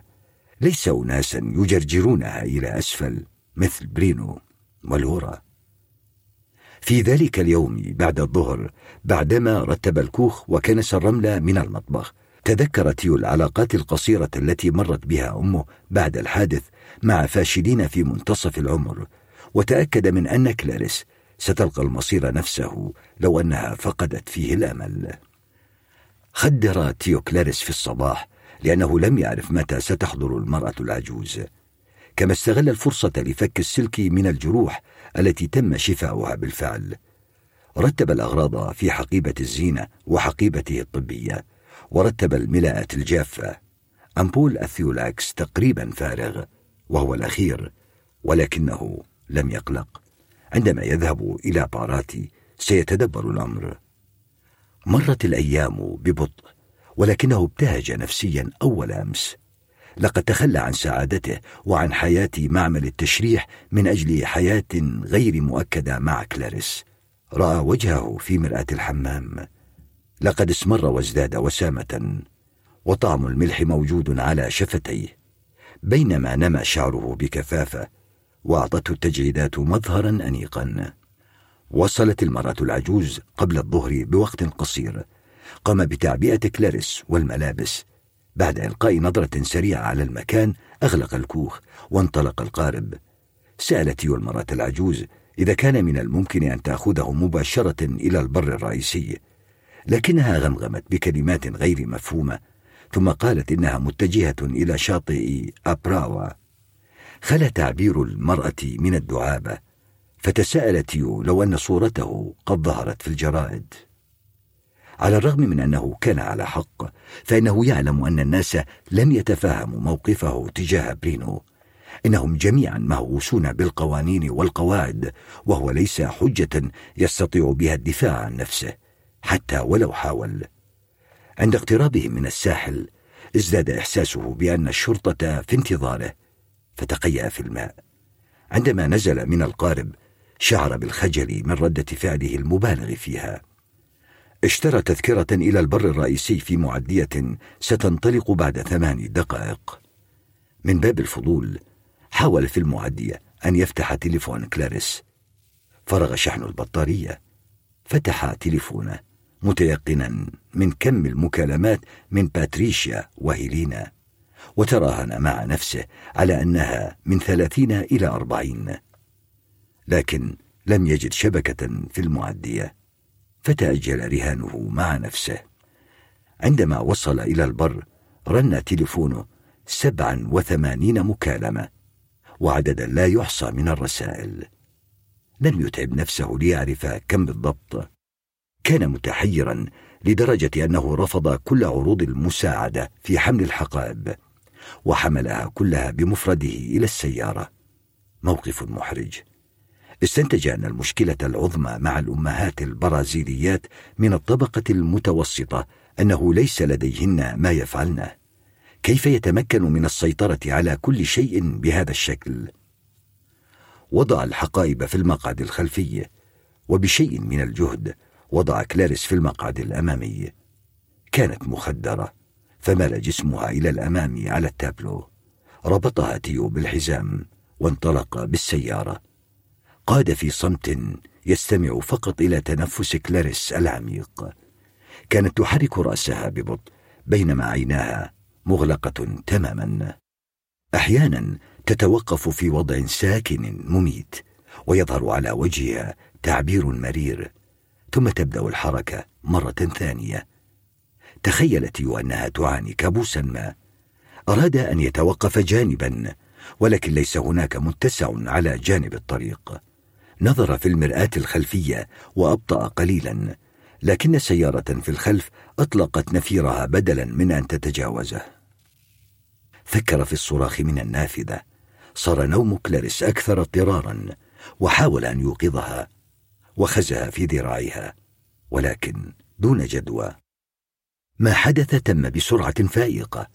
في لحظة وقعت كلاريس فجأة على المقعد وفي التالية احتضنته بشدة منعته من الإمساك بعجلة القيادة. الطريق منحدر بينما السيارة تسير في خط مستقيم.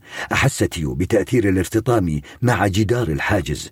ارتفع جسده عاليا إلى الأمام وأطنان من المعدن تطير حوله وتتساقط. بعدها لم يشعر بأي شيء على الإطلاق.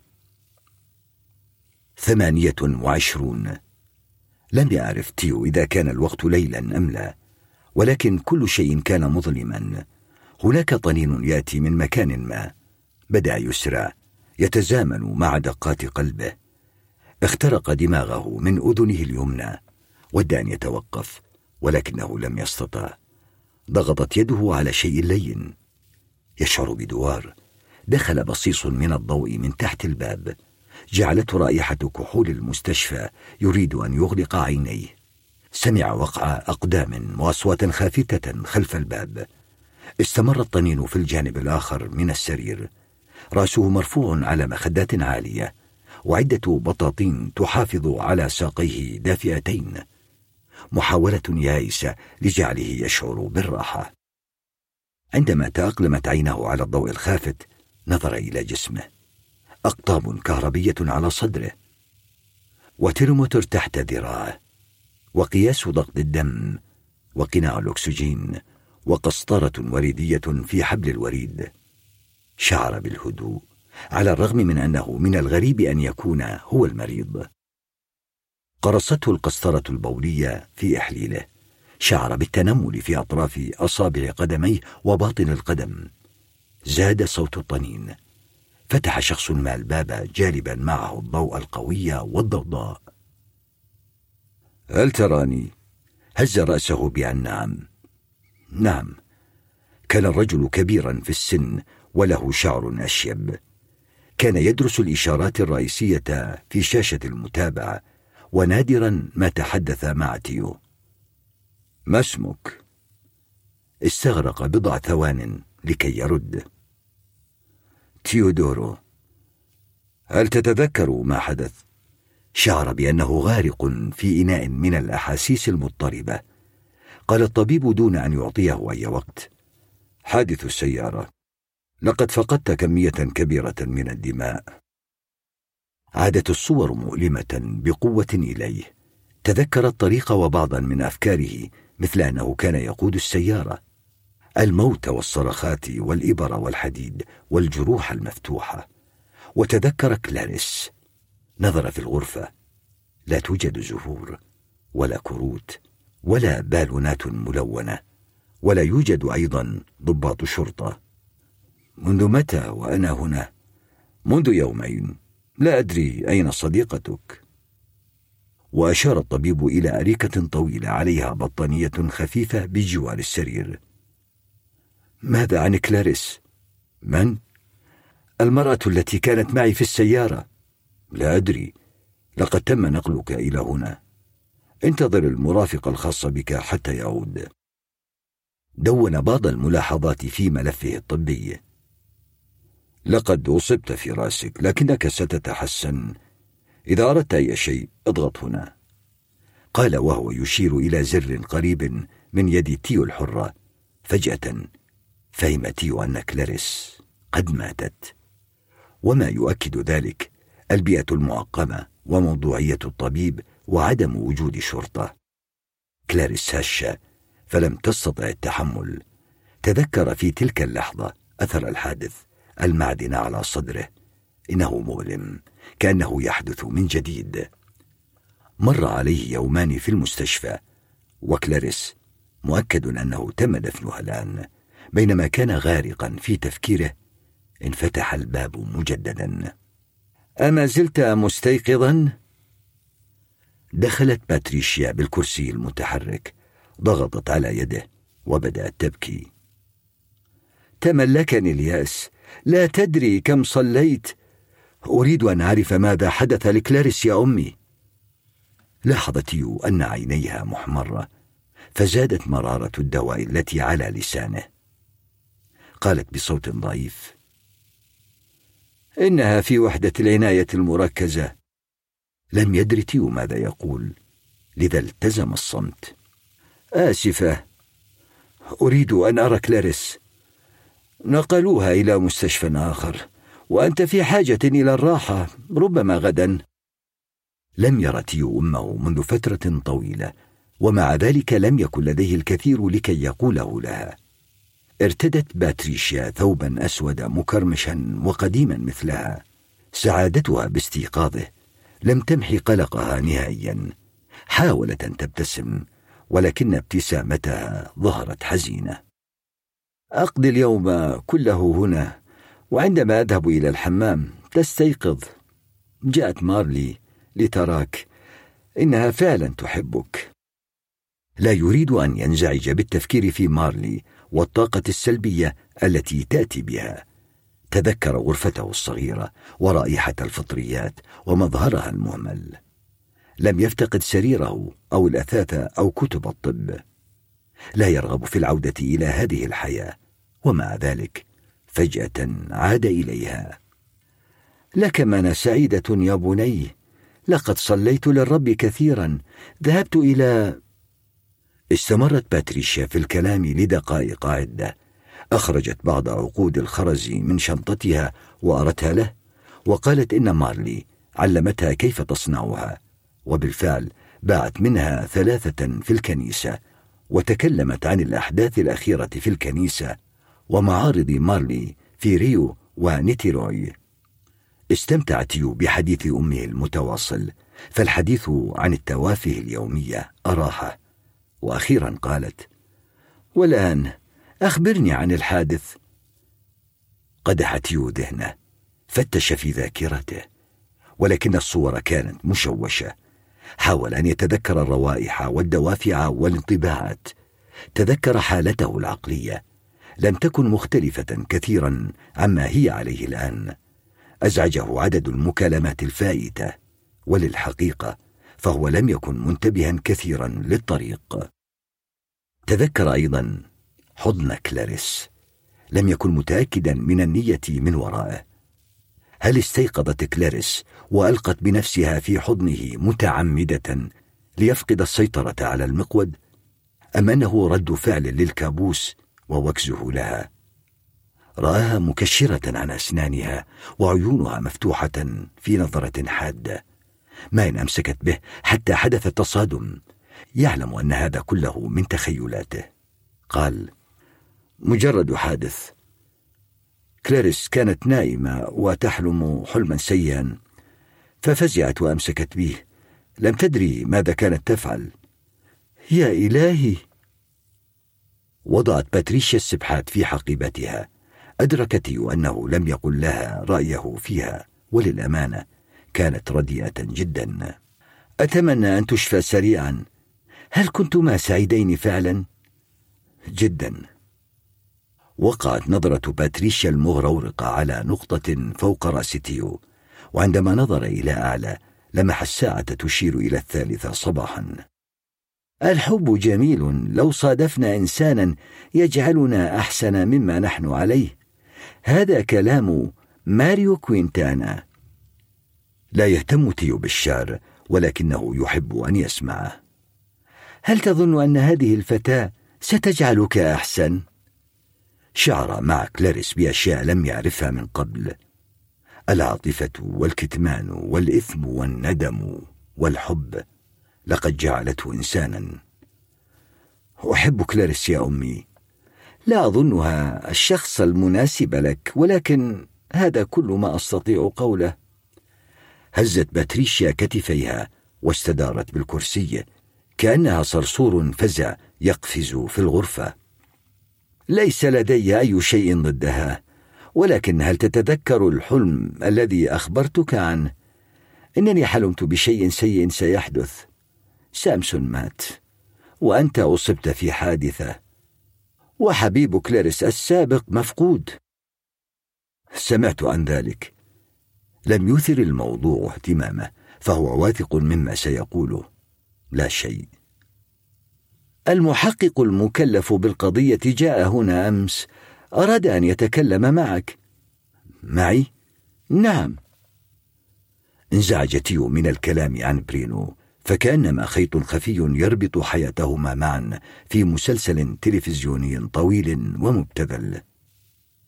لا أدري بماذا سأفيد في الأمر. كل شيء بدأ مع هذه الفتاة. ألا ترى هذا؟ لا. ما زلت لا أستطيع أن أنسى ما حدث لسامسون والان ذهبت وخطبت فتاة ما. إنني قلقة. نظر تيو في يديه وراى دبلة الخطوبة التي اشتراها. ربما كانت باهظة الثمن قليلا لكنه لم يقل شيئا. تمنى أحيانا لو أن أمه اختفت. فمن التعنت أن تحقق معه في سرير المستشفى. ماذا يهم موت سامسون في تلك اللحظة؟ تحركت باتريشيا بالكرسي نحو الباب. سأذهب وأحضر بعض العصير. هل تريد أي شيء؟ أدرك أن المحادثة أصبحت عبئا عليهما. لا أريد شيئا. اذا استرح غدا يوم طويل. لم يذهب في النوم مباشرة. بل أراد أن يقوم ويهرب ولكن وجوده في المستشفى له مزايا. فباستثناء ازعاج باتريشيا فالعزلة أفضل من عدمها مجرد تخيل تعبيرات هيلينا الغبية وكل الأسئلة التي تطرحها أرهقه. تجول بأفكاره تعمد أن ينتقل بين الواقع والمستحيل. وصل لافتراض ماذا لو أن برينو لم يولد؟ تلذذ بالفكرة. فكر تيو لو أن كلاريس لم تصرخ لوصل لنتيجة أنه حادث. كانت في حلم مرعب ربما عن برينو وارتمت في حضنه التماسا للراحة. الآن هي في غيبوبة في مكان ما في حاجة إلى العون وإلى مساعدته. شعر بالرضا بشكل غامض ودخل في نوم لذيذ كأنما يطير فوق السحاب. عندما فتح عينيه كان الوقت نهارا والضوء يغمر الغرفة وخلف النافذة رأى أحد المباني المتهدمة. سمع صوت أمه وهي تتحدث مع رجل. قالت باتريشيا وهي يبدو عليها البشاشة على نحو غريب. المحقق يريد أن يتحدث معك. عندما نظر إلى الرجل فهم تيو أنها معجبة بالرجل فهو أصلع ونحيف. مثل والده المتوفى وفي ابتسامته شيء ما من الطيبة التي تتعطش لها باتريشيا. قال المحقق أرجوك أريد أن أتكلم مع تيو على انفراد. في صوته نبرة صفاء وأدب. شكرا لك. تركت باتريشيا الغرفة على الفور. استمر المحقق في ابتسامته واقترب من السرير. كان يرتدي بنطلونا من الجينز وقميصا خفيفا بعيدا عن تكييف المستشفى فالجو في ريو دي جانيرو شديد الحرارة. أنا المحقق أكوينو من شرطة كوبا كابانا يمكنك أن تدعوني أكوينو فقط. اندهش تيو لأن باتريشيا لم تخبره بأنه قريب من البيت. أمر مريح. أعلم أنك لن تتعافى بعد ولا أريد أن أثقل عليك لكني أود أن أطرح بعض الأسئلة. فهل هذا ممكن؟ نعم بالطبع. أحقق في قضية اختفاء. برينو سانتانا كفالكنتا هل تعرفه؟ حبيب كلارس السابق. بالضبط يا بني. أخرج المحقق من جيبه صورة فوتوغرافية مقصوصة من صورة كبيرة. ويظهر فيها برينو سعيدا. يرتدي جاكيت وكوفية من الصوف. يبتسم كأن ابتسامته مرسومة رسما. وفهم تيو لماذا اختار والده هذه الصورة لتقديمها للشرطة. يبدو أن برينو في هذه الصورة وسيما. واختفاء شاب وسيم يستدر الشفقة انتظر حتى يسأله المحقق. هل تعرف برينو؟ ذكرته كلاريس ولكني لم أقابله شخصيا ولم أعرف شكله حتى هذه اللحظة ما انطباعك عنه؟ حبيب سابق بالطبع هو شيء غير مريح هل ضايقك؟ أخبرتني كلاريس أنهما انفصلا وهذا يكفي بالنسبة لي هل تعرف لماذا انفصلا؟ غير متأكد لأننا لم نتكلم في الموضوع ولكن أظن أنه من النوعية المستبدة. مستبدة. قرأت بعض رسائله في تليفون كلاريس كان مراوغا ويبحث عن الشفقة. عند نقطة معينة توقفت عن الرد عليه. متى كان هذا؟ نوفمبر العام الماضي. آخر نوفمبر على ما أظن. تليفون برينو مفقود أيضا. ونحاول أن نسترجع تسجيلاته من الشركة. لاحظ تيو أن عيونه لم يفتها شيء. كيف تقابلت مع كلاريس؟ في حفل الشواء. بعدها بأيام ذهبت إلى تريسيبوليس وأخذتني معها. هل قررتما الابتعاد عن كل تلك المشاكل؟ لا. خططت لتلك الرحلة مسبقا. كلاريس كاتبة سيناريو وأرادت أن تذهب إلى الفندق الذي تحب أن تكتب فيه. فندق Dwarf Lake Farm حرص تيو على أن لا يذكر اسم الفندق لكنه قلق عندما رأى أن المحقق لديه تلك المعلومات بالفعل. أين ذهبتما بعد ذلك؟ بتنا في لوكاندا على الطريق. ثم اتجهنا إلى إلها جريندي. لماذا تغيرت الخطة؟ لم تتغير. كلاريس تكتب سيناريو لفيلم سفر اسمه أيام رائعة. شخصياته تسافر إلى تيريسيبوليس وإلها جريندي وباراتي. ويقضون ليلة في لوكاندا أيضا. فاتبعنا التسلسل نفسه الذي في السيناريو. لم يتغير وجه المحقق. بدت القصة سريالية رغم أنها حقيقية. هل تعرف أن برينو قد اختفى؟ هيلينا أخبرتني في التليفون بعدما حدثتها أنت وماذا قالت كلاريس عندما علمت؟ لم أبلغها كانت تكتب السيناريو وفي حالة عزلة وهل هذا هو سبب عدم إبلاغك لها بأي شيء؟ لم يعجب تيو الاتجاه الذي تأخذه نبرة المحادثة فهو لم يقل لكلاريس لأنه لا يريد أن يقحم برينو في علاقتهما ولأنه لا يظن أن أحدا سيأخذ الموضوع مأخذ الجد لفترة طويلة. فقال بنبرة غاضبة أنا لا أعرف حتى برينو وليس لدي أي سبب لكي أقلق عليه. فاعتقدت أنه قد ذهب لمكان ما لفترة ليهدئ أعصابه. اتصلت بتليفونك عدة مرات. لا يوجد شبكة في تيريسيوبوليس ولا في إلها جراندي. بصراحة لقد ظننت أن برينو سيظهر سريعا. لم يظهر حتى الآن يا بني. كره تيو أن يناديه المحقق بكلمة يا بني اختفى برينو أول ديسمبر. أين كنتما في هذا التاريخ؟ في الفندق في تيريسيوبوليس على ما أظن. سيكون أفضل لو تأكدت. أطلق تيو ضحكة تشبه الشخير. لا أحد ينتبه للتواريخ عندما يكون في إجازة. هل هناك من يفعل ذلك؟ ربما يجب أن يبدأ الناس بفعل هذا. هل نحن في موضع اشتباه؟ لا لا شيء من هذا القبيل. قام المحقق بإشارة غامضة بيديه. بمجرد أن تفيق كلاريس سأتكلم معها أيضا. أنا أذهب كل يوم إلى هناك. كيف حالها؟ في غيبوبة كما تعلم على ما أظن ويبدو أنها تتحسن. أتمنى ذلك. ابتسم له المحقق ابتسامة لطيفة وكان لابد أن يبتسم تيو أيضا. أخبرني طبيب كلاريس بأن بها غرزا في جسدها تسبق الحادث. وبعض الخدوش الحديثة. أصابت نفسها اصطدمت بصخرة في الهجراندي في أثناء السباحة كانت هي مستعدا لمثل هذا السؤال هل هناك خطورة؟ ليس بالضبط فأنا طالب طب خدت الجروح كنا في شاطئ مهجور وليس أمامي سوى ذلك كيف ذهبتما إلى الشاطئ المهجور؟ اتصلنا بامرأة من هناك لديها كوخ للإيجار وأخذتنا إلى هناك بقارب هل تعرف اسم المرأة؟ وكيف نجدها؟ جيرترود أحس الآن تيو بالضعف بشكل سخيف. تذكر صديقته جيرترود والارتياح الذي كانت ستبعثه في تلك اللحظة.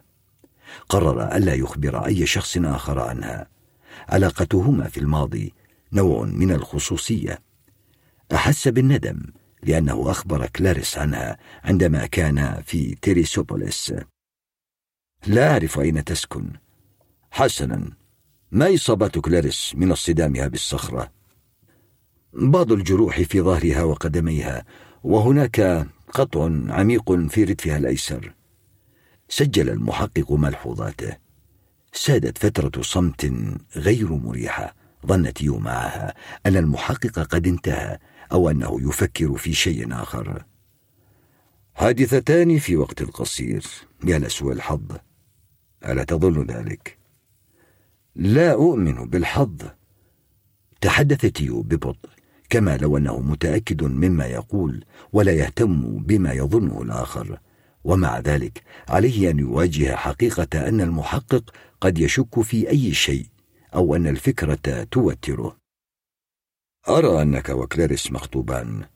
أتمنى أن تنتهي الأمور على خير وتتزوجان في أقرب وقت. شكرا لك. عليك أن تشتري دبلة جديدة.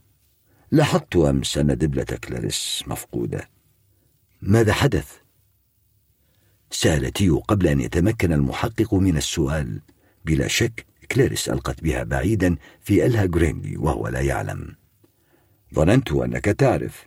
لا أظن أن ذلك له علاقة ببرينو. سنرى يا بني سنرى.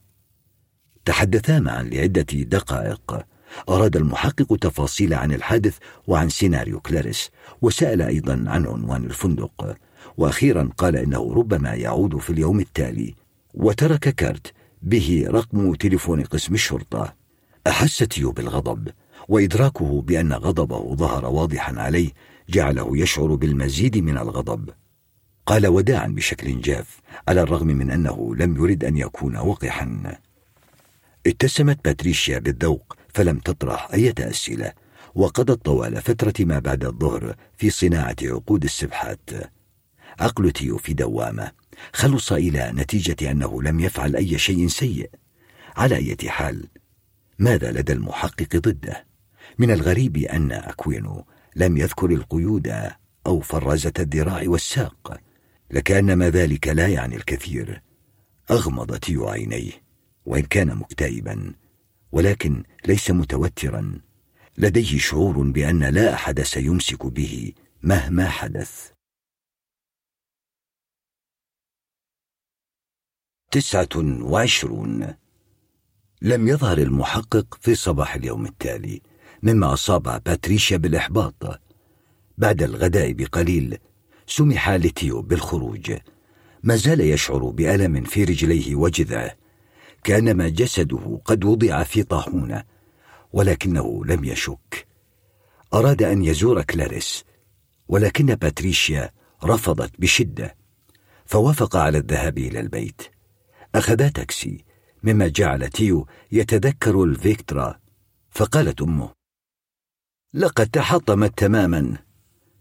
تسللت الشمس من النافذة فأضاءت التجاعيد التي على وجه باتريشيا. استغرب تيو من أن الدنيا ظلت كما كانت عليه من قبل.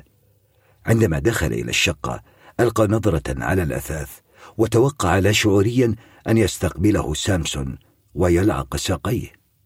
فأصيب بالاكتئاب. توجه إلى المطبخ مقتنعا بأنه لو ذهب إلى غرفته لعاد إلى الحياة المملة. وحالا سينظف النوافذ ويدفع باتريشيا بالكرسي إلى الكنيسة مجددا. التفكير جعله يحس باليأس قليلا. شرب كوبا من الماء وفتح ثم أغلق الثلاجة. خلع ثيابه ودخل إلى الدش. الماء بارد جدا. كل ما يستطيع التفكير فيه هو حياته الماضية وحياته مع كلاريس. وفكر أيضا في حقيقة أنها محاطة بالخراطيم في كل مكان وأن باتريشيا منعته من الذهاب إليها. كل ذلك جعله يشعر بحالة أسوأ. رقد على السرير وتذكر الوقت الذي قضاه مع كلاريس على السرير. الأمر مختلف الآن. شعوره بأن مأساة وشيكة ستقع سيطر عليه. المشاعر لها رائحة محددة وهو قادر على تمييزها أحيانا. طلبت باتريشيا بيتزا أكل شريحتين وشاهد التلفزيون. لكن المسلسل أشعره بالملل. فقالت باتريشيا أنت قلق. قليلا. سأخذك غدا لتراها. شكرها وادعى أنه متعب. أخذ يفكر فيما سيقوله لهيلينا عندما يراها. لم يقابلها إلا مرة واحدة. وكلمها في التليفون بما يكفي أن يرغب في تجنبها. فكر في زيارة كلاريس في وقت لا توجد فيه هيلينا. لكنها ربما تلازم ابنتها طول الوقت. وعلى أي حال كيف له بمعرفة الوقت الذي لا توجد فيه؟ تقلب على السرير لم تفارقه الهواجس ثانية واحدة. الإزعاج الأشد هو عند الاعتناء بشخص قهيد. فالإعاقة ستؤخر كل شيء. فعشر دقائق في تغيير البنطلون وربع ساعة للذهاب إلى الحمام وأكثر من نصف ساعة لتجد تاكسي يسمح بكرسي متحرك. موعد الزيارة بدأ منذ ساعة مضت. دفع تيو بكرسي باتريشيا أعلى الطريق المؤدي إلى المستشفى. كانت تتحدث عن أخبار حوادث الطريق السريع التي سمعتها على التلفزيون. واجه صعوبة في الابتسام لها. أدرك أن رد فعله تأخر وأدرك أنه لا فرق. ما زال يشعر بالاستياء. لعب بالدبلة التي في إصبعه وقال لموظفة الاستقبال إنه خطيب المريضة فقالت له وهي تعطيه بطاقة هوية الزائر. واحد فقط يمكنه الدخول. المستشفى منظم جدا بأمن دقيق وتحديد البصمة. أبدأ ملاحظة أنه من المؤكد أن كلاريس انتقلت هناك بعد الحادث مباشرة فأسرة مانهيس لن تتركها في مستشفى عام لفترة طويلة. اضطر تيو أن يترك أمه في أحد الأركان ولكنها أحضرت معها السبحات. سار في الممر. منتبها جدا. عاد إليه حبه للطب متدفقا. كيف أمكنه أن ينسى هذا الشعور ويصير قادرا على التفكير في كلاريس فقط؟ دخل غرفة العناية المركزة واستطاع أن يحدد مكان كلاريس على بعد ياردات بالكاد راها نائمة تحت الملاءه متصلة بها شاشات المراقبة ولوحة متابعة نسبة الأكسجين غير أنه راى هيلينا بدت مرهقة وفي غاية الحزن منكفئة على سرير ابنتها. اتسعت عينا تيو وارتجف قليلا رغم أنه يعلم أنه لا معنى لخوفه. فهيلينا مجرد أم بائسة. فكر في الرحيل ولكنها رفعت رأسها ونظرت إليه. ماذا فعلت لابنتي؟ من الصعب أن يرتب أفكاره. بدون وعي تراجع ثلاث خطوات. يوجد رجل مع هيلينا والذي من المفترض أنه والد كلاريس. ها هما الشخصان اللذان أعطيا الحياة للمرأة التي يحبها. كلاهما يظهر عليه الإجهاد. احتضن الرجل هيلينا من الخلف وربت على كتفها.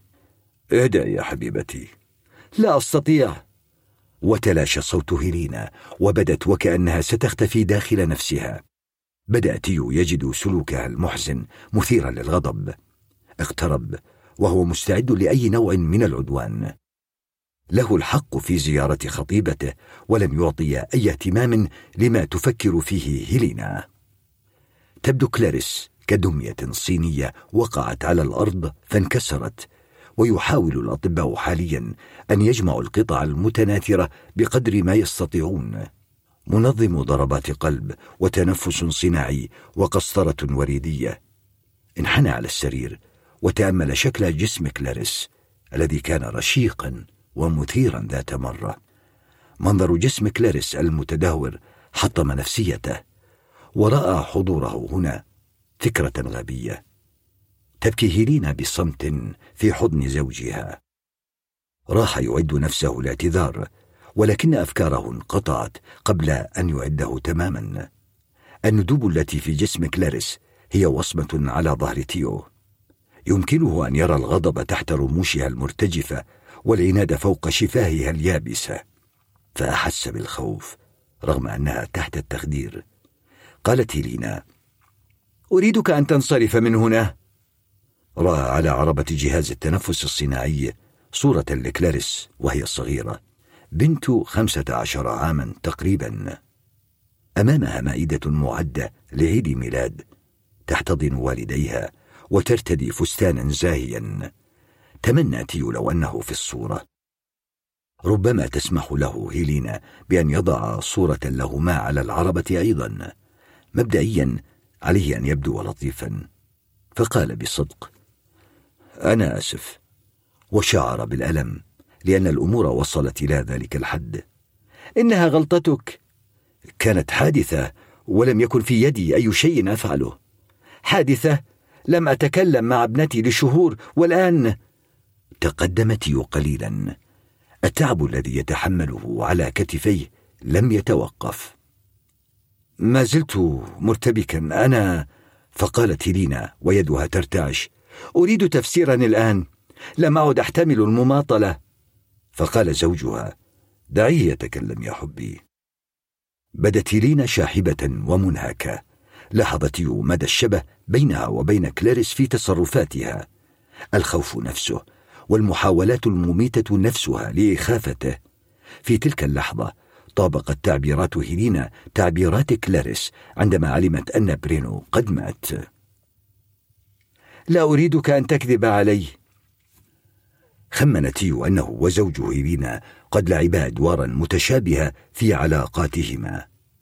النظير العقلاني لميلودراما العاطفة لدى شريكتيهما. لم يشا أن يظهر وكأنه عديم الإحساس إنما استخدم نبرة صوت عملية ليقص اللحظات التي أدت إلى حادث السيارة مضيفا التفاصيل التي طرأت على ذهنه في أثناء الكلام. شرح كيف أصابت كلاريس نفسها في صخرة في أثناء السباحة بعيدا عن إلها جريندي. أحس بارتياح وهو يحكي وأضاف من الكذب ما أراد بسهولة. كانت هيلينا متعبة جدا وحاولت أن تتكلم. أنا قلقة على كلاريس و... وفجأة احتقن حلقها ولم تستطع الكلام. فقال تيو سوف تتحسن كلاريس. على الرغم من أنه لا يصدق ذلك تنهدت هيلينا وأشارت له. أثرت ابتسامتها في تيو بشكل باتريشيا نفسها لم تنجح في تحقيقه. يدها باردة ولكن مريحة. حرص ألا يحدق فيها فهو لا يريد أن يعكر صفوها. آسفة لأني تحاملت عليك فشعوري شعور أم تعيسة. وبدأت تبكي مجددا. أراد أن يتعاطف معها وأن يتأثر بألمها ولكن كل ما استطاعه هو أن عينيه قد امتلأتا بالدموع كان لديه دافع أن يقول لها الحقيقة الكاملة عن برينو ومحاولة انتحار كلاريس ولكن سرعان ما تلاشى طلبت هيلينا من زوجها هل من الممكن أن تحضر لي قهوة؟ عندما انصرف ظن تيو أنهما يتشاركان في لحظة مؤثرة بالأحضان ومشاركة البكاء على كتف كل منهما الآخر ولكن هيلينا جففت دموعها وتغير أسلوبها. هل يمكنك أن تحدثني عن برينو؟ لم أرى برينو إطلاقا ولم تحدثني كلاريس عنه.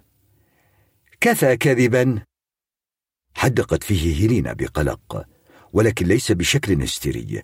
واستعادت روح الفوقية التي يخشاها. أسرتنا تذهب إلى هذا الفندق منذ سنوات وبرينو ذهب إلى الفندق في تلك الليلة. لقد أخبرني جاليفر. اتكأ تيو على سرير كلاريس وخفض عينيه.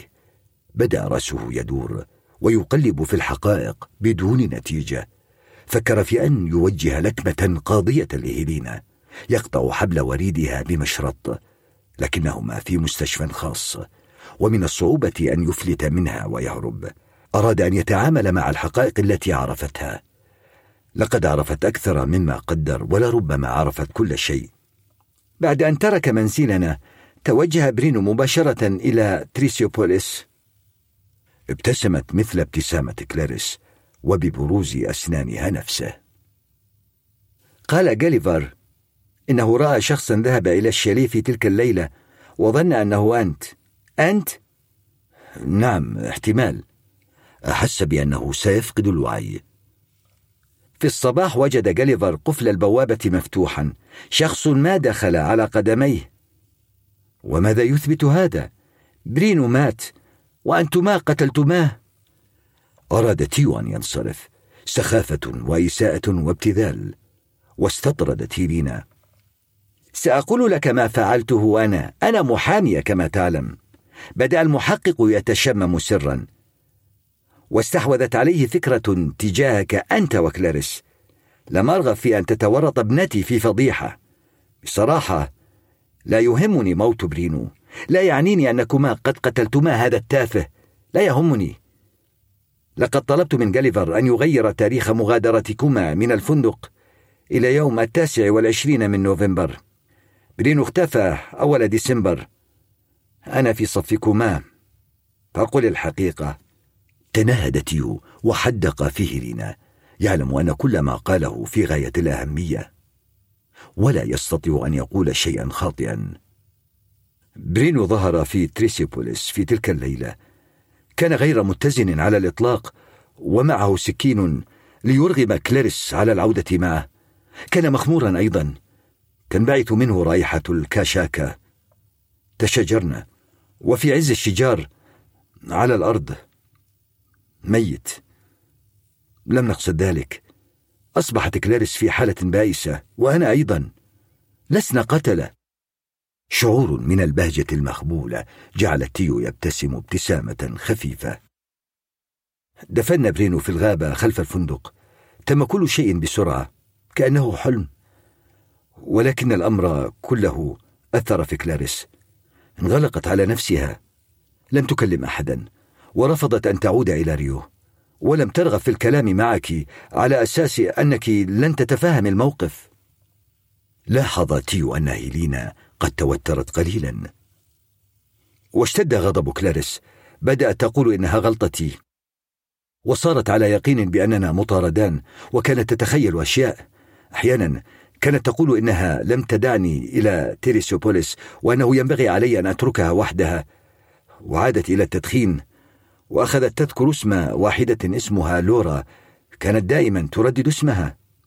قصد تيو من ذكر اسم لورا بأن هيلينا ربما تكون لا تحبها أيضا. وبدأ مستاء حتى إنها في الأيام الأخيرة اتهمتني بأنني أحتجزها سجينة. سجينة؟ نعم. فعل ذلك مرتين. مرتين يا هيلينا. لقد فقدت السيطرة على نفسها. كان ذلك في إلها جريندي. كانت كلاريس محبطة فعلا. هل تظنين أن الأمر خطأ؟ أصبحت في حاجة إلى وضع بعض الحدود. إنها لم تصب نتيجة لحادث في إلها جريندي. إنما ألقت بنفسها في البحر لتنتحر. رفعت هيلينا يدها المعروقة إلى فمها. أردت فقط أن أعتني بها. أوقفت النزيف خدت الجروح. كانت تفقد أعصابها بسهولة لدرجة أنها فكرت في تسليم نفسها للشرطة.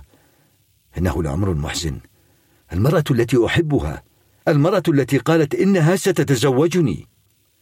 تظاهرت يو بأنه يمسح دمعة من على خده. أردت أن أجنبك كل هذا. ماذا عن حادث السيارة؟ لا أدري.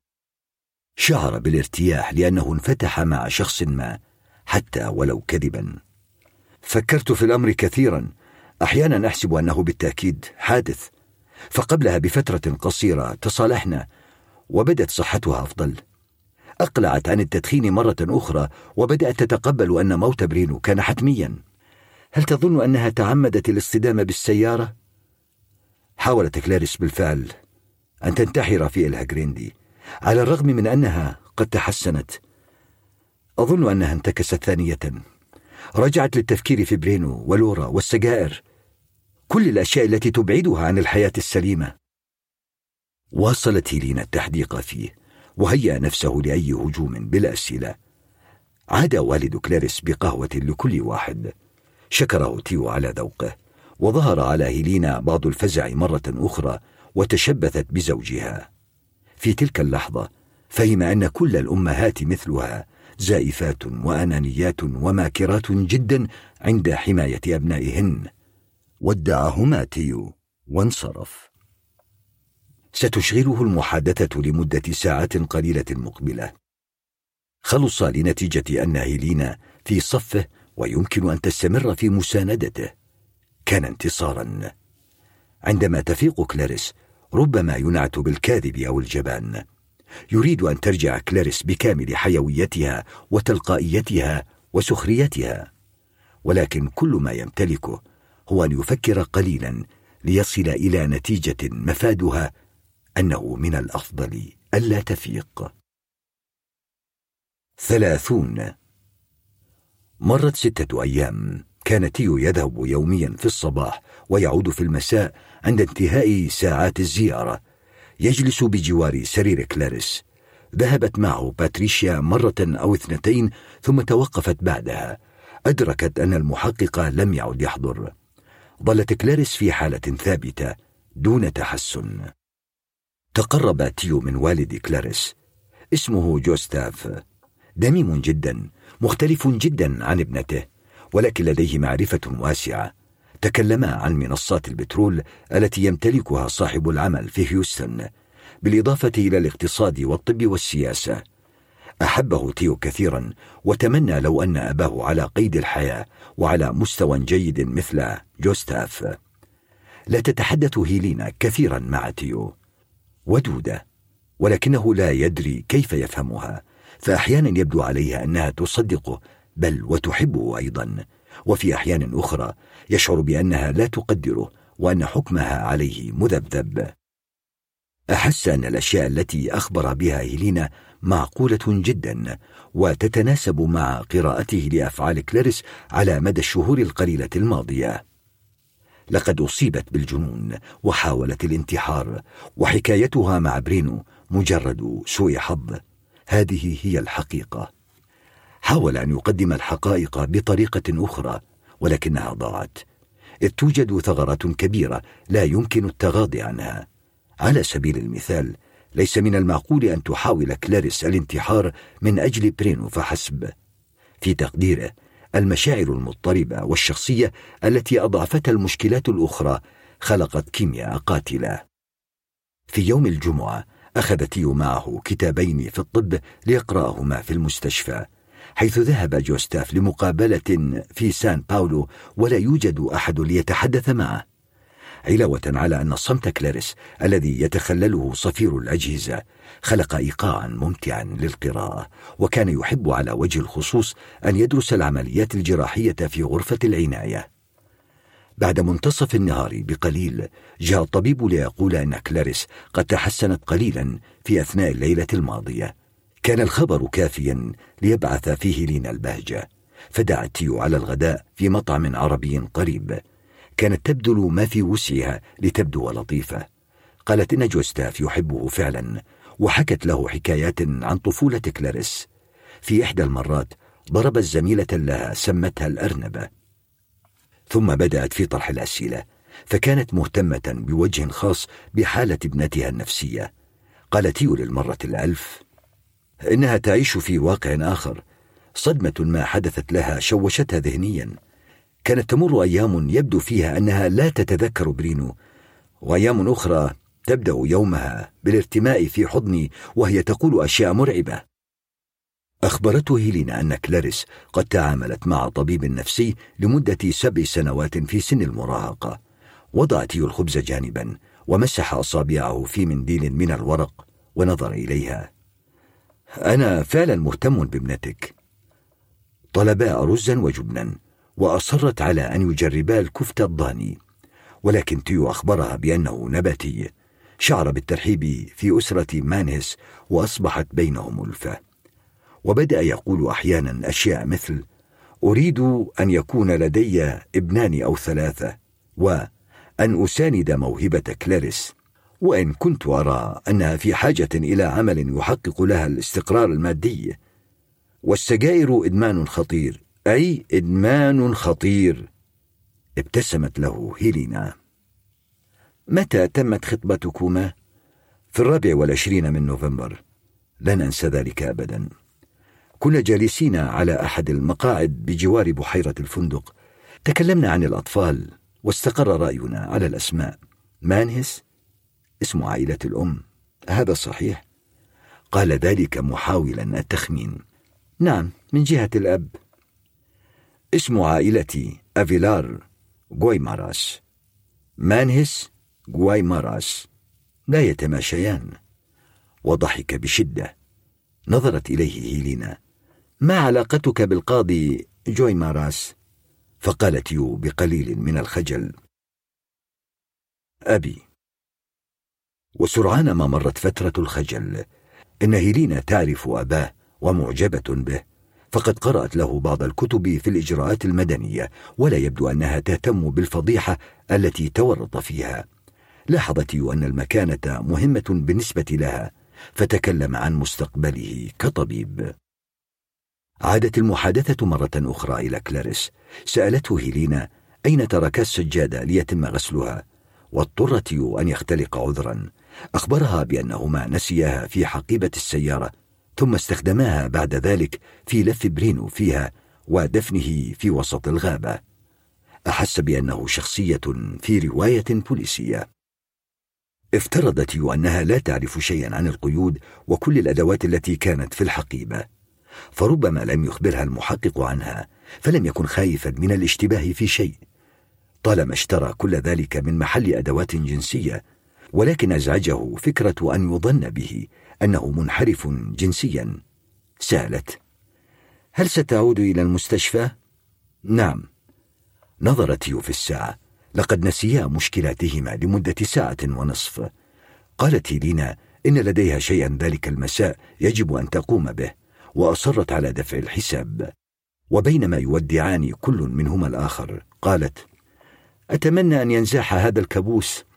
أمر عظيم أن يكون أفيلار غويماراس حم ابنتي فكر تيو في الوقت اللطيف الذي قضاه وتعجب عندما وجد المحقق أكوينو يجلس بجوار سرير كلاريس.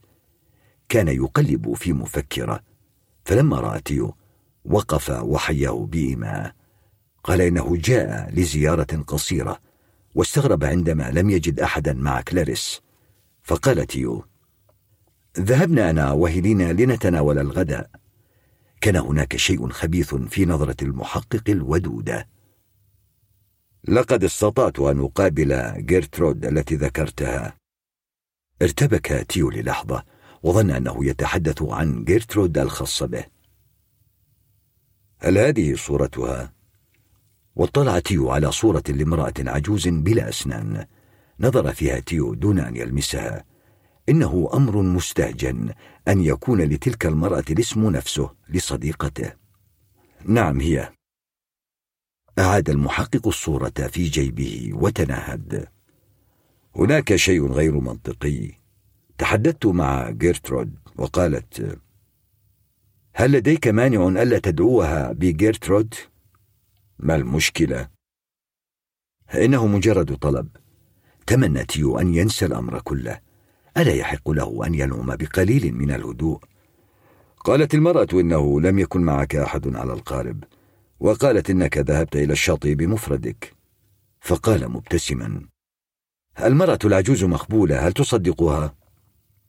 لا أدري ليس لدي سبب للكذب ربما قالت المرأة إنها رأت معي شخصا ما على الشاطئ أو ربما لم تقل شيئا نهائيا لأن هذا ما طلبه منها إنها معتوهة ولن يفكر مثل امرأة معتوهة هل متأكد أن هذه المرأة هي التي أقلتك أنت وكلاريس على القارب؟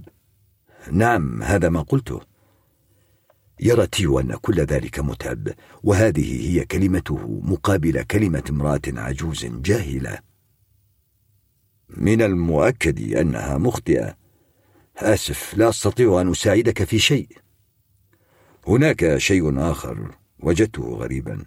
هناك حقيبة خاوية في سيارتك. كلاريس هي التي أعدت كل شيء ولا أرى مغزا في تركها حقيبة خاوية. حسنا ولكن هذا ما حدث. ربما عليك أن تسأل من استقبل الحالة. بالتأكيد أخذوا بعض الأمتعة. لو أنهم سيأخذون شيئا لا أخذوا التليفونات. ألا تظن ذلك؟ ازداد غيظ المحقق بينما كان تيو مسرورا في داخله. لا أدري. لقد طلبت الإذن في تفريغ مكالمات تليفونك وتليفون كلاريس والآن نحاول أن نعرف محتويات اللابتوب. لقد تهشم في الحادث ولكن لدينا فنيون يعملون عليه. لا أدري ما علاقة هذا ببرينو المفقود. سيكون عظيما. لو قلت لي لماذا الحقيبة فارغة؟ فعلا سيكون عظيما أوافقك. لم يكن للحوار أي معنى بالنسبة له قال المحقق. كان برينو شابا لطيفا. ليس له أعداء أتساءل من تراه فعل ذلك؟ ماذا تظن؟ ربما قتل نفسه. هيلينا تفكر في الشيء نفسه ولكنني لا أتفق معها وهز المحقق كتفيه. سيتم استدعاؤك إلى قسم الشرطة. أرادت أن يقول شيئا ولكنه تنهد أحس بالتعب. لا يريد أن يجيب أي سؤال أو أن يتحرك أو حتى أن ينصرف. إنه يشبه عملية انتقام أو كابوسا سيصير حقيقة. أخيرا استطاع أن يقول لا أريد أن أتحدث معك أكثر من ذلك. وهو كذلك يا بني. ابتسم المحقق وربت على كتفه قبل أن يختفي في الممر. أحس تيو بأن يديه ترتعشان فأغلق عينيه. أراد أن يلحق بالمحقق ولكن ليس لديه ما يقوله. عندما فتح عينيه مرة أخرى رأى كلاريس شاحبة للغاية فغمغم بصوت مليء بالمرارة. لن يتم القبض عليه. لا يمكن أن يتم القبض عليه. توقف في بار قريب من المستشفى وطلب كأسين من الويسكي دون ثلج. فكر فيما كان يمكن أن يحدث لو أنه لم يفعل شيئا. وماذا سيحدث لو فعل؟ بالنظر للأشياء من وجهة نظر الشرطة فهو مذنب منذ البداية. مكالمات غير مردود عليها. وحادثة السيارة. وإصابة كلاريس. كل هذا واضح جدا. ويقود المحقق مباشرة إليه. شعر بالأمل واليأس في الوقت نفسه. انتقد نفسه لعدم فتح لابتوب كلاريس بعد مغادرة إلها جراندي فهو لا يعرف ماذا كتبت في أثناء تقييده إلى السرير. لربما كتبت عن القيود وثيولاكس. رأى صورته على سطح الطاولة بفمه المتدلي وعينيه البائسة. لقد كان غبيا وهو الذي احتقر الغباء أكثر من أي شيء ففي النهاية لا مذنب غيره. لقد خاطر كثيرا ليحظى بكلاريس منذ اللحظة التي قابلها فيها أحس كأنها له. لقد تفهم الموقف تماما فكلاريس لا تهتم به إطلاقا وإن كان من العزاء وقوف هيلينا وغوستاف إلى جانبه ولكن ذلك ليس كافيا لكي يشعر بالأمان. لم ترغب كلاريس مطلقا في فعل أي شيء معه. هذه هي الحقيقة. وقتهما معا. تفانيه وجهده. كل شيء سيذهب هباء. لو أنها ظلت في غيبوبة لشهور أو ربما سنين فلن تكون له. ولو أنها أفاقت ربما تبلغ الشرطة بكل شيء. تيو في الحالتين فاشل. فتخيل أن موتها سيكون أخف ألما. دفع الحساب وهو نصف مخمور. مشى بسلاسة شاعرا بشجاعة كافية لتنفيذ ما يجب عليه فعله. اتجه إلى المستشفى مباشرة لأنه لم يعطهم بطاقة الزائر عندما انصرف وعندما دخل غرفة العناية أحس بشيء مختلف غريب قليلا لكن سعيد كأن لا شيء مما حوله حقيقي. أحس كأنه يعيش في فيلم مع أناس في الجانب الآخر يراقبونه عن طريق الكاميرات العاملة على مدى 24 ساعة في اليوم. بدأ المستشفى خاليا في تلك الساعة. وقت الزيارة قد انتهى تقريبا والأطباء يغيرون نوباتهم. ألقت الأضواء التي في الممر شعاعا من الضوء الأبيض في عنبر كلاريس. نظر تيو حوله قبل إغلاق الستارة. صوت الطنين أزعجه كما أنه أخذ يزداد حدة. شعر بالدوار قليلا غير أنه ركز انتباهه على الآلات التي تحافظ على حياة كلاريس والتي كانت موصلة بالأسلاك بذراعها وأنفها ورقبتها. أسكت إشارات التنبيه الرئيسية والتنفس الصناعي. انحنى ولمس وجهها ملمسها بارد. فصل جهاز التنفس الصناعي. أقلقه الصمت للحظة بينما ازدادت دقات قلبها على الشاشة. التوت كلاريس تنفست بصعوبة وحرك ذراعيها. شعر بالرعب. انتابه شعور لم يشعر به من قبل وأدرك أنه لا يستطيع أن يستمر في التنفيذ. ليست كلاريس مثل برينو. أعاد توصيل الجهاز وعدل مؤشر الأكسجين إلى مئة في المئة. ارتفع صوت الإنذارات. وهرع الأطباء إلى العنبر ودفعوه جانبا. صح أحدهم فشل في التنفس. لم يسمع تيو شيئا آخر. دفعه جسده إلى التحرك تلقائيا. غادر المستشفى. سار في الشوارع ووجد نفسه في البيت قبل أن يدرك ذلك. أغلق على نفسه باب غرفته وأخذ يبكي بشدة دون أن يعرف السبب. طرقت باتريشيا بابه. لا يريد أن يتحدث معها أو مع أي شخص آخر سواء كان جوستاف أم هيلينا أم أكوينو أم برينو. لو كان في المسدس طلقة واحدة لأطلقها على رأسه ليتحرر مما هو فيه. بعدما تركته أمه أخيرا لشأنه أسرع نحو الحمام وابتلع قرصا من الهيبنوليد. انتفض جسمه بشدة كأن روحه تحلق في الهواء. لكنه يعلم أنه في حاجة إلى الراحة. غلبه النوم وهو يرى أن كل شيء خاطئ تماما. واحد وثلاثون. رأسه يؤلمه. فقد وصل إلى نتيجة مفادها. أن أسئلة المحقق قد أغضبت وانتهت به ليفعل شيئا خطأ أحس بأن داخله متعفن. فتفكيره في قتل كلاريس أمر حقير وقد استسلم له بسهولة. كان مخمورا ولكن ليس ذلك بعذر كاف. من المحتمل أنه توجد كاميرات مراقبة في ممرات المستشفى والآن يعرف كل فرد ما فعله. تخيل تعبيرات وجه هيلينا البائسة ورد فعل باتريشيا. إن حياة أمه تعتمد عليه. والان ضاع كل شيء حتى إنه لا يعرف إذا كانت كلاريس على قيد الحياة. لكم يتمنى ذلك. لا توجد وسيلة للاتصال بالمستشفى أو هيلينا. لكم هو حزين لأنه يكاد لا يعرف الحقيقة. ماذا سيقول؟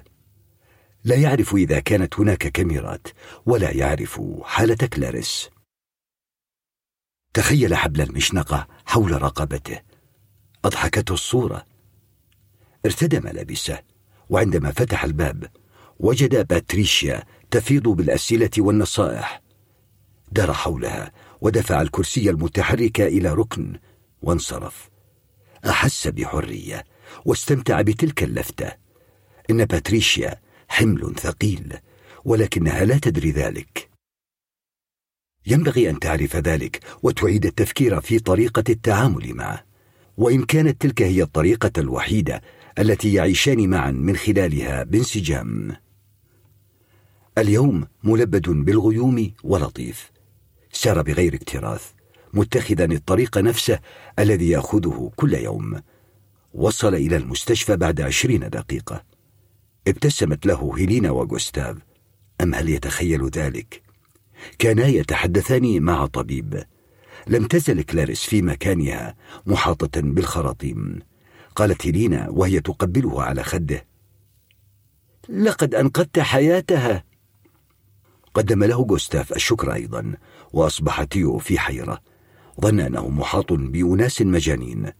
لقد رآه الأطباء يزيد من معدل الأكسجين في أثناء واقعة فشل التنفس وهذا ما أنقذها من أن تصبح جسدا مدمرا إن لم يكن ميتا. فرح به غوستاف وهيلينا للغاية حتى الطبيب هنأه. لكم هو لطيف أن يلتف الناس حوله ويمتدحونه أحس تيو بالسعادة حتى لو ظلت كلاريس في غيبوبة للأبد فالأمر لن يكون سيئا. يستطيع أن يزورها مرة أو مرتين في الأسبوع ويتذكر كل ما فعلاه معا. قال الطبيب بعد واقعة أمس المرعبة تحسنت حالة كلاريس وسوف تتعافى في غضون أيام. قررت هيلينا أن يتناول تيو معها العشاء مرة ثانية تلك المرة في حضور غوستاف. كانت من النوعية التي تعبر عن فرحتها بالأكل. اختارت أفخم المطاعم في ليبلون وطلبت نبيذا. اضطر تيو على الطاولة أن يختلق قصة عما حدث بالأمس أراد أن يكون حذرا. ولشدة تعبه توصل إلى نتيجة مضمونها أنه لا يريد أن يكذب أو يخدع أو يتظاهر بعد ذلك من المحتمل أن تفيق كلاريس في غضون أيام قليلة وذلك أمر لا يهمه تقريبا وسيستمتع بصحبة أسرة مانيس بقدر ما يستطيع ولو أنهم فيما بعد كرهوه وأحبوا رؤيته خلف القضبان فبماذا سيهم ذلك؟ إنه لم يندم على ما فعل فكل ما فعله كان لصالح كلاريس وعليها هي فقط أن تقدره أو تفضل أن تبلغ عنه الشرطة. هو يعلم أنها بخير وهذا يكفي. ولو أنها ماتت فإنه لا يمتلك شيئا. استأذن تيو ليرد على التليفون. لقد انتهوا من الوجبة الرئيسية وطلبت هيلينا التحلية. كانت باتريشيا. وقد وبخته بكلمات لاذعة وقالت إنها لم تتعرف على تيو الجديد. أعجبه المسمى ود لو أخبرها بسعادته لهذا المسمى ولكنه اكتفى بالاعتذار عن رحيله بسرعة وأبلغها الخبر. فقالت إنها فخورة به وإن لم تزل غاضبة وعدها تيو بأنه سيطبخ لها لاحقا. وعندما عاد إلى الطاولة وجد هيلينا بمفردها وقد دفعت الحساب. ذهب غوستاف ليحضر السيارة. جلس تيو ووضع تليفونه في جيبه وقال المحقق يشتبه فينا أنا وكلاريس. أراد أن يبلغها بذلك منذ لحظة جلوسه ولكنه شعر بالحرج من وجود غوستاف. لا يوجد أحد الآن حول الطاولة بينما الجرسونات يتحدثون معا بجوار ماكينة الدفع النقدية. لن يحدث الشيء تمنى تيو لو أنه على ثقة مثل هيلينا. بعد أن تناولت آخر ملعقة من جاتو الشوكولاتة نظرت إليه وقالت لماذا أنت قلق؟ لقد صرح المحقق بأنه على يقين بأن شيئا ما حدث ومن المؤكد أنه سيتم استدعائي. لا يملك شيئا ضدك. هذه مجرد محاولة لإيقاعك في الفخ. فكر في أن ريو دي جانيرو مدينة هادئة وليس لديه شيء أفضل يفعله. ماذا لو تم استدعائي؟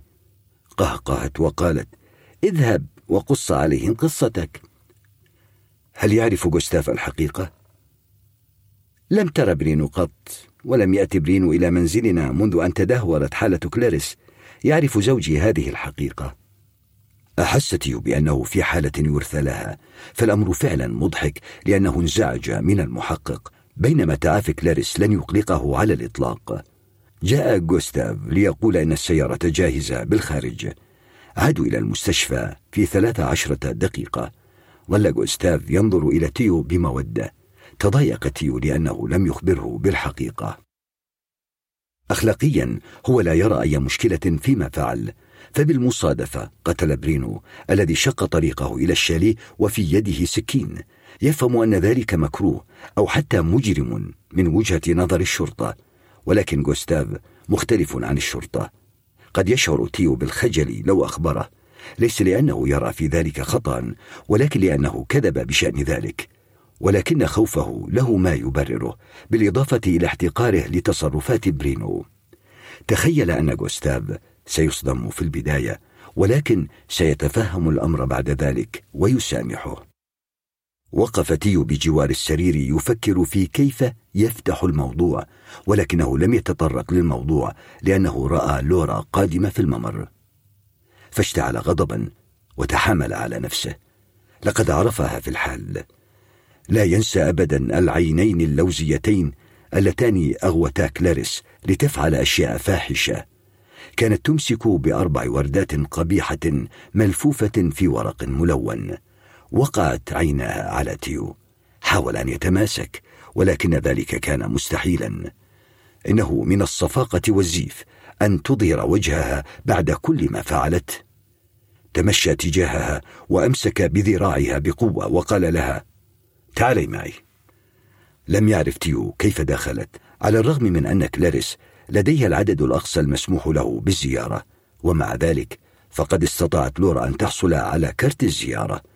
بالتأكيد هي من النوع الذي يحصل على ما يريد بالمراوغة. عندما وصل إلى منتصف الممر صاحت لورا ماذا تفعل؟ مثلها مثل كلاريس هي ضئيلة الجسم لكنها بدت تافهة. شعرها أسود ومظفر مثل الهنود. بدت مثيرة للشفقة. لا يريد تيو أن يتحدث معها ولكن أجبر نفسه على ذلك. أخرجي من هنا ولا تعودي. من أنت لكي فلوح لها بالدبلة. خطيب كلاريس وأنت لا تحتاجين إلى تقديم نفسك. أعرف من أنت وماذا فعلت مع كلاريس لقد وضعت كل ذلك وراء ظهرها الآن. قلق بعض الناس في المستشفى لما يحدث بينما وجده آخرون مسليا. قرأت رسائلك على التليفون وأخبرتني كلاريس بما حدث في لابا. يجب أن تذهبي وتبحثي عن زوج. رجع تيو إلى غرفة العناية. لم تجرؤ لورا على الظهور مرة أخرى مما جعل تيو سعيدا. كان لها تأثير سيء. رأى أنه فعل الشيء الصحيح بطردها. لم تقل هيلينا أو جوستاف أي شيء من الواضح أنهما متفقان معه.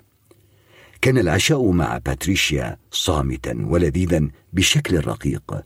فقد أراد أن يخلق محادثة ودية كانت مفتاحا لباتريشيا لتذكر تيو الجديد. كيف خاب أملها في الاختيارات التي اختارتها؟ وصلت إلى حد قولي إنها تمنت ابنا مولعا بالدراسة وليس أحمق يطارد الفتيات. ترك تيو المنضدة. ألم تستطع على الأقل أن تشعر بالامتنان للعشاء؟ بعد بضع دقائق جاءت باتريشيا إلى باب غرفته. أنا اسفه أعرف أنك تعاني. تقبل اعتذارها وحكى لها ما حدث في المستشفى. ضحكت باتريشيا كثيرا. ما زلت لا أفهم لماذا طردتها. ماذا فعلت لكلاريس؟ لم يستطع تيو أن يخبرها أن كلاريس مثلية الجنسية أو ايا كانت فقد توقف عن محاولة معرفة ذلك. لا أعرف كلاريس لا تحبها. ألا ترغب في أن تعرف السبب؟ لا راب عندما تفيق كلاريس حاول أن تعرف. أعلم أنك لا تحب أن أقولها لكني ما زلت أشعر باستياء فالبنت لا تزال تزعجني.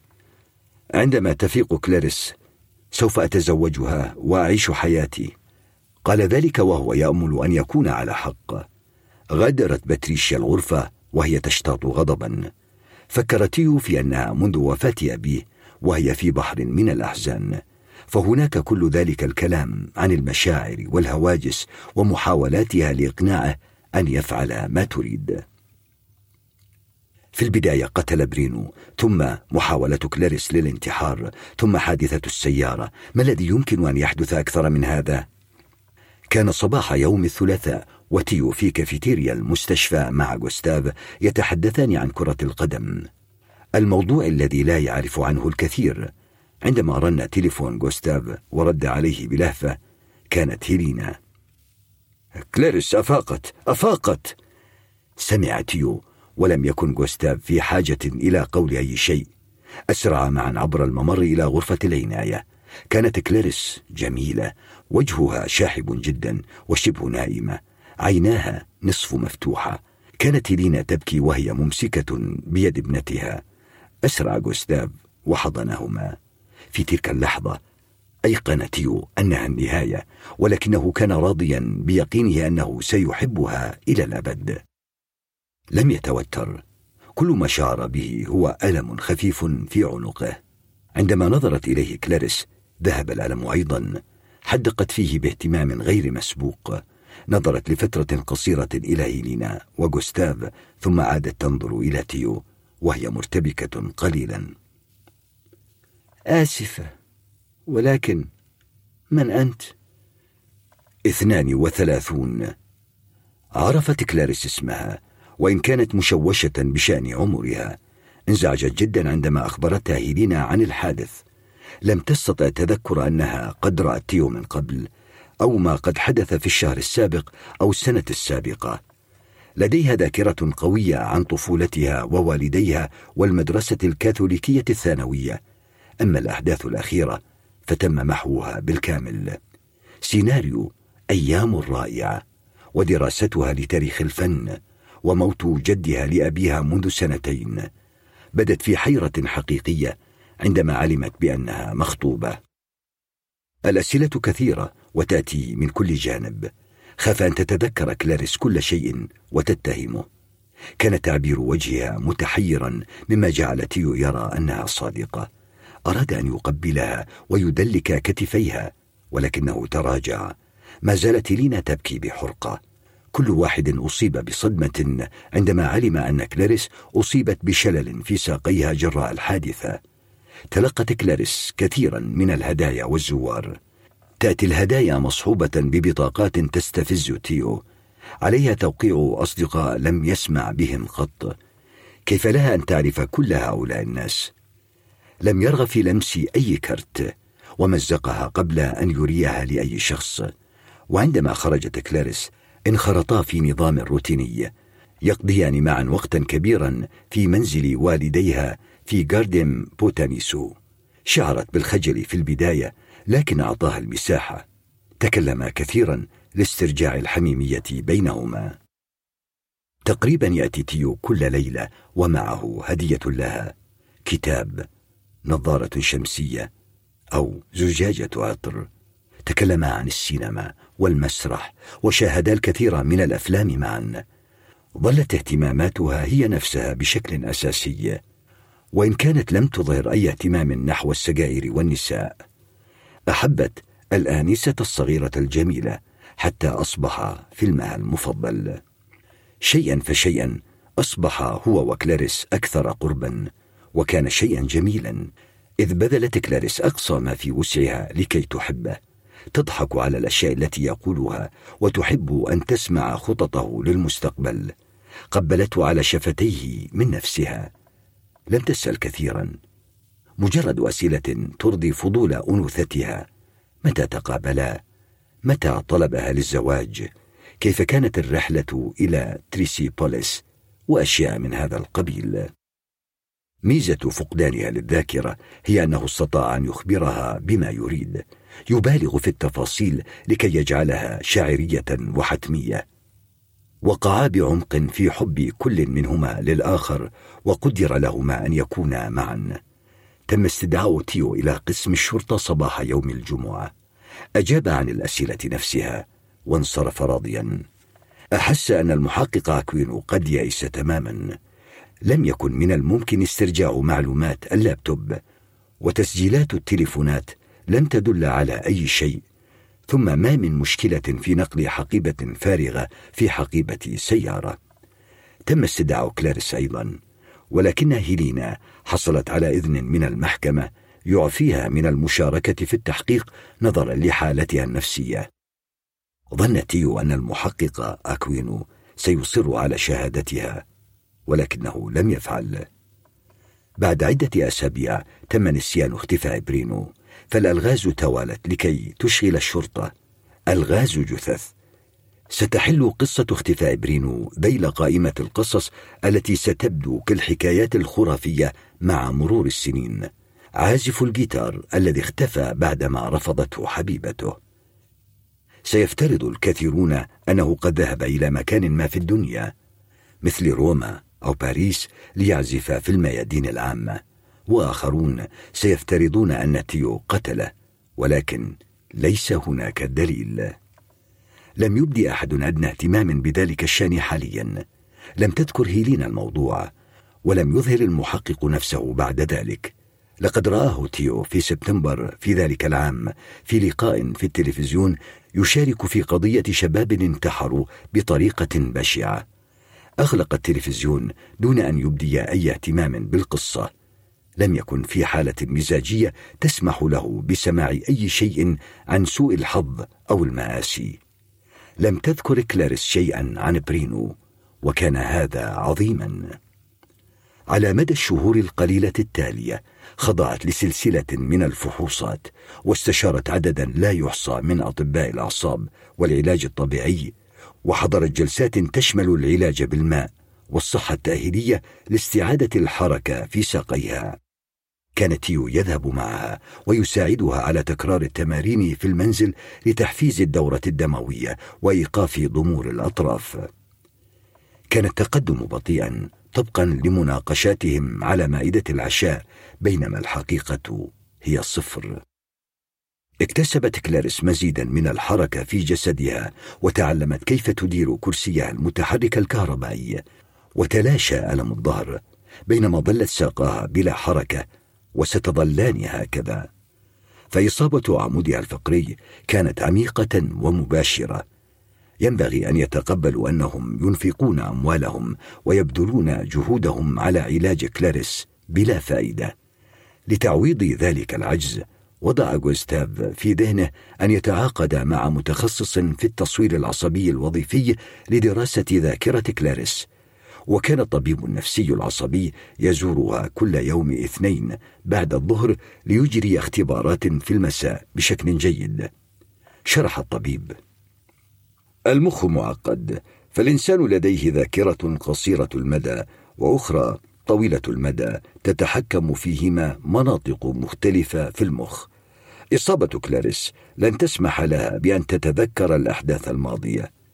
اذ ذاكرتها لما حدث في الفترة الأخيرة من حياتها معطلة تماما وهذا النوع من فقدان الذاكرة شائع جدا. فبعد التعرض لحادث السيارة قد لا يتذكر المرء وقت الحادثة أو الشهور السابقة لها. فعلينا أن نبدأ في العلاج لمحاولة استرجاع هذه الذاكرة تدريجيا. كان تيو ضد أي نوع من العلاج فقد أنشأ بديلا أفضل لكل شيء. إنه يشعر بالغثيان بمجرد التفكير في الماضي وكانت لينا ضد ذلك أيضا. ولكن غوستاف أصر عليه لأنه يقول إن أي توقف عن استرجاع ذاكرة كلاريس هو بمثابة شلل لشخصيتها. الأمر الذي اعتبره تيو مبالغا فيه قليلا. حبه لغوستاف قل بعد ذلك. ومع ذلك أسفرت الجلسات مع الطبيب النفسي العصبي عن لا شيء. لا يمكن أن تتذكر كلاريس إلا ما يخبرها به تيو. وفقا للطبيب النفسي العصبي أقوى ما تتذكره كلاريس هو لحظة تخرجها من المدرسة الثانوية. إن حالتها غير عادية إلى حد ما. إذ يؤثر فقدان الذاكرة عادة في الفترات الأقصر زمنا أسابيع أو شهور. تقدمت كلاريس للجامعة مرة ثانية. هذه المرة لدراسة تصميم الموضة. أصدقاؤها الجدد غير مريحين مثل القدامى تماما ولكن على الأقل لا تظل في الخارج إلى وقت متأخر في البارات أو تسمع السامبا في لابا ولا تستطيع أن ترقص مع رجال آخرين. على أي حال لن تجد كثيرين قد يقبلون بها حاليا. تحامل تيو على نفسه لكي يتأكد من ارتياح كلاريس حتى لو كانت تعبيرات وجهها تقريبا غير معبرة أو متبرمة. يجدها أحيانا تراقبه وعيناها تطيل النظر إليه ولكن لا يعرف فيما تفكر. أحيانا تجعله نظراتها يشعر بالغباء والعجز. كانت كلاريس تكتب كل يوم ظنت أنها تكتب مسودة رواية أو سيناريو. قالت له طلب مني الدكتور أن أسجل كل شيء وأحاول أن أفصل ما أتذكره عن الذي أعتقد أني أتذكره لأنك أنت وأمي أخبرتماني بأن أناسا كثيرين من مصابي فقدان الذاكرة قد فعلوا ذلك وعادة ما تنجح هذه الطريقة. ومن ذلك اليوم بدأ تيو ينتبه جيدا لما يقوله لكلاريس وما يفعله معها. فيتجنب الشواطئ واللوكندات وحفلات الأوركسترا. لم يذكر جيرترود فربما تطلب كلاريس أن تقابلها. مجرد سماع الجيتار كان يسبب له قشعريرة. كانت بشكل ما مدمنة جنس على الرغم من أنها تجد اللذة في مناطق حساسة أخرى فتحب على وجه الخصوص عندما يلعق تيو أذنها. يمارسان الجنس تقريبا كل يوم لكنه رفض ذات مرة بشدة عندما طلبت منه أن يقيدها في السرير. تخرج تيو من كلية الطب وتخصص في الطب النفسي. لقد اهتم بالموضوع في السنة الرابعة مما تسبب في إعادة اختيار تخصصه. اشترت هيلينا وغوستاف لهما شقة في حي ساتت وساعداهما في المصاريف. ودفعا أيضا رسوم جامعة كلاريس الشقة ممتعة بطرقات واسعة وحمام واسع يتناسب مع الكرسي المتحرك. اكتشف تيو أن المالك السابق كان مريضا بالشلل الرباعي. وعلى الرغم من أن جثة برينو لم يتم العثور عليها فقد حافظت يو على عادة تصفح الجرائد كل يوم وانتهى الأمر بأن بدأ يهتم بالاقتصاد الدولي. عندما تخرجت كلاريس من الجامعة شاركت صديقة لها في مشروع عمل كانت تعمل من المنزل. وحدثت موقعها على الإنترنت وأخذت تفصل قطع الملابس حسب المواصفات.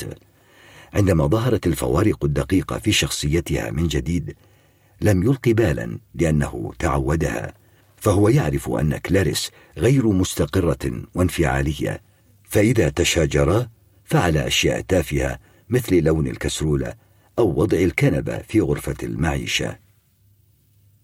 استمر عدم تحكم كلاريس في وظائفها البدنية حتى أصبح مزعجا فاشترى لها حفاضات الشيخوخة وساعدها في تغييرها. أحيانا ينتابها كوابيس فتستيقظ وهي تعتقد أنها بنت أربعة عشر أو خمسة عشر عاما. كانت تلك لحظات حزينة. ما ازعج تيو أنه قد رآها تعاني من عواقب عدم شعورها بالمسؤولية طوال تلك الفترة الطويلة. فكانت كلاريس الغامضة العنيدة تباغته بأشياء مفاجئة. أصرت باتريشيا على محاولة اكتشاف سر موت سامسون فأرهقت كلاريس مللا. فدائما ما يتخلل الوقت الذي تجتمعان فيه إهانات خفية غير أنه في إحدى المرات اشتد بينهما تبادل الاتهامات حتى اضطر تيو للتدخل. اتهمت باتريشيا كلاريس بأنها قد قتلت كلبها. فدافعت كلاريس عن نفسها وقالت إنها لا تتذكر الكلب وقالت لها لو أنني أستطيع أن أقتل شخصا ما لقتلتك أنت. أصيبت باتريشيا في ديسمبر بأزمة قلبية في أثناء تناول العشاء في منزلها. بعد وفاة أمه أحس تيو بضرورة أن يبدأ حياته الخاصة به. تزوجا في كنيسة سان بينتو موناستري في صباح جميل من أيام يناير. الكنيسة جميلة جدا بمنظر ممتع على خليج غوانابارا عرف تيو مدرسة بندكتن التقليدية للأولاد المجاورة للكنيسة معرفة جيدة وقرر أن يلحق بها ابنه. لقد وجد مؤخرا وظيفة في مستشفى انستيتيو فيليب بينيل النفسية ويستطيع أن يدفع رسوم المدرسة. كانت كلاريس جميلة في فستانها الأبيض سعيدة ومليئة بالدموع. دفعها جوزتاف بالكرسي المتحرك إلى منصة القران. حضرت مارلي حفل الزفاف وكانت آخر مرة يراها فيها تيو أحس بأن موت أمه فصله عن روابط الماضي وليس أمامه الآن إلا المستقبل. مستقبل الوعود والآمال. كانت تنتاب كلاريس بعض الكوابيس القليلة. على الرغم من أنها أحيانا ما تتصرف بغرابة وهي مستيقظة وهذا أمر محبط. إذ كانت تصرخ وتحطم الأطباق في الحائط زاعمة بأن الأطباق مسمومة. ربما لم يكن زواجهما مثاليا ولكن هناك زيجات أسوأ تعاني من الخيانة والأكاذيب والعنف والخمور والأمراض. فاجأه حمل كلاريس فبسبب انشغال تيو بالماجستير لم يلحظ علاماته. مثل انقطاع الدورة الشهرية وشعورا بالدوار والوحم أجرت بعض الفحوصات وكان يأخذ إجازات من العمل ليذهب معها لمواعيد الطبيب الذي قال مبارك حامل في أربعة أشهر. بنت هل فكرتما في الاسم؟ لم يتحدثا في الموضوع لأنه ما كان على يقين من أنه سيكون ولدا. على أي حال كان تيو سعيدا جدا. وكذلك كلاريس. أدرك أن تلك اللحظة من أهم اللحظات في حياته. أحب كلاريس والطفلة التي ستولد. فتح فمه ليقول انهما لم يفكرا في الاسم حتى الآن. ولكن كلاريس قاطعته. كانت جالسة وظهرها معتدل وتدلك بطنها المنتفخ. وابتسمت لتيو وقالت خطر على بالي اسم جميل. جيرترود ما رايك يا حبيبي. استمعتم إلى امرأة في حقيبة قرأها لكم داوود عفيشات. تأليف رافائيل مونتيز. تم إنتاج هذا الكتاب الصوتي من قبل ستوري سايد سنة 2020 بالتعاون مع العربي للنشر والتوزيع لمنصة ستوري تل جميع الحقوق محفوظة. حقوق التأليف رافائيل مونتيز